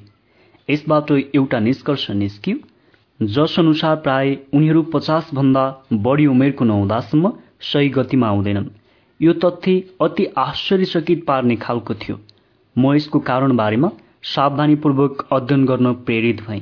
यस अध्यायले सबभन्दा ठूलो निष्कर्ष उजागर गर्यो। अधिकांश मानिस चालिसदेखि पचास वर्षको उमेरभन्दा पहिले सफल हुन सक्दैनन् भन्ने थाहा भयो किनकि उनीहरू सेक्स भावको शारीरिक अभिव्यक्तिमा अधिक संलग्न रहन्छन्। अधिकांश मानिसले सेक्सको आकांक्षाको अन्य सम्भावना पनि छ भनेर कहिल्यै सिक्न सक्दैनन्। अर्को सम्भावना यसको शारीरिक अभिव्यक्तिभन्दा बढी महत्वपूर्ण छ। यसको खोज गर्ने मध्ये अधिकांश मानिस सेक्स ऊर्जा शिखरमा पुगेको कालखण्डको केही वर्ष बर्बाद गर्छन्। अर्थात् आम रूपले उल्लेखनीय उपलब्धि पैंतालिसदेखि पचास वर्षको उमेर पश्चात आउँछ। केही मानिसले चालिस वर्ष र त्यसपछि पनि ऊर्जालाई लगातार अपव्यय गर्छन्। यसलाई असल मार्गमा प्रयोग गर्न सकिन्थ्यो। उनीहरूको श्रेष्ठ अधिक सशक्त भाव हावामा त्यसै उडेर जान्छ। अधिकांश मानवीय भावमा सेक्सुअल अभिव्यक्ति सबभन्दा प्रबल र सशक्त हो। यसै कारण यस आकांक्षाको उपयोग गर्दा र यसलाई शारीरिक अभिव्यक्तिको सट्टा अन्य मार्गमा प्रयोग गर्दा यसले कुनै पनि व्यक्तिलाई महान उपलब्धिको स्तरमा लैजान सक्छ। समस्त मानसिक आवेगमा महानतम। इतिहासमा कृत्रिम मानसिक प्रेरक जस्तै अल्कोहल या मादक पदार्थको प्रयोगद्वारा परिणाम प्राप्त गर्ने व्यक्तिको कमी छैन। एडगर एलन पोले द रेभन रक्सीको नसामा लेखे। यस्तो सपना देखेर लेखे जुन त्यसभन्दा पहिला कसैले देख्ने साहस कहिले गरेका थिएनन्। जेम्स व्हिटकोम राईले आफ्नो सर्वश्रेष्ठ लेखन रक्सीकै नसामा सम्पन्न गरे। त्यसै गरी रोबर्ट बन्सले पनि नसामै आफ्नो सर्वश्रेष्ठ लेखन गरे। यहाँ याद राख्नुपर्ने कुरा भनेको यस्ता केही व्यक्तिले अन्त्यमा आफूलाई नष्ट गरे प्रकृतिले स्वयंमा प्रेरक द्रव्य बनाएको छ जसद्वारा मानिसले आफ्नो मस्तिष्कलाई सुरक्षित रूपले प्रेरित गर्न सक्छ राम्रो अनि दुर्लभ विचार प्राप्त गर्न सक्छ थाहा छैन त्यो कहाँबाट आउँछ। प्रकृतिको प्रेरकको कुनै सन्तोषजनक विकल्प आजसम्म खोजिएको छैन। सेक्स आकांक्षा र आध्यात्मिक आकांक्षामा धेरै नजिकको सम्बन्ध हुन्छ भनेर मनोवैज्ञानिक जान्दछन्। यो तथ्य धार्मिक उन्मादमा सामेल हुने व्यक्तिको अनौठो व्यवहारबाट स्पष्ट हुन्छ। संसार मानवीय भावद्वारा शासित छ। सभ्यताको भाग्य पनि यसैबाट स्थापित हुन्छ। व्यक्ति आफ्नो काममा तर्कद्वारा त्यति प्रभावित हुँदैन जति कि भावनाद्वारा हुन्छ। मस्तिष्कको रचनात्मक शक्ति पूर्ण रूपमा भावनाद्वारा सञ्चालित हुन्छ न कि चिसो तर्कले। समस्त मानवीय भावमा सबभन्दा सशक्त सेक्सको भाव हो। मस्तिष्कको प्रेरक आवेग त्यो प्रभाव हो जसले विचारको गहनतालाई स्थायी वा अस्थायी रूपले बढाउन सक्छ। विगतमा वर्णन गरिएका दश प्रमुख प्रेरकको वर्णन सबभन्दा आम प्रेरक हो। यस स्रोतद्वारा व्यक्तिले अनन्त प्रज्ञासित सम्पर्क गर्न सक्छ। या आफ्नो इच्छाले आफ्नो वा कुनै अन्य व्यक्तिको अवचेतन मस्तिष्कको स्टोर हाउसमा प्रवेश गर्न सक्छ। यस्तो जिनियसको तरिका हुन्छ। व्यक्तिगत चुम्बकीयताको स्टोर हाउस।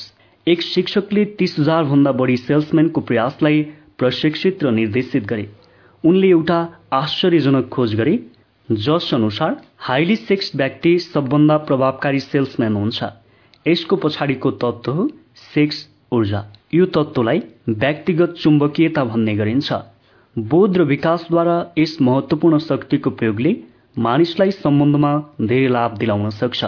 यो ऊर्जा अरूमा निम्न माध्यमले सम्प्रेषित गर्न सकिन्छ। एक हात मिलाउनु। हातको स्पर्शले तत्काल चुम्बकीयताको उपस्थिति या अनुपस्थितिको बारेमा बताउँछ।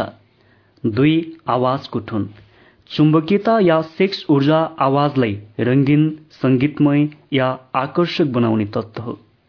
तीन पोस्चर र शरीरको स्थिति। हाइली सेक्स व्यक्ति तेज शालीनता र सहजतापूर्वक हिँड्छन्। चार विचारको कम्पन। हाइली सेक्स व्यक्तिले सेक्सको भावलाई आफ्नो विचारमा मिश्रित गर्छन् या यस्तो आफ्नो इच्छा अनुसार गर्न सक्छन् यस प्रकार उनीहरूले आफ्नो सम्पर्कमा आउने व्यक्तिलाई प्रभावित गर्छन्। पाँच शरीरको सजावट। हाइली सेक्स भाव हुने व्यक्तिहरू आफ्नो व्यक्तिगत छविको बारेमा आम रूपले धेरै सजग हुन्छन्। उनीहरूले सामान्यतया उनीहरूको व्यक्तित्व शरीर र रङ आकर्षक बन्ने खालको कपडा छान्छन् सेल्सम्यानको काममा राख्ने समयमा सक्षम सेल्स म्यानेजरले सबभन्दा पहिले हेर्ने गुण हो व्यक्तिगत चुम्बकीयता जुन सेल्सम्यानको पहिलो आवश्यकता हो। सेक्स ऊर्जा कम हुने मानिसहरू कहिले उत्साहित हुन सक्दैनन् या अरूलाई उत्साहित गर्न सक्दैनन्। उत्साह सेल्सम्यानसिपको सबभन्दा महत्वपूर्ण शर्त मध्ये एक हो। चाहे उनीहरूले जेसुकै बेचिरहेका हुन्। सेक्स ऊर्जा कम भएका सार्वजनिक वक्ता वकिल या सेल्सम्यान अरूलाई प्रभावित गर्न असफल हुन्छन्। अधिकांश मानिसलाई उनीहरूको भावनाप्रति प्रभाव पारेर मात्र प्रभावित गर्न सकिन्छ। अब तपाईँले सेल्सम्यानको योग्यताको भागको रूपमा सेक्स ऊर्जाको महत्व कति धेरै छ भनेर बुझ्नुभयो होला। मास्टर सेल्सम्यानले सेलिङमा सफलता प्राप्त गर्छन्। उनीहरू जानी जानी सेक्स ऊर्जालाई सेल्स उत्साहमा रूपान्तरित गर्छन्। यस वक्तव्यबाट सेक्स रूपान्तरणको वास्तविक प्र्याक्टिकल सुझाव पाउन सकिन्छ। कसरी आफ्नो मस्तिष्कलाई सेक्सको विषयबाट टाढा राख्ने? कसरी यसलाई सेल्स प्रयासमा लगाउने? र यस कामलाई उत्साह तथा संकल्प गर्ने भनेर थाहा पाउने सेल्सम्यानले सेक्स रूपान्तरणको कला प्राप्त गरेका हुन्छन्। भलै उनीहरू यस कुरालाई जानुन् या नजानुन्। बहुसंख्यक आफ्नो सेल्स ऊर्जालाई रूपान्तरित गर्ने सेल्सम्यानले थाहै नपाई यसो गर्छन्। सेक्स ऊर्जाको रूपान्तरणको लागि धेरै इच्छा शक्तिको आवश्यकता पर्छ। आम व्यक्तिहरूले यस उद्देश्यको लागि यतिको इच्छा शक्ति जुटाउन वास्ता गर्दैनन्। यस रूपान्तरणको लागि पर्याप्त इच्छा शक्ति जुटाउन कठिन लाग्ने व्यक्तिले यस योग्यतालाई बिस्तारै प्राप्त गर्न सक्छन्। यसमा इच्छा शक्तिको आवश्यकता हुन्छ। यसको पुरस्कार प्रयोगद्वारा धेरै मिल्छ। सेक्सको बारेमा गलत विश्वासले व्यक्तित्वलाई हानि गर्छ। सेक्स एक यस्तो विषय हो जसको बारेमा अधिकांश मानिस जानकार छैनन्। उनीहरूले सेक्सको आकांक्षालाई गलत रूपमा लिएका छन् यसलाई दोषी ठहराएका छन् खिल्ली उडाएका छन् यस्तो काम अज्ञानी व्यक्तिले गरेका छन् नराम्रो मानसिकता भएका मानिसले गरेका छन्। प्रबद्धताको यस गुणमा पनि करोडौँ मानिस हीन भावनाको शिकार छन्। उनीहरू हाइली सेक्स नेचर एक श्राप हो भन्ने ठान्छन्। सेक्सको भावना यसलाई बुद्धिमानी र सावधानीपूर्वक प्रयोग गरेपछि मात्रै एउटा सद्गुण हो। यसलाई दुरुपयोग पनि गर्न सकिन्छ प्राय गरिन्छ पनि। कति हदसम्म दुरुपयोग गरिन्छ भन्ने यसबाट शरीर र मस्तिष्क दुवै समृद्ध बनाउनुको सट्टा तल खसाइन्छ। लेखकले प्रत्येक महान लिडरको उपलब्धिको पछाडि कुनै महिलाको प्रेरणा थियो भन्ने थाहा पाए। उनलाई यो कुरा महत्वपूर्ण लाग्यो। ती लिडरमध्ये एउटा उदाहरणमा एक महिला थिइन्। उनी सङ्कुची र आफूलाई अस्वीकार गर्ने पत्नी थिइन्। त्यसैले ती लिडरको भनाई जनताले धेरै कम या बिल्कुलै सुनेनन्। केही उदाहरणमा प्रेरणाको स्रोत दोस्रो महिलामा पाइयो। मादक पदार्थद्वारा प्रेरक आवेग असंयमको विध्वंसक रूप हो भनेर प्रत्येक बुद्धिमान मानिसले जान्दछन्। प्रत्येक व्यक्तिले सेक्सको अभिव्यक्तिमा अति संलग्नता एक यस्तो बानी बन्न जान्छ जुन रचनात्मक प्रयासका लागि त्यति नै विनाशक र घातक हुन्छ जति मादक पदार्थ हुन्छ भनेर जान्दैनन्। सेक्सको पछाडि पग्लिएको व्यक्ति नसामा पग्लिएको व्यक्तिभन्दा भिन्न हुँदैन। दुवै आफ्नो तर्क र इच्छा शक्तिमाथि नियन्त्रण गुमाएर बसेका हुन्छन्। हाइपोकेन्द्रिक काल्पनिक बिरामीको केही मामिला सेक्सको सही कामको अज्ञानताको कारण विकसित बानीबाट उत्पन्न हुन्छ। सेक्सको विषयमा चारैतर्फ फैलिएको अज्ञानता यस तथ्यको कारण हो। यो विषय रहस्य र अन्धकारमय मौनतामा लटपटिनु यसको अर्को कारण हो। रहस्य र मौनताको षड्यन्त्रले युवा व्यक्तिमा प्रभाव पार्छ। यसबाट मानिसको जिज्ञासा बढ्छ। तसर्थ उसले यस विषयको बारेमा धेरै ज्ञान प्राप्त गर्नु जरुरी छ। चालिस पछाडिको लाभदायक वर्ष। मानिसहरू कुनै पनि क्षेत्रमा उच्च र रचनात्मक प्रयासमा चालिस वर्षभन्दा कम उमेरमा पुग्दैनन्। पुगे पनि धेरै कम पुग्छन्। औषध व्यक्तिमा महान रचनात्मक क्षमताको उमेर चालिस र साठीको बीचमा हुन्छ। यो तथ्य चालिस वर्षभन्दा पहिला सफल हुन नसकेका व्यक्तिको लागि उत्साहवर्धक हुनुपर्छ। बुढ्यौलीको आगमनलाई लिएर भयभीत हुने व्यक्तिको लागि उत्साहजनक हुनुपर्छ। चालिस र पचास वर्ष बीचको समय आम रूपले सबभन्दा लाभदायक हुन्छ। मानिसले यो उमेर आउँदा डराउनु हुँदैन। बरु आशा र उत्सुकताका साथ यसको प्रतीक्षा गर्नुपर्छ। यदि तपाईँ अधिकांश मानिसले आफ्नो सर्वश्रेष्ठ काम चालिस वर्षको उमेरभन्दा पहिले सुरु गर्दैनन् भन्ने प्रमाण चाहनुहुन्छ भने अमेरिकाका सफल व्यक्तिको रेकर्डहरू उठाएर हेर्नुहोस्। त्यहाँ तपाईँलाई प्रमाण मिल्नेछ। हेनरी फोर्ड चालिस वर्ष पार नगर्दासम्म सफल भएका थिएनन्। एन्ड्रयू कार्नेगी चालिसभन्दा बढी उमेर पुगिसकेका थिए। बल्ल उनलाई आफ्नो प्रयासको फल प्राप्त भयो। जेक्स जे हिलले चालिस वर्षको उमेरमा पनि टेलिग्राफ चलाइरहेका थिए। उनलाई विराट उपलब्धि त्यस उमेर पश्चात प्राप्त भयो। अमेरिकी उद्योगपति र फाइनान्सरका जीवनीमा चालिसदेखि साठी वर्ष बीचको कालखण्ड सबभन्दा अधिक उत्पादन रहन्छ भन्ने प्रमाण लेखिएको छ। तीस र चालिसको बीचको उमेरमा व्यक्तिले सेक्स रूपान्तरणको कलालाई बुझ्न थाल्छ। यदि उनीहरूले सिके भने यो खोज आम रूपले संयोगवश हुन्छ। सामान्यतया मानिसहरू यसबारेमा पूर्ण रूपले अपरिचित हुन्छन्। उनीहरूले आफ्नो उपलब्धिको शक्ति पैंतालिसदेखि चालिस वर्षको आसपासमा बढेका देख्छन्। अधिकांश प्रकरणमा उनीहरू यस परिवर्तनको बारेमा जान्दैनन्।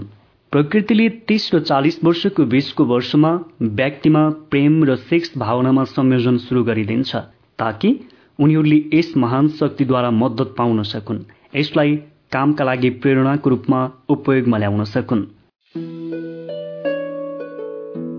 भावरूपी पावर हाउसको उपयोग गर्नुहोस्। सेक्स एक्लै नै एक्सनका लागि एक शक्तिशाली आकांक्षा हो। यसको शक्ति आधी सरह हुन्छ। प्राय यसलाई नियन्त्रित गर्न सकिँदैन। प्रेमको भावसहित जोडिँदा यसको परिणाम देखिन्छ। शान्ति सन्तुलन र निर्णयको सटिकता। चालिस वर्षसम्म पुगेको कुनै पनि व्यक्ति अति दुर्भाग्यशाली हुन्छन्। उनीहरू यो वक्तव्यलाई विश्लेषण गर्नमा असमर्थ रहन सक्छन्। आफ्नै अनुभवले यसलाई समर्थन नगर्न सक्छन्। कुनै महिलालाई खुसी बनाउने इच्छासित प्रेरित भएर पूर्ण रूपले सेक्सको भावनामा आधारित हुने व्यक्तिले महान उपलब्धि प्राप्त गर्न सक्छ। तर उसको काम असंगठित विकृति र पूर्ण रूपले विध्वंसक हुन सक्छ। कुनै पुरुष कुनै महिलालाई खुसी बनाउनको लागि केवल सेक्सको उद्देश्यले मात्र सञ्चालित हुन्छ भने उसले चोरी गर्न सक्छ। महिलालाई धोका दिन सक्छ हत्या समेत गर्न सक्छ। तर सेक्सको भावना प्रेमको भावमा मिश्रित हुन जाँदा त्यही व्यक्तिले आफ्नो कामलाई अधिक बुद्धिमानी सन्तुलन र तर्कपूर्ण ढंगले प्रस्तुत गर्न सक्छ। प्रेम रोमान्स र सेक्सका भाव व्यक्तिलाई उपलब्धिको उचाइसम्म लैजानमा समर्थ छन्। प्रेम त्यो भाव हो जसले सेफ्टी बल्बको काम गर्छ सन्तुलन तथा रचनात्मक प्रयास सुनिश्चित गर्छ। यी तीन भाव मिल्दा व्यक्तिले जिनियसको उचाइ छुन सक्छ। भाव मस्तिष्कको अवस्था हो। प्रकृतिले मानिसलाई मस्तिष्कको एक केमिस्ट्री प्रदान गरेको छ। यसले केमिस्ट्रीको सिद्धान्तले गरे जस्तै काम गर्छ। यो एउटा सुपरिचित तथ्य हो। पदार्थको मद्दतले केमिस्टले केही तत्त्वलाई मिलाएर विष बनाउँछ। ठिक यस्तै प्रकारले भावनाहरू मिलेर विष बन्छ। सेक्स र ईर्ष्या आपसमा मिल्दा व्यक्ति पागल जनावर बन्छ। मस्तिष्कको केमिस्ट्रीद्वारा मानवीय मस्तिष्कमा एक अधिक विनाशकारी भावको उपस्थितिले एउटा विष उत्पन्न गरिदिन्छ जसमा व्यक्तिको न्यायको भाव नष्ट हुन सक्छ। जिनियसको मार्गमा सेक्स प्रेम र रोमान्सको विकास तथा नियन्त्रण र प्रयोग सामेल हुन्छ। संक्षेपमा यस प्रक्रियालाई यस प्रकारले बताउन सकिन्छ। यी भावनाको उपस्थितिलाई आफ्नो मस्तिष्कमा प्रबल विचारको रूपमा प्रोत्साहित गर्नुहोस्। बाँकी सबै विनाशकारी भावलाई हतोत्साहित गर्नुहोस्। मस्तिष्क बानीको नोकर बन्छ। यसले यसलाई दिने प्रबल विचार अनुरूप काम गर्छ। इच्छा शक्तिद्वारा व्यक्तिले कुनै अन्य भावको उपस्थितिलाई प्रोत्साहित गर्न सक्छ। यस शक्तिद्वारा मस्तिष्कको नियन्त्रण कठिन छैन। नियन्त्रण लगन र बानीबाट आउँछ। नियन्त्रणको रहस्य रूपान्तरणको प्रक्रियाको बोधमा निहित हुन्छ। कुनै नकारात्मक भाव कसैको मस्तिष्कमा आउँदा यसलाई सकारात्मक या रचनात्मक भावमा रूपान्तरित गर्न सकिन्छ। यसको सजिलो तरिका भनेको आफ्नो विचारलाई बदल्नु हो। शैक्षिक आत्मप्रयास बाहेक जिनियसको स्थानसम्म पुग्न अन्य कुनै बाटो छैन। कुनै व्यक्तिले केवल सेक्स ऊर्जाको प्रेरक शक्तिद्वारा आर्थिक या व्यावसायिक उपलब्धिको महान उचाइलाई प्राप्त गर्न सक्छ। इतिहास यस्तो खालको प्रमाणले भरिएको छ जस अनुसार व्यक्तिले आफूसँग चरित्र रूपी सम्पत्ति प्राप्त गरिरहन नसक्ने गुण पनि राख्छ या फेरि त्यसलाई उपभोग गर्न सक्दैन। यस कुरालाई विश्लेषण गर्नुपर्छ। यसमा चिन्तन मनन गर्नु आवश्यक छ। यो एउटा यस्तो सत्य हो जसको ज्ञान व्यक्तिका लागि सहायक हुन सक्छ। यसप्रतिको अज्ञानले हजारौं मानिसलाई दुखी बनाइदिन्छ। चाहे ऊ धनी नै किन नहोस्। साँचो प्रेम गरेको व्यक्तिले कहिल्यै पूर्ण रूपले हार्दैन। प्रेमको याद कहिल्यै पनि समाप्त हुँदैन। प्रेरणाको स्रोत नभएको धेरै समय पश्चात पनि यो रहिरहन्छ। प्रभावित गरिरहन्छ। बाटो देखाइरहन्छ। यसमा नयाँ कुरा केही पनि छैन। प्रत्येक साँचो प्रेम गर्ने व्यक्तिले प्रेमले मानवीय हृदयमा स्थायी चिन्ह छोडिदिन्छ भनेर जान्दछ। प्रेमको प्रभाव स्थायी छ किनकि प्रेमको प्रकृति आध्यात्मिक छ। प्रेमलाई उपलब्धिको महान उचाइसम्म पुग्नको लागि प्रेरित गर्न नसकिने व्यक्ति दुर्भाग्यशाली हो। वास्तवमा ऊ जीवित प्रतीत हुन्छ तर मुर्दा समान हुन्छ। आफ्नो विगतलाई याद गर्नुहोस्। आफ्नो मस्तिष्कलाई बितेको प्रेमको सुन्दर स्मृतिले क्रियाशील बनाउनुहोस्। यसले वर्तमान चिन्ताको प्रभावलाई मन्द गरिदिन्छ। यसले तपाईँको जीवनको अप्रिय वास्तविकताबाट मुक्तिको स्रोत प्रदान गर्छ। हुन सक्छ सपनाको यस संसारमा अस्थायी विचारको क्रममा मस्तिष्कले तपाईँको पुरै जीवनलाई आर्थिक या आध्यात्मिक स्थित बदल्न सक्ने विचार या योजना प्रदान गरिदिन्छ। यदि तपाईँ प्रेम गरेको र त्यो गुमेको कारण आफूलाई दुर्भाग्यशाली सम्झनुहुन्छ भने यस विचारलाई भगाउनुहोस्। साँचो प्रेम गरेको व्यक्तिले कहिल्यै आफूले प्रेम गरेको व्यक्तिलाई पूर्ण रूपले गुमाउँदैन। प्रेम केही सन्के हुन्छ। यो आफ्नो इच्छाले आउँछ। चेतावनी नदिइकनै जान्छ। यो उपस्थिति रहँदासम्म यसलाई स्वीकार गर्नुहोस् यसको आनन्द लिनुहोस्। यो गए पश्चात यसको बारेमा चिन्ता गरेर समय बर्बाद नगर्नुहोस्। तपाईँले चिन्ता गर्नाले यो फर्किएर आउँदैन।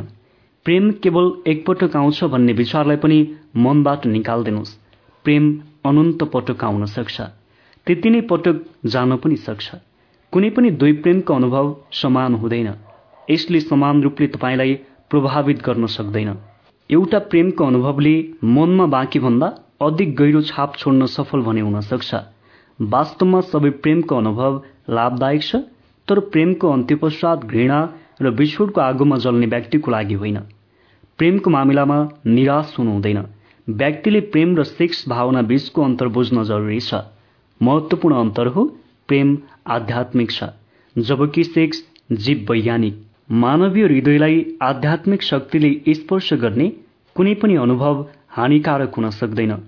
अज्ञान या ईर्ष्याले ग्रस्त अनुभव बाहेक। प्रेम जीवनको महानतम अनुभव हो भन्ने कुरामा कुनै सन्देह छैन। यसले व्यक्तिलाई अनन्त प्रज्ञाको सम्पर्कमा ल्याउँछ। यो रोमान्स र सेक्सको भावले मिश्रित हुन जाँदा यसले व्यक्तिलाई रचनात्मक प्रयासको सिँढीमा धेरै माथि लैजान्छ। प्रेम सेक्स र रोमान्सको भाव उपलब्धिको निर्माता हो। जिनियसको शाश्वत त्रिकोण पक्ष हो। वास्तवमा प्रेम र सेक्सको भाव मिल्नु अनिवार्य हुन्छ। प्रेमको भावसहित सेक्सको उचित सन्तुलन नभएको विवाहलाई सुखी विवाह भनिँदैन। यस्तो सम्बन्ध सायदै लामो समयसम्म चल्छ। प्रेम एक्लैले विवाहमा सुख ल्याउन सक्दैन। न त सेक्स एक्लैले यो काम गर्न सक्छ। दुवै सुन्दर भाव आपसमा मिल्दा विवाहले एक मानसिक अवस्था उत्पन्न गर्न सक्छ जुन यस धरतीमा महसुस गर्न सकिने आध्यात्मिक अवस्थाको निकट हुन्छ। रोमान्सको भाव प्रेम र सेक्ससित जोडिँदा मानिसको सीमाबद्ध मस्तिष्क र अनन्त प्रज्ञाबीचको आभा हट्छ तब एक जिनियस उत्पन्न हुन्छ।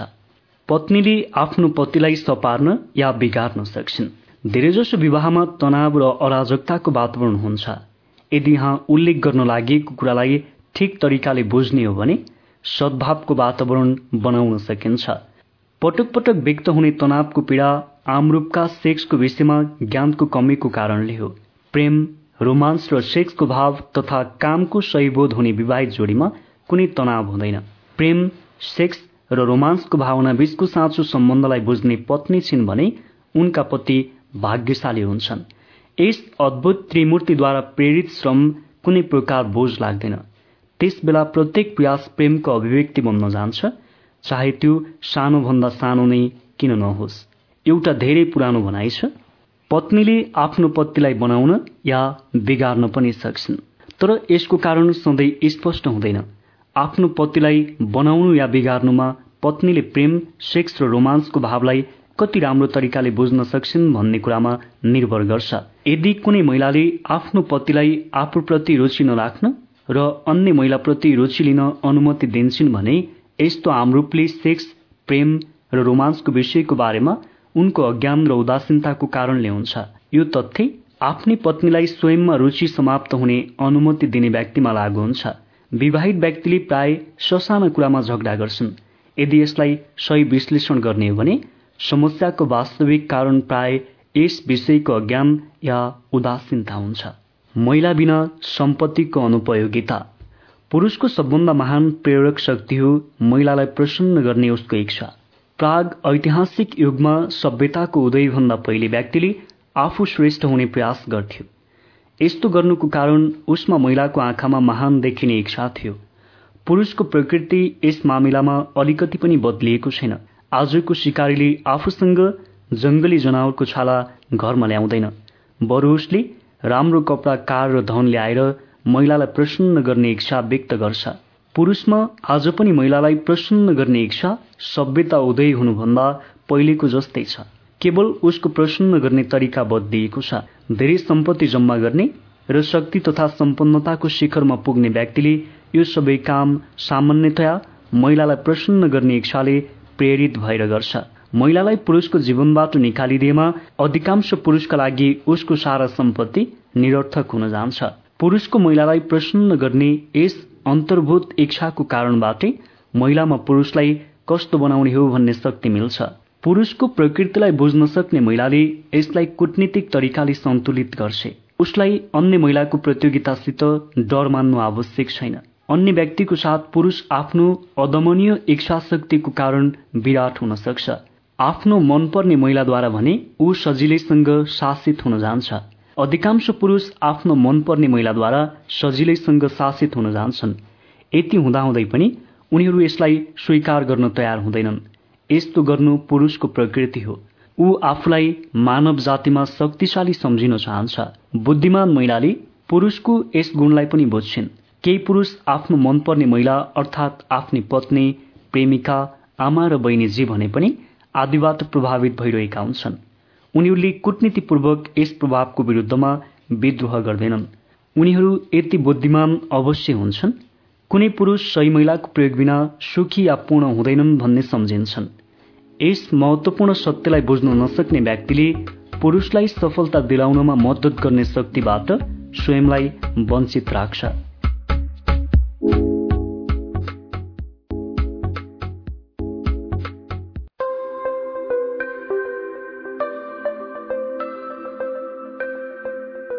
सम्पन्नताको दिशामा एघारौं कदम अवचेतन मस्तिष्क। सीमित मस्तिष्क र अनन्त प्रज्ञालाई जोड्ने सूत्र। अवचेतन मस्तिष्क चेतनाको एउटा क्षेत्र हो। यसमा चेतन मस्तिष्कसम्म पाँचौं इन्द्रिय मध्ये कुनै पनि इन्द्रियद्वारा पुग्ने विचारका प्रत्येक सम्वेग वर्गीकृत र रेकर्ड हुन्छन्। त्यहाँबाट विचार रूपी पत्रहरूको फाइलिङ क्याबिनेटबाट निकाले जस्तै दोहोऱ्याएर निकाल्न सकिन्छ। अवचेतन मनले छवि वा विचारलाई ग्रहण गर्छ। फाइलिङ गर्छ चाहे त्यसको प्रकृति जस्तो सुके होस्। तपाईँ आफ्नो अवचेतन मस्तिष्कमा कुनै पनि आफूले भौतिक या आर्थिक समतुल्यमा रूपान्तरित गर्न चाहने योजना विचार वा लक्ष्यलाई स्वैच्छिक रूपले लिन सक्नुहुन्छ। अवचेतन मस्तिष्कले यसमा आस्थाको भावना समावेश भएपछि सबभन्दा पहिले प्रबल इच्छा अनुसार काम गर्छ। इच्छा सम्बन्धी अध्यायमा दिएका निर्देशनको सम्बन्धमा विचार गर्नुहोस्। त्यहाँ छवटा कदमको बारेमा दिइएको छ। त्यसैले योजना बनाउने र त्यसमा काम गर्ने अध्यायमा दिइएका निर्देशनमा केन्द्रित रहनुहोस्। बल्ल तपाईँले यहाँ दिन गइरहेको विचारको महत्वलाई बुझ्न सक्नुहुनेछ। अवचेतन मस्तिष्कले दिन रात काम गर्छ। या भनौँ निरन्तर काम गरिरहन्छ। मानिसले त्यस तरिकाले नजाने पनि अवचेतन मस्तिष्कले अनन्त प्रज्ञाको शक्तिसित स्वैच्छिक रूपले त्यसलाई खिचेर लिन्छ। कुनै इच्छालाई त्यसको भौतिक समतुल्यमा बदलिदिन्छ। यसका लागि यसले सधैँ लक्ष्य प्राप्त गर्ने सबभन्दा सिधा माध्यमको प्रयोग गर्छ। तपाईँ आफ्नो अवचेतन मस्तिष्कलाई पूर्ण रूपले नियन्त्रित गर्न सक्नुहुन्छ।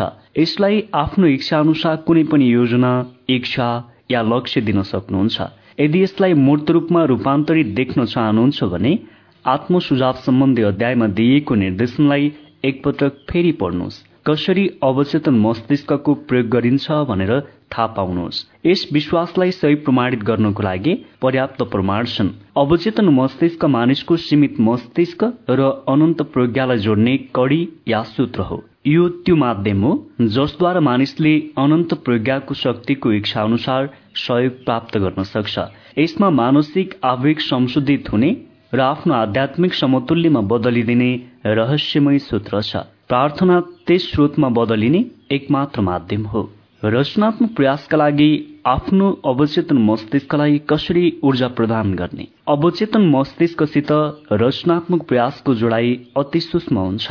मन अवचेतन मस्तिष्कको बारेमा चर्चा गर्ने समयमा हीनताको भावले ओतप्रोत हुन्छ।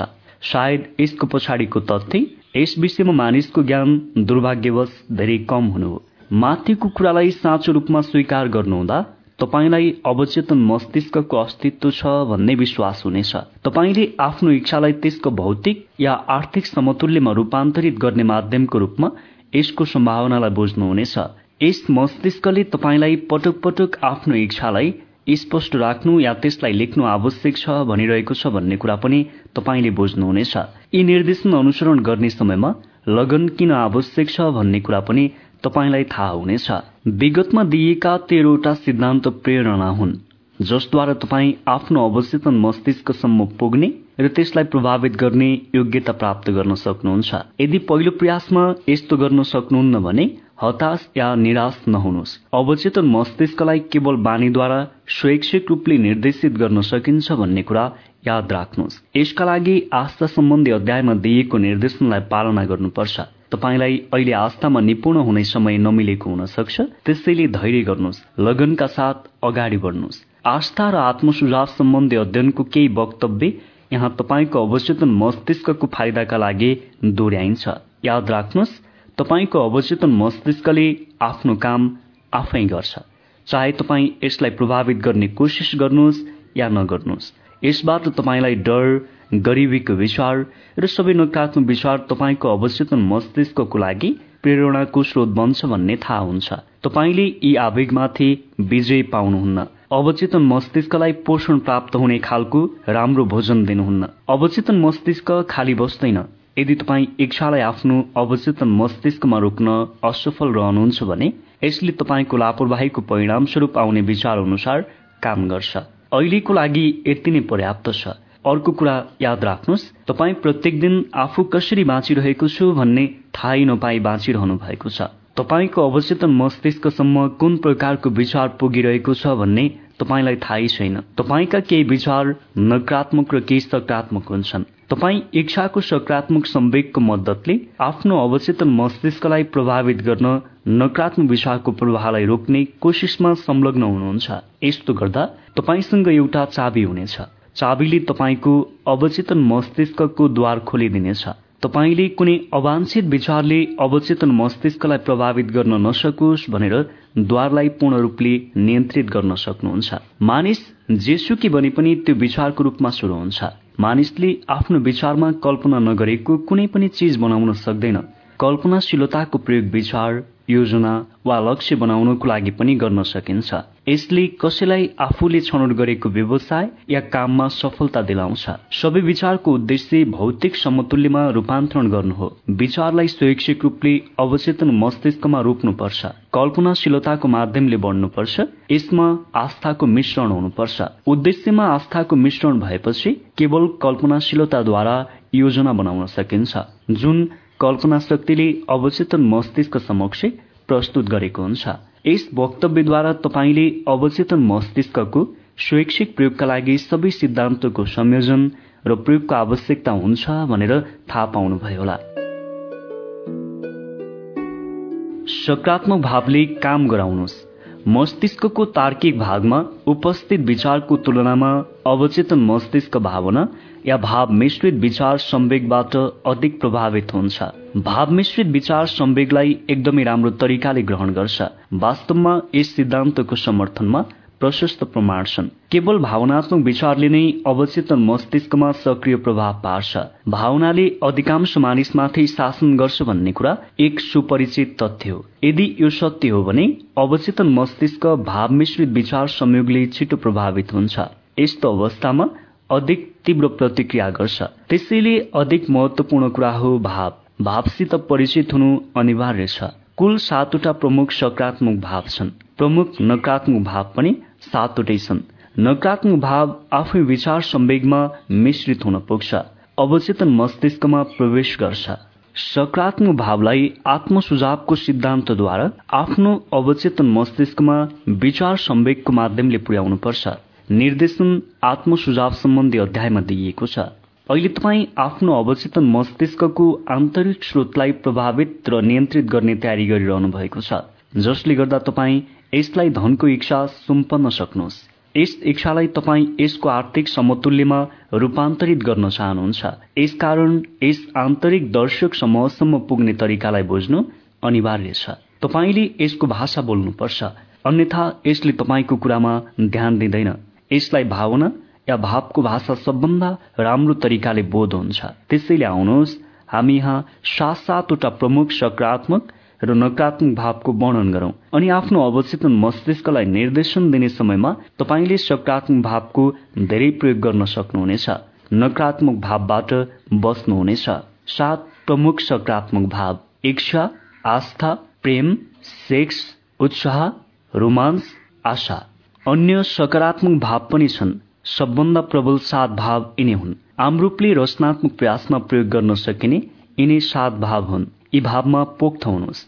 बाँकी सकारात्मक भाव आवश्यक परेको बेलामा तपाईँको इसारामा चल्नेछन्। यस पुस्तकको प्रमुख उद्देश्य तपाईँको मस्तिष्कमा सकारात्मक भाव भरेर तपाईँमा धनको चेतना विकसित गर्नमा मद्दत गर्नु हो।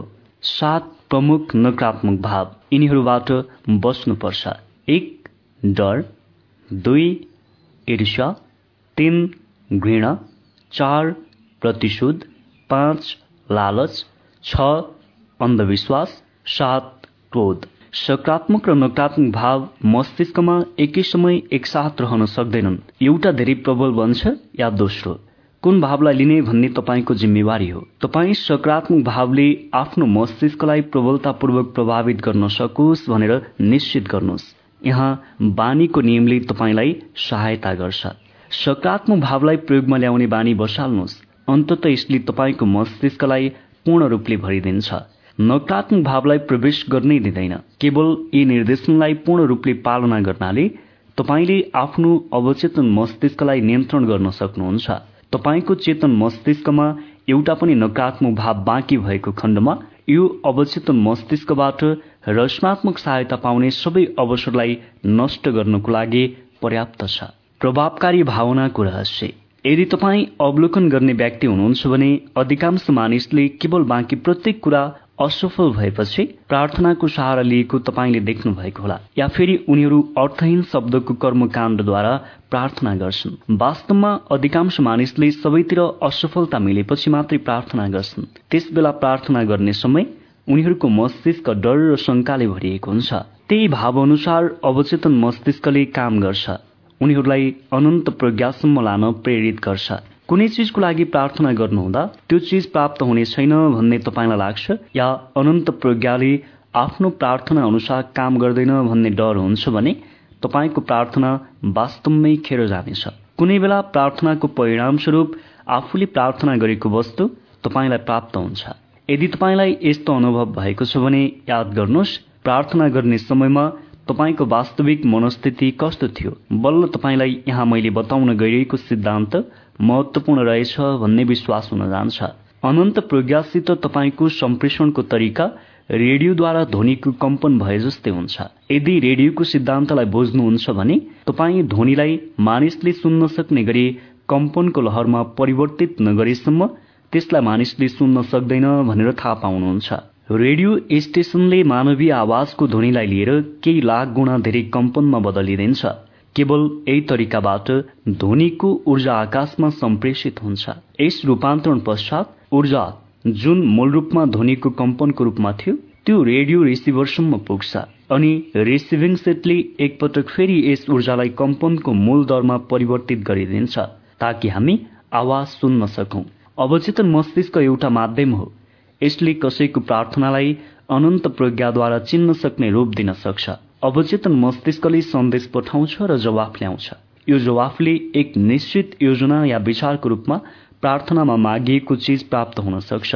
यस सिद्धान्तलाई बुझ्दा प्रार्थनाको पुस्तकको केवल शब्द पढ्न मात्र किन प्रशस्त छैन भनेर तपाईँलाई थाहा हुनेछ। केवल शब्द मानिसको मस्तिष्क र अनन्त प्रज्ञावेश संसारको माध्यम बन्न सक्दैन। सम्पन्नताको दिशामा बाह्रौं कदम मस्तिष्क। विचारको ब्रोडकास्टिङ र रिसिभिङ स्टेसन चालिस वर्षभन्दा पहिलाको कुरा हो। लेखक स्वर्गीय डाक्टर अलेक्जेन्डर घाम्बेल र डाक्टर एल्भर आर गेटसँग काम गरिरहेका थिए। त्यस समय लेखकले प्रत्येक मानव मस्तिष्कमा विचारको कम्पनबाट ब्रोडकास्टिङ र रिसिभिङ दुवै हुन्छ भन्ने सोचे। रेडियोको ब्रोडकास्टिङ सिद्धान्त जस्तै प्रत्येक व्यक्तिको मस्तिष्कले कुनै अर्को मस्तिष्कद्वारा प्रसारित विचार संवेगलाई लिन र दिन सक्छ। पूर्व अनुच्छेदमा दिइएको वक्तव्यको सन्दर्भमा कल्पना सम्बन्धी अध्यायमा बताइएको रचनात्मक वर्णनको तुलना गर्नुहोस्। त्यसमाथि विचार गर्नुहोस्। रचनात्मक कल्पनाशीलता मस्तिष्कको रिसिभिङ सेट हो जसद्वारा यसले दोस्रोको मस्तिष्कद्वारा प्रसारित गर्न सकिने विचारलाई ग्रहण गर्छ। यो कुनै पनि मानिसको चेतना या तार्किक मस्तिष्क र ती चार स्रोतलाई जोड्ने माध्यम हो जहाँबाट व्यक्तिले विचारको प्रेरणा प्राप्त गर्न सक्छ। यसलाई प्रेरित गरिँदा यसले कम्पनको उच्च दरमा काम गरिरहेको हुन्छ। या मस्तिष्कको बाहिरी स्रोतद्वारा यहाँसम्म पुर्याउने विचारलाई ग्रहण गर्नमा बढी संवेदनशील हुन्छ। कम्पनको उच्च दर सकारात्मक या नकारात्मक भावनाद्वारा घटित हुन्छ। भावनाद्वारा विचारको कम्पनलाई बढाउन सकिन्छ। जहाँसम्म गहनता र प्रेरक शक्तिको सम्बन्ध छ सेक्सको भाव मानवीय भावको सूचीमा सबभन्दा शीर्ष स्थानमा रहन्छ। मस्तिष्क सेक्सको भावद्वारा प्रेरित हुन्छ। यसले धेरै नै तीव्र गतिमा काम गर्छ। जबकि यस प्रेरणाको अभावमा यसले त्यति तीव्र गतिले काम गर्न सक्दैन। सेक्स रूपान्तरणको परिणामस्वरूप विचार रचनात्मक कल्पनाशीलताप्रति उच्च संवेदनशील हुन जान्छ। अर्कोतर्फ मस्तिष्कले तीव्र गतिले काम गरिरहेको छ भने यसले केवल दोस्रो मस्तिष्कद्वारा प्रसारित गरिरहेको विचारलाई आकर्षित गर्दैन बरु यसले आफू स्वयंको विचारलाई पनि अनिवार्य भावना प्रदान गर्छ। अवचेतन मस्तिष्क मस्तिष्कको ब्रोडकास्टिङ स्टेशन हो जसद्वारा विचारको कल्पनालाई प्रसारित गर्न सकिन्छ रचनात्मक कल्पनाशीलता विचारको ऊर्जा पक्रिन सक्ने रिसिभिङ सेट हो। अवचेतन मस्तिष्कको महत्वपूर्ण तत्व र रचनात्मक कल्पना शक्ति बाहेक आउनुहोस्। अब हामी आत्मसुझावको सिद्धान्तमाथि विचार गरौं। जसद्वारा तपाईँ आफ्नो ब्रोडकास्टिङ स्टेसनलाई काममा ल्याउन सक्नुहुन्छ। आत्मसुझाव सम्बन्धी अध्यायमा बताइएको निर्देशनद्वारा तपाईँलाई यसको आर्थिक समतुल्यमा रूपान्तरित गर्न सकिने तरिका निश्चित रूपले थाहा हुन्छ। तपाईँको मानसिक ब्रोडकास्टिङ स्टेसनको प्रक्रिया तुलनात्मक रूपले सजिलो छ। आफ्नो ब्रोडकास्टिङ स्टेशन अर्थात् अवचेतन मस्तिष्क रचनात्मक कल्पनाशीलता र आत्मसुझावको प्रयोग गर्न चाहनुहुन्छ भने तपाईँले तीन सिद्धान्तलाई मस्तिष्कमा राख्नुपर्छ। त्यसलाई लागू गर्नुपर्छ।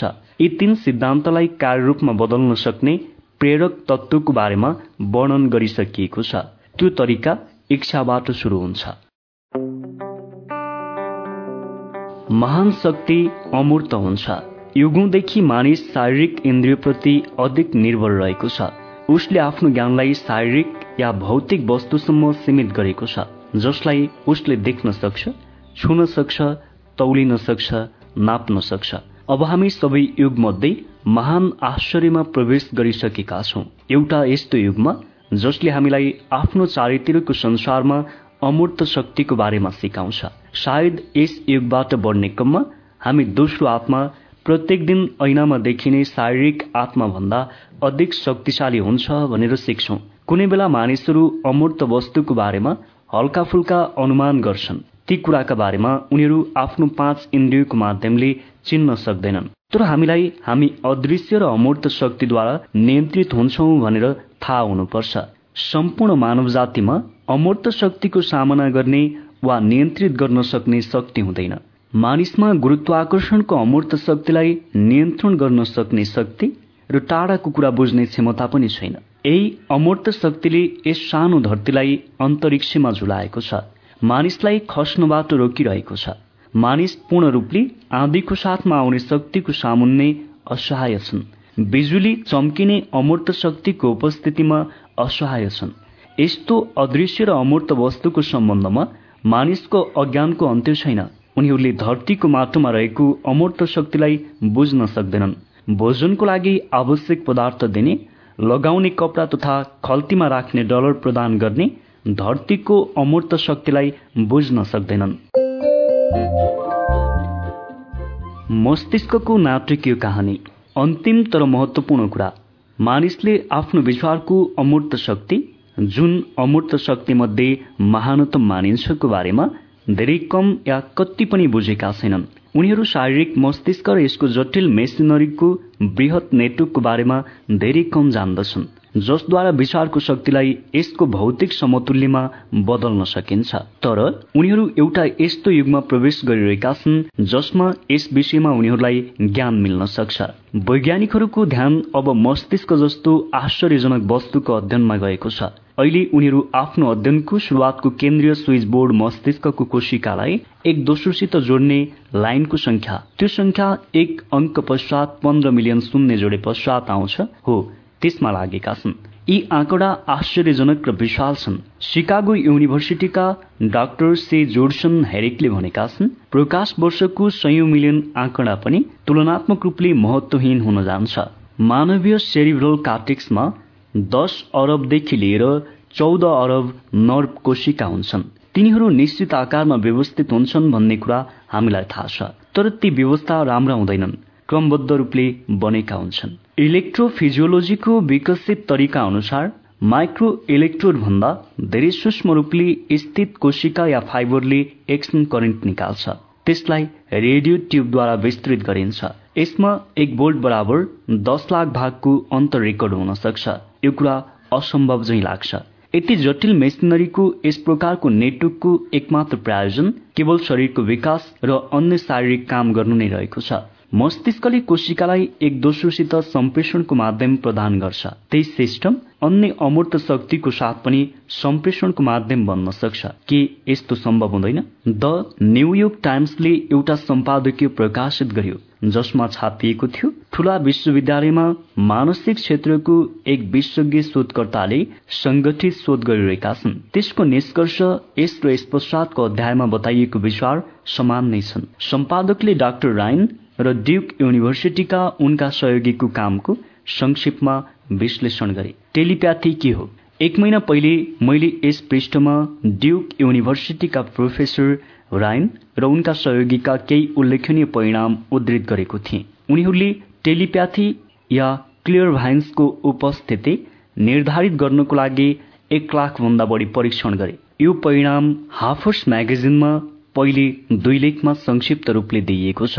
अर्को भर्खरै प्रकाशित भएको हो लेखक इएच राइट अनुभूतिको अत्यन्द्रिय स्तरको निश्चित प्रकृतिको बारेमा यस अध्ययनको निष्कर्ष संक्षेपमा दिने प्रयास गर्छन्। राइनको प्रयोगको परिणाम टेलिप्याथी र क्लियर भाइन्सको वास्तविक उपस्थिति केही वैज्ञानिकलाई धेरै सम्भव लाग्छ। केही अनुभूतिकर्तालाई कुनै विशेष प्याकमा राखिएको केही पत्ताको नाम त्यसमा नहेरिकन बताउन लगाइयो। लगभग एक दर्जन पुरुष तथा महिलाको पहिचान गर्न सकियो जसले नियमित रूपले त्यस पत्तालाई सही सही बताउँथे। उनीहरूले भाग्य या संयोगवश यस्तो गर्नु केही मिलियन सम्भावना मध्ये एउटा पनि थिएन। उनीहरूले यस्तो कसरी गरे? संयोगवश यदि हामीलाई यस्तो शक्तिको अस्तित्व इन्द्रियगत प्रतीत हुँदैन त्यसको लागि कुनै ज्ञात मानवीय अङ्ग छैन। चाहे त्यो कोठाभित्रको कुरा होस् या सयकडौं मिल टाढाको कुरा। प्रत्येकको परिणाम त्यति नै अद्भुत रहन्छ। राइनको विचारले टेलिप्याथी या क्लियरभाइन्स रेडियोको कुनै भौतिक सिद्धान्तद्वारा स्पष्ट गर्न सकिन्छ भन्ने कुरालाई स्वीकार गर्दैन। रेडिएसनलाई कुनै भौतिक सिद्धान्तद्वारा स्पष्ट गर्न सकिन्छ। रेडियन्ट ऊर्जाको सबै ज्ञात स्वरूप दूरी बढ्नुको साथसाथै कम हुँदै जान्छ। टेलिप्याथी र क्लियर भाइन्सको साथ यस्तो हुँदैन। व्यक्ति सुतेको या अर्धनिद्राको अवस्थामा रहेको हाम्रो लोकप्रिय मान्यताको विरूद्ध यो शक्ति बलवान हुँदैन। बरु यो शक्ति व्यक्ति पुनः जागृत अवस्थामा रहँदा आफ्नो चरम स्थितिमा हुन्छ। राइनको खोज अनुसार मादक पदार्थले सधैँ प्रयोगकर्ताको स्कोरलाई कम गरिदिन्छ जबकि प्रेरक पदार्थले सधैँ बढाइदिन्छ। सबभन्दा विश्वसनीय प्रदर्शनकर्ताले पनि सर्वश्रेष्ठ प्रयास नगरीसम्म स्पष्ट रूपले राम्रो स्कोर बनाउन सक्दैन। टेलिप्याथी र क्लेयरभाइन्स वास्तवमा एक प्रतिमाकै दुई रूप हुन् भनेर राइनले निष्कर्ष निकाले। कुनै व्यक्तिले टेबलमा उल्टो राखिएको कार्डलाई देख्न सके जस्तै त्यही शक्तिको सहाराले उसले दोस्रो व्यक्तिको मस्तिष्कमा उपस्थित विचारलाई पढ्न सक्छ। यस विश्वासको पछाडि केही कारण छन्। उदाहरणको लागि दुईवटै प्रतिभा मिल्छन्। ती दुवैको स्वामी बन्छन्। दुवै शक्ति समान मात्रामा हुन्छन्। दुवैमा पर्दा ढोका या दूरीको कुनै असर पर्दैन। राइन यस निष्कर्षबाट अगाडि गएर के अनुमान गर्छन् भने अन्य अत्यन्द्रिय अनुभव जस्तै भविष्यदर्शी स्वप्न र विनाशको पूर्वाभास इत्यादि पनि यसै शक्तिको एक भाग प्रमाणित हुन सक्छ। पाठकसँग उनीहरूले यस निष्कर्षलाई स्वीकार गरून् भनेर कुनै आग्रह गरिन गइरहेको छैन। उनीहरूलाई विश्वास नलागे पनि राइनले जम्मा गरेको प्रमाण प्रभावशाली छ। मस्तिष्कलाई टिम वर्कमा कसरी जोड्ने? अब म डाक्टर राइनको यस खोजले मस्तिष्कले कुन स्थितिमा अनुभूतिको अत्यन्द्रिय रूपमा प्रतिक्रिया गर्छ भनेर उनको निष्कर्ष जोड्न चाहन्छु। जुन मैले र मेरा सहयोगीले खोजेका छौं। हामीले मस्तिष्कलाई प्रेरित गर्न सकिने आदर्शलाई खोज्यौं जसले गर्दा छैठौं इन्द्रिय जसको बारेमा अघिल्लो अध्यायमा वर्णन गरिएको छ जसले व्यवहारिक तरिकाले काम गर्न सकोस्। मैले अहिले उल्लेख गरिरहेको कुरा म र मेरा कर्मचारी मध्ये दुई सदस्य बीचको गठबन्धन हो। हामीले मस्तिष्कलाई प्रेरित गर्न जुन मैले र मेरा सहयोगीले खोजेका छौं।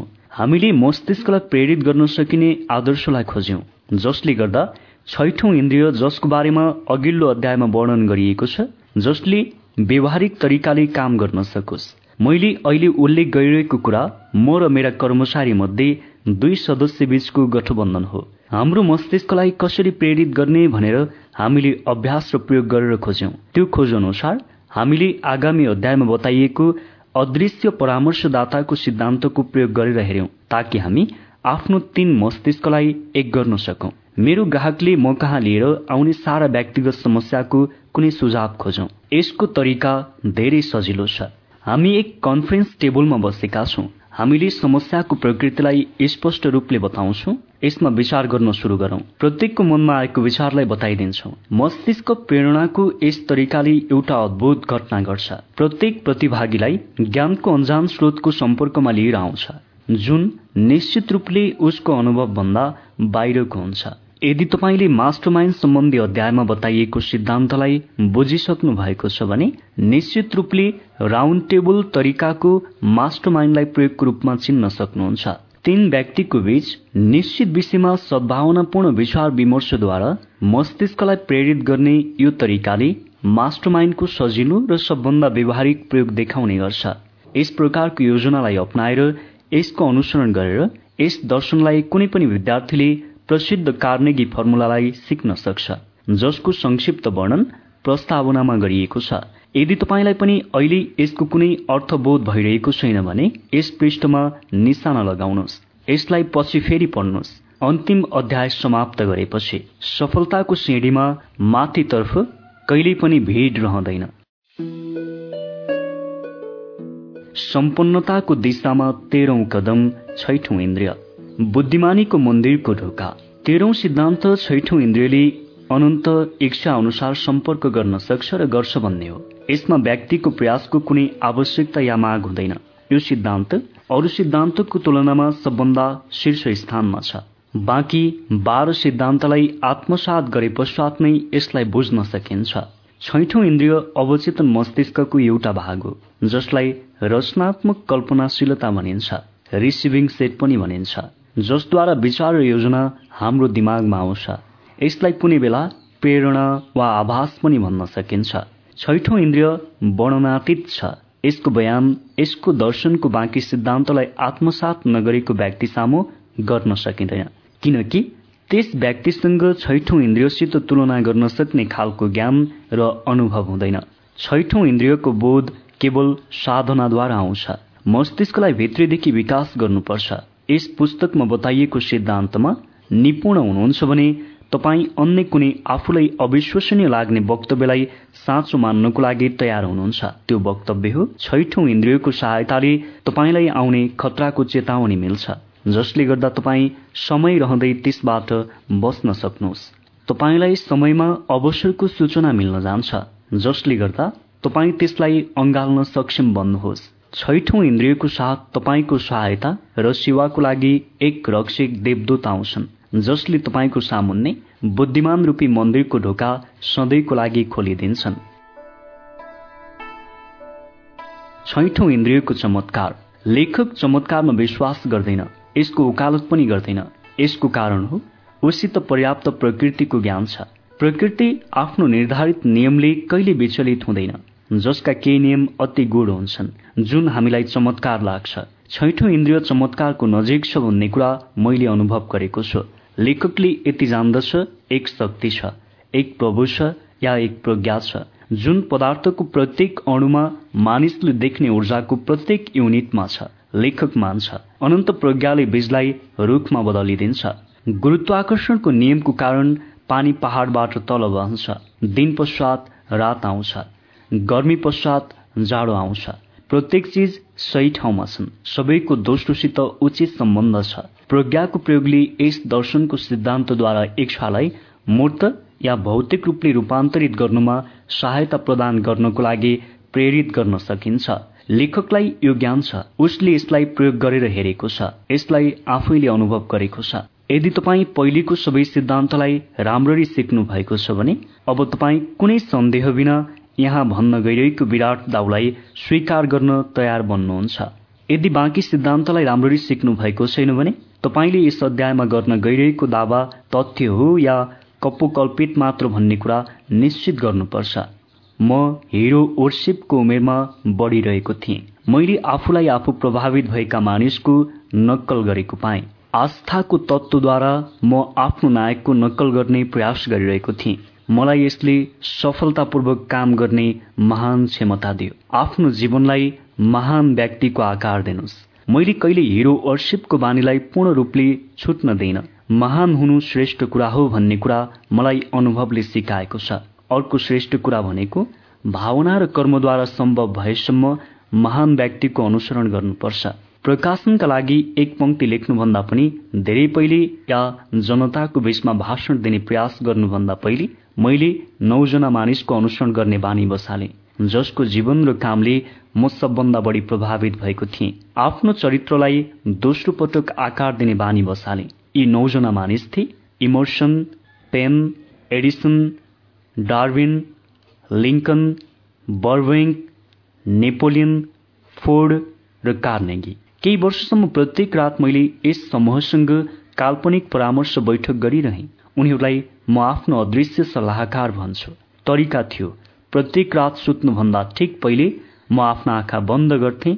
आफ्नो कल्पनामा ती व्यक्तिलाई आफ्नो साथमा एक परामर्श मेजको चारैतर्फ बसेको देख्थे। त्यहाँ मलाई केवल मैले महान सम्झिनेहरूको साथमा बस्ने अवसर थिएन बरु म त्यस समूहमा सबभन्दा प्रभावशाली व्यक्ति पनि थिएँ किनकि म त्यसको चेयरम्यान थिएँ। यी रात्रिकालीन बैठकद्वारा यो कल्पना गर्नुको पछाडि मेरो एक निश्चित उद्देश्य थियो। मेरो लक्ष्य आफ्नो चरित्रलाई नयाँ रूप दिनु थियो। किनकि यो मेरो कल्पना सल्लाहकारको संयोग बन्न सकोस्।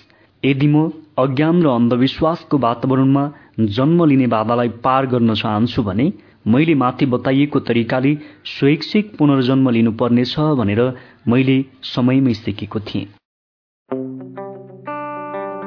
आत्मसुझावद्वारा चरित्र निर्माण। सबै व्यक्ति आफ्नो प्रबल विचार र इच्छाको कारण नै अहिले आफू भए जस्तो बन्छन् भन्ने मलाई थाहा थियो। मलाई गहिराईमा रहेका प्रत्येक इच्छाले व्यक्तिको बाहिरी प्रभाव चाहन्छ भन्ने पनि थाहा थियो जसद्वारा त्यस इच्छालाई यथार्थमा रूपान्तरित गर्न सकियोस्। आत्मसुझाव चरित्र निर्माणको एक सशक्त तत्व हो। वास्तवमा चरित्र बनाउने यो एकलौटी सिद्धान्त हो। मस्तिष्क सञ्चालनका यी सिद्धान्तको ज्ञानको कारण म आफ्नो चरित्रको पुनर्निर्माणको लागि आवश्यक सारा सामानले भरिपूर्ण थिएँ। यस काल्पनिक परामर्श बैठकमा मैले क्याबिनेट सदस्यसितबाट आफ्नो इच्छा अनुसारको ज्ञान चाहे। मैले प्रत्येक सदस्यले सुन्ने गरी स्पष्ट रूपमा भने इमर्सन म तपाईँबाट प्रकृतिका अद्भुत बोध प्राप्त गर्न चाहन्छु। जुन तपाईँको जीवनको चिनारी हो म तपाईँसित तपाईँ मेरो अवचेतन मस्तिष्कमा ती सारा गुण प्रदान गर्नुहोस् जुन तपाईँमा थियो भन्ने चाहन्छु। जसको कारणले तपाईँले प्रकृतिको नियमलाई बुझ्न सक्नुभयो र स्वयंलाई त्यस अनुरूप ढाल्न सक्नुभयो। बर्बिङ म तपाईँसितबाट तपाईँ मलाई ज्ञान प्रदान गर्नुहोस् भन्ने चाहन्छु जसले तपाईँलाई प्रकृतिको नियमसित तालमेल बनाउनमा समर्थ बनायो जसद्वारा तपाईँले क्याक्टस काँडालाई हटाउनको लागि र यसलाई एक भोज्य पदार्थ बनाउनको लागि प्रेरित गर्नुभयो। नेपोलियन म तपाईँबाट अद्भुत योग्यता प्राप्त गर्न चाहन्छु जसद्वारा तपाईँ मानिसलाई प्रेरित गर्नुहुन्थ्यो। त्यसभन्दा ठूलो कुरा त सङ्कल्पले महान कर्म गराउनुहुन्थ्यो। म तपाईँबाट आस्थाको भाव पनि प्राप्त गर्न चाहन्छु जसले तपाईँको पराजयलाई विजयमा बदल्न सिकायो उच्च बाधालाई पार गर्न सिकायो पेन म तपाईँबाट विचारको स्वतन्त्रता प्राप्त गर्न चाहन्छु त्यो साहस र स्पष्टता पाउन चाहन्छु जसद्वारा तपाईँ आफ्नो विश्वासलाई अभिव्यक्त गर्नुहुन्थ्यो। जसको कारण तपाईँको पहिचान बन्यो। डार्विन तपाईँबाट अद्भुत धैर्य र पूर्वाग्रह या पक्षपात रहित कारण र परिणामको अध्ययन गर्ने योग्यता पाउन चाहन्छु जुन तपाईँले आफ्नो प्राकृतिक विज्ञानको क्षेत्रमा प्रमाणित गर्नुभएको छ। लिङ्कन म आफ्नो चरित्रमा न्यायको भाव धैर्यको अथक भावना मानवीय बोध र सहनशीलता भर्न चाहन्छु जुन तपाईँको परिचायक गुण थियो। कार्नेगी म संगठित प्रयासको सिद्धान्तको पूर्ण बोध प्राप्त गर्न चाहन्छु। जसको प्रयोग तपाईँले अति प्रभावकारी ढङ्गले एक विशाल औद्योगिक साम्राज्य बनाउनमा गर्नुभएको थियो। फोर्ड म तपाईँबाट लगनको भावना सङ्कल्प शक्ति सन्तुलन र आत्मविश्वास पाउन चाहन्छु। यसकै कारण तपाईँ गरिबीमाथि विजय प्राप्त गर्न सक्षम बन्नुभयो। म मानवीय प्रयासलाई सङ्गठित गर्न एक सूत्रमा बाँध्न र सजिलो बनाउन चाहन्छु। जसले गर्दा मैले दोस्रोलाई मद्दत गर्न सकु। उनीहरू तपाईँको पदचिन्हमा चल्न सकुन् एडिसन म तपाईँको आस्थाको अद्भुत भावना प्राप्त गर्न चाहन्छु जसद्वारा तपाईँले प्रकृतिको सारा रहस्य उद्घाटित गर्नुभयो। मेहनतको भावना पाउन चाहन्छु जसद्वारा तपाईँले धेरै पटक पराजय बेहोर्दै विजय प्राप्त गर्नुभयो। कल्पनाको आश्चर्यजनक शक्ति। आफ्नो काल्पनिक क्याबिनेटका सदस्यलाई सम्बोधित गर्ने मेरो तरिका बदलिरहेको छ। मैले कुनै खास किसिमको चरित्रको गुण त्यस समय प्राप्त गर्नमा अधिक रुचि राखे जस्तै गरी बदलिरहेको छ। मैले धेरै कष्ट र मेहनतले उनीहरूको जीवनको रेकर्ड अध्ययन गरेको छु।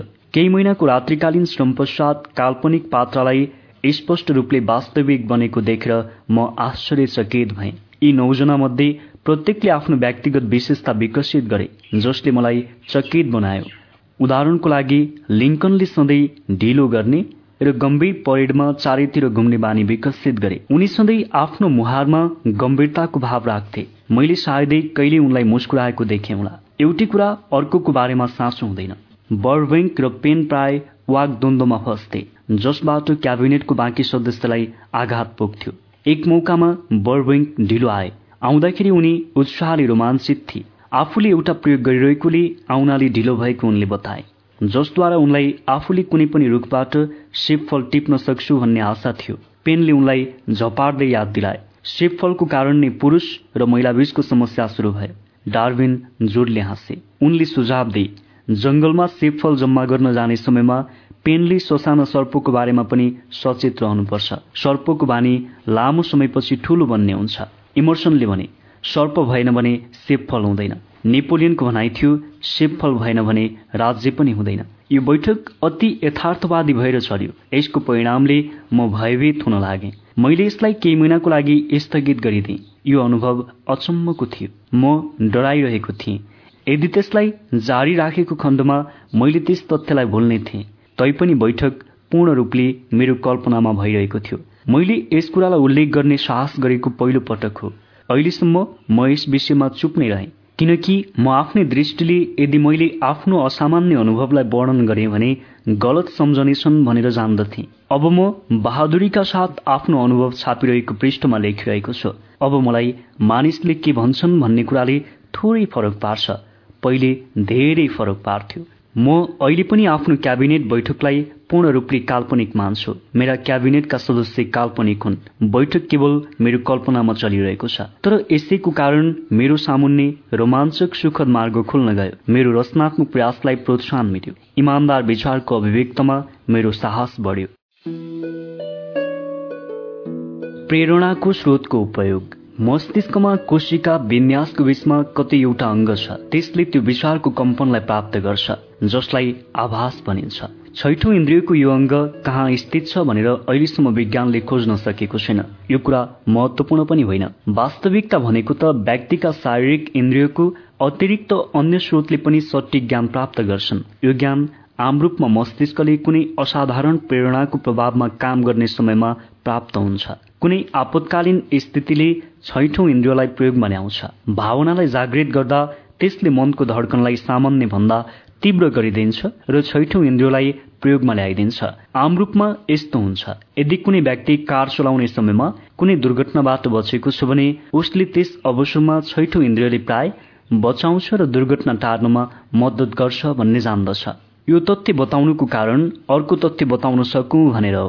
अदृश्य परामर्शदाताको मेरो बैठकमा मेरो मस्तिष्क छैठौं इन्द्रियको माध्यमले मसम्म विचार र ज्ञानलाई ग्रहण गर्ने स्थितिमा भएको मैले पाएँ। दर्जनौं अवसरमा मैले आपतकालीन स्थितिको सामना गरेँ। तीमध्ये केही अति गम्भीर थिए जसले मेरो जीवन नै जोखिममा पार्थे कुनै चमत्कारिक शक्तिले मलाई यी कठिनाईबाट बाहिर निस्कन मार्गदर्शन दियो जुन मेरो अदृश्य सल्लाहकारको प्रभावले सम्भव भयो। काल्पनिक व्यक्तिको साथमा बैठक आयोजित गर्ने मेरो मूल लक्ष्य केवल आफ्नो अवचेतन मस्तिष्कलाई आत्मसुझावको सिद्धान्तद्वारा आफूले प्राप्त गर्न चाहेको निश्चित गुण प्रदान गरौं भन्ने हो।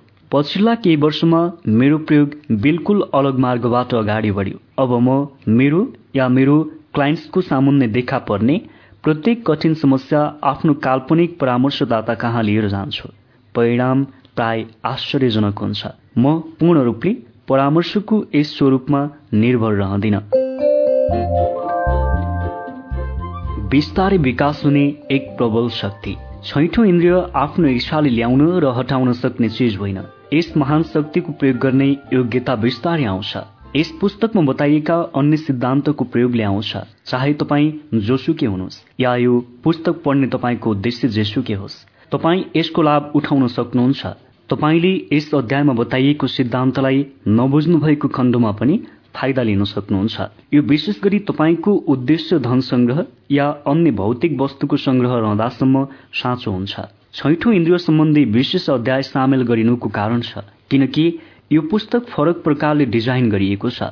यसको लक्ष्य एउटा पूर्ण दर्शन प्रस्तुत गर्नु हो जसद्वारा मानिसले आफ्नो मार्गदर्शन कुनै गल्ती बिना गर्न सकुन्।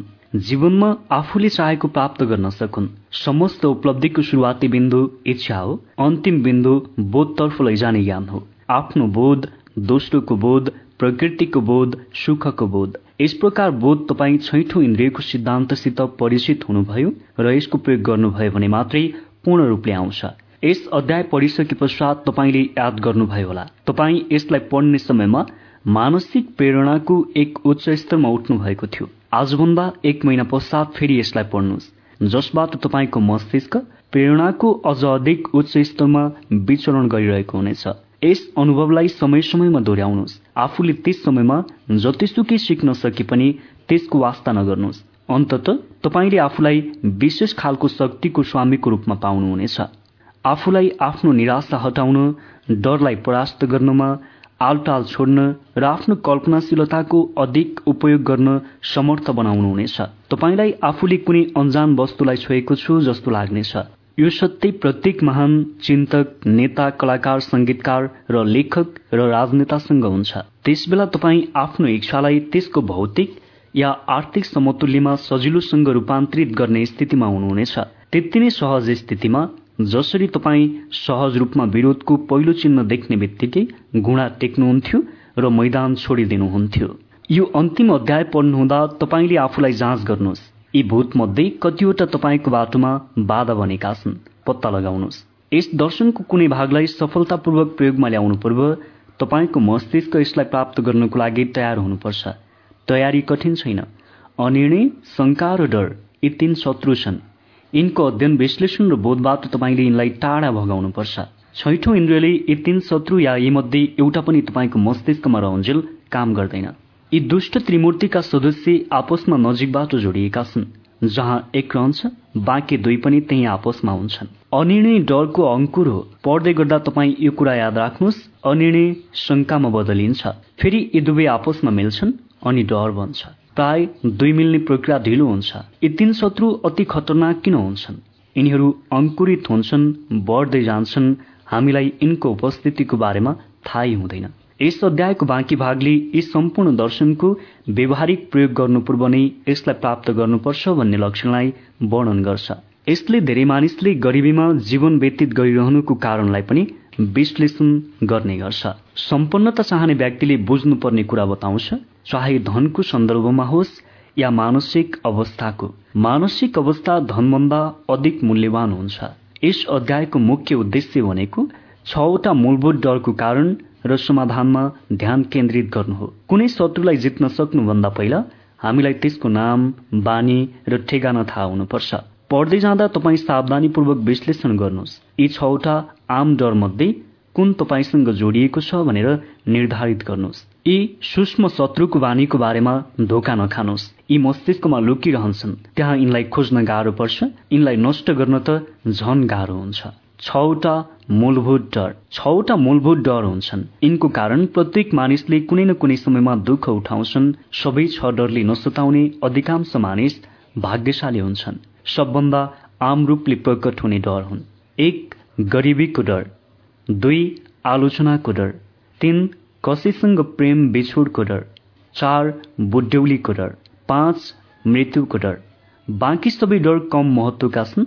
ती सबैलाई यी छवटा शीर्षकमा सामेल गर्न सकिन्छ। डर मानसिक अवस्थाभन्दा धेरै केही होइन। मानसिक अवस्थालाई नियन्त्रित गर्न सकिन्छ। त्यसलाई दिशा दिन सकिन्छ। मानिसले आफ्नो मनमा कुनै संवेगको विचार उत्पन्न नहुँदासम्म केही गर्न सक्दैन। यस वक्तव्यबाट अझै महत्वपूर्ण वक्तव्य निक्लिन्छ।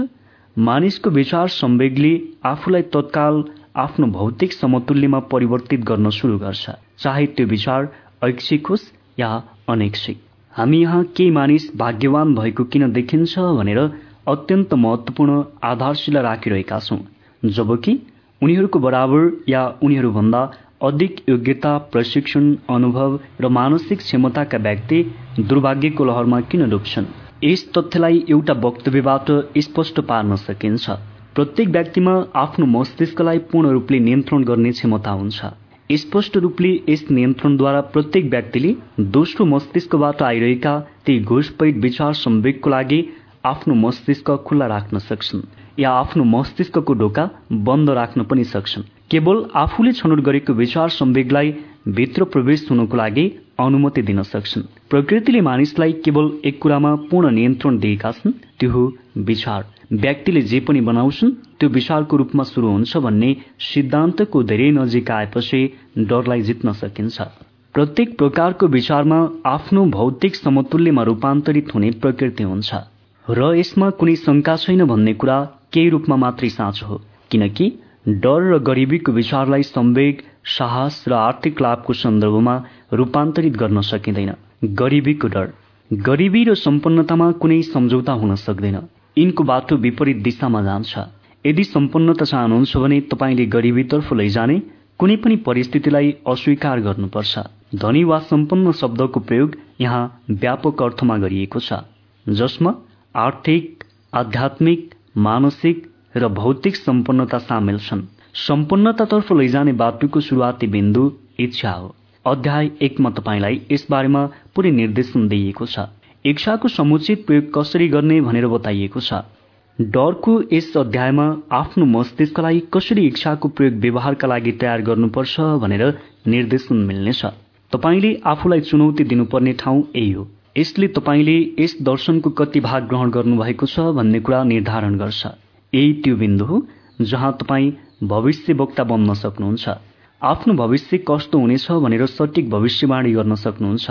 यदि यस अध्यायलाई पढे पश्चात पनि गरिबीलाई स्वीकार गर्न इच्छुक हुनुहुन्छ भने तपाईँ गरिबीलाई स्वीकार गर्ने मानसिकता बनाउन सक्नुहुन्छ। यो एक यस्तो निर्णय हो जसबाट तपाईँ बच्न सक्नुहुन्न। यदि तपाईँ धनी बन्न चाहनुहुन्छ भने त्यसको स्वरूप निर्धारित गर्नुहोस्। आफू सन्तुष्ट हुन सक्ने मात्रा पनि निर्धारित गर्नुहोस्। बल्ल तपाईँले सम्पन्नतातर्फ जाने सडक वा बाटोलाई जान्नुहुन्छ। त्यसबेला तपाईँले त्यस बाटोलाई एउटा नक्सा दिनुभएको हुन्छ जसलाई अनुसरण गर्नको लागि तपाईँ सधैँ त्यस बाटोमा सफलतापूर्वक हिँड्न सक्नुहुन्छ। यदि तपाईँ आफ्नो लक्ष्यमा पुग्नुभन्दा अगावै बाटो छोड्नुहुन्छ भने यसको लागि दोषीहरू कोही हुँदैन बरु तपाईँ नै हुनुहुन्छ। यसको जिम्मेवारी तपाईँ आफै हो। यदि तपाईँ आफ्नो जीवनको सम्पन्नताको माग गर्न अस्वीकार गर्नुहुन्छ भने कुनै बाहनाले तपाईँलाई जिम्मेवारी स्वीकार गर्नबाट बचाउनै सक्दैन। स्वीकृतिको लागि केवल एक चिजको आवश्यकता हुन्छ त्यही एक चिज जसलाई तपाईँ नियन्त्रित गर्न सक्नुहुन्छ त्यो हो मानसिक अवस्था। मानसिक अवस्था तपाईँले धारणा गर्नुपर्ने चिज हो। यसलाई खरिद गर्न सकिँदैन। यसलाई त बनाउनु पर्छ। सबभन्दा विध्वंसक डर। गरिबीको डर एक मानसिक अवस्था हो। यो कुनै पनि क्षेत्रमा व्यक्तिको उपलब्धिको सम्भावनालाई नष्ट गर्नको लागि पर्याप्त छ।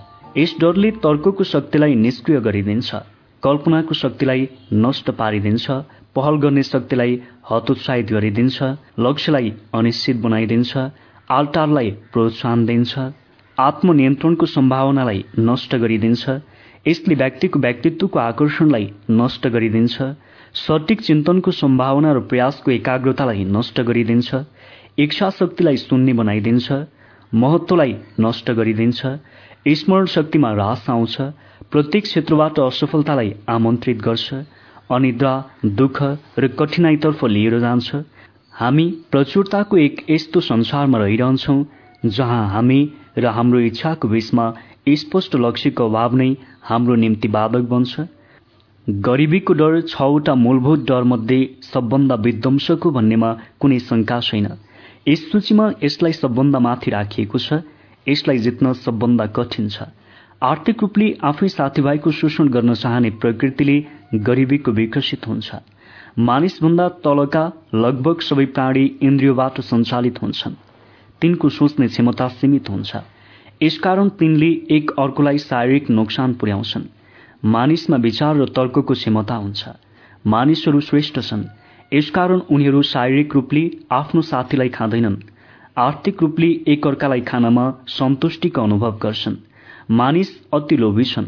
उनीहरूले आफ्ना साथीभाइबाट सुरक्षित राख्न प्रत्येक किसिमको नियम बनाएका छन्। कुनै पनि कुराले मानिसलाई यति दुःख र अपमान गर्दैन जति गरिबी। केवल गरिबीको अनुभव गरेकाले मात्रै यसलाई बुझ्न सक्छन्। मानिसहरू धन प्राप्त गर्नको लागि अति उत्सुक हुन्छन्। यसलाई कुनै पनि तरिकाले प्राप्त गर्न चाहन्छन्। सम्भव भएको खण्डमा कानूनी तरिकाले नभए अन्य तरिकाले। आत्मविश्लेषणले स्वीकार गर्न मन नपराउने कमजोरीलाई उजागर गरिदिन्छ। जाँचको यो प्रकार जीवनसित औषध दर्जा र गरिबीसित अधिक माग गर्ने मानिसको लागि अनिवार्य छ। आफ्नो जाँच गर्ने क्रममा तपाईँ याद राख्नुहोस् त्यस बेला तपाईँ नै सब चिज बन्नुपर्छ तपाईँ नै कोट पनि हुनुहुन्छ र जुरी पनि। तपाईँ प्रोसिक्युरिटिङको वकिल डिफेन्सको वकिल पनि हुनुहुन्छ। वादी र प्रतिवादी पनि तपाईँ नै हुनुहुन्छ। तपाईँप्रति नै यो मुद्दा चलिरहेको छ। तथ्यलाई इमान्दारितापूर्वक सामना गर्नुहोस्। आफैसँग निश्चित प्रश्नहरू सोध्नुहोस्। सिधा उत्तर माग गर्नुहोस्। परीक्षा समाप्त भएपछि तपाईँले आफ्नो बारेमा बढी जान्नुहुनेछ।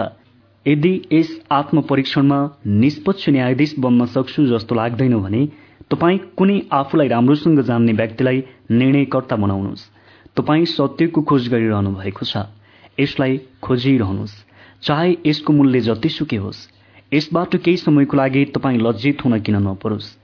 उनीहरूलाई सबभन्दा बढी डर कुन कुराले लाग्छ भने सोधिएको खण्डमा अधिकांश मानिसको उत्तर आफूलाई डर लाग्दैन भन्ने हुन्छ। उनीहरूको यस्तो उत्तर गलत हुन्छ। धेरै कम मानिसलाई उनीहरू कुनै न कुनै डरद्वारा शारीरिक र आध्यात्मिक रूपले बाँधिएका हुन्छन् भन्ने महसुस हुन्छ। कुनै न कुनै डरद्वारा उनीहरू बाधाको सामना गरिरहेका हुन्छन्। जीवनमा असफल भइरहेका हुन्छन्। डरको भाव अति सूक्ष्म र गहिराईमा विद्यमान हुन्छ। मानिसले पटक पटक पुरै जीवन यसलाई ओढिरहन्छन्। तैपनि उनीहरूलाई यसको उपस्थितिको आवाज समेत हुँदैन। केवल साहसिक विश्लेषणद्वारा मात्र यस शाश्वत शत्रुको उपस्थिति थाहा हुन्छ। त्यसैले आफ्नो चरित्रलाई गहिराईमा पुगेर जाँच गर्नुहोस्। यस लक्षणको एक सूची दिइँदैछ जसलाई तपाईँले खोज्नुपर्नेछ। गरिबीको डरको लक्षण उदासीनता। आम रूपले यो महत्वाकांक्षाको कमीद्वारा अभिव्यक्त हुन्छ जस्तै गरिबी सहन गर्ने इच्छा जीवनले दिइरहेको चिजलाई विरोध बिना स्वीकार गर्ने बानी मानसिक र शारीरिक आलस्य पहल गर्ने कोसिसको अभाव कल्पना शक्ति आत्मविश्वास र उत्साहको कमी। अनिर्णय अरूलाई आफ्नो लागि निर्णय गर्न दिने बानी। शङ्का आम रूपले स्वयंको असफलतामा पर्दा लगाउनु। त्यसको कारण बताउने या माफी माग्नको लागि बनाइएको बहानाद्वारा अभिव्यक्त। कुनै समयमा यो सफल व्यक्तिप्रति ईर्षाको भाव या उनीहरूको आलोचनाद्वारा पनि प्रकट हुन्छ।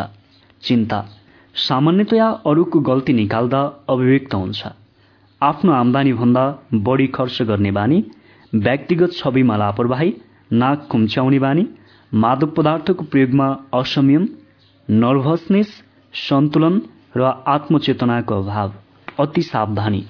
प्रत्येक परिस्थितिको नकारात्मक पक्ष खोज्ने बानी सफलताको साधनामा ध्यान केन्द्रित गर्नुको सट्टा सम्भावित असफलताको बारेमा सोच्नु र कुरा गर्नु। असफलतातर्फ जाने सबैको बाटो ज्ञान राख्नु तर असफलताबाट बस्ने योजना कहिले नखोज्नु।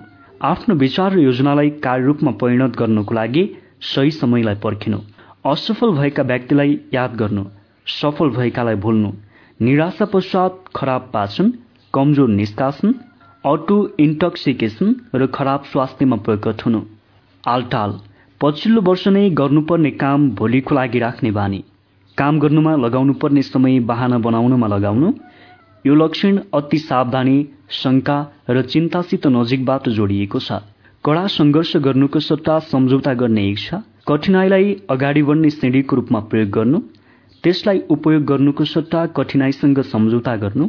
धन सन्तुष्टि र सुखको मार्ग गर्नुको सट्टा जीवनसित सिक्काको सौदाबाजी गर्नु। असफल भए पश्चात के गर्ने भन्ने योजना बनाउनु। आत्मविश्वास निश्चित लक्ष्य आत्मनियन्त्रण पहल गर्ने शक्ति उत्साह महत्व आकांक्षा बचत र दृढ तर्कशक्तिको कमजोरी या पूर्ण अभाव। सम्पन्नताको माग गर्नुको सट्टा गरिबीको आशा गर्नु। गरिबलाई स्वीकार गर्ने मानिससित सम्बन्ध बनाउनु। सम्पन्नता माग गर्ने र प्राप्त गर्ने व्यक्तिको साथमा सम्बन्ध राख्न नचाहनु। पैसा बोल्छ। केही व्यक्ति मलाई सोध्छन् तपाईँले धनको बारेमा पुस्तक किन लेख्नुभयो? सम्पन्नतालाई केवल डलरमा किन तौलिने? केही मानिस सम्पन्नताका केही अन्य रूप धनभन्दा अधिक महत्वपूर्ण छन् भन्ने आफ्नो सोचाइ सही छ भन्नेमा विश्वास गर्छन्। डलरको सन्दर्भमा नापिन नसकिने चिज पनि धन हुन्छन् भनेर विश्वास गर्छन्। यस्ता करोडौं मानिस हुन्छन् जो भन्छन् मलाई आवश्यक पैसा दिनुहोस् बाँकी सबै चिज म आफैले प्राप्त गर्नेछु। धन कसरी आर्जन गर्ने भन्ने विषयमा मैले यो पुस्तक लेख्नुको पछाडि सबभन्दा ठूलो कारण करोडौं मानिसलाई गरिबीको डरले पिरोल्नु हो। यस प्रकारको डरले व्यक्तिलाई के गर्न सक्छ भन्ने कुराको साह्रै राम्रो वर्णन बेस्ट बुक पेग्लरले गरेका छन्। धन केवल धातुको गोलो रूप हो यो कागजको टुक्रो हो। मन र आत्मामा पनि खरिद गर्न नसकिने खालका खजाना छन्। अधिकांश मानिसले यस कुरालाई ध्यान दिँदैनन्। यस कुराले उनीहरूलाई आफ्नो उत्साह कायम राख्न मद्दत मिल्दैन। कंगाल र सड़कमा भएका सबैजना जागिर प्राप्त गर्नमा सफल भइरहेका नहुन सक्छन् तब उनीहरू आत्मामा केही हुन जान्छन्। जुन उनीहरूको झुकेको काँधमा स्पष्ट देखिन्छ उनीहरूको चाल र अनुहारमा झल्किन्छ। उनीहरू नियमित रोजगार हुने व्यक्तिको तुलनामा आफूलाई हिम मान्नबाट बच्न सक्दैनन् भले उनीहरू ती व्यक्ति निश्चित रूपले चरित्र बुद्धि या योग्यतामा उनको समकक्षी छैनन् भन्ने जान्दछन्। अर्कोतर्फ यी मानिस आफूलाई सर्वश्रेष्ठ ठान्छन्। अन्य व्यक्तिलाई अवचेतन रूपले असफल मान्छन्। कुनै पनि कंगाल व्यक्तिले खाली बसेर लामो समयसम्म सोच विचार गर्न मात्रै सक्छन्। उनीहरू केही माइल यात्रा गरेर जागिरको खोजीमा कुनै व्यक्तिसित भेट गर्न जान सक्छन्। त्यहाँ गए पश्चात उनीहरूलाई जागिरमा पदपूर्ति भइसकेको थाहा हुन्छ। यस प्रकार उनीहरू आफूलाई एकपटक फेरि सड़कमै पाउँछन्। कतै जाने ठाउँ पाउँदैनन्। यताउता भौतारिन्छन्।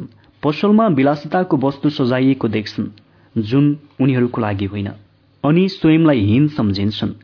सामान खरिद गर्ने इच्छाले आएका मानिसलाई बाटो छोडिदिन्छन् रेलवे स्टेशनमा भौतारिन्छन् या लाइब्रेरीमा पस्छन् ताकि उनीहरूलाई केही क्षण भए पनि आराम मिल्न सकोस्। तैपनि यसबाट उनीहरूको जागिरको समस्या हल हुन सक्दैन। त्यसैले फेरि एकपटक उनीहरू त्यहाँबाट निस्किन्छन्। आफ्नो दिशाहीनता नै उनीहरूको मार्गको अवरोध हो भन्ने उनीहरूले थाहा पाउन सक्दैनन्।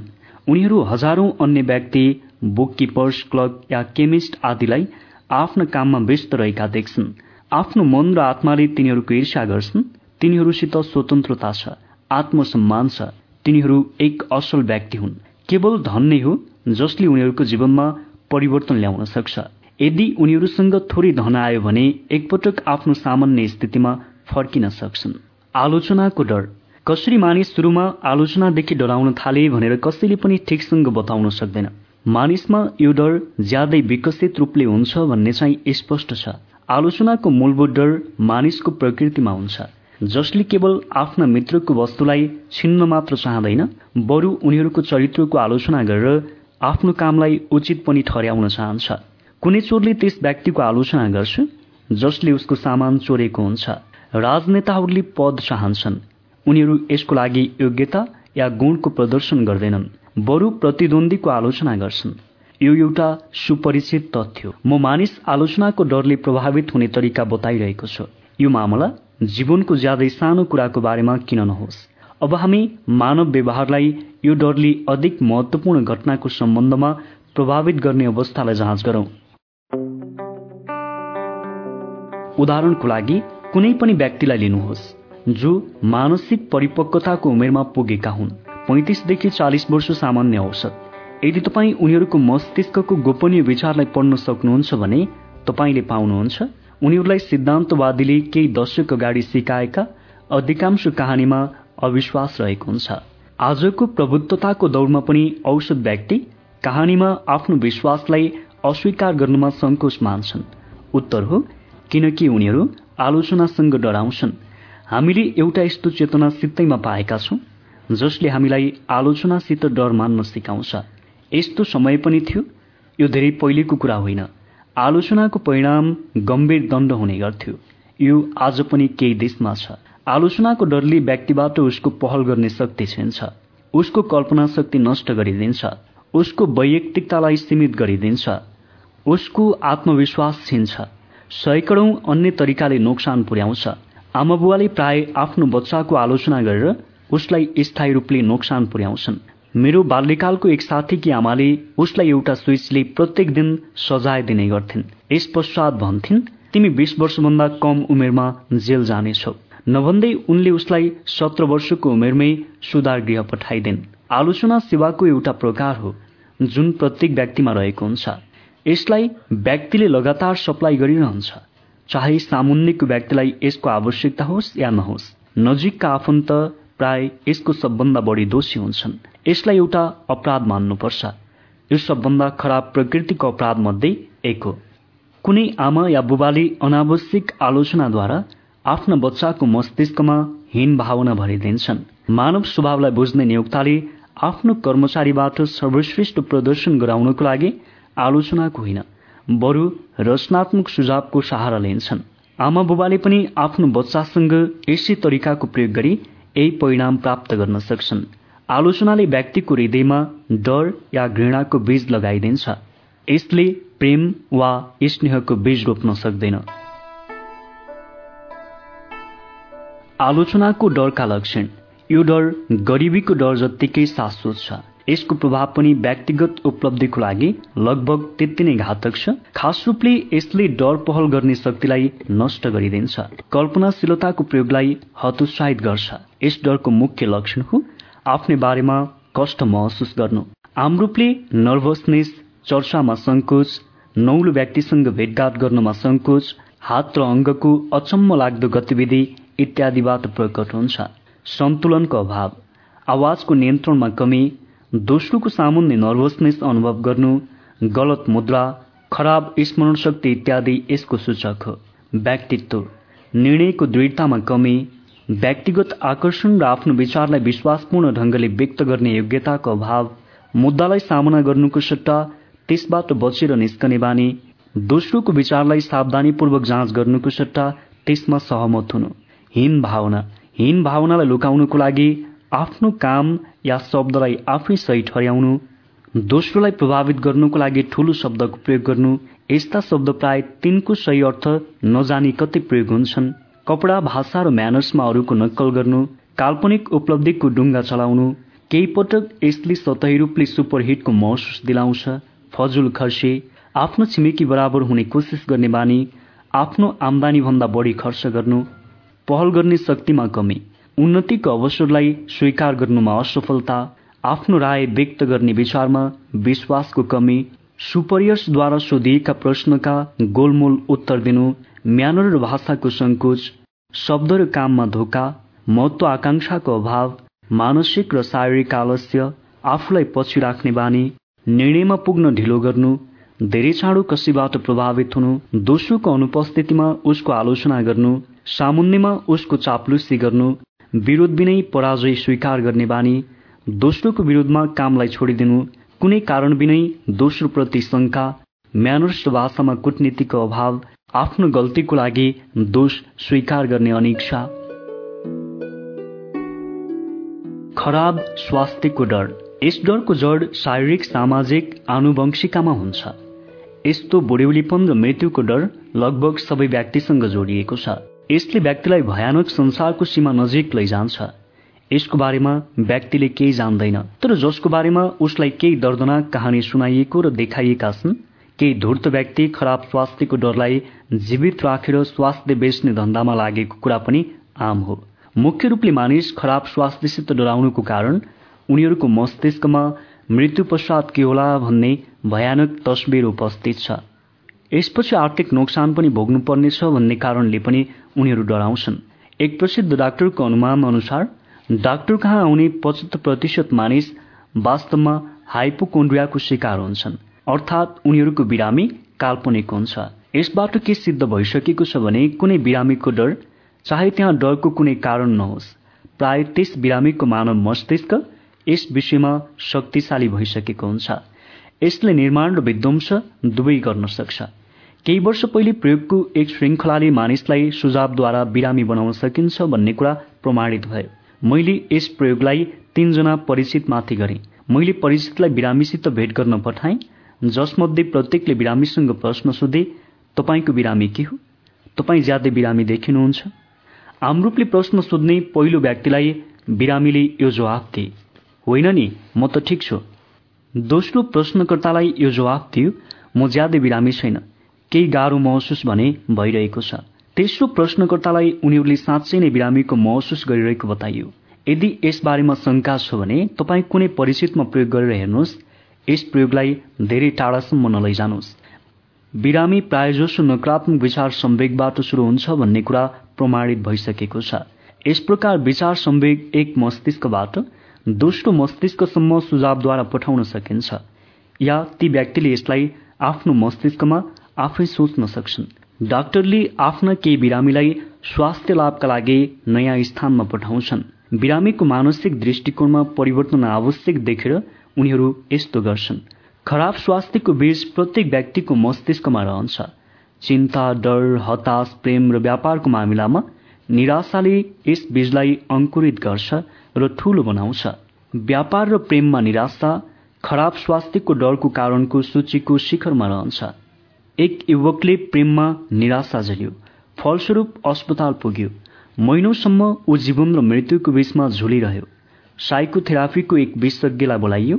विशेषज्ञले नर्स बदलिदिए। उसको रेखदेखका लागि एक अति नै आकर्षक युवतीलाई राखिदिए। नर्सले डाक्टरले बताए अनुसार उसित पहिलो दिनदेखि नै प्रेम गर्न थालिन्। बिरामी ठिक भयो। तीन हप्तामै उसलाई छुट्टी दिइयो। अस्पतालबाट जाने समयमा उसलाई एउटा फरक खालको बिरामी सुरु भएको थियो। ऊ फेरि एकपटक प्रेममा थियो यो उपचार एउटा धोका थियो तर बिरामी र नर्सको पछि विवाह भयो। खराब स्वास्थ्यको डरका लक्षण। यस शाश्वत डरका लक्षण हुन् आत्मसुझाव हाइपोकोन्ड्रिया व्यायाम अति संवेदनशीलता बाहना बनाउनु असंयम। एक आत्मसुझाव। आत्मसुझावको नकारात्मक प्रयोगको बानी। जसमा व्यक्तिले प्रत्येक प्रकारको बिरामीको लक्षण खोज्छ। उसलाई आफू बिरामी हुनेछु भन्ने आशा हुन्छ। काल्पनिक बिरामीको आनन्द लिनु र यसबारेमा साँच्चैको हो जसरी कुरा गर्नु। अरूले स्वास्थ्यवर्धक वस्तुको रूपमा दिएको सनक र बादलाई अप्नाएर हेर्ने बानी। अरूसँग अपरेसन एक्सिडेन्ट र बिरामीको अन्य प्रकारको बारेमा कुरा गर्नु। डाइट शारीरिक व्यायाम इत्यादिको बारेमा प्रोफेसनल मार्गदर्शनलाई आफै प्रयोग गर्नु। दुई हाइपोकोन्ड्रिया। बिरामीको बारेमा कुरा गर्ने बानी बिरामीप्रति आफ्नो मस्तिष्कलाई पूर्ण रूपले केन्द्रित गर्नु नर्भस ब्रेकडाउन नहुँदासम्म यसलाई हुने आशा गर्नु बोतलमा बन्द कुनै औषधिले यस स्थितिको उपचार गर्न सक्दैन। यो स्थिति नकारात्मक चिन्तनको परिणाम हो। केवल सकारात्मक विचारले नै यसको उपचार गर्न सक्छ। हाइपोकोन्ड्रियाको बारेमा के भनिन्छ भने यसले वास्तविक बिरामीकै जति नोक्सान गर्छ। अधिकांश तथाकथित नर्भस केसेस काल्पनिक बिरामीकै परिणाम हुन्। व्यायाम खराब स्वास्थ्यको डर प्राय यसले उचित शारीरिक व्यायाममा हस्तक्षेप गर्छ। परिणामस्वरूप व्यक्ति आउटडोर लाइफसित टाढा रहन्छ। चार अति संवेदनशीलता खराब स्वास्थ्यको डरले मानिसले प्रकृतिद्वारा दिएको शरीरको प्रतिरोधात्मक शक्तिलाई तोडिदिन्छ। बिरामीसँग सम्पर्क हुने परिस्थितिलाई निर्माण गर्छ। त्यस व्यक्तिलाई उसको बिरामी सर्छ खराब स्वास्थ्यको डर प्राय गरिबीको डरसँग जोडिएको हुन्छ। खास गरी हाइपोकोन्ड्याक व्यक्तिको मामिलामा उसले लगातार डाक्टरको बिल अस्पतालको बिल इत्यादिको भुक्तानको सम्भावनामा विचार गर्छ। यस प्रकारको व्यक्तिको बिरामीको उपचारमा धेरै समय लाग्छ। पाँच बाहना बनाउनु। सहानुभूतिको चाहनामा काल्पनिक बिरामीको सहारा लिने बानी। मानिसले प्राय यस चाललाई कामबाट बस्नुको लागि पनि अप्नाउँछ। केवल आलस्यलाई लुकाउनको लागि बिरामीको नाटक गर्ने बानी या महत्वाकांक्षाको अभावको लागि बाहना बनाउन यसको प्रयोग गरिन्छ।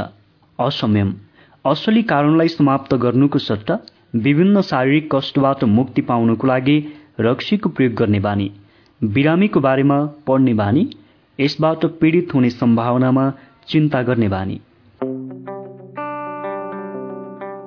प्रेम बिछोडको डर। यस अन्तर्भूत डरको मौलिक स्रोत स्पष्ट रूपले पुरुषको बहुविवाही बानीबाट विकसित भयो। ईर्ष्या र यस प्रकारको न्युरोसिस प्रेममा बिछोड हुनु यसै आन्तरिक डरको परिणाम हो। यो डर सबै छवटा मूलभूत डरमध्ये सबभन्दा पीडादायक छ।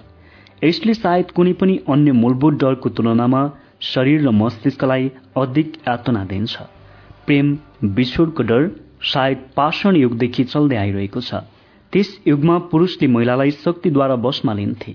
पुरुषले आजकल पनि यस्तै गर्छन्। तरिका मात्रै बदलिरहेको छ। शक्तिको सट्टा अब उनीहरू आग्रह गर्छन् सुन्दर कपडा राम्रो कार र यस प्रकारको लोभ देखाउँछन्। जुन शारीरिक शक्तिभन्दा अधिक शक्तिशाली प्रमाणित हुन्छ। मानिसको बानी अहिले पनि सभ्यताको उषाकालमा जस्तै नै छ। तरिका मात्रै फरक छ। विश्लेषणबाट महिलामा यो डर पुरुषमा भन्दा धेरै हुने गरेको थाहा हुन्छ। यस तथ्यलाई सहज रूपले स्पष्ट गर्न सकिन्छ। महिलाले अनुभवद्वारा पुरुषको प्रकृति नै बहुविवाही हुन्छ भनेर सिकेका छन्। त्यसैले आफ्नो प्रतिद्वन्दीको हातमा उनीहरूप्रति विश्वास गर्न सक्दैनन्। प्रेममा बिछोडको डरका लक्षण। यस डरका प्रमुख लक्षण हुन् एक ईर्ष्या दुई जुवा खेल्नु। ईर्ष्या प्रेमी र प्रेमीजनप्रति शङ्काको बानी जबकि यसको पछाडि पर्याप्त प्रमाण हुँदैन। पति या पत्नीप्रति कुनै आधार बिना झुटो आरोप लगाउने बानी प्रत्येकसँग शङ्का गर्नु कसैप्रति पूर्ण आस्था नहुनु गल्ती निकाल्नु अलिकति मौका मिल्ने बित्तिकै या कुनै कारण बिना साथी आफन्त व्यापार सहयोगी र प्रेमीजनको गल्ती खोज्ने बानी जुवा खेल्नु जुवा चोरी धोका या अन्य जोखिमका तरिकाले प्रियोजनको लागि धन उपलब्ध गराउनु। यसको पछाडि प्रेम खरिद गर्न सकिन्छ भन्ने विश्वास हुन्छ। आफ्नो संसाधनबाट अधिक खर्च गर्ने बानी या ऋणमा डुबिरहनु। प्रियोजनलाई केवल उसप्रति राम्रो प्रभाव जमाउन सकियोस् भनेर उपहार दिनु। अनिद्रा नर्भसनेस लगनको अभाव इच्छाशक्तिको कमजोरी आत्मनियन्त्रणको अभाव आत्मविश्वासको अभाव खराब स्वभाव। बुढ्यौलीपनको डर। मुख्य रूपले यो डर दुईवटा स्रोतद्वारा आउँछ। पहिलो बुढ्यौलीपनले आफ्नो साथमा गरिबी ल्याउँछ भन्ने विचार। दोस्रो सबभन्दा आम स्रोत अतीतका झुटा र क्रूर शिक्षाबाट आउँछ जसमा नर्कको आगोको डर देखाएर चलख्याईपूर्वक व्यक्तिलाई नोकर बनाउने षड्यन्त्र रचिएको हुन्छ। बुढ्यौलीपनको मूलभूत डरमा दुईवटा धेरै नै दमदार तर्क हुन्छ। एउटा तर्क उसको साथीसँग अविश्वास हुन्छ र साथीले आफ्नो सांसारिक चिज छिन्छ भन्ने डर हुन्छ। दोस्रो उसको मस्तिष्कमा परलोकको भयानक तस्बिर उत्पन्न हुन्छ। खराब स्वास्थ्यको सम्भावना पनि बुढ्यौलीपनको यस आमदरको कारण बन्छ। बढ्दो उमेरसँगै प्राय यो बढ्दै जान्छ। आमुक्ता पनि बुढ्यौलीपनको डरपछिको एउटा कारण हो। कुनै पनि व्यक्ति आफूमा सेक्स आकर्षण कम भएको मन पराउँदैनन्। बुढ्यौलीपनको डरको सबभन्दा आम कारण गरिबीको सम्भावनासँग जोडिएको हुन्छ। वृद्धाश्रम एक असल शब्द होइन। यसले प्रत्येक व्यक्तिको दिमागमा विस्फोटक गरिदिन्छ। बुढ्यौलीपनको डरको एउटा अर्को कारण हो स्वतन्त्रतामा कमीको अभाव। बुढ्यौलीपनमा शारीरिक र आर्थिक स्वतन्त्रतामा कमी हुन जान्छ। बुढ्यौलीपनका डरका लक्षण। यस डरका आम लक्षण निम्न छन्। एक मानसिक परिपक्वताको उमेर अर्थात् लगभग चालिस वर्षको आसपासमा हीन भावना विकसित हुने प्रवृत्ति। त्यसबेला स्वयंलाई व्यक्ति उमेरको कारणले फसिरहेका छन् भनेर विश्वास दिलाइन्छ। सत्य कुरा त मानिसको सबभन्दा उपयोगी वर्ष मानसिक र शारीरिक दुवै रूपमा चालिस र साठीको बीच हुन्छ। दुई याचनाको सुरुमा आफू चालिस र पचासको उमेरसम्म पुगेको भनेर आफ्नो अधिक उमेरको बारेमा बोल्ने बानी। आफू समझदारी र परिपक्वताको उमेरमा पुगेको छु भनेर तपाईँ यस कुराको लागि कृतज्ञ हुनुहोस्। तीन पहल गर्ने शक्ति। कल्पनाशीलता र स्वावलम्बनलाई व्यवस्था गर्ने बानी। तपाईँमा आफू यी गुणको प्रयोग गर्नको लागि अब अधिक बुढो भइसकेको छु भन्ने भ्रम छ। चालिस वर्षको पुरुष या महिलाद्वारा अधिक युवा देखिने र युवा अवस्थाको हावभाव देखाउने खालको लुगा लगाउने कोसिस गर्नु जसलाई साथी तथा अपरिचितले खिल्ली उडाउँछन्। मृत्युको डर। कसैको लागि यो डर सबै मूलभूत डर मध्ये क्रूर हुन्छ। कारण स्पष्ट छ यस डरको यातनामय विचार मृत्युको विचारसँग जोडिएको छ जसलाई अधिकांश प्रकरणमा धार्मिक उन्माद भन्न सकिन्छ। तथाकथित मूर्तिपूजक व्यक्ति मृत्युसित कम डराउँछन् जबकि अधिक सभ्य व्यक्ति यसबाट बढी डराउँछन्। करोडौं अरबौं वर्षदेखि मानिसले अहिलेसम्म कहाँबाट र कहाँसम्म भन्ने अनुत्तरित प्रश्न सोधिरहेका छन्। अर्थात् म कहाँबाट आएको हुँ म कहाँ जाँदैछु? अतीतको अन्धकारमय युगको क्रममा अधिक चलाक र धोकेबाज व्यक्ति यी प्रश्नका उत्तर दिनमा पछि परेनन्। उनीहरूले यसको मूल्य असुल गरे। मेरो टेन्टमा हो मेरो पन्थ स्वीकार गर मेरो सिद्धान्तलाई मान म तिमीलाई एउटा टिकट दिन्छु जसले तिमीलाई मृत्यु पश्चात सिधै स्वर्गमा लैजान्छ। एक पन्थका लिडर चिच्याउँछ। त्यही लिडरले यो पनि भन्दछ यदि तिमी मेरो टेन्टमा आउँदैनौ भने शैतानले तिमीलाई लैजानेछ अन्तत कालसम्म तिमीले नर्कको आगोमा जल्नुपर्नेछ। अन्तत कालको सजायको विचारले जीवनमा रुचि समाप्त गरिदिन्छ सुखलाई असम्भव बनाइदिन्छ। धार्मिक र लिडरले आफ्ना अनुयायीलाई स्वर्गमा सुरक्षित पुर्याइदिन्छन् या अनुयायी नबन्नेहरूलाई नर्कको आगोमा जलाइदिन्छन् भन्ने सम्भावना छैन। तैपनि नर्कको सम्भावना नै अति भयानक लाग्छ। यसबाट व्यक्तिको दिमागमा खराब कल्पना आउन थाल्छ। त्यो अति यथार्थपूर्ण तरिकाले आउँछ। यसले तर्क शक्तिलाई कमजोर बनाइदिन्छ अनि मृत्युको डर लाग्न थाल्छ। मृत्युको डर अहिले त्यति आम छैन जति त्यो त्यस युगमा हुने गर्थ्यो जब ठूला कलेज र युनिभर्सिटीहरू थिएनन्। वैज्ञानिकले संसारलाई सत्य कुरा देखाइदिए। यो सत्यले तेज रूपमा व्यक्तिलाई मृत्युको यस भयानक डरबाट मुक्त गरिरहेको छ। कलेज र युनिभर्सिटीमा पढिरहेका युवक युवती नर्कको आगोले प्रभावित हुँदैनन्। जीव विज्ञान खगोलशास्त्र भूगर्भशास्त्र र अन्य सम्बन्धित विज्ञानको सहायताबाट अन्धकार रूपी युगको डर अब निस्किरहेको छ जुन व्यक्तिको मस्तिष्कमा जकडिएको थियो। पुरै संसार केवल दुई कुराले बनेको हुन्छ ऊर्जा र पदार्थ।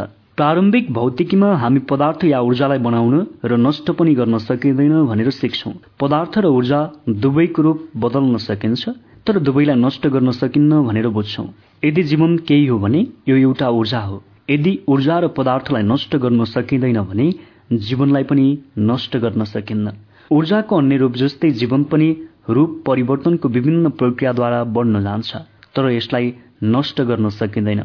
मृत्यु केवल रूप परिवर्तन हो। यदि मृत्यु केवल रूप र परिवर्तन होइन भने मृत्यु पश्चात केही पनि आउँदैन। एक लामो अनन्त र शान्त निद्रा बाहेक र निद्रादेखि किन डराउने? यस प्रकार तपाईँले सधैँको लागि मृत्युको डरलाई निकाल्न सक्नुहुन्छ।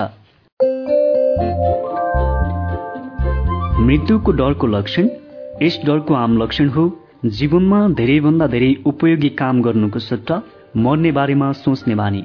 यसको कारण सामान्यतया लक्ष्य या सही व्यवसायको कमी हुन्छ। यो डर बुढो उमेरका व्यक्तिमा अधिक हुन्छ। कुनै बेला अधिक युवा व्यक्ति पनि यसको शिकार हुन्छन्। मृत्युको शिकारको सबभन्दा ठूलो उपचार उपलब्धिको प्रबल इच्छा हो। यसको उद्देश्य दोस्रोलाई उपयोगी सेवा दिनु हो। व्यस्त व्यक्तिसित मर्ने बारेमा सोच्ने समय कहिल्यै हुन्न। उसलाई जीवन अति रोमाञ्चक लाग्छ। जसले मृत्युको बारेमा चिन्ता गर्दैन। कुनै बेला मृत्युको डर गरिबीको डरसँग नजिक रूपले जोडिएको हुन्छ। आफ्नो मृत्यु पश्चात प्रियजन गरिबीको दलदलमा जानेछन् भन्ने डर हुन्छ। केही मामिलामा मृत्युको डर बिरामीद्वारा र शरीरको प्रतिरोधक शक्तिको कमीबाट पनि उत्पन्न हुन्छ। मृत्युको डर सबभन्दा आम कारण हो। गरिबी सही व्यवसायको अभाव प्रेममा निराशा पागलपन धार्मिक उन्माद आदि। चिन्ता। चिन्ता डरमा आधारित एक मानसिक अवस्था हो। यसले बिस्तारै तर लगातार काम गर्छ यो घातक हुन्छ सूक्ष्म हुन्छ। पाइला पाइलामा यो भित्र पस्दै जान्छ। व्यक्तिको तर्कशक्तिलाई पूर्ण रूपले नष्ट नगरीसम्म पसिरहन्छ। आत्मविश्वास र पहल गर्ने उसको शक्तिलाई नष्ट नगरीसम्म भित्र गइरहन्छ। चिन्ता एक प्रकारको डर हो जुन अनिर्णयको परिणाम हो। यस प्रकार यो एक मानसिक अवस्था हो। यसलाई नियन्त्रित गर्न सकिन्छ। असन्तुलित मस्तिष्क असाध्य हुन्छ। अनिर्णयले मस्तिष्क असन्तुलित बन्छ। अधिकांश मानिसमा तत्काल निर्णय लिने इच्छा शक्तिको अभाव हुन्छ। निर्णय लिए पश्चात त्यसमा डटिरहने हौसला आउँदैन कुनै निर्णयमा पुग्दा या आफूले के गरिरहेको छु भनेर तय गर्दा हामी स्थितिको बारेमा चिन्ता गर्दैनौ। मैले एकपटक एउटा अनौठो अन्तर्वार्ता लिएँ। अन्तर्वार्ता दिने व्यक्तिलाई दुई घण्टा पश्चात फाँसी दिँदै थियो। अपराधी अन्य आठ व्यक्ति मध्ये सबभन्दा शान्त देखिन्थ्यो। आठैजना मृत्यु कक्षमा उसको साथमा थिए। उसको शान्तिले मलाई उसित मृत्युको मुखमा जाँदा उसलाई कस्तो महसुस भइरहेको छ भनेर प्रश्न सोध्न प्रेरित गर्यो। विश्वास भरिएको मुस्कुराहटसहित उसले भन्यो मेरो लागि यो साह्रै ठूलो कुरा हो। मेरो कठिनाईको अब चाँडै अन्त्य हुँदैछ। मलाई जीवनमा आजसम्म कष्ट बाहेक केही पनि मिलेन। भोजन र कपडा जुटाउन समेत मलाई समस्या परिरह्यो। अब मलाई यी चिजको जरुरत पनि पर्ने छैन। आफू मरिरहेको छु भन्दै गर्दा मलाई साह्रै राम्रो लागिरहेको छ। मर्ने थाहा पाएदेखि नै मैले आफ्नो मनलाई तयार बनाएको थिएँ। म आफ्नो भाग्यलाई हाँसी हाँसी स्वीकार गर्नेछु। योभन्दा अचम्मको कुरा उसले आफ्नो डिनर मिनेट भरमै खाइदियो। उसको निर्णयले उसलाई आफ्नो भाग्य सहन सक्ने शक्ति दियो। निर्णयले अनपेक्षित परिस्थितिलाई स्वीकार गर्ने तपाईँको बानीलाई पनि रोक्न सक्छ। छवटा मूलभूत डर अनिर्णयद्वारा चिन्ताको स्थितिमा बदलिन्छन्। मृत्युलाई एक अवश्यम्भावी घटनाको रूपमा स्वीकार गर्ने निर्णयमा पुग्नुहोस्। यस निर्णयद्वारा मृत्युको डरबाट सधैँको लागि मुक्त भइन्छ। चिन्ता बिना तपाईँ जति धन सङ्ग्रह गर्न सक्नुहुन्छ त्यसलाई प्राप्त गर्ने निर्णयमा पुग्नुहोस्। गरिबीको डरबाट मुक्त हुनुहोस्। दोस्रोको बारेमा सोच्ने गर्ने या भन्ने चिन्ता गर्दिन भनेर निर्णय गर्नुहोस्। आलोचना रूपी डरलाई मोडिदिनुहोस्।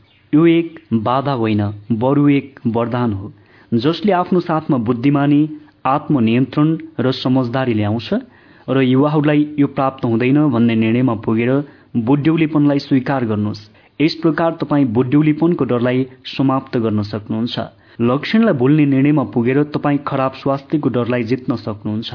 प्रेमको विछोडको डरलाई तपाईँ यदि आवश्यक परेमा प्रेम बिना पनि गुजारा गर्न सक्छु भन्ने निर्णयमा पुगेर जित्न सक्नुहुन्छ।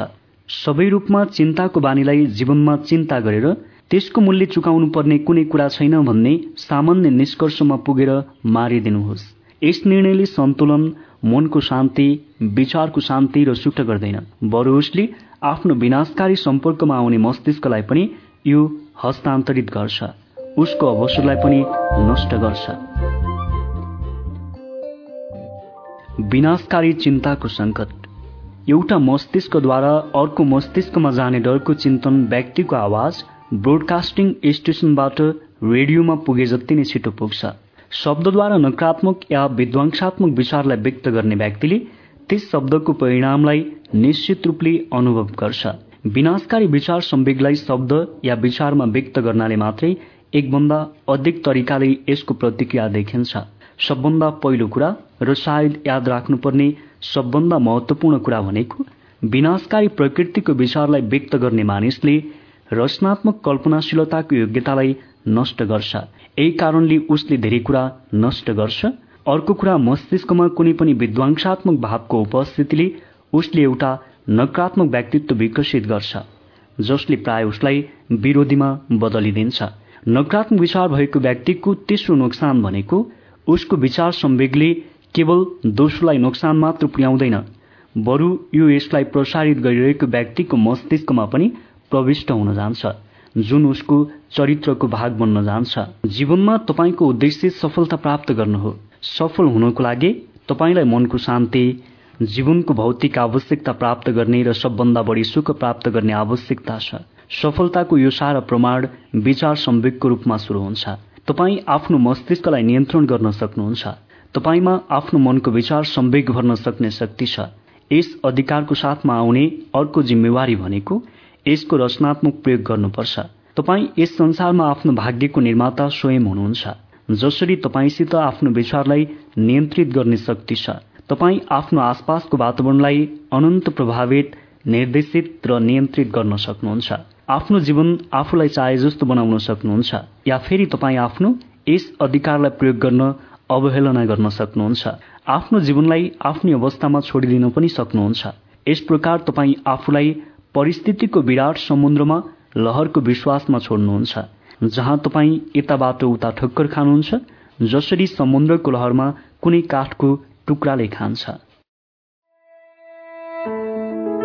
शैतानको वर्कसप यी छवटा डरभन्दा बाहेकको एउटा अर्को भूत पनि छ जसबाट व्यक्ति पीडित हुन्छ।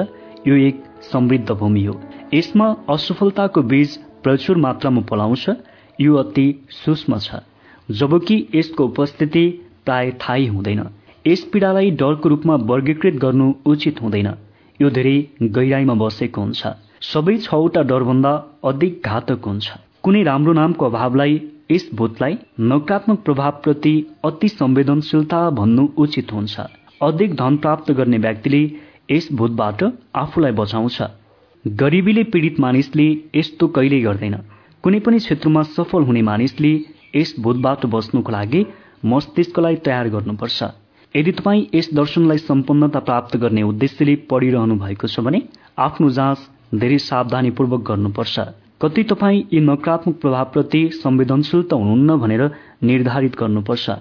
यदि यस आत्मविश्लेषणमाथि शंका गर्नुहुन्छ भने तपाईँले आफ्नो इच्छालाई प्राप्त गर्ने आफ्नो अधिकार गुमाउनुहुनेछ। राम्ररी विश्लेषण गर्नुहोस्। आत्मविश्लेषणको लागि तयार गरिएका प्रश्नलाई पढे पश्चात आफ्नो उत्तरमा आफूलाई पूर्ण रूपले जिम्मेवार ठहर्याउनुहोस् यस कामलाई आफ्नो कुनै शत्रुलाई खोजिरहे झै सावधानीपूर्वक गर्नुहोस्। त्यो लुकेर रहेको छ। तपाईँ आफ्नो दोषको साथमा अधिक मूर्त शत्रुको साथमा गरे जस्तै व्यवहार गर्नुहोस्। तपाईँले आफूलाई बाटोमा आउने डाकाबाट सहज रूपले बचाउन सक्नुहुन्छ। किनकि कानूनले तपाईँको लाभको लागि संगठित सहयोग प्रदान गर्छ। तैपनि यस सातो मूलभूत भूतलाई जित्नको लागि धेरै कठिन हुन्छ। यसले आक्रमण गर्दा तपाईँलाई सुतिरहेको या जागिरहेको अवस्थामा पनि यसको उपस्थितिको महसुस हुँदैन। यसको हतियार अमूर्त छ किनकि यो केवल एक मानसिक अवस्था हो। यो भूत खतरनाक पनि छ किनकि मानवीय अनुभवको जति रूप हुन्छन् यसले त्यति नै विविध रूपमा आक्रमण गर्छ। कुनै बेला यो आफन्तको सल्लाहद्वारा मस्तिष्कमा प्रवेश गर्छ कुनै बेला यो भित्रबाट आउँछ। मानसिक दृष्टिद्वारा आउँछ। यसको आक्रमण विष जस्तै भयानक हुन्छ। आफूलाई नकारात्मक प्रभावद्वारा कसरी बचाउने? नकारात्मक प्रभाव तपाईँ आफै पनि बचाउन सक्नुहुन्छ। यो वरिपरिको नकारात्मक व्यक्तिको देन पनि हुन सक्छ यसबाट आफूलाई बचाउनको लागि के थाहा पाउनुहोस् भने तपाईँसित इच्छा शक्ति छ यसलाई तपाईँ निरन्तर प्रयोग गर्न सक्नुहुन्छ। यसले तपाईँको मस्तिष्कमा नकारात्मक प्रभाव विरुद्ध एक सुरक्षा चक्र नबनाएसम्म प्रयोग गर्न सक्नुहुन्छ। तपाईँ मात्र होइन प्रत्येक व्यक्ति प्रकृतिले अल्छी र उदासीन हुन्छ भन्ने तथ्यलाई पहिचान गर्नुहोस्। यसै कारण उसले आफ्नो कमजोरीसँग मिल्दोजुल्दो सुझावलाई ग्रहण गर्छ। तपाईँ आफ्नो स्वभावले सबै छ मूलभूत डरप्रति संवेदनशील हुनुहुन्छ भन्ने थाहा पाउनुहोस्। यी सारा डरको विरुद्ध सफल संग्राम गर्न सक्ने खालको बानी बसाउनुहोस्। अर्को कुरा पनि जान्नुहोस् नकारात्मक प्रभावले प्राय अवचेतन मस्तिष्कद्वारा तपाईँमा प्रभाव जमाउँछ। यसकारण यसलाई खोज्न कठिन हुन्छ। त्यसैले आफ्नो मस्तिष्क तपाईँलाई कुनै पनि रूपमा हताश या उदास गर्ने व्यक्तिको विरुद्धमा बन्द राख्नुपर्छ। आफ्नो औषधिको बाकसलाई खाली गरिदिनुहोस् सबै औषधिको गोली फ्याँकिदिनुहोस् चिसो पीडा र काल्पनिक बिरामीको मोहमा फस्नको लागि बन्द गरिदिनुहोस्। साँच्ची भन्नुपर्दा प्रायजसो मानिसले आफ्नो मस्तिष्कलाई अन्य मानिसको नकारात्मक प्रभावको लागि खुल्ला छोडिदिन्छन्। यो उनीहरूको सबभन्दा ठूलो कमजोरी हो। यो कमजोरी धेरै विनाशकारी हुन्छ किनकि अधिकांश मानिसलाई आफू यसबाट पीडित छु भनेर पनि थाहा हुँदैन।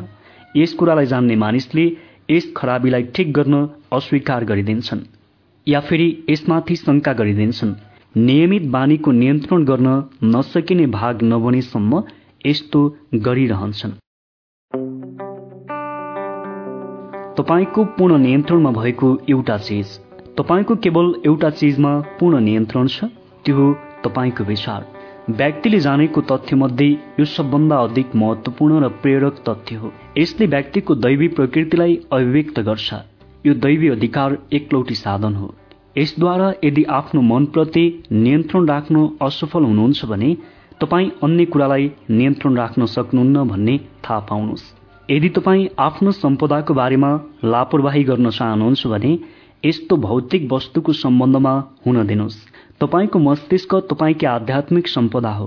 यसको अति सावधानीका साथ सुरक्षा र यसलाई प्रयोग गर्नुहोस्। तपाईँलाई इच्छा शक्ति यही उद्देश्यका लागि दिइएको छ। दुर्भाग्य नै मान्नुपर्छ। जानी नजानी नकारात्मक सुझावद्वारा अरूको दिमागमा विष भर्ने मानिसको कुनै कानूनी उपचार छैन। यस प्रकारको विनाशको लागि कानूनी सजायको प्रावधान हुनुपर्छ। किनकि यसले कानूनद्वारा सुरक्षित भौतिक वस्तु प्राप्त गर्ने सम्भावनालाई नष्ट गर्न सक्छ। प्राय यो नष्ट हुन्छ पनि। नकारात्मक मानसिकता भएको एक व्यक्तिले थोमस एल्बा एडिसनलाई आफूले व्यक्तिको आवाज रेकर्ड गरेर त्यसलाई फेरि दोहोऱ्याउन सक्छु भनेर विश्वास दिलाउने प्रयास गर्यो। उसको भनाइमा आजसम्म यस्तो मेसिन कसैले पनि बनाएका थिएनन्। एडिसनले उसमाथि भरोसा गरेनन्। उनलाई मस्तिष्कले आफ्नो कल्पनाप्रति विश्वास भएको चिजलाई बनाउन सकिन्छ भन्ने थाहा थियो। यस ज्ञानको कारण महान एडिसन सामान्य मानिसभन्दा माथि उठ्न सके। पहिलो पटक हेनरी फोर्डले कार निर्माण गर्दा कसैले पनि उनको त्यो निर्माण व्यवहारिक हुन सक्दैन भन्ठानेका थिए। उनमा आफ्नो उद्देश्यप्रति दृढ निश्चय थियो। उनी आफूलाई पूर्ण नियन्त्रणमा राखेर संयमतापूर्वक आफ्नो सपना साकार बनाउन लागिरहे। अन्तत उनी भरपर्दो कार निर्माण गर्न सफल भए। फलस्वरूप अमेरिकाको एक समृद्धशाली व्यक्ति बने। उनीसित पनि साधारण व्यक्तिको झैँ एउटा मस्तिष्क थियो तर त्यो पूर्ण नियन्त्रित थियो। मस्तिष्कमा नियन्त्रण आत्मअनुशासन र बानीको परिणाम हो। या त तपाईँले आफ्नो मस्तिष्कलाई नियन्त्रित गर्नुहुन्छ या यसले तपाईँलाई नियन्त्रित गर्छ। यसमा कुनै अधुरो सम्झौता हुँदैन। मस्तिष्कलाई नियन्त्रित गर्ने सबभन्दा व्यवहारिक तरिका भनेको आफूलाई एक निश्चित लक्ष्यतर्फ व्यस्त राख्ने बानी हो जसको पछाडि एउटा निश्चित योजना हुन्छ। कुनै पनि उल्लेखनीय सफलता पाएको व्यक्तिको रेकर्डलाई अध्ययन गर्नुहोस्। उसले आफ्नो मस्तिष्कलाई नियन्त्रण गरेको तपाईँले देख्नुहुनेछ। त्यस नियन्त्रणलाई उसले आफ्नो लक्ष्य प्राप्त गर्नको लागि निर्देशित गर्छ। यस नियन्त्रण बिना सफलता सम्भव छैन।